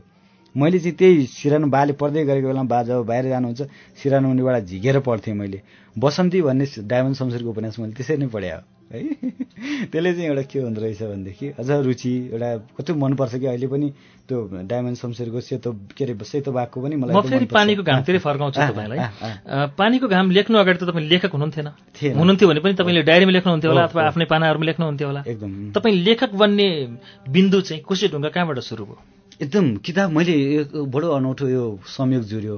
मैले एउटा ऐनै ऐना भन्ने काव्य तयार गरेका थिएँ पानीको घामभन्दा पहिला। कथाहरू फुटको रूपमा प्रकाशित भएको थिए कथाहरू पनि एउटा सङ्ग्रह निकाल्नु पर्ला भन्ने सोचिरहेको थिएँ। र यो भूमिका पनि लेखाइसकेका थिएँ। यो लेआउट पनि भइसकेको थियो ऐना ऐना भन्ने एउटा काव्य तयार गरेँ त्यसपछि म नेपालगञ्ज गएँ। यो जिटिजेडको एउटा प्रोजेक्ट पर्यो। त्यसमा चाहिँ जस्तो कृष्ण धरावासी दाई भक्तपुरमा बसेर टुराल लेख्नु भएको थियो। त्यही सन्दर्भमा म चाहिँ नेपालगञ्ज पुगेको थिएँ। त्यहाँ जानु मलाई पर्यो। दुई महिनासम्म बसेँ नेपालगञ्ज। अनि नेपालगञ्जबाट दुई महिना बसेर फर्किएपछि त पानीको घाम भन्ने त्यो आख्यान निकाल्ने चाहिँ चटारो भयो। त्यसमा म तयारीमा लागेँ। र यो त ऐनै ऐना अलिकति पछि पर्यो। अनि पछि पर्या परै भयो। यही नै मेरो पहिलो किताब भयो। अब एउटा अनि फिल्डमा गएर रिसर्च गर्ने फिल्डमा गएर पात्रहरूलाई अध्ययन गर्ने यो प्रेरणा पनि। अथवा एउटा चाहिँ यो शैलीको सुरुवात पनि त्यही पानीको पुस्तकबाट घामबाट सुरु त्यही भयो। पुस्तकबाट सुरु भयो। तपाईँलाई त्यसभन्दा पछि तपाईँ होल टाइमर बन्नुभएको हो कि त्यसैदेखिबाट होल टाइमर लेखक होइन? धेरै पछि अडसठी सालपछि त्यो त पैँसठी सालको कुरा हो। पैँसठी सालमा म नेपालगञ्ज गएँ अनि छैसठी सालमा किताब प्रकाशित भयो अनि अडसठी सालबाट मात्रै म पुरै समय लेखनमा दिएको। अब अहिले चाहिँ पुरै तपाईँ लेखनमै मात्रै व्यस्त हजुर पुरै समय लेखनमा। त्यसो भनेको दिनदै नै लेखिँदैन रिसर्च गरिन्छ। के भने एउटा योजना त बनिराखेको हुन्छ मनोलोकमा लेखिराखेको हुन्छ। रिसर्च गरिरहेको हुन्छु। तर अब अहिले अलिकति ढिलो पनि भयो विविध कारणहरूले गर्दाखेरि। तर एउटा लेखकले त अब लामो बिस पच्चिस वर्षको प्लान बनाएको हुन्छ नि। मैले नि त्यो प्लान बनाइरहेको छु। मैले अघि दिनचर्याको प्रसङ्ग थोरै कोट्याएँ तर त्यसलाई अलिकति इलाबोरेट गरेर ल्याउँ कि भन्ने ठान्दैछु। तपाईँ अब मदन पुरस्कार पाइसकेपछि अझ बढी स्थापित भएर आउनुभयो धेरैले चिन्नुभयो। तपाईँको लेखनी आफ्नै ठाउँमा पहिलेदेखि एउटै लयमा आइरहेको थियो होला। अझ अब सुधार हुँदै गएको पनि अवस्था होला। त्यसभन्दा अघिको दिनचर्यामा अलिकति प्राइभेट लाइफहरू रहन्थ्यो होला। त्यसपछि त अलि बढी पब्लिक लाइफ बढ्न थाल्यो होला। यस हिसाबले हेर्दाखेरि तपाईँको दिनचर्याहरू कसरी गुज्रन्छन् तपाईँको व्यस्तताहरू तपाईँको आफ्नो प्राइभेट प्राइभेट लाइफहरू कति रहन्छ कति पब्लिक लाइफ रहन्छ म चाहिँ प्राय अलिकति बाहिर कार्यक्रमहरूमा कमै हिँड्ने गर्छु तर हिँड्छु। होइन हिँड्नै पर्छ जान्छु। किनभने त्यहाँ पाठकहरूसँग भेट हुन्छ अग्रजहरूसँग भेट हुन्छ अनुजहरूसँग भेट हुन्छ साथीभाइहरूसँग भेट हुन्छ थुप्रै मानिसहरूसँग भेट हुन्छ त्यहाँबाट पनि धेरै कुराहरू सिक्छु। सामान्यतमा बिहान बेलुका अबेलासम्म बसेको छु भने बिहान ढिलो उठ्छु। अनि त्यसपछि मुखै नधोइकन त्यहाँ सिरानीमा कुन किताब बेलुका पढ्दै गरेको हो त्यो किताब पल्टाउँछु। होइन? टोइलेट जान्छु अनि टोइलेट जान्छु नत्र भनेदेखि म मुखै नधोइकन किताब पल्टाउँछु पढ्छु। अनि त्यो किताबको कुनै लाइनले कुनै अनुच्छेदले कुनै अध्यायले मलाई एकदम छुन्छ होइन? मुख धुँदै गर्दा त्यो अध्याय सम्झिँदै मुख धुँदा बहुत आनन्द आउँछ। दाँत माझ्दै गर्दाखेरि त्यो अध्याय सम्झिँदै खाँदै गर्दाखेरि त्यो लाइनहरू त्यहाँका राम्रा लाइनहरू सम्झिँदै गर्दा त्यो खाएको एकदम मजा आउँछ। त्यो जसरी खानेकुराहरू त्यो अन्तिममा ग्लुकोज बनेर रगतमा मिसिन्छ त्यसरी नै त्यो अनुच्छेद पनि रगतमा मिसिए जस्तो लाग्छ।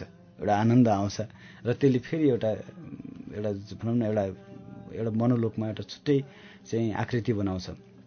त्यस कारणले गर्दाखेरि अनि दिउँसो पनि अब कहीँ जानु छैन भने पो- लेख पढ्मै बित्छ। अनि नत्र भने कार्यक्रममा जाने।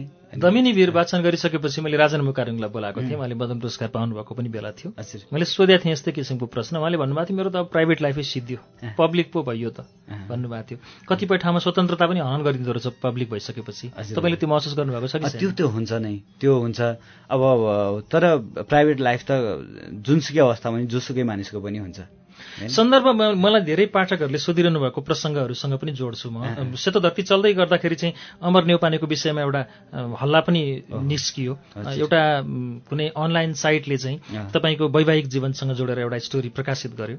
र त्यसको केही दिन पछाडि तपाईँले त्यसलाई सफाई दिने किसिमको अथवा आफ्नो तर्फबाट भन्ने केही मन्तव्य राख्नुभएको फेसबुक स्ट्याटस पनि मैले हेरेको थिएँ त्यसभन्दा बेगर छुट्टै कुनै पत्रिका अथवा प्रकाशन प्रसारण संस्थाहरूबाट तपाईँले त्यसलाई खण्डन गर्नुभएको अथवा त्यसको स्पष्टोक्ति दिनुभएको पाएको छैन।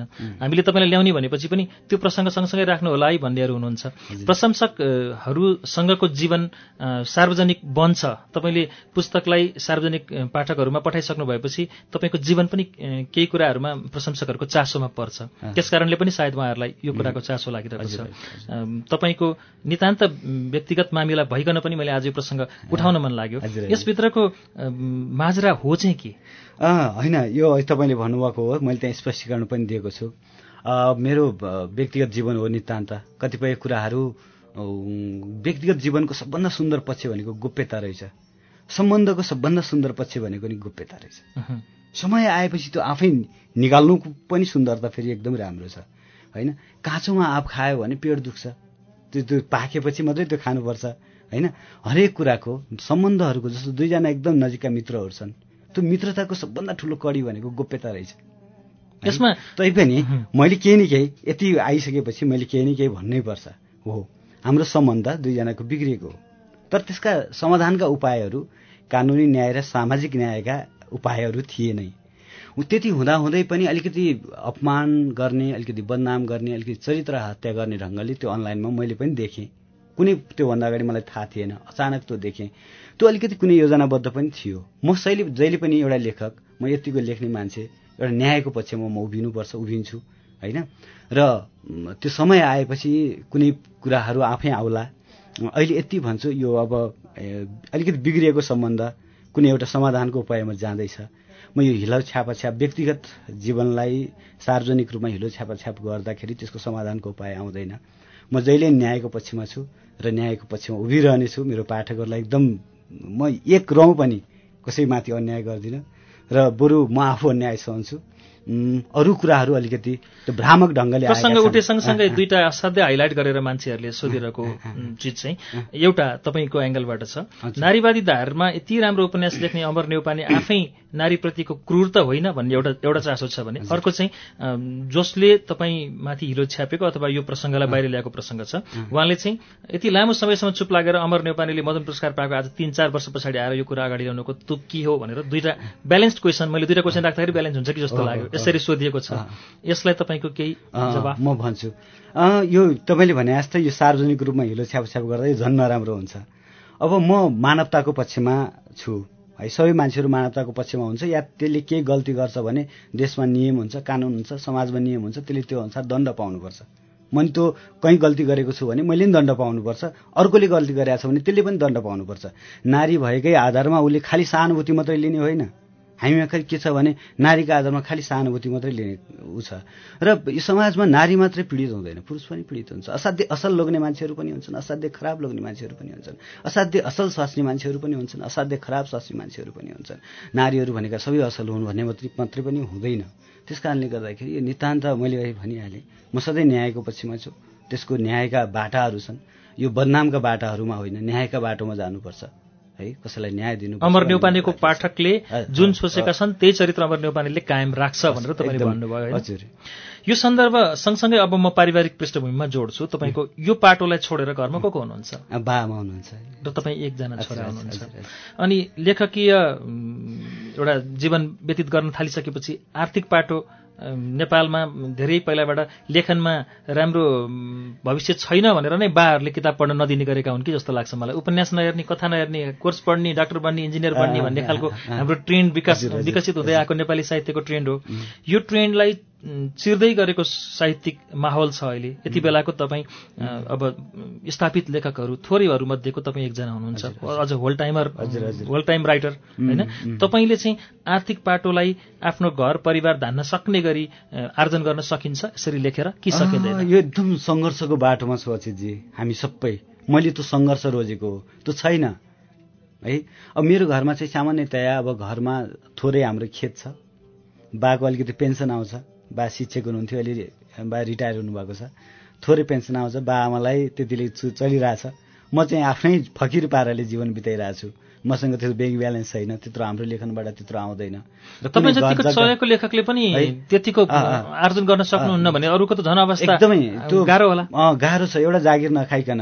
नेपालमा लेखनमै मात्रै लागेर एउटा सङ्घर्षको अवस्थामा हो। मैले त्यो सङ्घर्षलाई स्वीकार गरेको हो। कतिपय लेखकले त्यो सङ्घर्षलाई स्वीकार्नु भएको छ। कतिपय लेखकले होइन यसरी त जीवन चल्दैन भनेर अर्को पाटोबाट एउटा लेखनलाई एउटा चाहिँ सहायक रूप जीवनको आफ्नो रुचिको रूपमा मात्रै चलाउनु भएको छ। तर मैले चाहिँ प्रोफेसनको रूपमा पनि अब विकास गर्नुपर्छ भनेर अथवा मैले उपयुक्त त्यस्तो जागिर नपाएर पनि हुनसक्छ होइन? केस पाकेकै लेखकहरूले मात्रै दमदार पुस्तकहरू दिन सक्छन् भन्ने मान्यतालाई चिर्ने केही लेखकहरू मध्ये तपाईँ पनि हुनुभएको छ। युवा लेखक भन्छु मैले। यो युवा लेखनमै तपाईँ होल टाइम राइटिङमा लाग्नु भएको मान्छे तपाईँको अबका दिनहरूमा प्रौढ हुँदै गर्दाखेरिको दिनहरूमा चाहिँ साहित्यमाथि के के योजनाहरू छन्? मैले एक दिन यो जागिर छोड्नुको नि एकदम गजबको ऊ छ। मैले सुरुमा सोच्थेँ एक वर्षको लागि म जागिर छोड्छु त्यसपछि जागिर खान्छु एक वर्ष चाहिँ लेख्छु। तर मलाई पाठकहरूले यति धेरै माया गरिदिनु भयो कि मैले जागिर नखाउँ जस्तो लाग्यो मलाई। म लेख्छु मलाई पाठकहरूले अब भोक्कै बस्न दिनुहुन्न। मैले राम्रो लेख्नुपर्छ नराम्रो लेखेँ भने मलाई भोकै पार्नुहुन्छ। होइन भनेदेखि मलाई मलाई भोकै पार्नु हुँदैन। मलाई खान पुगे त भइहाल्यो मलाई लाउन र बस्न पुगे भइहाल्यो। मेरो ठुलो सपना छैन धनी हुने। भन्ने लाग्यो। र मैले एउटा प्लान बनाएँ जीवनको। म अब एक्टिभ भएर कति वर्ष वर्ष लेख्न सक्छु? बिस वर्ष तिस वर्ष। यति बनाएँ बिस तिस वर्षको योजना बनाएँ होइन? नेपाली जेनरली भनौँ न सत्तरी वर्ष बाँचियो भने यति वर्ष म बिस तिस वर्ष लेख्छु। साठी वर्षसम्म त म मजाले लेख्न सक्छु भन्ने भयो। त्यति बेलासम्मको मैले योजना बनाएँ यो यसरी यसरी म लेख्छु यसरी यसरी लेख्छु भन्दाखेरि मलाई लेखनको लागि अध्ययनको लागि मात्रै आफ्नो जीवन छोटो लाग्यो के? मान्छेको जीवन त्यतिखेर के लाग्यो भने ओहो मान्छेको जीवन त संसारका राम्रा राम्रा किताबहरू पढेरै एउटा जीवन त सकिने रहेछ। संसारको राम्रो राम्रो फिल्म हेरेरै एउटा जीवन सकिने रहेछ। एउटा जीवन त संसार न पुरै घुम्न नपाइकन सकिन्छ क्यारे? ओहो यो जीवनमा चाहिँ मैले आफ्नो उसलाई चाहिँ लेखनमा मात्रै लगाउँछु भनेर मैले एउटा प्लान चाहिँ बनाएको छु।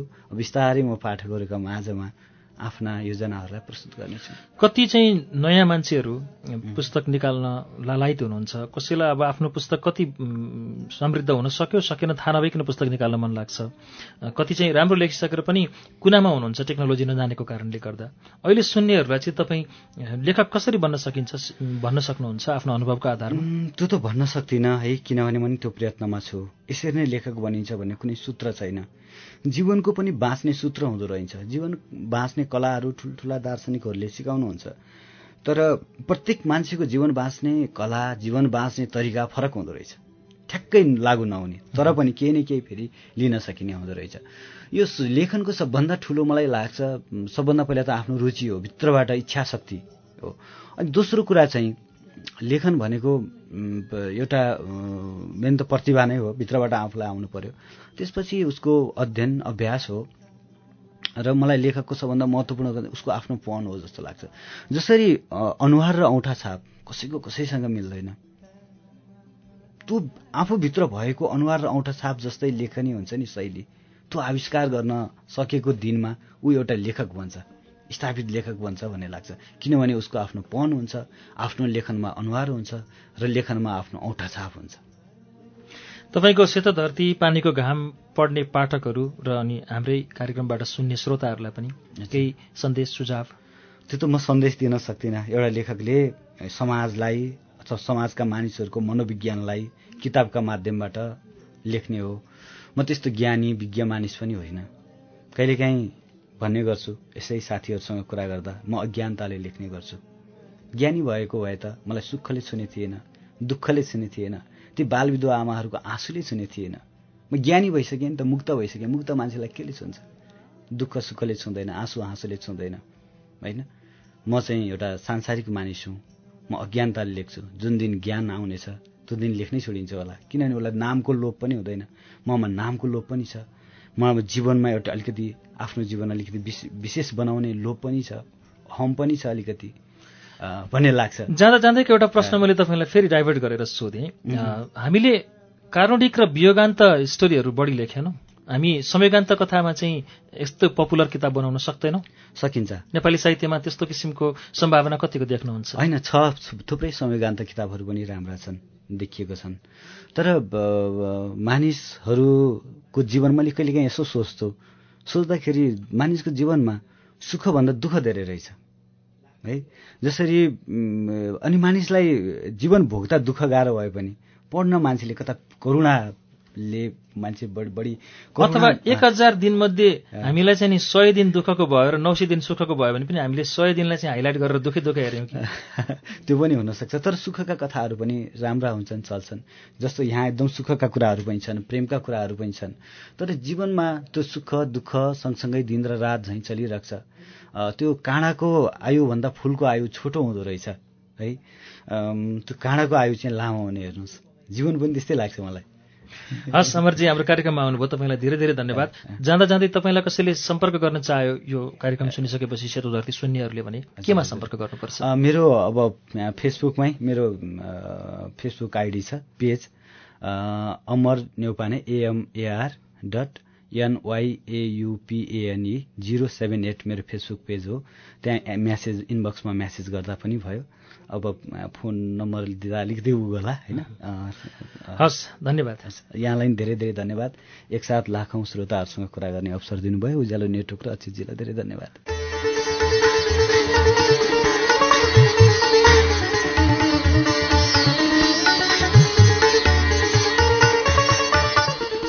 श्रुति सम्वेकमा अहिले हामीले सेतो धरतीका लेखक अमर नेउपानेसँगको कुराकानी प्रस्तुत गर्यौं। यो कुराकानी सँगसँगै अब आजलाई कार्यक्रम श्रुति सम्वेकबाट विदा लिने बेला भएको छ। विदा हुन अघि हाम्रो ठेगाना कार्यक्रम Shruti Samvek Ujyalo ninety network post box number छ चार छ नौ काठमाडौँ। तपाईँ इमेलबाट आफ्नो प्रतिक्रिया दिन चाहनुहुन्छ भने हाम्रो इमेल ठेगाना Shruti at UNN dot com dot NP